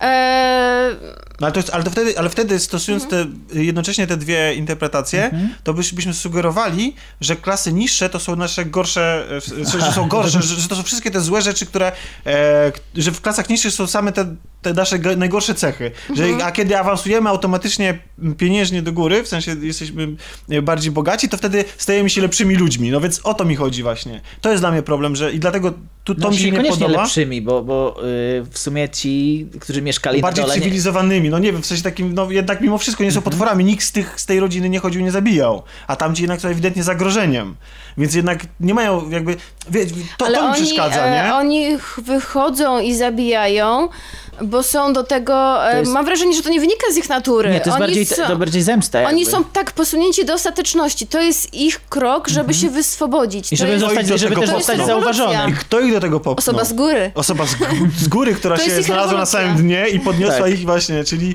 naj, y, najbliższa rewolucja socjalistyczna y, będzie y, rozpoczęta przez osobę, która utraciła wszystko, na przykład w wyniku jakiegoś kryzysu. Tak, ale jest też, jest też interpretacja, chociaż może ona nie, nie trzyma się kupy i nie jest tak mocna e, jak, jak te dwie mm, pozostałe, ale jest też taka jakby interpretacja quasi-religijna, e, która, mm, która łączy się ściśle właśnie z tą liczbą 11-11. Już nie mówię o, że, to, że tam jest powiedziane, że to jest cytat z Biblii z Tak, ale ten Jeremiasza, cytat- jest który, tak który on ogólny, jest, że- tak, który jest zbyt ogólny, ale bardziej chodzi mi o to, że jest jakaś taka pewna new age'owa teoria, e, wywodząca się właśnie z takich jakichś e, ezoterycznych mm, teorii, e, czy, nie wiem, czy dobrego słowa użyłem, ale nieistotne, e, gdzie osoba, która widzi często liczbę, e, tak zwane to są liczby mistrzowskie, 11-11, jedna z nich, to e, jest jakoś wybrana przez Boga, się nazywają light workers tacy ludzie, więc e, workers też, też a propos, też może być e, nitką do tej interpretacji politycznej. A, okej. E, Zresztą... e, Lightworkers. Zresztą... I że to jest e, osoba wybrana przez Boga, żeby osiągnąć, żeby właśnie zrealizować jakiś plan Boży, jakąś misję. Zresztą taka bohaterka Właśnie. mówi często o Bogu, że to jest, że, że bardzo jest często poruszany właśnie przez nią temat wiary. Tak, i ona mówi, że Bóg ich opuścił, Tak, tak, żeby tak. tam i Tak. tak dalej, i tak dalej. Tak, tak, to, to też się pojawia. Więc, więc to też może... Czyli co, piekło pod ziemią? Tak, tak. Właśnie też, też jako w niebie, tak i na ziemi, prawda? Czyli niebo jako, jako tak... Ale nie wiem, czy e, jestem ciekawa, jak wy interpretujecie scenę, która mnie trochę zdziwiła, scenę w filmie. Chodzi mi o scenę, mm, kiedy bohaterowie wychodzą z samochodu e, i spotykają tego alternatywnego podziemnego synka, który chce podpalić samochód. I w tym momencie syn wpada na pomysł, że może on kontrolować swoje alter ego. Że On, to on, jest- już to, on już to wcześniej tego I to jest doświadczył. jedyna osoba, która sobie to uświadamia. Nikt inny nie potrafi ich kontrolować, a on, e, tak, rzeczywiście już w tej Że to działa jak szafą, lustro, tak? Że to działa jak lustro. I, w tej interpre- I to ma największy sens interpretacji psychologicznej, że możemy sobie zdać sprawę z naszego, e, e, naszej mroczniejszej strony i jakby możemy ją... E, Założyć jej trochę kaganiec i smycz, i że możemy ją kontrolować. pchnąć w płomienie. Ja z kolei to czytałem trochę jako, w ogóle, w sensie też wracając do tej społecznej interpretacji, że no bo oni są bardzo aspirujący. Oni tak naprawdę chcą przejąć, jakby chcą skopiować, bo całe życie mieli za wzór pokazane coś lepszego i że chcieli to kopiować i, i, i żyć tak jak oni. Teraz faktycznie chcą tak zrobić i wydaje mi się, że na poziomie dziecka po prostu to czytałem, że dzieci są najbardziej na to chłonne, poprzez, poprzez współdzielenie kultury na przykład. No też, że, tylko że powiedzmy, że ten chłopiec jest mieszańcem jakby, tak? No, który łączy, który se spaja te- te- te- Ale właśnie a propos, a propos jak jesteś... Właśnie, no tak. I A, może dlatego też jest takie specjalne połączenie między nimi. Mhm, właśnie. Ale a propos, a propos tego, jak jesteśmy już do, przy tym porównywaniu jednych do drugich, jak, jak, jak e, dlaczego mnie ten ojciec tak strasznie denerwował i, i nagle je- ta, to zresztą ty zwróciłeś na to uwagę chyba, że e, ta e, z podziemi wersja głównej bohaterki no można traktować jako jedną, tak, jedną Mhm. bohaterkę, że ta z podziemi e, mówi do swojej właśnie tej ziemskiej odpowiedniczki, że ty znalazłaś sobie księcia, Tak, z, bajki. z bajki. I to jest tak śmieszne. W... A ja w tym momencie też się zaśmiałam. Co? Jestem pewny, przekonany, że bardziej zaradnym był ten, ten podziemny mąż niż ten naziemny, nie? Bo on był taki jakby zupełnie inny, nie? Może, może to też chodziło właśnie, może, ym, może też chodziło o to, żeby te dysproporcje były tak olbrzymie, że dlatego właśnie ten, ten, ten ojciec tak, gra takiego totalnego fight łapę, żeby jakby, żeby, żeby musiał się mierzyć z takim chodzącym niemalże Terminatorem, No prawda? tak. Takim potworem Frankensteinem. Kolejny dualizm. No bo właśnie to jest też dziwne, że od, od samego początku, że widzisz silnego, postawnego mężczyznę, myślisz, że sobie poradzi, a nagle okazuje się, że zaczyna płakać jak, dziecko. Jak on wyszedł z tym baseballem tam przed dom i to takie... Znaczy, okej, No właśnie o tej jakby, scenie ja, ja nie chciałbym zgrywać tutaj twardziela, bo ja bym pewnie zrobił dokładnie tak samo, nie? Ja bo w ogóle nawet nie wyszedł, nie? Ale, ale tak, ale y, na ekranie to wygląda tak dosyć ciep, ciep, A, jeszcze przypomniało mi się jedno, bo jak to przy każdym filmie takim niewyjaśnionym mnożą się, mnożą się różne teorie, można powiedzieć wręcz konspiracyjne Mhm. i nie wiem, czy wiecie, że jest teoria, że syn też był podmieniony. Aha. E, Że w tym mom- tylko że krócej to trwało. Jest... Ale kiedy? W moment... Coś jest mowa o, o, o, nie pamiętam, już różne są Aha. interpretacje, o, o tym pogrzebie babci, że po, od pogrzebu, Aha. że jest scena, w której się mówi, że on od pogrzebu babci się zachowuje dziwnie i że jako argument, to nie do końca mnie to przekonuje, jest wymieniane to, że w samochodzie on rzuca ten żart o tym odbycie. E, I że on dopiero też jakby uczy się żyć, funkcjonować w społeczeństwie i nie, zna, nie wie jeszcze, jak używać niektórych słów. E, Plus on ma ewidentnie połączenie, znaczy on wie o, t- o tajemnicy matki. I może to interpretować w taki sposób, że on wie i rozumie i to akceptuje, ale Tak, może też być, właśnie. że wie, bo wie. W sensie, że, że bo on tam na końcu jak na nią patrzy, on, on się domyśla. Znaczy domyśla albo dają sobie znaki, że się właśnie, rozumieją. Właśnie, co jest ciekawe, on nosi tą maskę taką, nie? No właśnie o to chodzi, że on właśnie też cały czas z on, tą on maską... nosi tą maskę, znaczy to nie wiem, czy, jaka to jest maska, ona tak trochę demonicznie wygląda, ale... ale Jakiś wilkołak chyba. Ale, ale może właśnie to też jest właśnie, że on, I on- się w niej i- lepiej czuje niż tak, bez niej. Tak, i, i y, końcowa scena tego filmu, jak oni tam jadą w tym samochodzie, jest tak, że matka się do niego odwraca, a on tą maskę zakłada. Właśnie, czyli, że, że, czyli że wtedy jest sobą tak Tak. naprawdę. I Tylko wtedy to by, nie wiem jakby to tłumaczyło, że on kiedy zostaje w ciemnościach, to się tak strasznie boi i w ogóle swoją drogą ta, ta, ta karetka, która na końcu, No którą ma- oni jadą i ona ma numer boczny, czy tam dachowy, czy jakikolwiek, 11-11 chyba, I też, ale też ta, ta karetka to jest dokładnie, w sensie to, to jest ten sam, znaczy ten sam, podobny model do tego, którym on blokuje drzwi. Tak, Żeby- tak, tak. e, Tak, szafy. I to też można interpretować jakoś tam symbolicznie jako ta ostatnia zapora, tylko wiesz, przed tym, nie wiem, światem mroku czy czegoś, znalezienia się w niebezpieczeństwie. A może się bać ciemności, dlatego że całe życie spędził praktycznie w ciemnościach, Może, no i ma też jakąś To traumę. podmienienie miałoby sens, wtedy, po, y, zwłaszcza na pogrzebie babci, ponieważ to by oznaczało, że oni tu przyjechali w te rejony. I właśnie w tym rejonie zostali, został podmieniony. No Tak, więc jeszcze, tak, no jeszcze, jest, właśnie. jeszcze jest motyw tej sztuczki, takiej, y, którą on, znaczy sztuczki, właściwie to chyba jest jakaś zapalniczka, tak? Którą Tak. on mówi, że mu Ale wychodziło on ma to. jakoś na palec tak, to tak, to jest jakaś taka dziwna taka zapalniczka. specjalna zapalniczka. Które, I on mówi, że mu wcześniej to wychodziło, a teraz mu nie wychodzi, nie? Tak, a ten I drugi to- z kolei y, bawi się Tak, więc, tak, tak. Więc, więc tak, więc być może właśnie on... Mhm. Fa, faktycznie, wow. No. Dobra, zmieniam zdanie, ten film jest lepszy niż myślałem. 10 na 10. Nie no, ale po prostu fajnie jest coś takiego sobie porozkminiać. No ja raz na jakiś czas lubię sobie zastanawiać się nad takimi różnymi teoriami Mhm. i jeśli coś dostarcza mi takiego pokarmu, e, to doceniam zawsze. Właśnie i ten film dał mi bardzo dużo tego, Pokarmu. po, takiego pokarmu Tak. właśnie interpretacyjnego, Tak, dla- co może dawno dla żaden film podćwiczyć nie mózg, zrobił. prawda? Tak. Co? Coś jeszcze chcemy? Jeszcze jakąś interpretację dorzucić do pieca? Nie no, chyba nie. Myślałam, że coś więcej powiesz o tym Trumpie. O tym Trumpie? Eee. Znaczy nie, no, no to właśnie to ja już powiedziałem jakby społecznym, że, że generalnie mam wrażenie, że wiesz, jakby, że to, to nie tylko, to nie chodzi o Trump, to nawet patrząc na Brexit, na to, co się stało w Anglii, że przez przypadek im dzięki demokracji y, dzieje się... Jedni politycy chcieli zrobić coś, y, bo sądzili, że będzie jakiś inny wynik, po czym się okazuje, że cały kraj się znalazł w sytuacji, w której jedni za bardzo, że nikt ich właściwie nie chce tej Nikt sytuacji, nie ale chce, ale nie mają za bardzo jak z tego jak z tego wybrnąć. wybrnąć i to jest właściwie i, i to... Trochę jak w tym filmie. I na Tak. całym świecie mam wrażenie właśnie, że, że, że, y, że demokracja, że dochodzimy, do- nawet y, y, w kontekście tego, jak łatwo na przykład jesteśmy sterowani przez jakieś tam boty w internecie, związane tam, zresztą były różne afery tak związane z wyborami w różnych krajach i dla mnie to jest... ym, to jest oznaka jakby takich tych, tych słabości demokracji o, i o, przed, ci, przed, przed którymi będziemy się chcieli w jakiś sposób zabezpieczyć, wydaje mi się, w przyszłości. Zwłaszcza, że będziemy się zmierzać z coraz bardziej z, em, cyfryzowanym i podzielonym społeczeństwem, mam też wrażenie. I, no tak, i wydaje mi tak. ten, ten film jest w sumie o społecznych podziałach. W Polsce też jest bardzo aktualny. I Tak? mam wrażenie też, że, że politykom, którzy żerują na takich na podstawowych instynktach, e, na naszych lękach, em, nie zawsze racjonalnych, Mhm. e, jest łatwiej, ponieważ ludzie bardziej świadomi są też bardziej odporni na taką czystą propagandę. I są też e, bardziej tacy, Mhm. wiecie, wątpiący.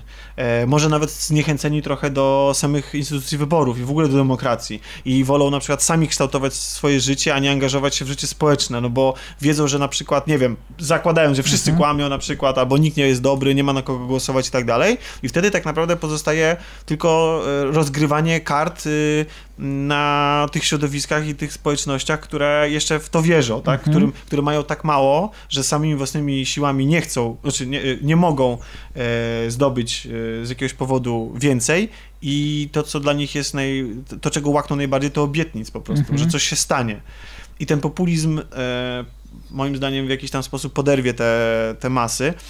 I jestem tylko jeszcze jakby y, mnie osobiście interesuje, na ile to będą masy y, klas niższych, a w jaki sposób za sobą pociągną ta, ta rewolucja, znaczy wiecie, bo to nie chodzi o to, żeby teraz palić na stosie i wieszać po prostu tych, którzy posiadają środki produkcji, jak do dawnych czasów, tylko bo ja oczywiście do niczego nie to, nawołuję, to tylko może mówię, to są moje... zupełnie inny sposób Tak, przebiec. tak, Tak. bo ja tylko, ja to nie chodzi o to, że to są moje poglądy, tylko ja tak widzę przyszłość po prostu, że, że takie rzeczy się dzieją i em, żeby nie było, że ja popieram jakieś rewolucyjne tutaj e, antydemokratyczne rzeczy, bo absolutnie nie, tylko chodzi mi o to, że e, ja, mnie zastanawia e, jedna rzecz.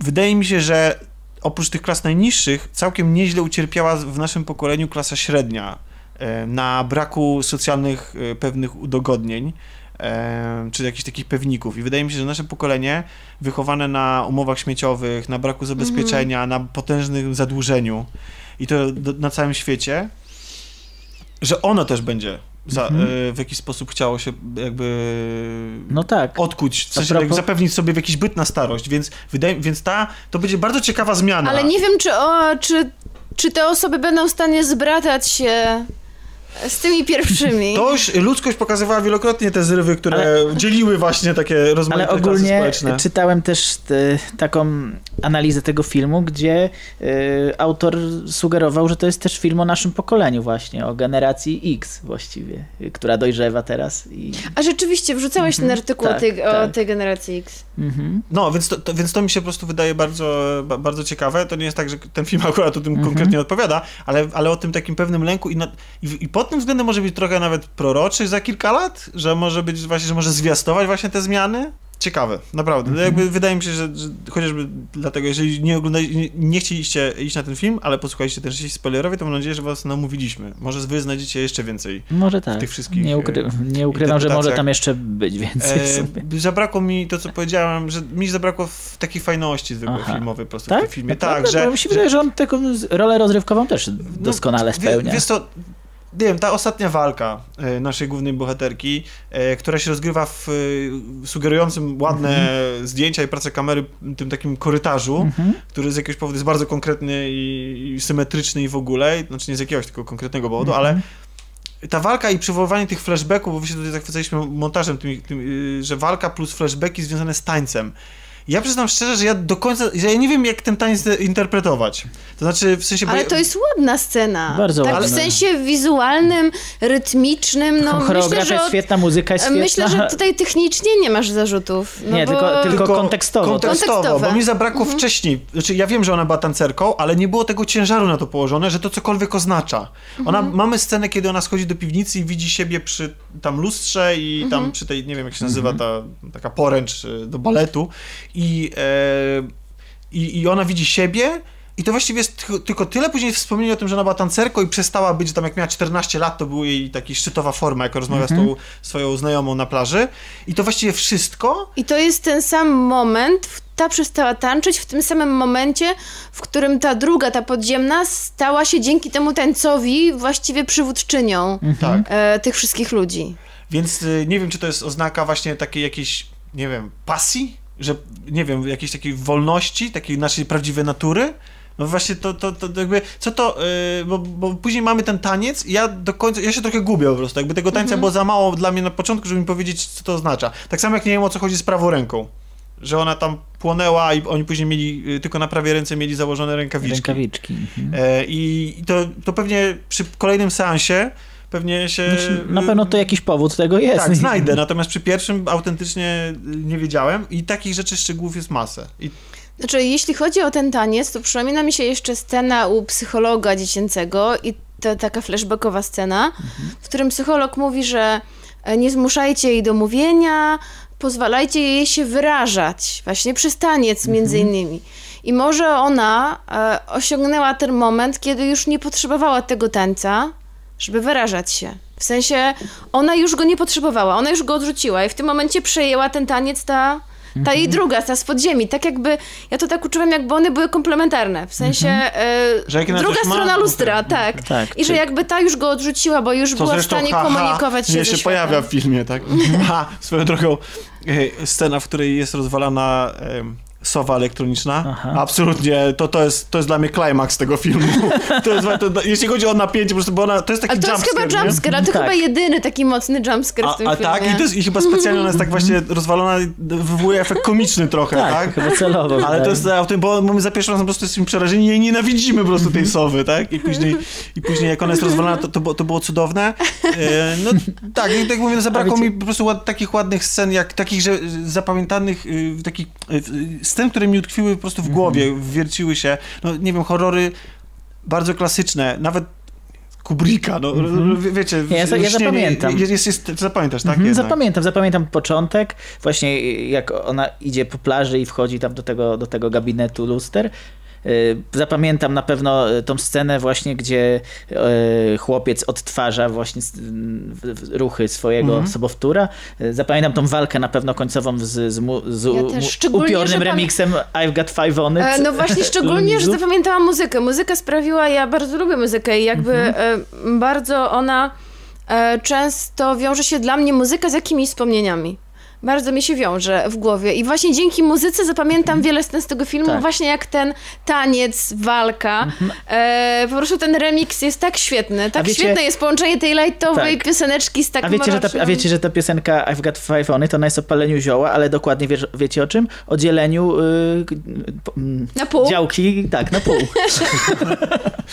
Okej. Ale po prostu... Że, że wzięli dychę i się dzielą E, po Beat, piątce. e, beat tego utworu, tego pad D jest To mogli- tak wpasowany idealnie w To to mo- I Got mo- mogli- jeszcze, po- jeszcze, polski e, utwór wziąć. Jeszcze przeczytałem, że, cho- że chodzi o y, zioło hybrydowe. O, to już w ogóle. Okej. No dobrze, więc tak. Ale naprawdę nie, no muzycznie e, ten film po prostu roz, rozłożył mnie na łopatki, a wcale nie tak często słucham e, po tym soundtracku e, z filmu, a słuchałam całej płyty tej... Intro z e, króliczkami też było ładne, takie churalne. A właśnie, A, intro, nie dowiedziałem się, dla, dlaczego ona jada surowe króliki. W ogóle króliki. No, dlaczego króliki? Bo może Alicja? No na, na pewno to, jako, to jako Po podstawowe. drugiej stronie drugie, lustra, Po, po, po drugie, e, e, Nora pod ziemią? Znaczy- Nie wiem. na pewno właśnie. Wychodzi jeszcze- nasza jeszcze niekompetencja wychodzi- interpretacyjna. nie- nie po No ale nie, no przecież no, ten film ma po tyle różnych interpretacji, że możemy sobie teraz wymyślić różne bzdury, no. Ale no, myślę, że to, białe króliki, doświadczenia, to może po tak, prostu... eksperymenty. To był tylko, myślę, że to był tylko element służący temu wyjaśnieniu takiemu najbardziej wprost, No właśnie, bo, eksperymenty, bo białe ona w ogóle króliki mówi, że i to był tak dalej. eksperyment ludzi. Mhm. Czyli co, klasy społeczne to eksperyment ludzi? No, króliki też się łatwo mnożą, więc No, więc królików mogło być. Dobrze, No. jak, jak, jak myślicie, e, my jesteśmy tymi na górze, czy tymi na dole? Pomiędzy, na schodach Na stoimy. schodach. Bo, się, bo od, tego, od tego, od odpowiedzi chciałem zadać pytanie, co robi właśnie, jak wygląda nasza kolaudacja w tej wersji e, naszych doppelgangerów. e, Tak, mam nadzieję, że jest bardzo inteligentna. Czyli jesteśmy tymi na dole. Tak, dokładnie, dokładnie co, co tak. potrafią się wysłowić, ryczą Tak. i tak naprawdę... Tak, chętnie byśmy- śmieją się, e, mówią y, y. Tak, i Tak, prze- nie wiedzą, nie umieją dokończyć zdania. I Dobra, a jak, przeszkadzają sobie, jesteśmy, wchodzą w słowo. a jak jesteśmy przy post-horrorze, to czy mogę powiedzieć dwa słowa o polskim, polskiej próbie podejścia do tematu? Wilkołak? Tak. Nie, Dlaczego nie? bo ja jestem tym z dołu i ci zabraniam. Nie, nie, bo ja chcę go obejrzeć. Tak? Tak, Dobrze, jest- czyli nie mówimy. Znaczy, dobra, opowiedz. Nie, nie, to nie. Opowiedz. A fajny? Mm, trochę zawodzi, trochę mi się podobał, a trochę zawodzi. No Mhm. nie wiem, czy chcesz, bo Dobrze, opowiadaj. e, może jak On ma opowiem... 88 minut w ogóle. A jak opowiem, Tak, to krót- podejrzewam, że już nie będziesz chciał zobaczyć, a Dlaczego? jednak Będziesz warto jest obejrzenia. Nie, no. Nie, bo mówisz, że, bo mówisz potem, że a jak już omówiony, to już mi się nie chce. Ale jest tyle filmów teraz, Czy w ogóle mamy kiedyś, cudowny okres. czy zdarzyło ci się, żebyś obejrzał film, który już został omówiony na nagraniu? Ty wiesz, że chyba nie? No właśnie, Ale naprawdę, i, no to, i, właśnie. i, mimo, i opuściłem takie klasyki jak e, Star is Born, jak First Man, w ogóle, a ja przecież uwielbiam tego Ja reżysera. Firstmana nie? też nie obejrzałam, ale Wow. no dobra, ale nie, mogę powiedzieć, Dobrze, ale opowiadaj. podejrzewam, że już będzie dla ciebie wtedy Zaoszczędzę na stracony. czasie. No. Szybciej to powiesz niż 80 minut Osiem, o, zdecydowanie. 88 sekund może nie starczyć. Mm. That's what she said, przepraszam. Bo zacząłem oglądać The Office, amerykańską wersję Tak, i no, tego typu to są żarty. takie żarty i po prostu i jestem tak zakochany w tym serialu, ale to opowiem Dobrze, jak już skończę. e, to dobrze, bo tak, bo zostańmy przy tym poważnym temacie horrorowym, a na komedię przejdziemy może na koniec, żeby był comic relief. Bo temat jest bardzo, więc może tak, przystopujmy z żartami, bo temat jest taki smutny i poważny. E, No bo akcja zaczyna się w roku 1945, e, kiedy następuje tak zwane wyzwolenie obozu. To jest jeden z nazistowskich obozów zagłady na terenie Polski. Nie wiem dokładnie, już nie pamiętam jaka nazwa, nie będę sprawdzać.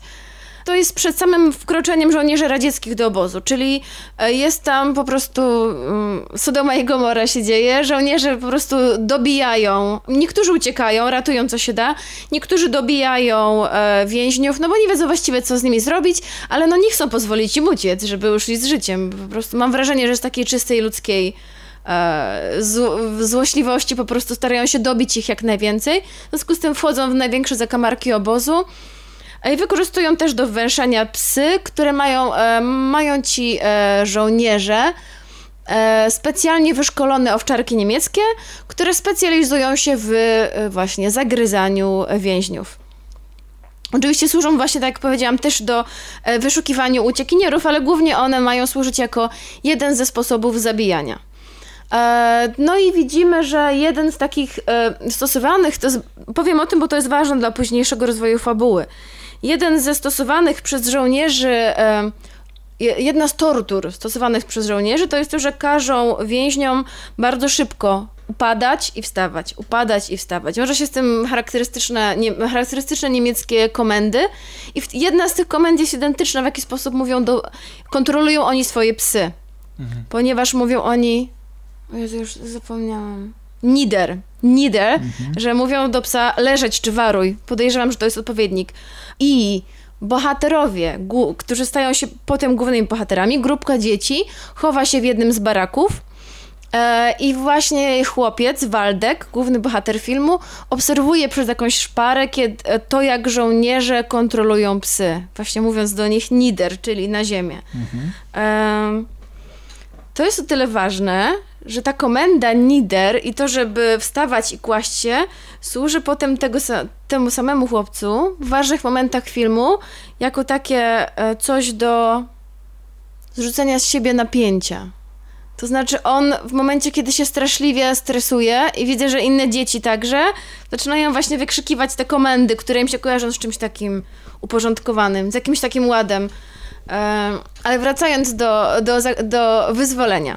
Żołnierze niemieccy uciekają, żołnierze radzieccy ratują niedobitki, wrzucają dzieci na pakę i zawożą ich do pięknego dworku. Oczywiście rozgrabionego, opuszczonego. E, znajduje się tam mm, kobieta, którą gra Danuta Stenka e, i ta kobieta ma opiekować się dziećmi. To jest taki jakby im, na szybko zaimprowizowany sierociniec. Mhm. To ma być tymczasowe. Tyle tylko, że problem jest taki, że ona nie ma środków do tego. Ona sama prawdopodobnie była w obozie. Wygląda bardzo źle, jest wychudzona, ma bardzo krótko obcięte włosy. Jest ona sama na, na skraju i ma jeszcze opiekować się grupką chyba pięciorga czy sześciorga dzieci, kiedy nie ma im nawet nic do, e, żeby dać im jeść. Mają one tylko trochę ubrań, które znalazły, tam jakąś bieliznę do spania i worek ziemniaków.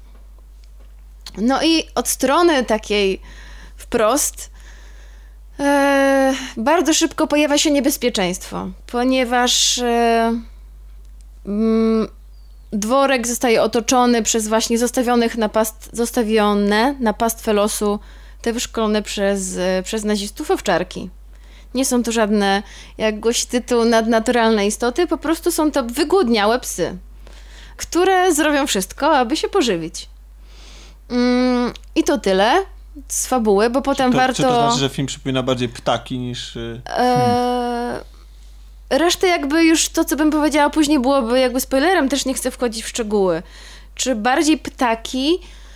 E, to znaczy tutaj mam duży bardzo problem z tym filmem, bo lubię psy, interesuje się tym, jak się je szkoli i niestety widać jest to, że mimo, że reżyser bardzo próbuje stworzyć z tych psów ogromne za, um, zagrożenie. Mm -hmm. Jest bardzo dużo jumpscarów z psami. E, bardzo dużo jest takich scen, które mnożone są na, na tej samej zasadzie. To znaczy widać, pies wyskakuje skakuje do jednego okna, po chwili ci przebiegają, pies doskakuje do drugiego okna, następnie pies doskakuje do drzwi, następnie pies doskakuje do drugich drzwi. Troszkę nie działa za e, którymś No razem. właśnie o to chodzi, za którymś razem już to samo nie, nie działa, a poza tym jakby znając język ciała psów, mhm. ja widzę, że one w tym momencie nie chcą wcale zjeść tych dzieci. Wiecie, wiecie o co chodzi. Okay, one okay. jest podłożone w tym momencie złowieszcze harczenie. Widziałaś zbyt dużo psów, które tak. zjadają dzieci. Żeby... nie, no chodzi o to, że one nie wyglądały na bardzo groźno. Widać, że warczą. Psy się tak szkoli, żeby rzucały się na pozoranta, ale jakby ciężko jest bez efektów specjalnych komputerowych, mam wrażenie, zamienić psa domowego, choć wyszkoleno Jakieś go psa, w krwiożerczą mhm. bestię. A tutaj posłużono się tylko i wyłącznie treningiem. I jakby... No dobrze, ale te psy są użyte jako jakaś sensowna metafora? Czy to jest... Tak, jest to mhm. użyte, bo na szczęście, więc ta warstwa próbująca stworzyć zagrożenie, moim zdaniem kompletnie zawiodła. Mhm. Ale na szczęście jest jeszcze ta druga warstwa, Czyli to, co obóz zrobił z psychiką tych dzieci, mhm. jak one funkcjonują między sobą, ze swoją opiekunką, jak one się do siebie odnoszą, jakie mają wspomnienia i właśnie jak radzą sobie z traumami. Wspomniałam o tym właśnie chłopcu. jedną z e, takich bardzo ważnych bohaterek jest dziewczyna najstarsza z nich, kilkunastoletnia, być może już pełnoletnia dziewczyna, która e, trochę przejmuje takie też e, obowiązki, też takie opiekunki. No i widać, że główny bohater jest, e, żywi do niej jakieś uczucie. Nie wiem, czy to jest uczucie romantyczne, czy jakieś bardziej takie synowskie, ale widać, że bardzo mm, jakby spogląda na nią często, tęsknie. E, a, I ma też drugiego jakby chłopca, o którego jest zazdrosny jakby o względy. Bo jest drugi chłopiec i ten chłopiec i oni obaj walczą o względy swojej opiekunki. Na przykład starają się e, zdobyć więcej jedzenia, e, starają się na różne sposoby jej zaimponować i jakby mm, w to, w jaki sposób oni współzawodniczą i w to, w jaki sposób, e, co oni, jak oni postępują. E, widać jakby jakie piętno odcisnęło na nich to, co, co się działo w obozie. I to jest chyba najstraszniejsze w tym filmie i to się udało osiągnąć. To znaczy, uważam, że gra dzieciaków jest świetna, że reżyser Adrian Panek, na pewno to jest jego w tym zasługa, bo prowadził je świetnie, bo szczególnie główny bohater Waldek jest po prostu, widać w jego oczach desperację, przerażenie, jakąś taką Jak na traumę. polski film to Jak na polski film. Znaczy, Znaczy, nie, bo Dzieci bardzo często właśnie, mam wrażenie, że tak, występy, tak, no. tak. I, a tutaj e, nie mówię, że to było świetne, bo nie wszyscy byli na równi, ale ten główny bohater naprawdę e, bardzo przekonująco to zagrał. No i Mhm. jeśli te psy mogą być otaczającą dzieci, metaforą właśnie, metaforą tej otaczającej jakby ciągnącej się za nimi traumy, o której oni nie są w stanie uciec. Te wspomnienia, te psy, na które się krzyczy nider, a do których e, tak kiedyś krzyczano, jeszcze kilka dni temu, czy tydzień, czy dwa tygodnie temu w tym obozie, to w jaki sposób do mnie przemawia. Plus jeszcze pojawia się drugie zagrożenie. To znaczy, w momencie, kiedy oni są odcięci od świata, nie ma jedzenia, nie ma picia. Oni próbują sobie jakoś radzić i boją się tego, że zaczną, że sami się zaczną wybijać. I jakby narasta już mają psy dookoła. E, czy, ale jakby narasta wśród nich taka, e, takie napięcie, że jakby. E, bo na samym. Dzieci sobie lubią opowiadać takie różne straszne historie. I na samym początku filmu jeden z chłopców opowiada straszną historię, że o cyganie, który przez to, że e, nie pił długo wody, to e, pociął sobie żyły i pił swoją krew. I dzieci po prostu obawiają się, że, Będą że sfiksują, okej. tak, że, że po prostu im całkowicie odbije. Plus oprócz tego jeszcze pojawia się taka warstwa baśniowa. Jest bardzo dużo takich em, mrugnięć okiem, jak na przykład konkretny e, dziewczyna chodząca po lesie w czerwonej sukience, właśnie te dzikie, te wilki.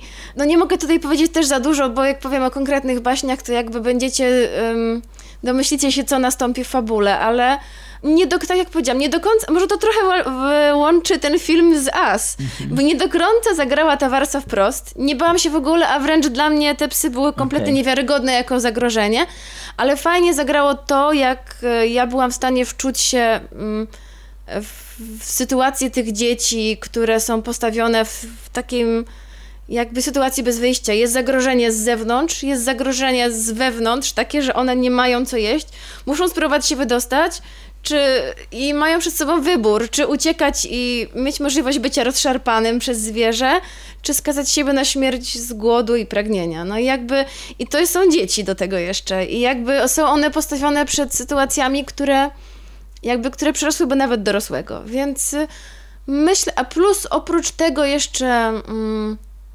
taka właśnie ta, unosi się taka aura baśniowości, bo to jest właśnie piękny las, piękny dworek, e, o świcie mgiełka się unosi nad, nad trawami, e, więc ogląda się to wszystko naprawdę przyjemnie i też pojawiają się od razu jakieś tam ciekawe interpretacje. Wilkowak. Polecam, polecam, bo jak to powiedział Tomek, jak na polski film. znaczy, bardzo cieszę się, że Ale jako polskie... horror nie działa, tak? E, no, na mnie jak, jak horror wprost nie zadziałał, ale może Jakaś jeśli... druga porażka horrorowa w ostatnim E, okresie To znaczy, jeśli ktoś e, boi się psów, to na niego na pewno zadziała. Ja jakby po prostu patrząc na te psy, nie widziałam w nich chęci mordu, bo e, trochę wiem o języku ciała psów, ale jakby może ktoś da się oszukać. Akurat ja nie dałam się. Tak, słyszałem, że, że odpowiedzialny w ogóle za tresurę tych psów był y, człowiek, który się zajmował w ogóle tresurą zwierząt do filmów, między innymi w grze o Tron, więc, więc to Czy jest w taki- ogóle... e, To tam ja, były cyfrowe wilkory. ja zawsze czytam... No może jakimiś innymi zwierzętami. Zawsze, prawdziwymi gorzej e, musicie. Jak wiecie, czytam zawsze napisy do końca, więc była bardzo duża ekipa odpowiedzialna za, tre, za tresurę, ale Mhm. mam wrażenie, że nie da się osiągnąć bez efektów komputerowych, jak, na, jak najlepiej byś psa nie wyszkolił. On będzie atakował, ale w nim nie będzie chęci mordu, bo to No. Proste. jest pies. Czyli E, I jakby widać to w zdań, Twoim zdaniem po prostu psi patrol jest lepszy niż, niż w wilkołach. No bo tam w Sim Patrolu nie muszą mordować, ten, udawać, że mordują. E, ale nie, bo psi patrol to jest chyba w ogóle CGI, nie? Te psy są tam animowane. Tak, bo to jest w ogóle animowany, tak, chyba animacja dla dzieci. no.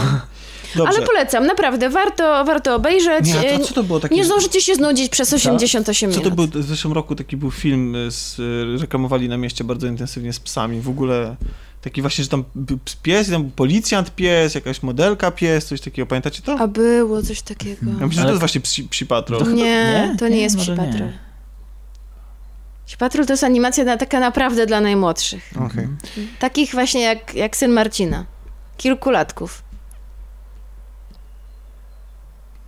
To była... e, Polecam, chociaż nie spodziewajcie się, że będziecie się bardzo bać. Dobra. Ja podskoczyłam raz, ponieważ raz się pojawił jumpscare. I wtedy się przestraszyłam. Dziękujemy Kasiu. Dziękujemy. To była Kasia Katka Porębska. Dziękuję. Był też dzisiaj z nami e, Grzegorz Narożny. Dzięki. I ja jestem Tomek Pieniak i to była Kolaudacja Show. A myślałam, że wy też coś po- jeszcze powiecie. Ja Już chyba. Nie, Nie ma- chyba, nie że. Grzegorz chce coś powiedzieć. Czy w sumie nie wiem, czy chcę się pastwić. Na tym Oj ciemnym Dobra, nie, ciemno prawie powiedz, powiedz. Jesteśmy w horrorach. Dobrze. no. Jak chcecie, żeby to się ukazało w marcu, w tym, w maju, to spoko. A nie, Nie, że może nie. nie, to powiem wam prywatnie po prostu. Dobrze. Że kiepski? Tak, ale powiem dlaczego. Dobra. To Grzegorzu pożegnaj się ładnie ze słuchaczami. No, trzymajcie się, dzięki, cześć. I te, ja też również wszystkim bardzo dziękuję. Oglądajcie polskie filmy. Tak, a w ogóle jeszcze, jeszcze, I chodźcie do kina. jeszcze jedno takie ogłoszenie. Yy, W, link, w, czy w opisie odcinka, gdziekolwiek go słuchacie, to na pewno będzie. Znajduje się link do. Jest szansa, że może tego wysłuchacie do tego czasu. Mianowicie uruchomiliśmy taką naszą zabawę głosowanie na kwartalne, na mm, gry komputerowe, wideo, które się ukazały w danym okresie i Cóż, zapraszam bardzo serdecznie do tego, żebyście oddawali swoje głosy. Tam się głosuje nie tylko na grę, grę, taką główną, ale też na, na przykład najważniejsze wydarzenie tego kwartału, czy na poszczególne części, jakieś elementy, oceniamy grafikę, muzykę i tak dalej. Także każdy na pewno znajdzie e, dla siebie e, jakiś A czy jest tam jakiś sobie- horror, skoro dziś, skoro dziś, dziś o horrorach? Oczywiście, masę. Jest Metro, jest e, e, Resident Evil? jest Resident Evil 2 Remake. Dobrze. Jak na dobrą sprawę, to można równie dobrze pod Czyli jakiś pasuje. horror podciągnąć nawet Devil May Cry, więc jakby, więc prawdę mówiąc, to taki trochę straszny ten początek roku, nie? No. A ty chciałeś powiedzieć Office w ogóle. O czym? O, nie, jak skończysz, tak? jak skończę. Jak o tak, The Office Dobra. jest świetny, ale to, to na kiedy Dobra. indziej, bo chcę oglądać jeszcze. Dobra, to dzięki, na razie, pa. Pa. Cześć.